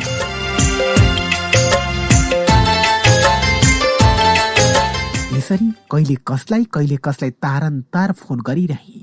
बल्ल तल्ल हरिवंशको फोन उठ्यो। भूकम्पको पहिलो लामो कम्पन भइरहँदा उनी महाराजगञ्ज स्थित अमेरिकन एम्बेसी अघि सड़कमा गाडी हाँक्दै रहेछन्। त्यस्ताका हरिवंश लाजिमपाटको एघार तले अपार्टमेन्टको दोस्रो तलामा बस्थे। एघार एघार तलको अग्लो घर के भो होला? म केही सोच्न सकिरहेको थिइनँ। हत्तपत्त मोहित कहाँ छन् भनेर सोधी। उनी त ती अग्लो अपार्टमेन्टको कोठामै थिए उनले त घर हल्लिँदा कोठाका भित्ताहरू ठूलो आवाज गरेर चरक चरक चर्किएर पुवाटपट फुटेकै देखेका रहेछन्। उनी पनि बल्ल तल्ल कोठाबाट ओर्लिएर अपार्टमेन्ट बाहिर पुगेका रहेछन्। फेरि बहिनी साधनालाई फोन गरे त्यति बेला पनि लागिन। त्यसपछि घर नजिकै रहेको अलिक अग्लो डिस्कोमा उभिएर काठमाडौँ सहर निहाले। ठाउँ ठाउँमा बुङ बुङ धुलो उडिरहेको थियो। त्यो देखेर काठमाडौँमा धेरै मान्छे हताहत भए होलान् भन्ने लाग्यो। त्यति नै बेला मैले नब्बे सालको भुइँचालो बारी गरेका कुरा पनि सम्झे। हाउसिङभित्र रहेका केहीले आफ्नो गाडीको एफएम रेडियो खोलेर समाचार सुन्नतिर लागे। सबैभन्दा पहिलो दुःख समाचार सुनाउँदै एकजनाले भने दाई धरारा त गयो रे। ओहो धरारा गयो रे? भनेको सुन्दा धरारा कुनै निर्जीव वस्तु नभएर एउटा सजीव अभिभावक नै ढले जस्तो महसुस भयो। त्यो खबर सुनेर घर बाहिर डराउँदै उभिएका सबैको मन भावुक भयो। फेरि तुरुन्तै सम्झी आज त शनिबार पो हो। शनिबारे छुट्टीमा त थुप्रै मानिस आफ्ना छोराछोरी र परिवार लिएर धरहरा चढ्न आएका हुन्छन्।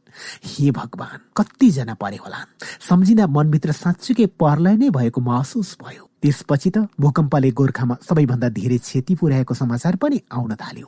एकैछिनमा सिन्धुपाल्चोकमा भएको विपत्तिको कुरा पनि आउन थाल्यो। त्यति नै बेला जितपुर फेदीको म जन्मिएको घर सम्झी। त्यो त झन् नब्बे साल भन्दा पनि अगाडि नै बनाएको। त्यो त झन् अब पातालै भयो होला। बहिनी साधनाको घर पनि पुरानै थियो। त्यसमाथि दिनभर फोन नलाग्दा त बहिनीहरू पनि परे होलान् भन्ने डर लागिरह्यो। भुइँचालोको कम्पन जारी रहेका बेला छोरी सरानालाई सम्झी। उनी त अमेरिकामा सुरक्षित ठाउँमा छिन्। अहिले बिचारी मस्त निधाइरहेकी होलिन् भनेर मनमा नै सन्चो माने। मैले फोन गरेर यस्तो यस्तो भो भनौला भनेर सोच्दै थिएँ। उल्टो उनीहरूले पो पिर गरेर अमेरिकाबाट फोन गरेर सोधिन्। नेपालमा ठुलो भुइँचारो गयो होइन? सबैजनालाई ठिक त छ? मैले सबैलाई ठिक त छ छोरी तर नेपालमा धेरै मान्छे हताहत भए। काठमाडौँ भक्तपुरका थुप्रै मन्दिर पनि भत्केछन् भनेर सुनाए।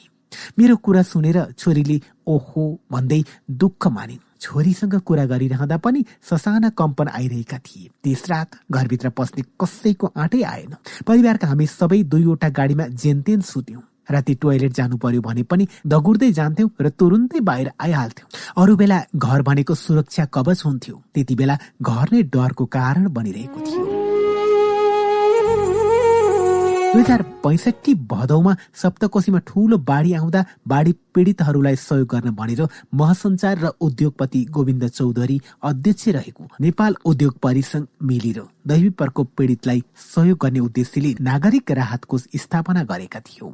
उक्त कोषबाट कोशी लगायत कैलाली बाँके र सुनसरीमा ठूलो पहिरो गएर नदी नै थुनिएपछि भएको विपत्तिमा राहत बाँड्न गएका थियौं। उक्त कोषमा धन पनि भएका र मन पनि भएका उद्योगपतिले मन फुकाएर रकम जम्मा गरिदिएका थिए। त्यही रकम हामीले विपत्तिमा परेका र घाँस बाँस समेत गुमाएका व्यक्तिहरूलाई बाँड्ने गरेका थियौं। भूकम्पको भोलिपल्टै तेह्र गति नागरिक राहत कोषको बैठक बस्ने कुरा थियो। तर त्यो दिन पनि ठूलै भुइँचालो गएका कारण बैठक बस्न सकिन। चौध गते दिउँसो मात्रै सबै जेनतेन जम्मा हुन सकियो। छलफलमा लामो खर्च नगरी तत्कालै राहत सामग्री जम्मा पारियो। छाउछाउ चामल दाल नुन तेल त्रिपाल लगायत सामग्री बोकेर भोलिपल्टै सिन्धुपाल्चोकको चौतारा पुग्यौं।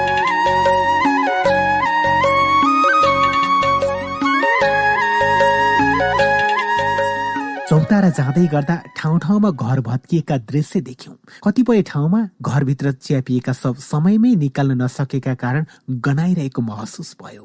हामीले लगेको राहत सामग्री असली भूकम्प पीडितका हात हातमै बाँड्न मन थियो। तर को पीडित को नपीडित छुट्याउन सकिने अवस्थै थिएन। त्यसैले सबै राहत सामग्रीहरू चौतारामा रहेको नेपाली सेनाको क्याम्पमा लगेर सेनाका अफिसर र प्रमुख जिल्ला अधिकारीलाई बुझाइदियौं। सैनिक क्याम्पमा नेपाली सेनाका जवान दगुरा दगुर गर्दै थिए। कोही सामान ओसार्दै थिए कोही स्ट्रेचरमा घाइते बोकेर औषध उपचार गर्न पालतिर लैजाँदै थिए। उक्त सैनिक क्याम्पमा रहेका हेलिकप्टर राहत सामग्री बोकेर गाडी पुग्न नसक्ने दुर्गम बस्ती पुग्थे र तिनले राहत खसालेर त्यहाँबाट घाइते बिरामी ओसारेर ल्याउँथे। उपचार शिविरको पालभित्र डाक्टर नर्सहरू घाइतेको उपचारमा भ्याइ नभ्याइ देखिन्थे। उक्त सेनाको क्याम्पमा उपचार हुन नसक्ने सक्त घाइतेहरूलाई राहत बाँड्न आएका भारतीय हेलिकप्टरले काठमाडौँका विभिन्न अस्पतालमा ओसार्दै थिए। सबैलाई भ्याइ नभ्याइ थियो। सिन्धुपाल्चोकबाट फर्किँदा बाटो बाटोमा राहत सामग्री बाँड्न आइरहेका संघ संस्था र मानिसहरूको ओहिरो देखिन्थ्यो। बाटोको बीचबीचमा राहत सामग्री नपाएर आक्रोश व्यक्त गरिरहेका भूकम्प पीडित पनि उत्तिकै देखिन्थे। जताततै लथालिङ्ग भथाभुङ्ग अस्त व्यस्त भद्रकोल दुःखै दुःख पीडै पीडा र छटपटी थियो। विपदको त्यो घडीमा नेपाली सेना र नेपाल प्रहरीका जवानले देखाएको सक्रियता प्रशंसनीय थियो। त्यसपछिका दिनमा पनि विभिन्न ठाउँमा राहत बाँड्न दगुरा दगुर गरियो। कहिले सिन्धुपाल्चोकको चौतारा कहिले नुवाकोटको विदुर कहिले रसुवाको धुन्चे त कहिले रामेछापको भङ्गेरीसम्म पुगे। हामीले भूकम्प पीडितलाई ठाउँ ठाउँमा पुगेर राहत बाँडिरहेको थाहा पाएर अमेरिकाको आयोवा राज्यमा बसिरहेका नेपाली युवाको संस्था association of Nepalese in Midwest Iowa Nepalese association UAS र अमेरिकाकै नेपाल आमा नामक संस्थाले उन्नाइस लाख पैँतालिस हजार रुपियाँ आर्थिक सहायता पठाए। उक्त रकमलाई हामीले कोषकै खातामा राख्यौं र विभिन्न स्थानमा गएर राहत सामग्री बाँड्यौं। भूकम्प पछिको समयमा विभिन्न संस्थाबाट प्राप्त सहायता र कोषमा आबद्ध साथीबाट उठेको रकम मध्ये एकाउन्न लाख छ्यालिस हजार रुपियाँ बराबरको आर्थिक सहायता बाँडियो हामीले बाँड्ने राहत दुःखको अथा सागरमा तप्काएको सानो थोपा मात्रै थियो। तैपनि आपत विपदमा टुलु टुलु हेरेर बसिएन भनेर मलाई सम्झाउने बाटो भयो। दुई हजार बहत्तर वैशाख बाह्र गति भूकम्पले तहस नहसै गरायो। तर यस्तो विपत्तिपछि स्वदेश र विदेशमा रहेका नेपालीको सक्रियता र सद्भावले नेपाली धैर्यशील सहयोगी र मनकारी हुन्छन् भन्ने सन्देश विश्वव्यापी भयो।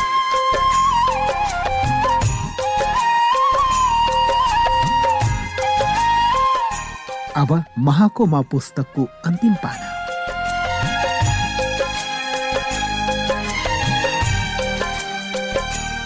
म यस किताबको अन्तिम पाना लेख्दैछु तर यो जिन्दगीको अन्तिम पाना भने होइन। जिन्दगीको किताब त लेखिहाल्यो नि यति नै हो भनेर मेरो जिन्दगी चुप लागेर बस्ने कुरा पनि आउँदैन। मान्छेको जिन्दगी केवल कुनै एउटा किताबमा अट्ने पनि होइन। कति भोग्नु त बाँकी नै छ अझै। फेरि मैले भोगेको सबै कुरा यो किताबमा लेखिएको पनि छैनन्। हरेक दिन भोगेका कुरा यस किताबमा लेखिएका कुरा भन्दा कम महत्वपूर्ण पक्कै होइनन्। प्रत्येक दिनको भोगाई सारांश नै लेख्ने हो भने पनि कम्तीमा एक पाना हुन्छ। अहिले सडसठी वर्षको उमेरमा सबै दिनका अनुभूति खिचेर सरसर्ती लेख्ने हो भने तीन सय पैँसठी दिनका दरले सडसठी वर्ष बराबर चौबिस हजार चार सय पचपन्न पाना हुन्छ। त्यति धेरै कुरा मैले लेख्न पनि सम्भव छैन। पाठकले पढ्ने त कुरै छाडौँ जति लेखिएका छन् ती सबै मैले सम्झिएका मेरा आफ्नै भोगाई हुन् जसले मलाई आजको मदन कृष्ण बनायो। मेरो भोगाईहरूले मलाई हर दिन नयाँ नयाँ खालको मदन कृष्ण बनाउँदै आएका छन्। अझै कति नयाँ मदन कृष्ण बन्ने क्रममा छु। आध्यात्मिक ज्ञानबारे लेखिएको एउटा किताबमा पढेको थिएँ। ढुङ्गा भन्दा माटो नरम हुन्छ। तर ढुङ्गा भन्दा माटो बलियो हुन्छ। माटो भन्दा पानी अझै नरम हुन्छ। तर माटो भन्दा पानी बलियो हुन्छ। पानी भन्दा हावा अझै सूक्ष्म हुन्छ। पानी भन्दा हावा बलियो हुन्छ। हावा भन्दा ध्वनि झनै सूक्ष्म हुन्छ। हावा भन्दा ध्वनि झनै बलियो हुन्छ। ध्वनि भन्दा प्रकाश अझै सूक्ष्म हुन्छ। ध्वनि भन्दा प्रकाश नै बलियो हुन्छ। प्रकाश भन्दा पनि मनको अंश सबैभन्दा सूक्ष्म हुन्छ। तर मन सबैभन्दा शक्तिशाली हुन्छ। जिन्दगीको लामो यात्रामा प्रत्येक पल त्यस्तो शक्तिशाली मान्छेका मनहरूलाई जित्ने दृढता गर्दै आए। कतिपय ठाउँमा सफल भए कतिपय ठाउँमा असफल। असफलताबाट डगिनौ सफलताबाट मातिन तर जिन्दगीलाई नजिकबाट छ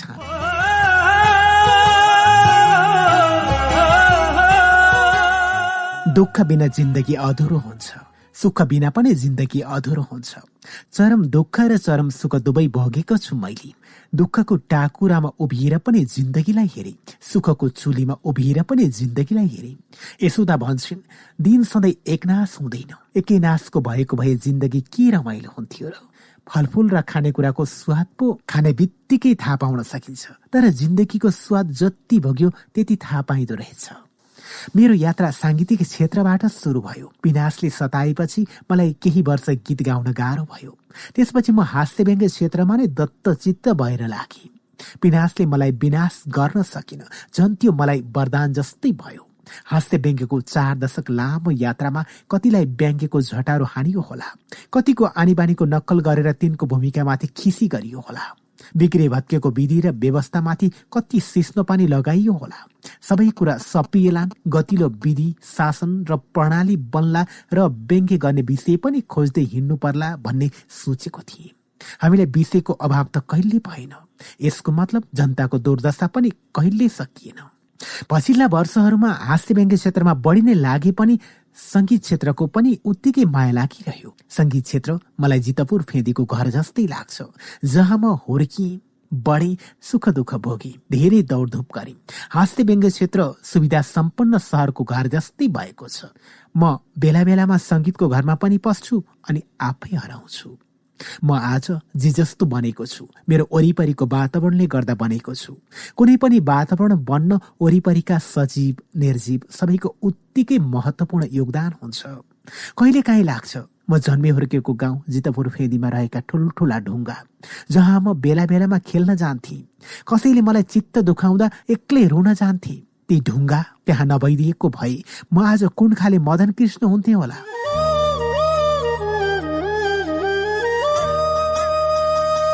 मेरो गाउँको घर अगाडि भएको त्यो नाट्येश्वरी मन्दिर। त्यहाँ नभएको भए म आज कस्तो मदन कृष्ण हुन्थे होला। मेरा साथीभाइ जोसँग म हुर्किएँ खेले पढे त्यति नभएर अर्कै भइदिएको भए म कस्तो खाले मदन कृष्ण हुन्थेँ होला। जिन्दगीमा कति हजारसँग सङ्गत गरियो। त्यसको हिसाब किताब गरेर के साधी प्राय सबैले माया दिए। थोरैले पीडा कतिले स्नेह देखाए कतिले हैरानी। मायाले ऊर्जा दियो पीडाले आत्मबल स्नेहले गति दियो हैरानीले मनोबल। माया गर्ने र नगर्ने सबैसँगको सङ्गत फलदायी भयो। माया मात्रै गर्नेहरू भेटेको भए जिन्दगीमा यति धेरै बाटो हिँड्न सक्ने थिइन कैयौँसँगको सङ्गत एकैछिनको घाम जस्तो भयो। कैयौँसँगको सङ्गत एकैछिनको छाया जस्तै भयो। तर हरिवंशसँगको सङ्गत सधैँका लागि भयो।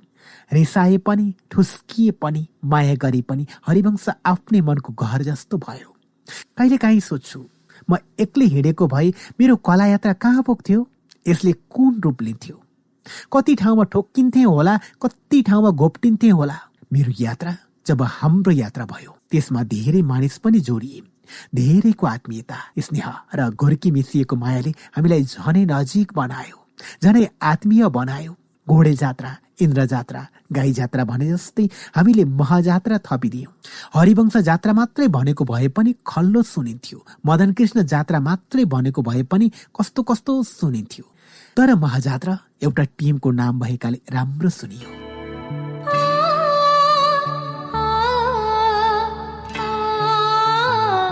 कति मान्छेहरूले आफूले केही सफलता हासिल गरेपछि सबै एक्लो बलले गरेर भएको हो भन्ठान्छन् एक्लैले त के नै गर्न सकिन्छ र एक्लै बाँच्ने त कल्पना पनि गर्न सकिँदैन। सानो छँदा मलाई हजुरबाले दिएको आशीर्वाद ठ्याक्कै लाग्यो। चाडबाड र पूजाआजाका बेला हजुरबाको खुट्टा ढोगेपछि उहाँले सधैँ जसो तीनवटा आशीर्वाद दिनुहुन्थ्यो। भाग्यमानी भएस सुब्बा भएस अनि धेरै लोकप्रिय भएस। हजुरबाले भनेका सबै आशीर्वाद पूरा भए। भाग्यमानी यस अर्थमा भए करोडौँ नेपालीको माया पाए। सुब्बा भएस भन्नुभएको थियो। कृषि सूचना शाखामा सुब्बा सरहको जागिर पनि खाए धेरै थोरै लोकप्रिय पनि भए स्वर्ग हुन्छ भने र हजुरबा त्यही हुनुहुन्छ भने उहाँले थाहा पाउनुभयो होला। मेरो नातिलाई मैले दिएको आशीर्वाद ठ्याक्कै लागेछ।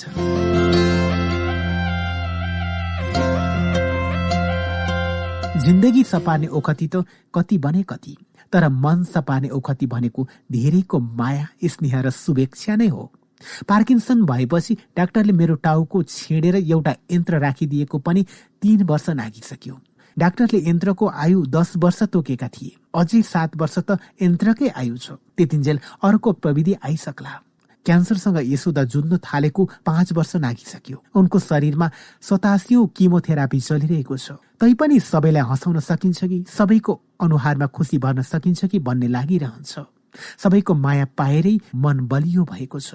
सबैको स्नेह पाएर त शरीरले नमान्दा नमान्दै पनि मनको बलले सबै काम भ्याइरहेको छु। बैठकबाट पैसा लिएर भनेकै समयमा सावा ब्याज नतिरेको भए लिलामीमा परिन्थ्यो। आम नेपालीबाट पाएको माया र स्नेहको सावा ब्याज तिर्नुपर्ने त सात जुनीले पुग्दैन होला। धेरै माया नदेऊ हजुर मलाई भार भो। लिन सजिलै भो माया तिर्न गाह्रो भो। प्रेयसीको चोखो माया साथी भाइको न्यानो माया मेरो देशबाट पनि पाए धेरै धेरै माया। सबै माया जोड्दा एउटा सुन्दर पहाड भो। सबै माया जोड्दा एउटा सुन्दर पहाड भो। लिन सजिलै भो माया तिर्न गाह्रो भो। बच्चैदेखि अहिलेसम्म चुलबुले पो छु म। बच्चैदेखि अहिलेसम्म चुलबुले पो छु म। धेरै धेरै माया पाई पुलपुलेको छु म। सधैँ सबको साथ पाए जीवन सार भो। साथ पाउन सजिलै भो। छोड्न गाह्रो भो। धेरै माया नदेऊ हजुर मलाई भार भो। लिन सजिलै भो माया तिर्न गाह्रो भो। लिन सजिलै भो माया तिर्न गाह्रो भो।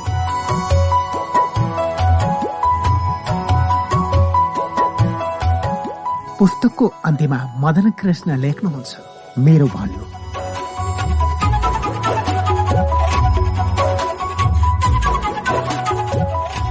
जस्तोसुकै अप्ठ्यारो अवस्थामा पनि जिन्दगीले बाटो खोज्ने नै रहेछ। छ वर्ष अघि लेख्न थालेको पुस्तक आज सकियो। परिस्थिति जति नै जटिल भए पनि जीवनमा जस्तोसुकै आँधी बेहेरी आइरहे पनि म डगमगाइन। संयम भएर लेखि नै रहे। मेरी श्रीमती यशोदालाई क्यान्सर जस्तो प्राणघातक रोगले शिथिल बनाइराखेको पीडादायी अवस्थामा कुन मोडले लेख्ने? कुन समयमा लेख्ने? कहाँ गएर लेख्ने? त्यसमाथि आफैलाई पनि पार्किन्सन रोगले सताइरहेका कारण कहिले हात चल्दैनथ्यो त कहिले दिमाग। कहिले काममा व्यस्त भइन्थ्यो त कहिले पार्टी भोजमा कहिले घरमा समस्या त कहिले उद्घाटन विमोचनमा दगुरा दगुर यस्तै यस्तै अवस्था बीच लेखे मैले आत्मकथा। ध्वस्त स्कुले जीवन व्यस्त कलाकारिता अनि सँगसँगै जागिर खाने कामै तीस वर्षसम्म भ्याइ नभ्याइ एक्लै दौडधुप गरियो। दुई हजार अडतिस सालदेखि मेरो कला यात्राको जीवनमा एक मनमिल्ने मान्छे सहयात्रीको साथ जोडियो। त्यो साथ हरिवंश आचार्यको दुईजना मिलेर काम गर्न थालेपछि हामी महजोडी हुन पुग्यौं र सहयात्रालाई निरन्तर जारी राख्दै आयौं। यति लामो यात्रामा अनेकौं उतार चढाव सुख दुःख हाँसो र आँसुको अनुभवले एउटा जीवन बन्यो। भोग्नु त अझै कति बाँकी छ कति? के के भोग्नु पर्ने हो दैव जानुन्। मेरो यही जीवनकै एउटा सानो दस्तावेज हो महको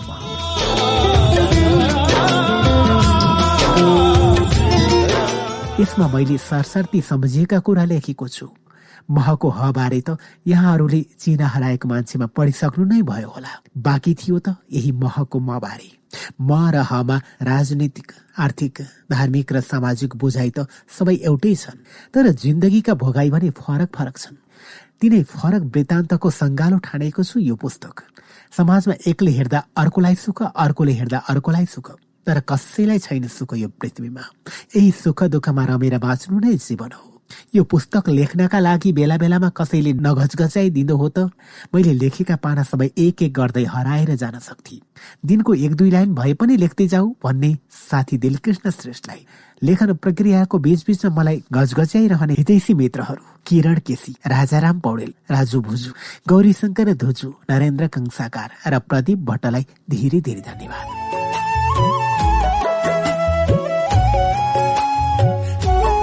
मैले लेखेका पाना एकत्रित गरेर पहिलो किस्ता टाइप गरिदिने रिङ्कु बज्राचार्य श्रेष्ठलाई आभार। त्यसै गरी दोस्रो तेस्रो र चौथो किस्ता टाइप र पुस्तकको लेआउट गरिदिने भाइ सरोज रम्तेललाई धन्यवाद। सुन्दर आवरण तस्बिरका लागि किशोर कायस्थप्रति हृदयदेखि नै आभारी छु। मलाई हौसला दिइरहने डाक्टर रविन्द्र समीर जीवा लामी छाने र अमर नेउपानेप्रति आभार। साथै मैले लेखेका एक लाख एक्काइस हजार शब्दलाई मजाले छाँटकाट गरेर एक लाख शब्दमा ल्याई किताबलाई छरितो बनाइदिने भाइ जनकराज सापकोटाप्रति म अनुग्रहित छु। पुस्तक प्रकाशन तथा बिक्री वितरणको जिम्मा लिइदिनु हुने भाइ अजित बराल। निरज भारी र फाइन प्रिन्ट परिवारप्रति कृतज्ञ छु। भाषा हेरिदिने भूमेश्वर पौडेल र मेधनी प्रसाद भण्डारीलाई विशेष धन्यवाद। मलाई पालन पोषण गरी हुर्काउने नानी फुपू उमालक्ष्मी आमा सुशीला श्रेष्ठ मेरा सबै चिन्ता चासो राखी माया दिइराख्ने बहिनीहरू साधना सबिना र भाइ निरव श्रेष्ठलाई धेरै धेरै माया। मलाई अत्यन्त माया गर्ने छोरा एमन छोरी सराना ज्वाई धेरा श्रेष्ठ नाति निर्भीक श्रेष्ठ नातिले ग्रीष्मा श्रेष्ठप्रति आभार स्नेह। अर्धाङ्गिनी यशोदा मेरो जीवनमा नआएकी भए सायद म कला क्षेत्रमा यति अघि बढ्न सक्दिनथे होला उनलाई न्यानो माया। अर्बौं मान्छे मध्ये एक मनमिल्ने मान्छे हरिवंश आचार्य नहुँदा हुन्थ्यो। म खालि म मात्र हुन्थे म हुन सक्दिनथे। मलाई जिन्दगीभर साथ दिने साथी बनाऊ या भाइ उनी हरिवंशप्रति म कृतज्ञ छु। अन्त्यमा हामीलाई सधैँ महजोडीकै रूपमा मिलेर काम गरिरहेको हेर्न चाहने प्रेरणादायी भगवान समान दर्शक श्रोता पाठक तथा सम्पूर्ण हितैषीप्रति आभार। मदन कृष्ण श्रेष्ठ।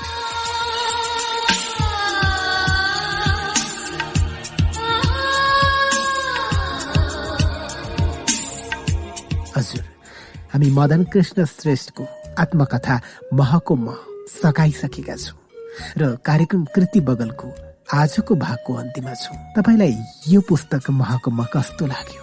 र कार्यक्रम कृति बगल प्रतिको प्रतिक्रिया पनि दिँदै रहनुहोला। कलाकारिता र हास्य व्यङ्ग्य क्षेत्रमा एक छत्र राज गरिरहेका महानायक मदन कृष्ण श्रेष्ठको आत्मकथा महको म प्रकाशनमा ल्याउने फाइन प्रेमप्रति पनि आभारी छौँ। हाम्रो सदा सम्मान छ मदन कृष्णलाई। जय मदन कृष्ण जय महकुम। अब अर्को शनिबारबाट भने हामी अर्को पुस्तकको थालनी गर्नेछौँ। कृपया सुनेर साथ दिन नछुट्नुहोला यसभन्दा अगाडि नथिया उपन्यास पढेका थियौँ। र अहिले महको म सकाएका छौँ। आगामी दिनमा पढ्ने पुस्तकप्रतिको तपाईँको चासो र जिज्ञासाको पनि अपेक्षा राख्छौँ हामी। धौलागिरी एफएम अन्ठानब्बे दशमलव छ मेगा हज बागलुङबाट उत्पादन भई। धौलागिरी एफएम र पञ्चास एफएम एक सय दुई दशमलव आठ मेगा हज पर्वतबाट समेत प्रसारण हुँदै आएको कार्यक्रम कृति बगल कस्तो लाग्दैछ? प्रतिक्रिया दिनुहोला। आजलाई भने प्रविधिबाट सघाउने सागरप्रति आभार व्यक्त गर्दै म पवन खड्का पनि विदा माग्छु। नमस्कार।